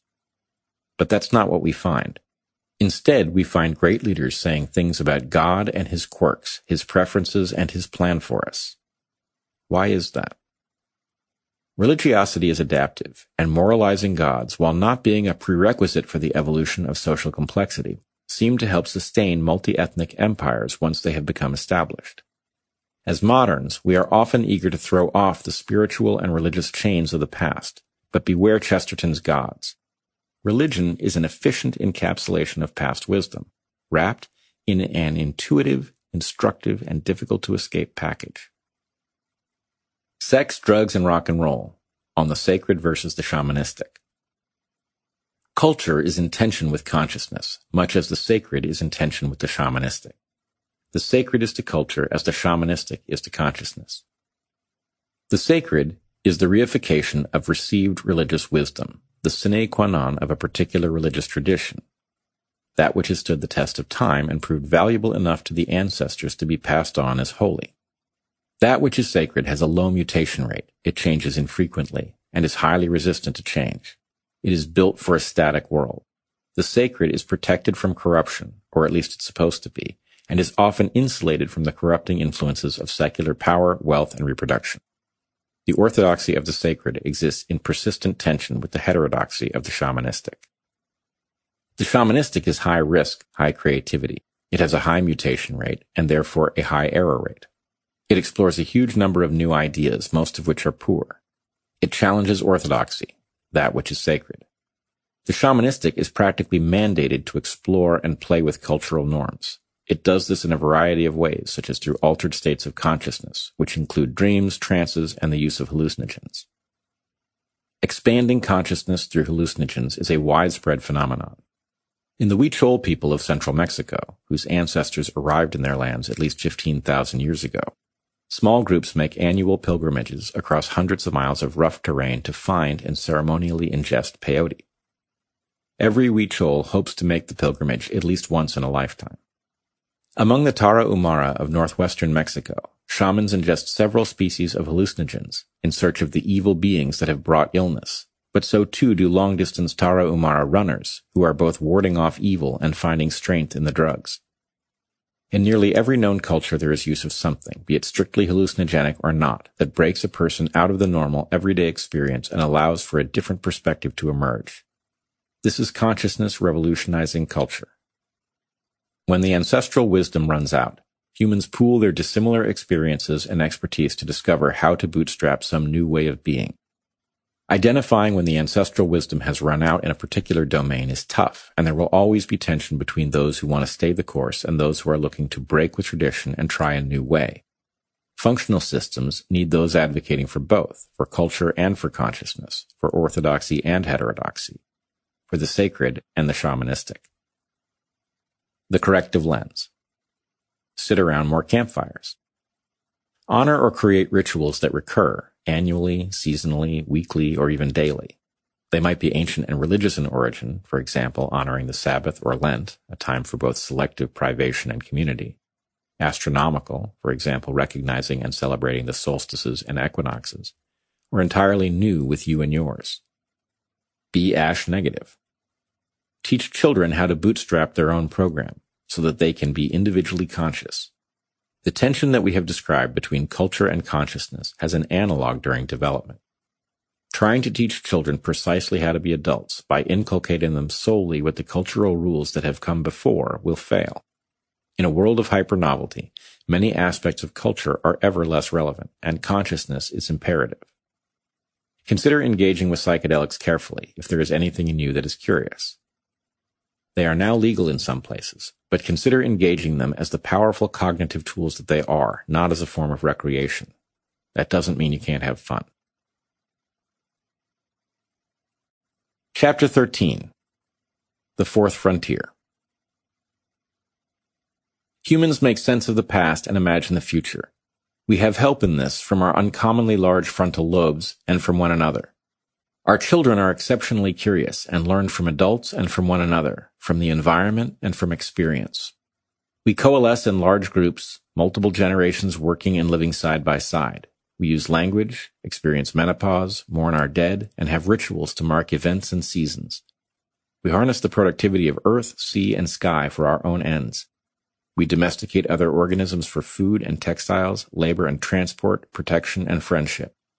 We tell stories, both fact and fiction. We have unlocked many of the universe's secrets, substantially freeing ourselves from the natural order that created us. But many of our strengths are also cryptic weaknesses. Our outsized brains are prone to confusion and miswiring. Our children are born helpless, and they remain dependent on us for an uncommonly long time. Our great linguistic diversity severely limits to whom we can talk, even our bipedal gait, so important in allowing us to move and carry things on the ground, comes with risk to mother and baby in childbirth and reliably causes back pain. We're gossipy, sentimental, and superstitious. We build extravagant monuments to fictional gods. We are arrogant and confused, often mistaking the unlikely for the inevitable, even as we downplay massive and obvious hazards. In everything, trade-offs. Creatures seek untapped opportunity and they exploit it. Successful exploitation of novel opportunities temporarily raises the limit on the number of individuals that can live in a given habitat. It produces times of comparative plenty when births outnumber deaths and populations rise to their new carrying capacity. Times of plenty is economic growth. When the usual order is restored, as births and deaths are once again balanced, we hit equilibrium and life becomes harder again. Growth feels good, and it is not surprising that we are obsessed with it. It is adaptive to be obsessed with it, or at least it has been until now. Our obsession with growth creates two problems. The first is that we have convinced ourselves that growth is the normal state and that it is reasonable to expect it to go on and on. That patently ridiculous idea, exactly as hopeful and deluded as the search for a perpetual motion machine, causes us to stop searching for other possibilities. While this expectation greatly reduces the chances that we will miss out on growth, it also prevents us from recognizing and pursuing more sustainable options. Second, because we regard growth as normal rather than exceptional, we behave destructively to feed our addiction. Sometimes we violate our stated values by inventing justifications to steal from a population that has resources but not the means to defend them. Other times, we degrade the world and inflict decline, the opposite of growth, on our descendants in order to fuel current expansion. The former scenario accounts for many of the greatest atrocities in history. The latter explains the modern experience of watching the goodness of our planet liquidated before our eyes. Growth über alles is a disastrous creed. Humans thrive in almost every terrestrial habitat on Earth. We are a broadly generalist species with highly specialized individuals who have shape-shifted and niche-shifted into nearly every environment on the planet. This has meant interacting with frontiers over and over and over again. Here we describe three types of historical frontiers, geographic, technological, and transfer of resource. Then we will propose a fourth. Geographic frontiers are what we tend to think of when frontiers are invoked. The vast unspoiled vistas, the abundant and yet uncounted resources.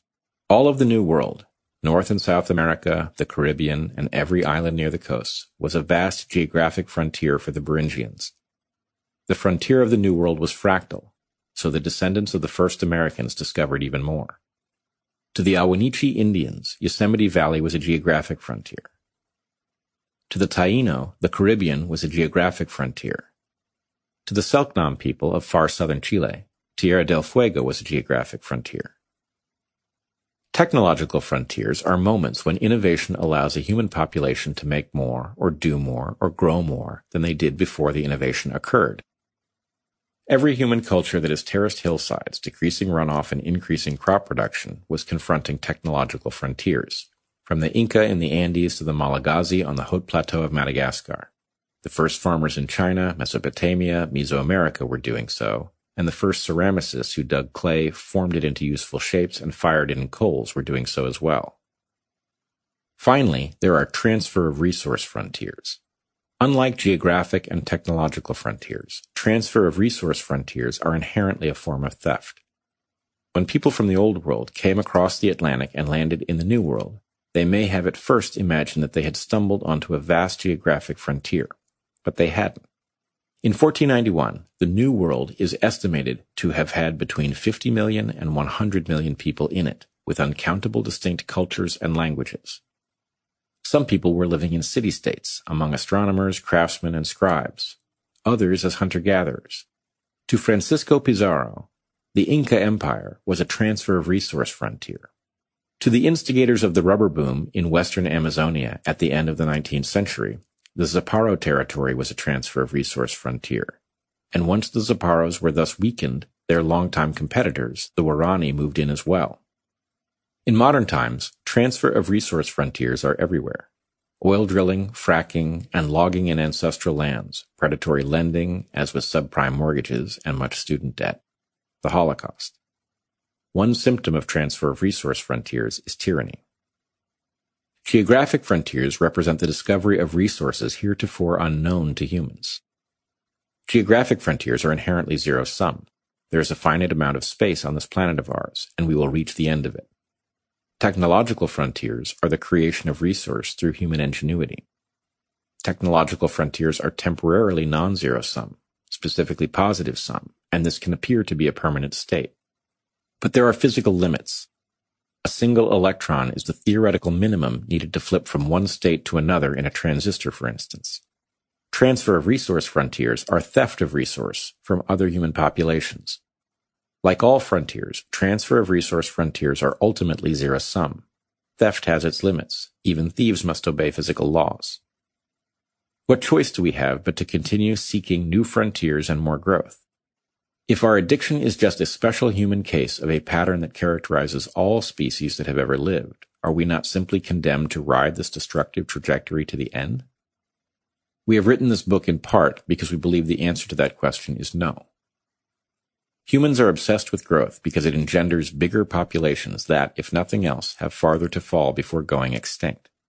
But large populations also pose a hazard to themselves if the resources that enlarge them are finite or fragile. In such cases, moderation is the key, but it only works if our drive for growth, our individual perception of it, is sustainably satisfied. We have run out of geographic frontiers, or nearly so. Technological frontiers, by turns dazzling and disappointing, come with risks. Beware Chesterton's fence, and are ultimately constrained by available resources. Transfer of resource frontiers are immoral and destabilizing. What then are we to do? Where to turn to find salvation? In simple terms, consciousness. Consciousness can point the way to a fourth frontier. Once again, the human niche is niche switching, and consciousness is the answer to novelty. Living sustainably on a finite planet is a hard sell, but we can and we must find a way. We have no choice. These problems of novelty require humanity's urgent attention and cannot be solved by the goodwill or hard work of individuals. We moderns have become a threat to our own persistence. We are built to figure out how to move between modes of being. It is time to rise to collective consciousness and prototype a way out of this. We face some significant obstacles. Humans, like other creatures, are obsessed with growth, and we are capable of driving ourselves extinct in the pursuit of it. Even though it is logically obvious that we must accept equilibrium, we are not built to be satisfied with it, because being unsatisfied has been an excellent strategy for the last several billion years. There is a character trait of individuals that may be critical to finding the fourth frontier, or rather, its adaptive foothill that could lead to a society-wide solution. That is, pride in craftsmanship. An artisan who takes pride in the quality and durability of their work is enacting some portion of a fourth frontier mentality, one in which the lifespan of a product is as important as its function. A table or sideboard made by a local craftsperson is not beloved merely because it is more beautiful than what can be assembled from a box bought at IKEA, but also because the person in possession of a lovely and functional piece has a chance of handing it down to their children or other kin or friends. So too would we like to be able to deliver unto the next generations a lovely and functional world. The fourth frontier is a framework, therefore, that can be understood with an evolutionary toolkit. It is not a policy proposal. The fourth frontier is the idea that we can engineer an indefinite steady state that will feel to people like they live in a period of perpetual growth, but will abide by the laws of physics and game theory that govern our universe. Think of it like the climate control that allows the inside of your house to hover at a pleasant spring temperature as the world outside moves between unpleasant extremes. Engineering an indefinite steady state for humanity will not be easy, but it is imperative. Senescence of civilization. We are headed for collapse. Civilization is becoming incoherent around us. In organisms, we know what causes senescence, the tendency to grow feeble with age. It is antagonistic pleiotropy, the propensity of selection to favor heritable traits that provide early life benefits even when they carry inevitable late life costs. This willingness to accept harm in old age occurs because selection sees the early life benefits much more clearly, as individuals will often reproduce and die before the harms have time to fully manifest. There is an analogous argument to be made for the senescence of civilization. Our economic and political system, in combination with our desire for growth in the moment, inflicts policies and behaviors that don't seem crazy at first, not at all, and yet they too often turn out to be not only bad for us and the planet, but also irreversible by the time we realize what we have wrought. We are living the unfortunate reality of the sucker's folly again, the tendency of concentrated short-term benefit to not only obscure risk and long-term cost, but also to drive acceptance even when the net analysis is negative. When dimensional lumber began to be produced, it surely seemed like a pure boon. Who could have predicted that living in a world of carpentered corners would literally change how we see? The first time that someone put a distillate of oil in a motor and made it run, you would have seemed crazy to say that you shouldn't do it. Even things that appear to be an unalloyed good generally have risks. Being able to listen to music without disturbing others was a breakthrough. As we now understand, though, it is easy to listen to music through headphones, or worse, with earbuds, at volumes that are destructive to our hearing. What we want, and what the market is glad to hand us, is short-term gratification that rarely accounts for what is best for us long-term. A market that is unregulated will tend to embody the naturalistic fallacy, the mistaken idea that what is in nature is what ought to be. When we let such unregulated markets lead, we are fed directly into the naturalistic fallacy. Just because you can doesn't mean you should. Compounding the issue of unregulated markets is the reality that humans are perfectly adapted to manipulate one another, and that such adaptations have been moved into the hyper-novel territory of widespread anonymity. Historically, manipulation was kept in check by living in small groups of interdependent people. Shared fate was the rule that kept us in line. Putting one over on a person whose fate is intimately linked to your own is generally a poor idea and those who do quickly get a reputation for doing so. We no longer live in small interdependent communities. Many of the most critical systems we rely on are global, and the participants are nearly always anonymous. Malicious market forces are largely an expression of manipulation made possible by such anonymity and by a lost sense of shared fate. With all this stacked against us, how do we move forward? Civilization as we know it is going to become senescent because that which made us successful will ultimately destroy us. The answer, in simple terms, is to consciously build a system that is resistant to senescence. Doing so is much more complicated, but here are a few ideas to get us started. The key to building a system that is resistant to senescence is to not optimize for a single value.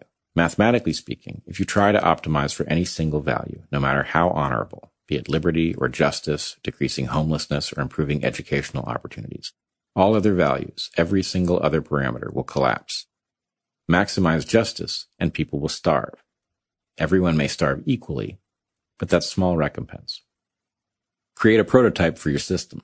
After that, continue to build prototypes. Do not imagine that you know from the beginning what the final system will look like. Recognize that the fourth frontier is inherently a steady state, whose characteristics are ours to define. We ought to strive to create a system that liberates, that is, frees people to do rewarding, interesting, awesome stuff, is anti-fragile, is resistant to capture, and is incapable of evolving into something that betrays its own core values. In the technical language of evolution, we need a system that is an evolutionarily stable strategy, a strategy incapable of invasion by competitors. The Maya. In many regards, the problems we are facing now are ones we have faced before, Every culture in human history has engaged both in cooperation and competition and behaved both in ways that ought to make us proud to be human and in those that make us ashamed. Both glorious and ghastly actions have been widespread. When looking back on history, we have the responsibility to recognize that truth and also to recognize when our ancestors' wins, legitimate or very often not, have provided us advantage that we did not ourselves earn. It is not, however, our responsibility to subjugate ourselves to those histories.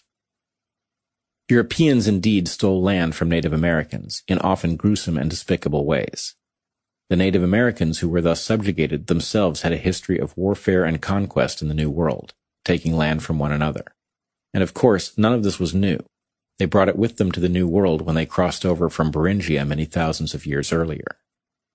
Let us not romanticize any people or period.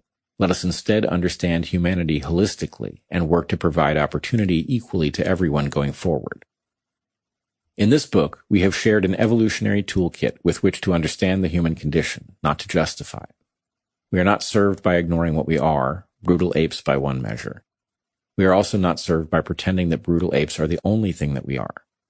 We are also generous, cooperative beings full of love.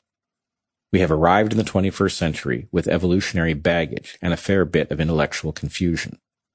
Let us understand the baggage in order to reduce the confusion and increase our odds of moving forward with maximal human flourishing. As an aid to this end, let us consider the Maya.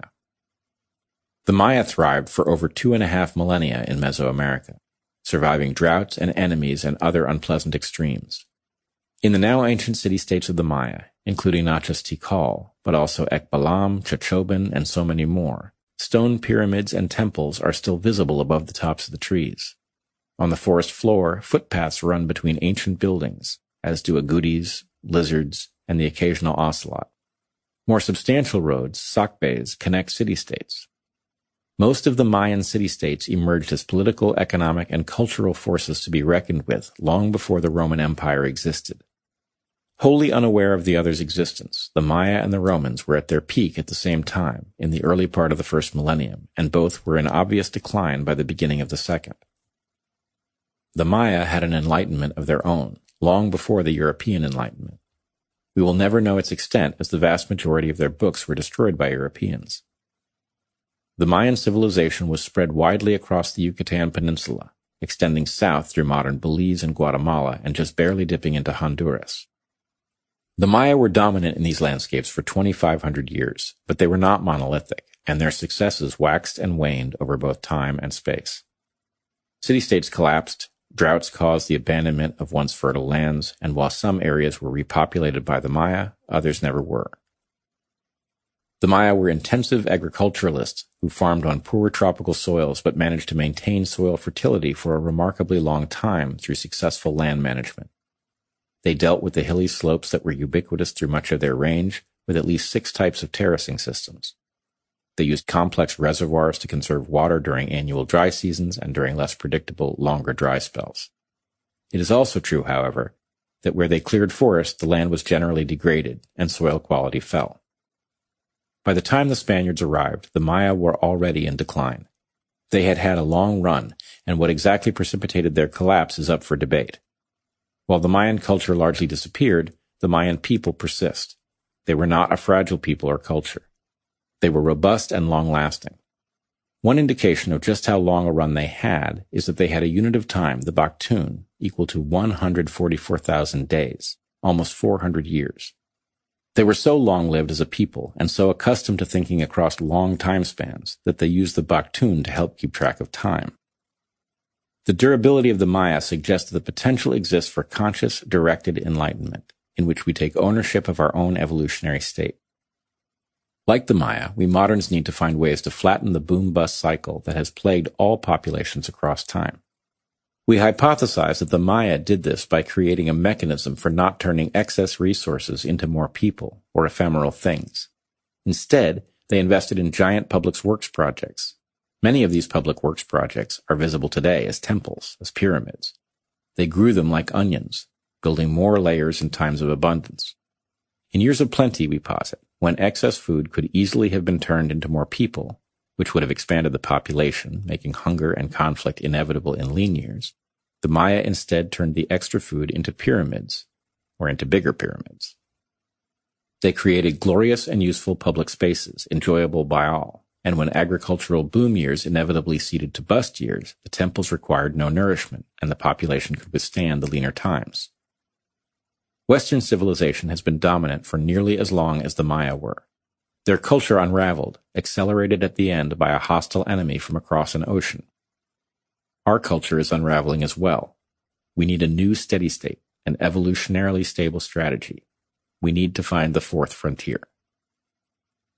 Obstacles to the fourth frontier. Many forces are obstacles to the fourth frontier.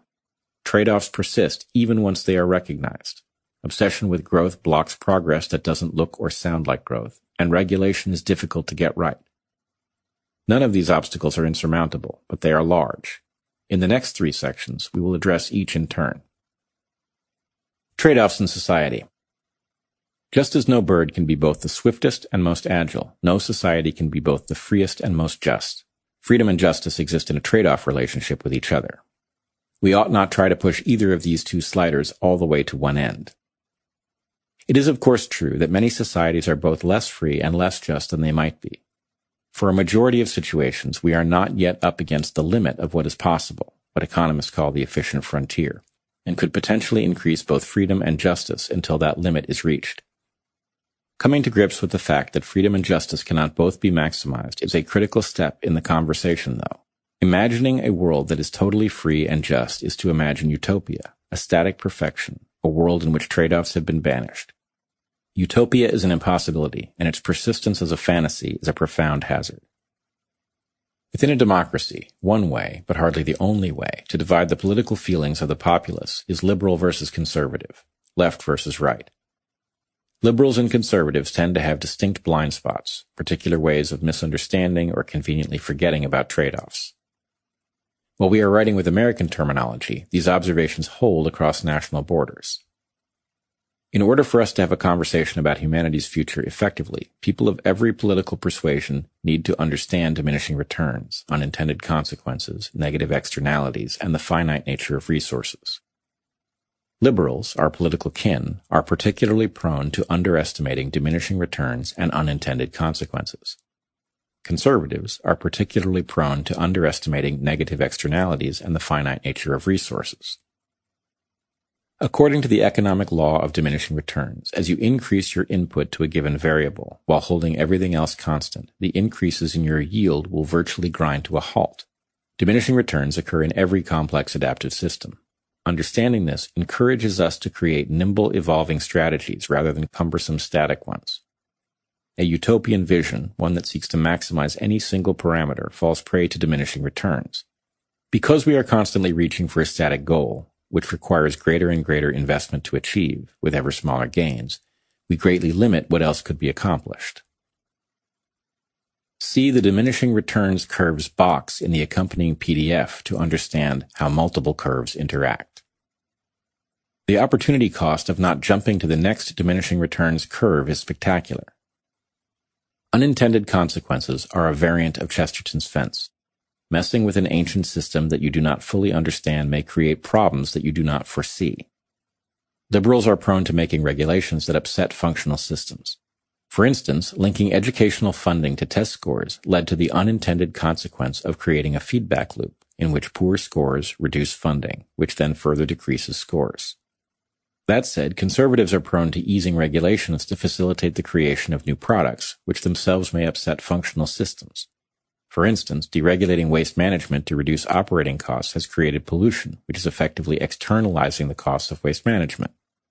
This has destabilized uncountable natural systems that humans historically depend on. Fish and shellfish that are too toxic to eat, rivers that can't sustain fish populations, air quality that leads to asthma and developmental delays.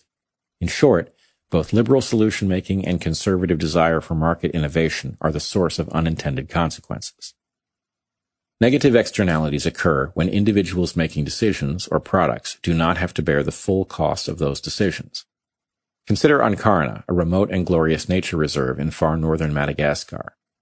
It is a 150 million year old limestone plateau whose roof of razor sharp ridges has collapsed in places, creating a network of caves through which underground rivers run. These caves open into wholly isolated pockets of forest filled with crowned lemurs and geckos. It is a landscape and biota unlike any place on Earth. Alas for Ankarana and its inhabitants, it is also home to vast sapphire deposits that, when we were there in the early 1990s, were being mined for jewelry and industrial grit, to the obvious detriment of the environment. Wherever those extracted sapphires ended up, it is certain that few, if any, of those who benefited from the stones knew anything of the damage that their extraction had wrought. This is a negative externality, which can propagate because money is fungible, allowing the harm from what is created to be disassociated from its value. Ankarana is one easily understood example, but negative externalities are everywhere. From the burning of coal for energy, in which the air pollution is shared by all, but the profits by few, to the playing of loud music late at night to the enduring irritation of your neighbors, negative externalities are rampant in our world.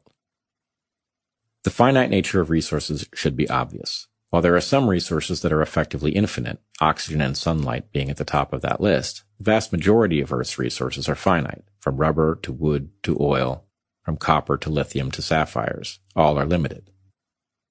The partisan nature of Western democracy can make us feel as though we could never align behind a set of shared values, but realizing that we have a lot in common is the only way to achieve collective consciousness. We have but one planet, and yet we continue to behave as though the world in which we live is a cornucopia of infinite wealth. The sucker's folly blinds us. Our nature seeks growth, and our culture, lagging behind the times, is wired for a world in which we no longer live. While the Omega principle reveals that our culture is not arbitrary, it does not guarantee that our culture is up to snuff when it comes to hypernovelty. This is the domain of consciousness. Obsession with growth. The American dream was a fiction, but it wasn't wholly a fiction. It had elements of the fourth frontier, but it was also based on a utopian fantasy of infinite growth. One big cultural battle we're in now is that while some of us understand that infinite growth cannot last, others among us are cornucopians. The evolutionary creature in all of us needs to feel growth. Growth is what winning feels like in evolutionary terms. Every single one of us, every lineage that has existed on Earth, has been through an oscillating cycle of growth, of filling up a niche and running into the end of the resource, of moving from a non-zero to a zero-sum world. Coming up short against that limit feels terrible whereas abundance allows humans to flourish. Chasing growth as if it is always there to be caught is a fool's errand. Sometimes the opportunity exists, and sometimes it doesn't. The expectation of perpetual growth is in many ways similar to the pursuit of perpetual happiness. It is the route to a host of miseries. Our obsession with growth and the economic mindset it has created has given rise to a throughput society, one in which civilization's health is evaluated based on the production of goods and services, where more consumption is presumed to be better. This framework is so deeply embedded in our minds that it seems almost logical until one considers the implications. Imagine the introduction of a new type of refrigerator, one that lasts much longer than other models, is similar in cost, and is equal to them in performance. A healthy society would regard this as a good thing, as would most citizens reducing waste and pollution, conserving energy and materials, and possibly limiting strategic vulnerabilities that come from heavy dependence on foreign suppliers. But the effect of this durable fridge on gross domestic product will be negative, and so indicative of a problem. Now imagine that we achieved similar gains in durability in all consumer goods. With goods needing less frequent replacement, we'd face a massive economic contraction. Jobs would be lost, incomes would drop, tax revenue would decline. In short, it would destroy the ability of our system to function. Similar absurdities emerge anywhere that something positive interrupts demand. Would it be good if people invested more time and effort with their romantic partners instead of paying for porn? Would it be good if people were more satisfied with what they had and less susceptible to sales pitches? Would it be good if people were more easily sated and less prone to overeat? Would it be good if people spent more time producing art, music, and insight and less time coveting, purchasing, and flaunting trendy goods? Of course. All of these things would be major upgrades to our way of life. But our growth obsessed economic mindset would report exactly the opposite. Our throughput society depends on insecurity, gluttony, and planned obsolescence. It's how we keep the lights on. Our obsession with growth has been a mixed bag. It brought us this far, at the cost of a great deal of suffering and misery. Nevertheless, with more than 7 billion people on the planet, consumption cannot remain our measure of well-being. If we are to persist, sustainability must displace growth as the indicator of success. When we were in the Trinity Alps of far northern California in the summer of 2019, the lack of animals was notable. On a three-hour hike, we saw only a handful of birds. Summer road trips no longer produce windshields smeared with the carcasses of insects roadkill is becoming less common. In early 2020, when we were in Yasuni, Ecuador's jewel of a national park in the western Amazon, understood to be the most biodiverse place on the planet, there were fewer insects than there used to be, and fewer birds. We suspect that among other culprits, the die-off of birds and insects is due to widespread use of insecticides, far upstream of, or more distant yet from, the Amazon. Insecticides get aerosolized and fall into the water, which then comes downstream out of the Andes. Once the insects are gone, so too go the insectivorous birds and bats and lizards, and once they're gone, so too go the carnivores, the tairas and short-eared dogs and jaguars. Rachel Carson was right, but the silent spring of the northern temperate zone has arrived in the tropics, and it is a harbinger of greater dangers to come. Some will look at an analysis like this and say, sure, there are problems, but people are always predicting the end of the world, and they haven't been right yet. But that isn't the correct way to think about it. The world ending doesn't typically mean the destruction of the planet. Rather, it means something like our world. In effect, our ability to persist into the future. When it is framed that way, some individuals who have predicted the end of their world will certainly have been right. Many populations have, after all, faced threats to their survival, and many of those failed to rise to the challenge. It is our belief, therefore, that sensitivity to existential threats is a long-standing adaptive trait, and that the size of the present human population, our degree of interconnection, and the technology we now possess all create a threat to our species analogous to threats faced by ancestral populations. The problem is old, the scale brand new. On regulation. Good laws and regulations are hard to write. Simple static laws will either be wrong from the beginning or have a short shelf life. Having a short shelf life is fine to the extent that the system can upgrade. As Thomas Jefferson observed, even democracies need rebellion with some regularity. To the degree that a system is set in stone, it will be both gameable and gamed. Evolved systems that have persisted over time are generally complex and functional, and we should employ the precautionary principle when tinkering with them. Removing functional organs because we can't tell what they're for is not wise. It's tempting, therefore, to laugh at those doctors who once proposed to take out people's healthy large intestines. But what similar mistakes are we making now? Given the hyper-novelty of our era, it would be the height of arrogance to imagine that we are not currently doing things that will be understood to be laughable, even deranged in the future. Society is obsessed with short-term safety because short-term harm is easy to detect and comparatively simple to regulate. Long-term harms are a different story, being more difficult to detect and even harder to prove. What are the long-term effects of screen time or educational testing, aspartame or neonicotinoid insecticides? We do not know. But because no one wants to live in a world where safety testing keeps every innovation off the market for decades, we have become reckless. We foolishly presume long-term harms are absent until they can no longer be ignored, and are then shocked that our expectations of safety were wrong. Regulation has a bad reputation in many circles.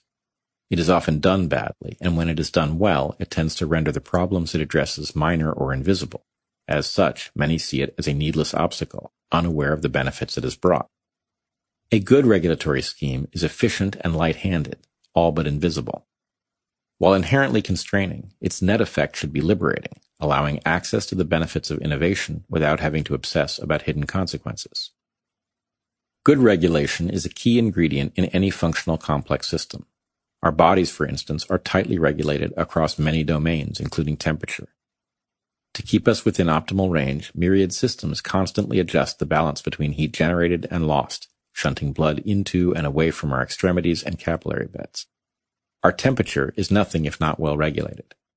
But these processes are so effective that they are barely detectable to us freeing us to do anything from swimming in a cool river to playing soccer in the sun, all while rarely giving a thought to the risk of hypothermia or heat stroke. No manufactured system has regulation that is as elegant as that found in the human body, but we do have examples of good regulation in such systems. Take commercial air travel, perhaps the safest way to travel. Its safety is due to every aspect of it being regulated and systematic investigation of the rare accidents that do happen. One could complain about the cost and inefficiency of the rules surrounding aviation, but those objections must be understood in context. The regulations make it possible for a sizable fraction of the world's population to access almost any location on Earth within 24 hours, all while being far safer than one is when driving to the airport.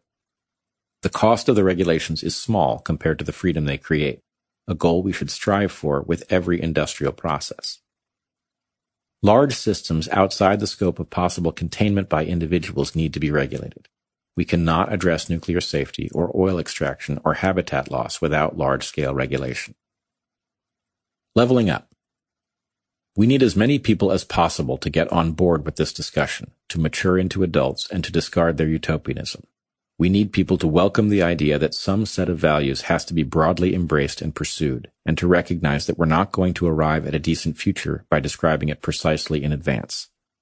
We're going to reach it by agreeing on the characteristics that such a desirable and plausible world must have, and then we must prototype, evaluate the results, and prototype again.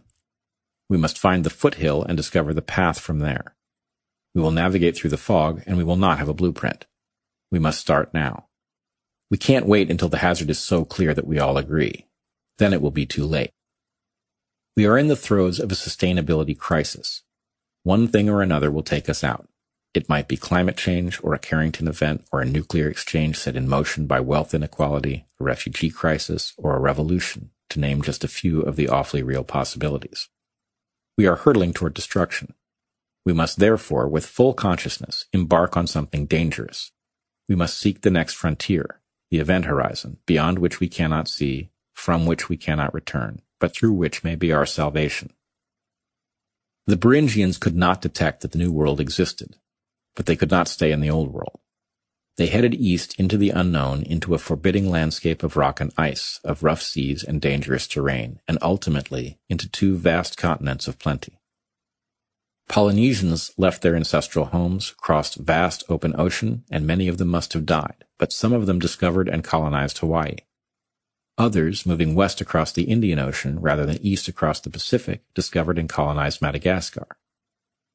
People have been discovering new worlds for as long as we have been human, but we are now out of geographic frontiers. Now we must discover a new world again and become emergent. We must seek the foothills of peaks that are higher and more promising than the ones we are now on. We must become more than our best selves and save ourselves in the process. The corrective lens. Learn to hack kludge your own mental architecture for a better life. Keep markets as far from your motivational structure as you can. Don't let someone else's profit motive determine what you desire or do. Keep commerce away from children for as long as possible. Children raised to put high value on the transactional nature of being become dedicated consumers. Consumers are less observant, meditative, and deeply thoughtful than people who value creating, discovering, healing, producing, experiencing, communicating. Individuals need to calm down and level up. Rely less on metrics and more on experience, hypothesis, deriving truth and meaning from first principles. Rely less on static rules and seek an understanding of the context in which those rules are appropriate. Dispense with anything predicated on a utopian vision that focuses on a single value. As soon as someone reveals that they are trying to maximize a single value, for example, freedom or justice, you know that they are not an adult. Liberty is emergent, therefore not a single value. It is an emergent consequence of having fixed the other problems, for example, justice, security, innovation, stability, community, camaraderie. Society-wide, we should, like the Maya, invest our surplus in public works, which makes us anti-fragile. Prototype, prototype, prototype. Move to a precautionary mindset such that we can learn to regulate our industries effectively, minimizing any negative externalities that they create. Consider Chesterton's fence in all of its guises, from healthcare to cuisine, from play to religion. From the moment our ancestors achieved ecological dominance, competition between populations has been our dominant selective force. Millions of years of evolution have refined our circuitry for such competition, and it has become the default at the human software level. Now, though, three things conspire to make the inclinations that brought us to this moment an existential threat to our future. The scale of the human population, the unprecedented power of tools at our disposal, and the interconnectedness of the systems on which we depend, global economy, ecology, and the reach of technology. The importance of understanding human software is urgent. The problem we face is the product of evolutionary dynamics. All plausible solutions involve awareness of those dynamics. The problem is evolutionary, so is the solution. Epilogue tradition, and how to tweak it.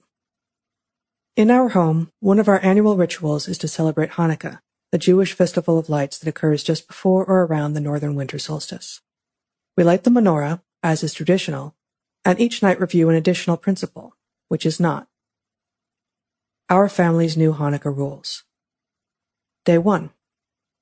All human enterprises should be both sustainable and reversible. Day 2. The Golden Rule do unto others as you would have them do unto you. Day 3. Only support systems that tend to enrich people who have contributed positively to the world. Day 4. Don't game honorable systems. Day 5. One should have a healthy skepticism of ancient wisdom and engage novel problems consciously, explicitly, and with robust reasoning. Day 6. Opportunity must not be allowed to concentrate within lineages. Day 7. Precautionary principle. When the costs of an action are unknown, proceed with caution before making change. Day 8. Society has the right to require things of all people, but it has natural obligations to them in return. Afterward. In January of 2020, we went to the Tiputini Biodiversity Station in the Ecuadorian Amazon to finish our first draft of this book.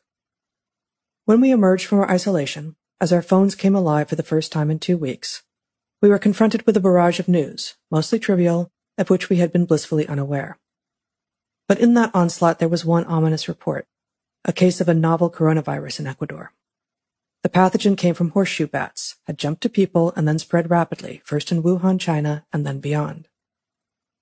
As the two of us tried to make sense of these first hints of pandemic, it quickly became clear that there might be more to the story.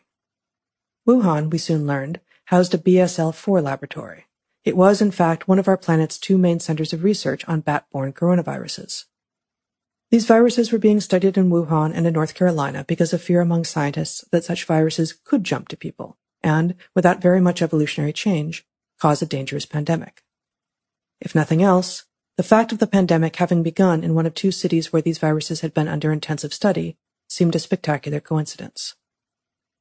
As of the writing of this note in late May 2021, the consensus in the scientific establishment, including national and international regulators, and in the mainstream press that follows them, has finally shifted to one of grudging acceptance of the obvious. SARS-CoV-2 may well have leaked from the Wuhan Institute of Virology, and the COVID-19 pandemic might therefore be for humanity an entirely self-inflicted wound. The strength of this hypothesis is something we have been discussing on our podcast, Dark Horse, since April of 2020. Those discussions caused a great deal of derision and stigma to be directed at us, and it is a bewildering relief to watch the world suddenly come around to the plausibility of this well-supported, if unfortunate, explanation. But no matter what humanity ultimately concludes about this pandemic's origin, there is a deeper truth hovering just outside our collective awareness. COVID-19 is a product of technology, no matter what path it took to humans. Consider this fact. From the beginning of the pandemic, the virus showed essentially zero capacity to transmit outside. Put another way, COVID-19 is a disease of buildings, cars, ships, trains, and airplanes. More than 99% of the Earth's surface is a COVID-safe zone. Even in your own backyard, the virus will struggle mightily to infect anyone. It has no meaningful impact unless you caught it before you walked out. In the park, on the balcony, at the beach, we are, at least for now, immune. The dependence of the virus on enclosed spaces also means that, had humanity agreed to avoid these vectoring environments for a few weeks, the pandemic could have been quickly brought to a halt. But this scenario in which we free ourselves and lock down dangerous environments instead is little more than an idle thought experiment. Even though in evolutionary terms these dangerous environments are all brand new to humans, the idea of humanity staying outside of them, even for just a few weeks, is unthinkable. Many individuals could do it, but the majority would be at a total loss, even though we evolved outside and despite the fact that most of our ancestors would have spent every hour of their lives in what we now strangely call the outdoors. We have forgotten the skills we once knew so well. That knowledge of and comfort with our natural environment has been replaced with a different skill set, one tuned to pursuing value and avoiding harm in a synthetic environment of our own device. Our cognitive software has been rewritten, and we have forgotten too much to ever again be what we were. As a result, we are condemned to battle this pathogen in bespoke environments on which we and it have both grown to depend. That's the view on the ground, but the human dimension of this pandemic is even clearer from 30,000 feet.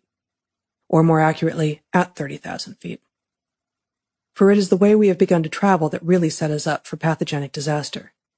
SARS-CoV-2 crossed oceans in hours, and it didn't pioneer some ingenious new mode. Where once an epidemic might have been held back by barriers that limit human travel, humans now regularly transmit communicable diseases from their continents of origin to every corner of the globe. Much as people thought little about washing their hands prior to the germ theory of disease, we give no thought to the scale of misery caused by a given person transporting a new and nameless cold virus to some continent that was free of it the day before. Novel coronavirus took advantage of that nonchalance before the pathogen even had a proper name. The COVID-19 pandemic is itself a symptom of another disease entirely. In the pages of this book, we call that disease hypernovelty. It is caused by a rate of technological change so rapid that transitions in our environment outstrip our capacity to adapt. You will not find the COVID-19 pandemic specifically dissected here, but you will find a full exploration of the hypernovelty crisis that left us vulnerable to this virus, a virus so weak that it could have been cured with a bit of well-coordinated fresh air. This is Bret Weinstein. We hope you have enjoyed this unabridged production of A Hunter-Gatherer's Guide to the 21st Century, Evolution and the Challenges of Modern Life. This program was directed by Fred Sanders, executive producer Brady Emerson. Edited by Tim Bader Audio. Text copyright 2021 by Heather Heying and Bret Weinstein. Production copyright 2021. Penguin Random House LLC. All rights reserved.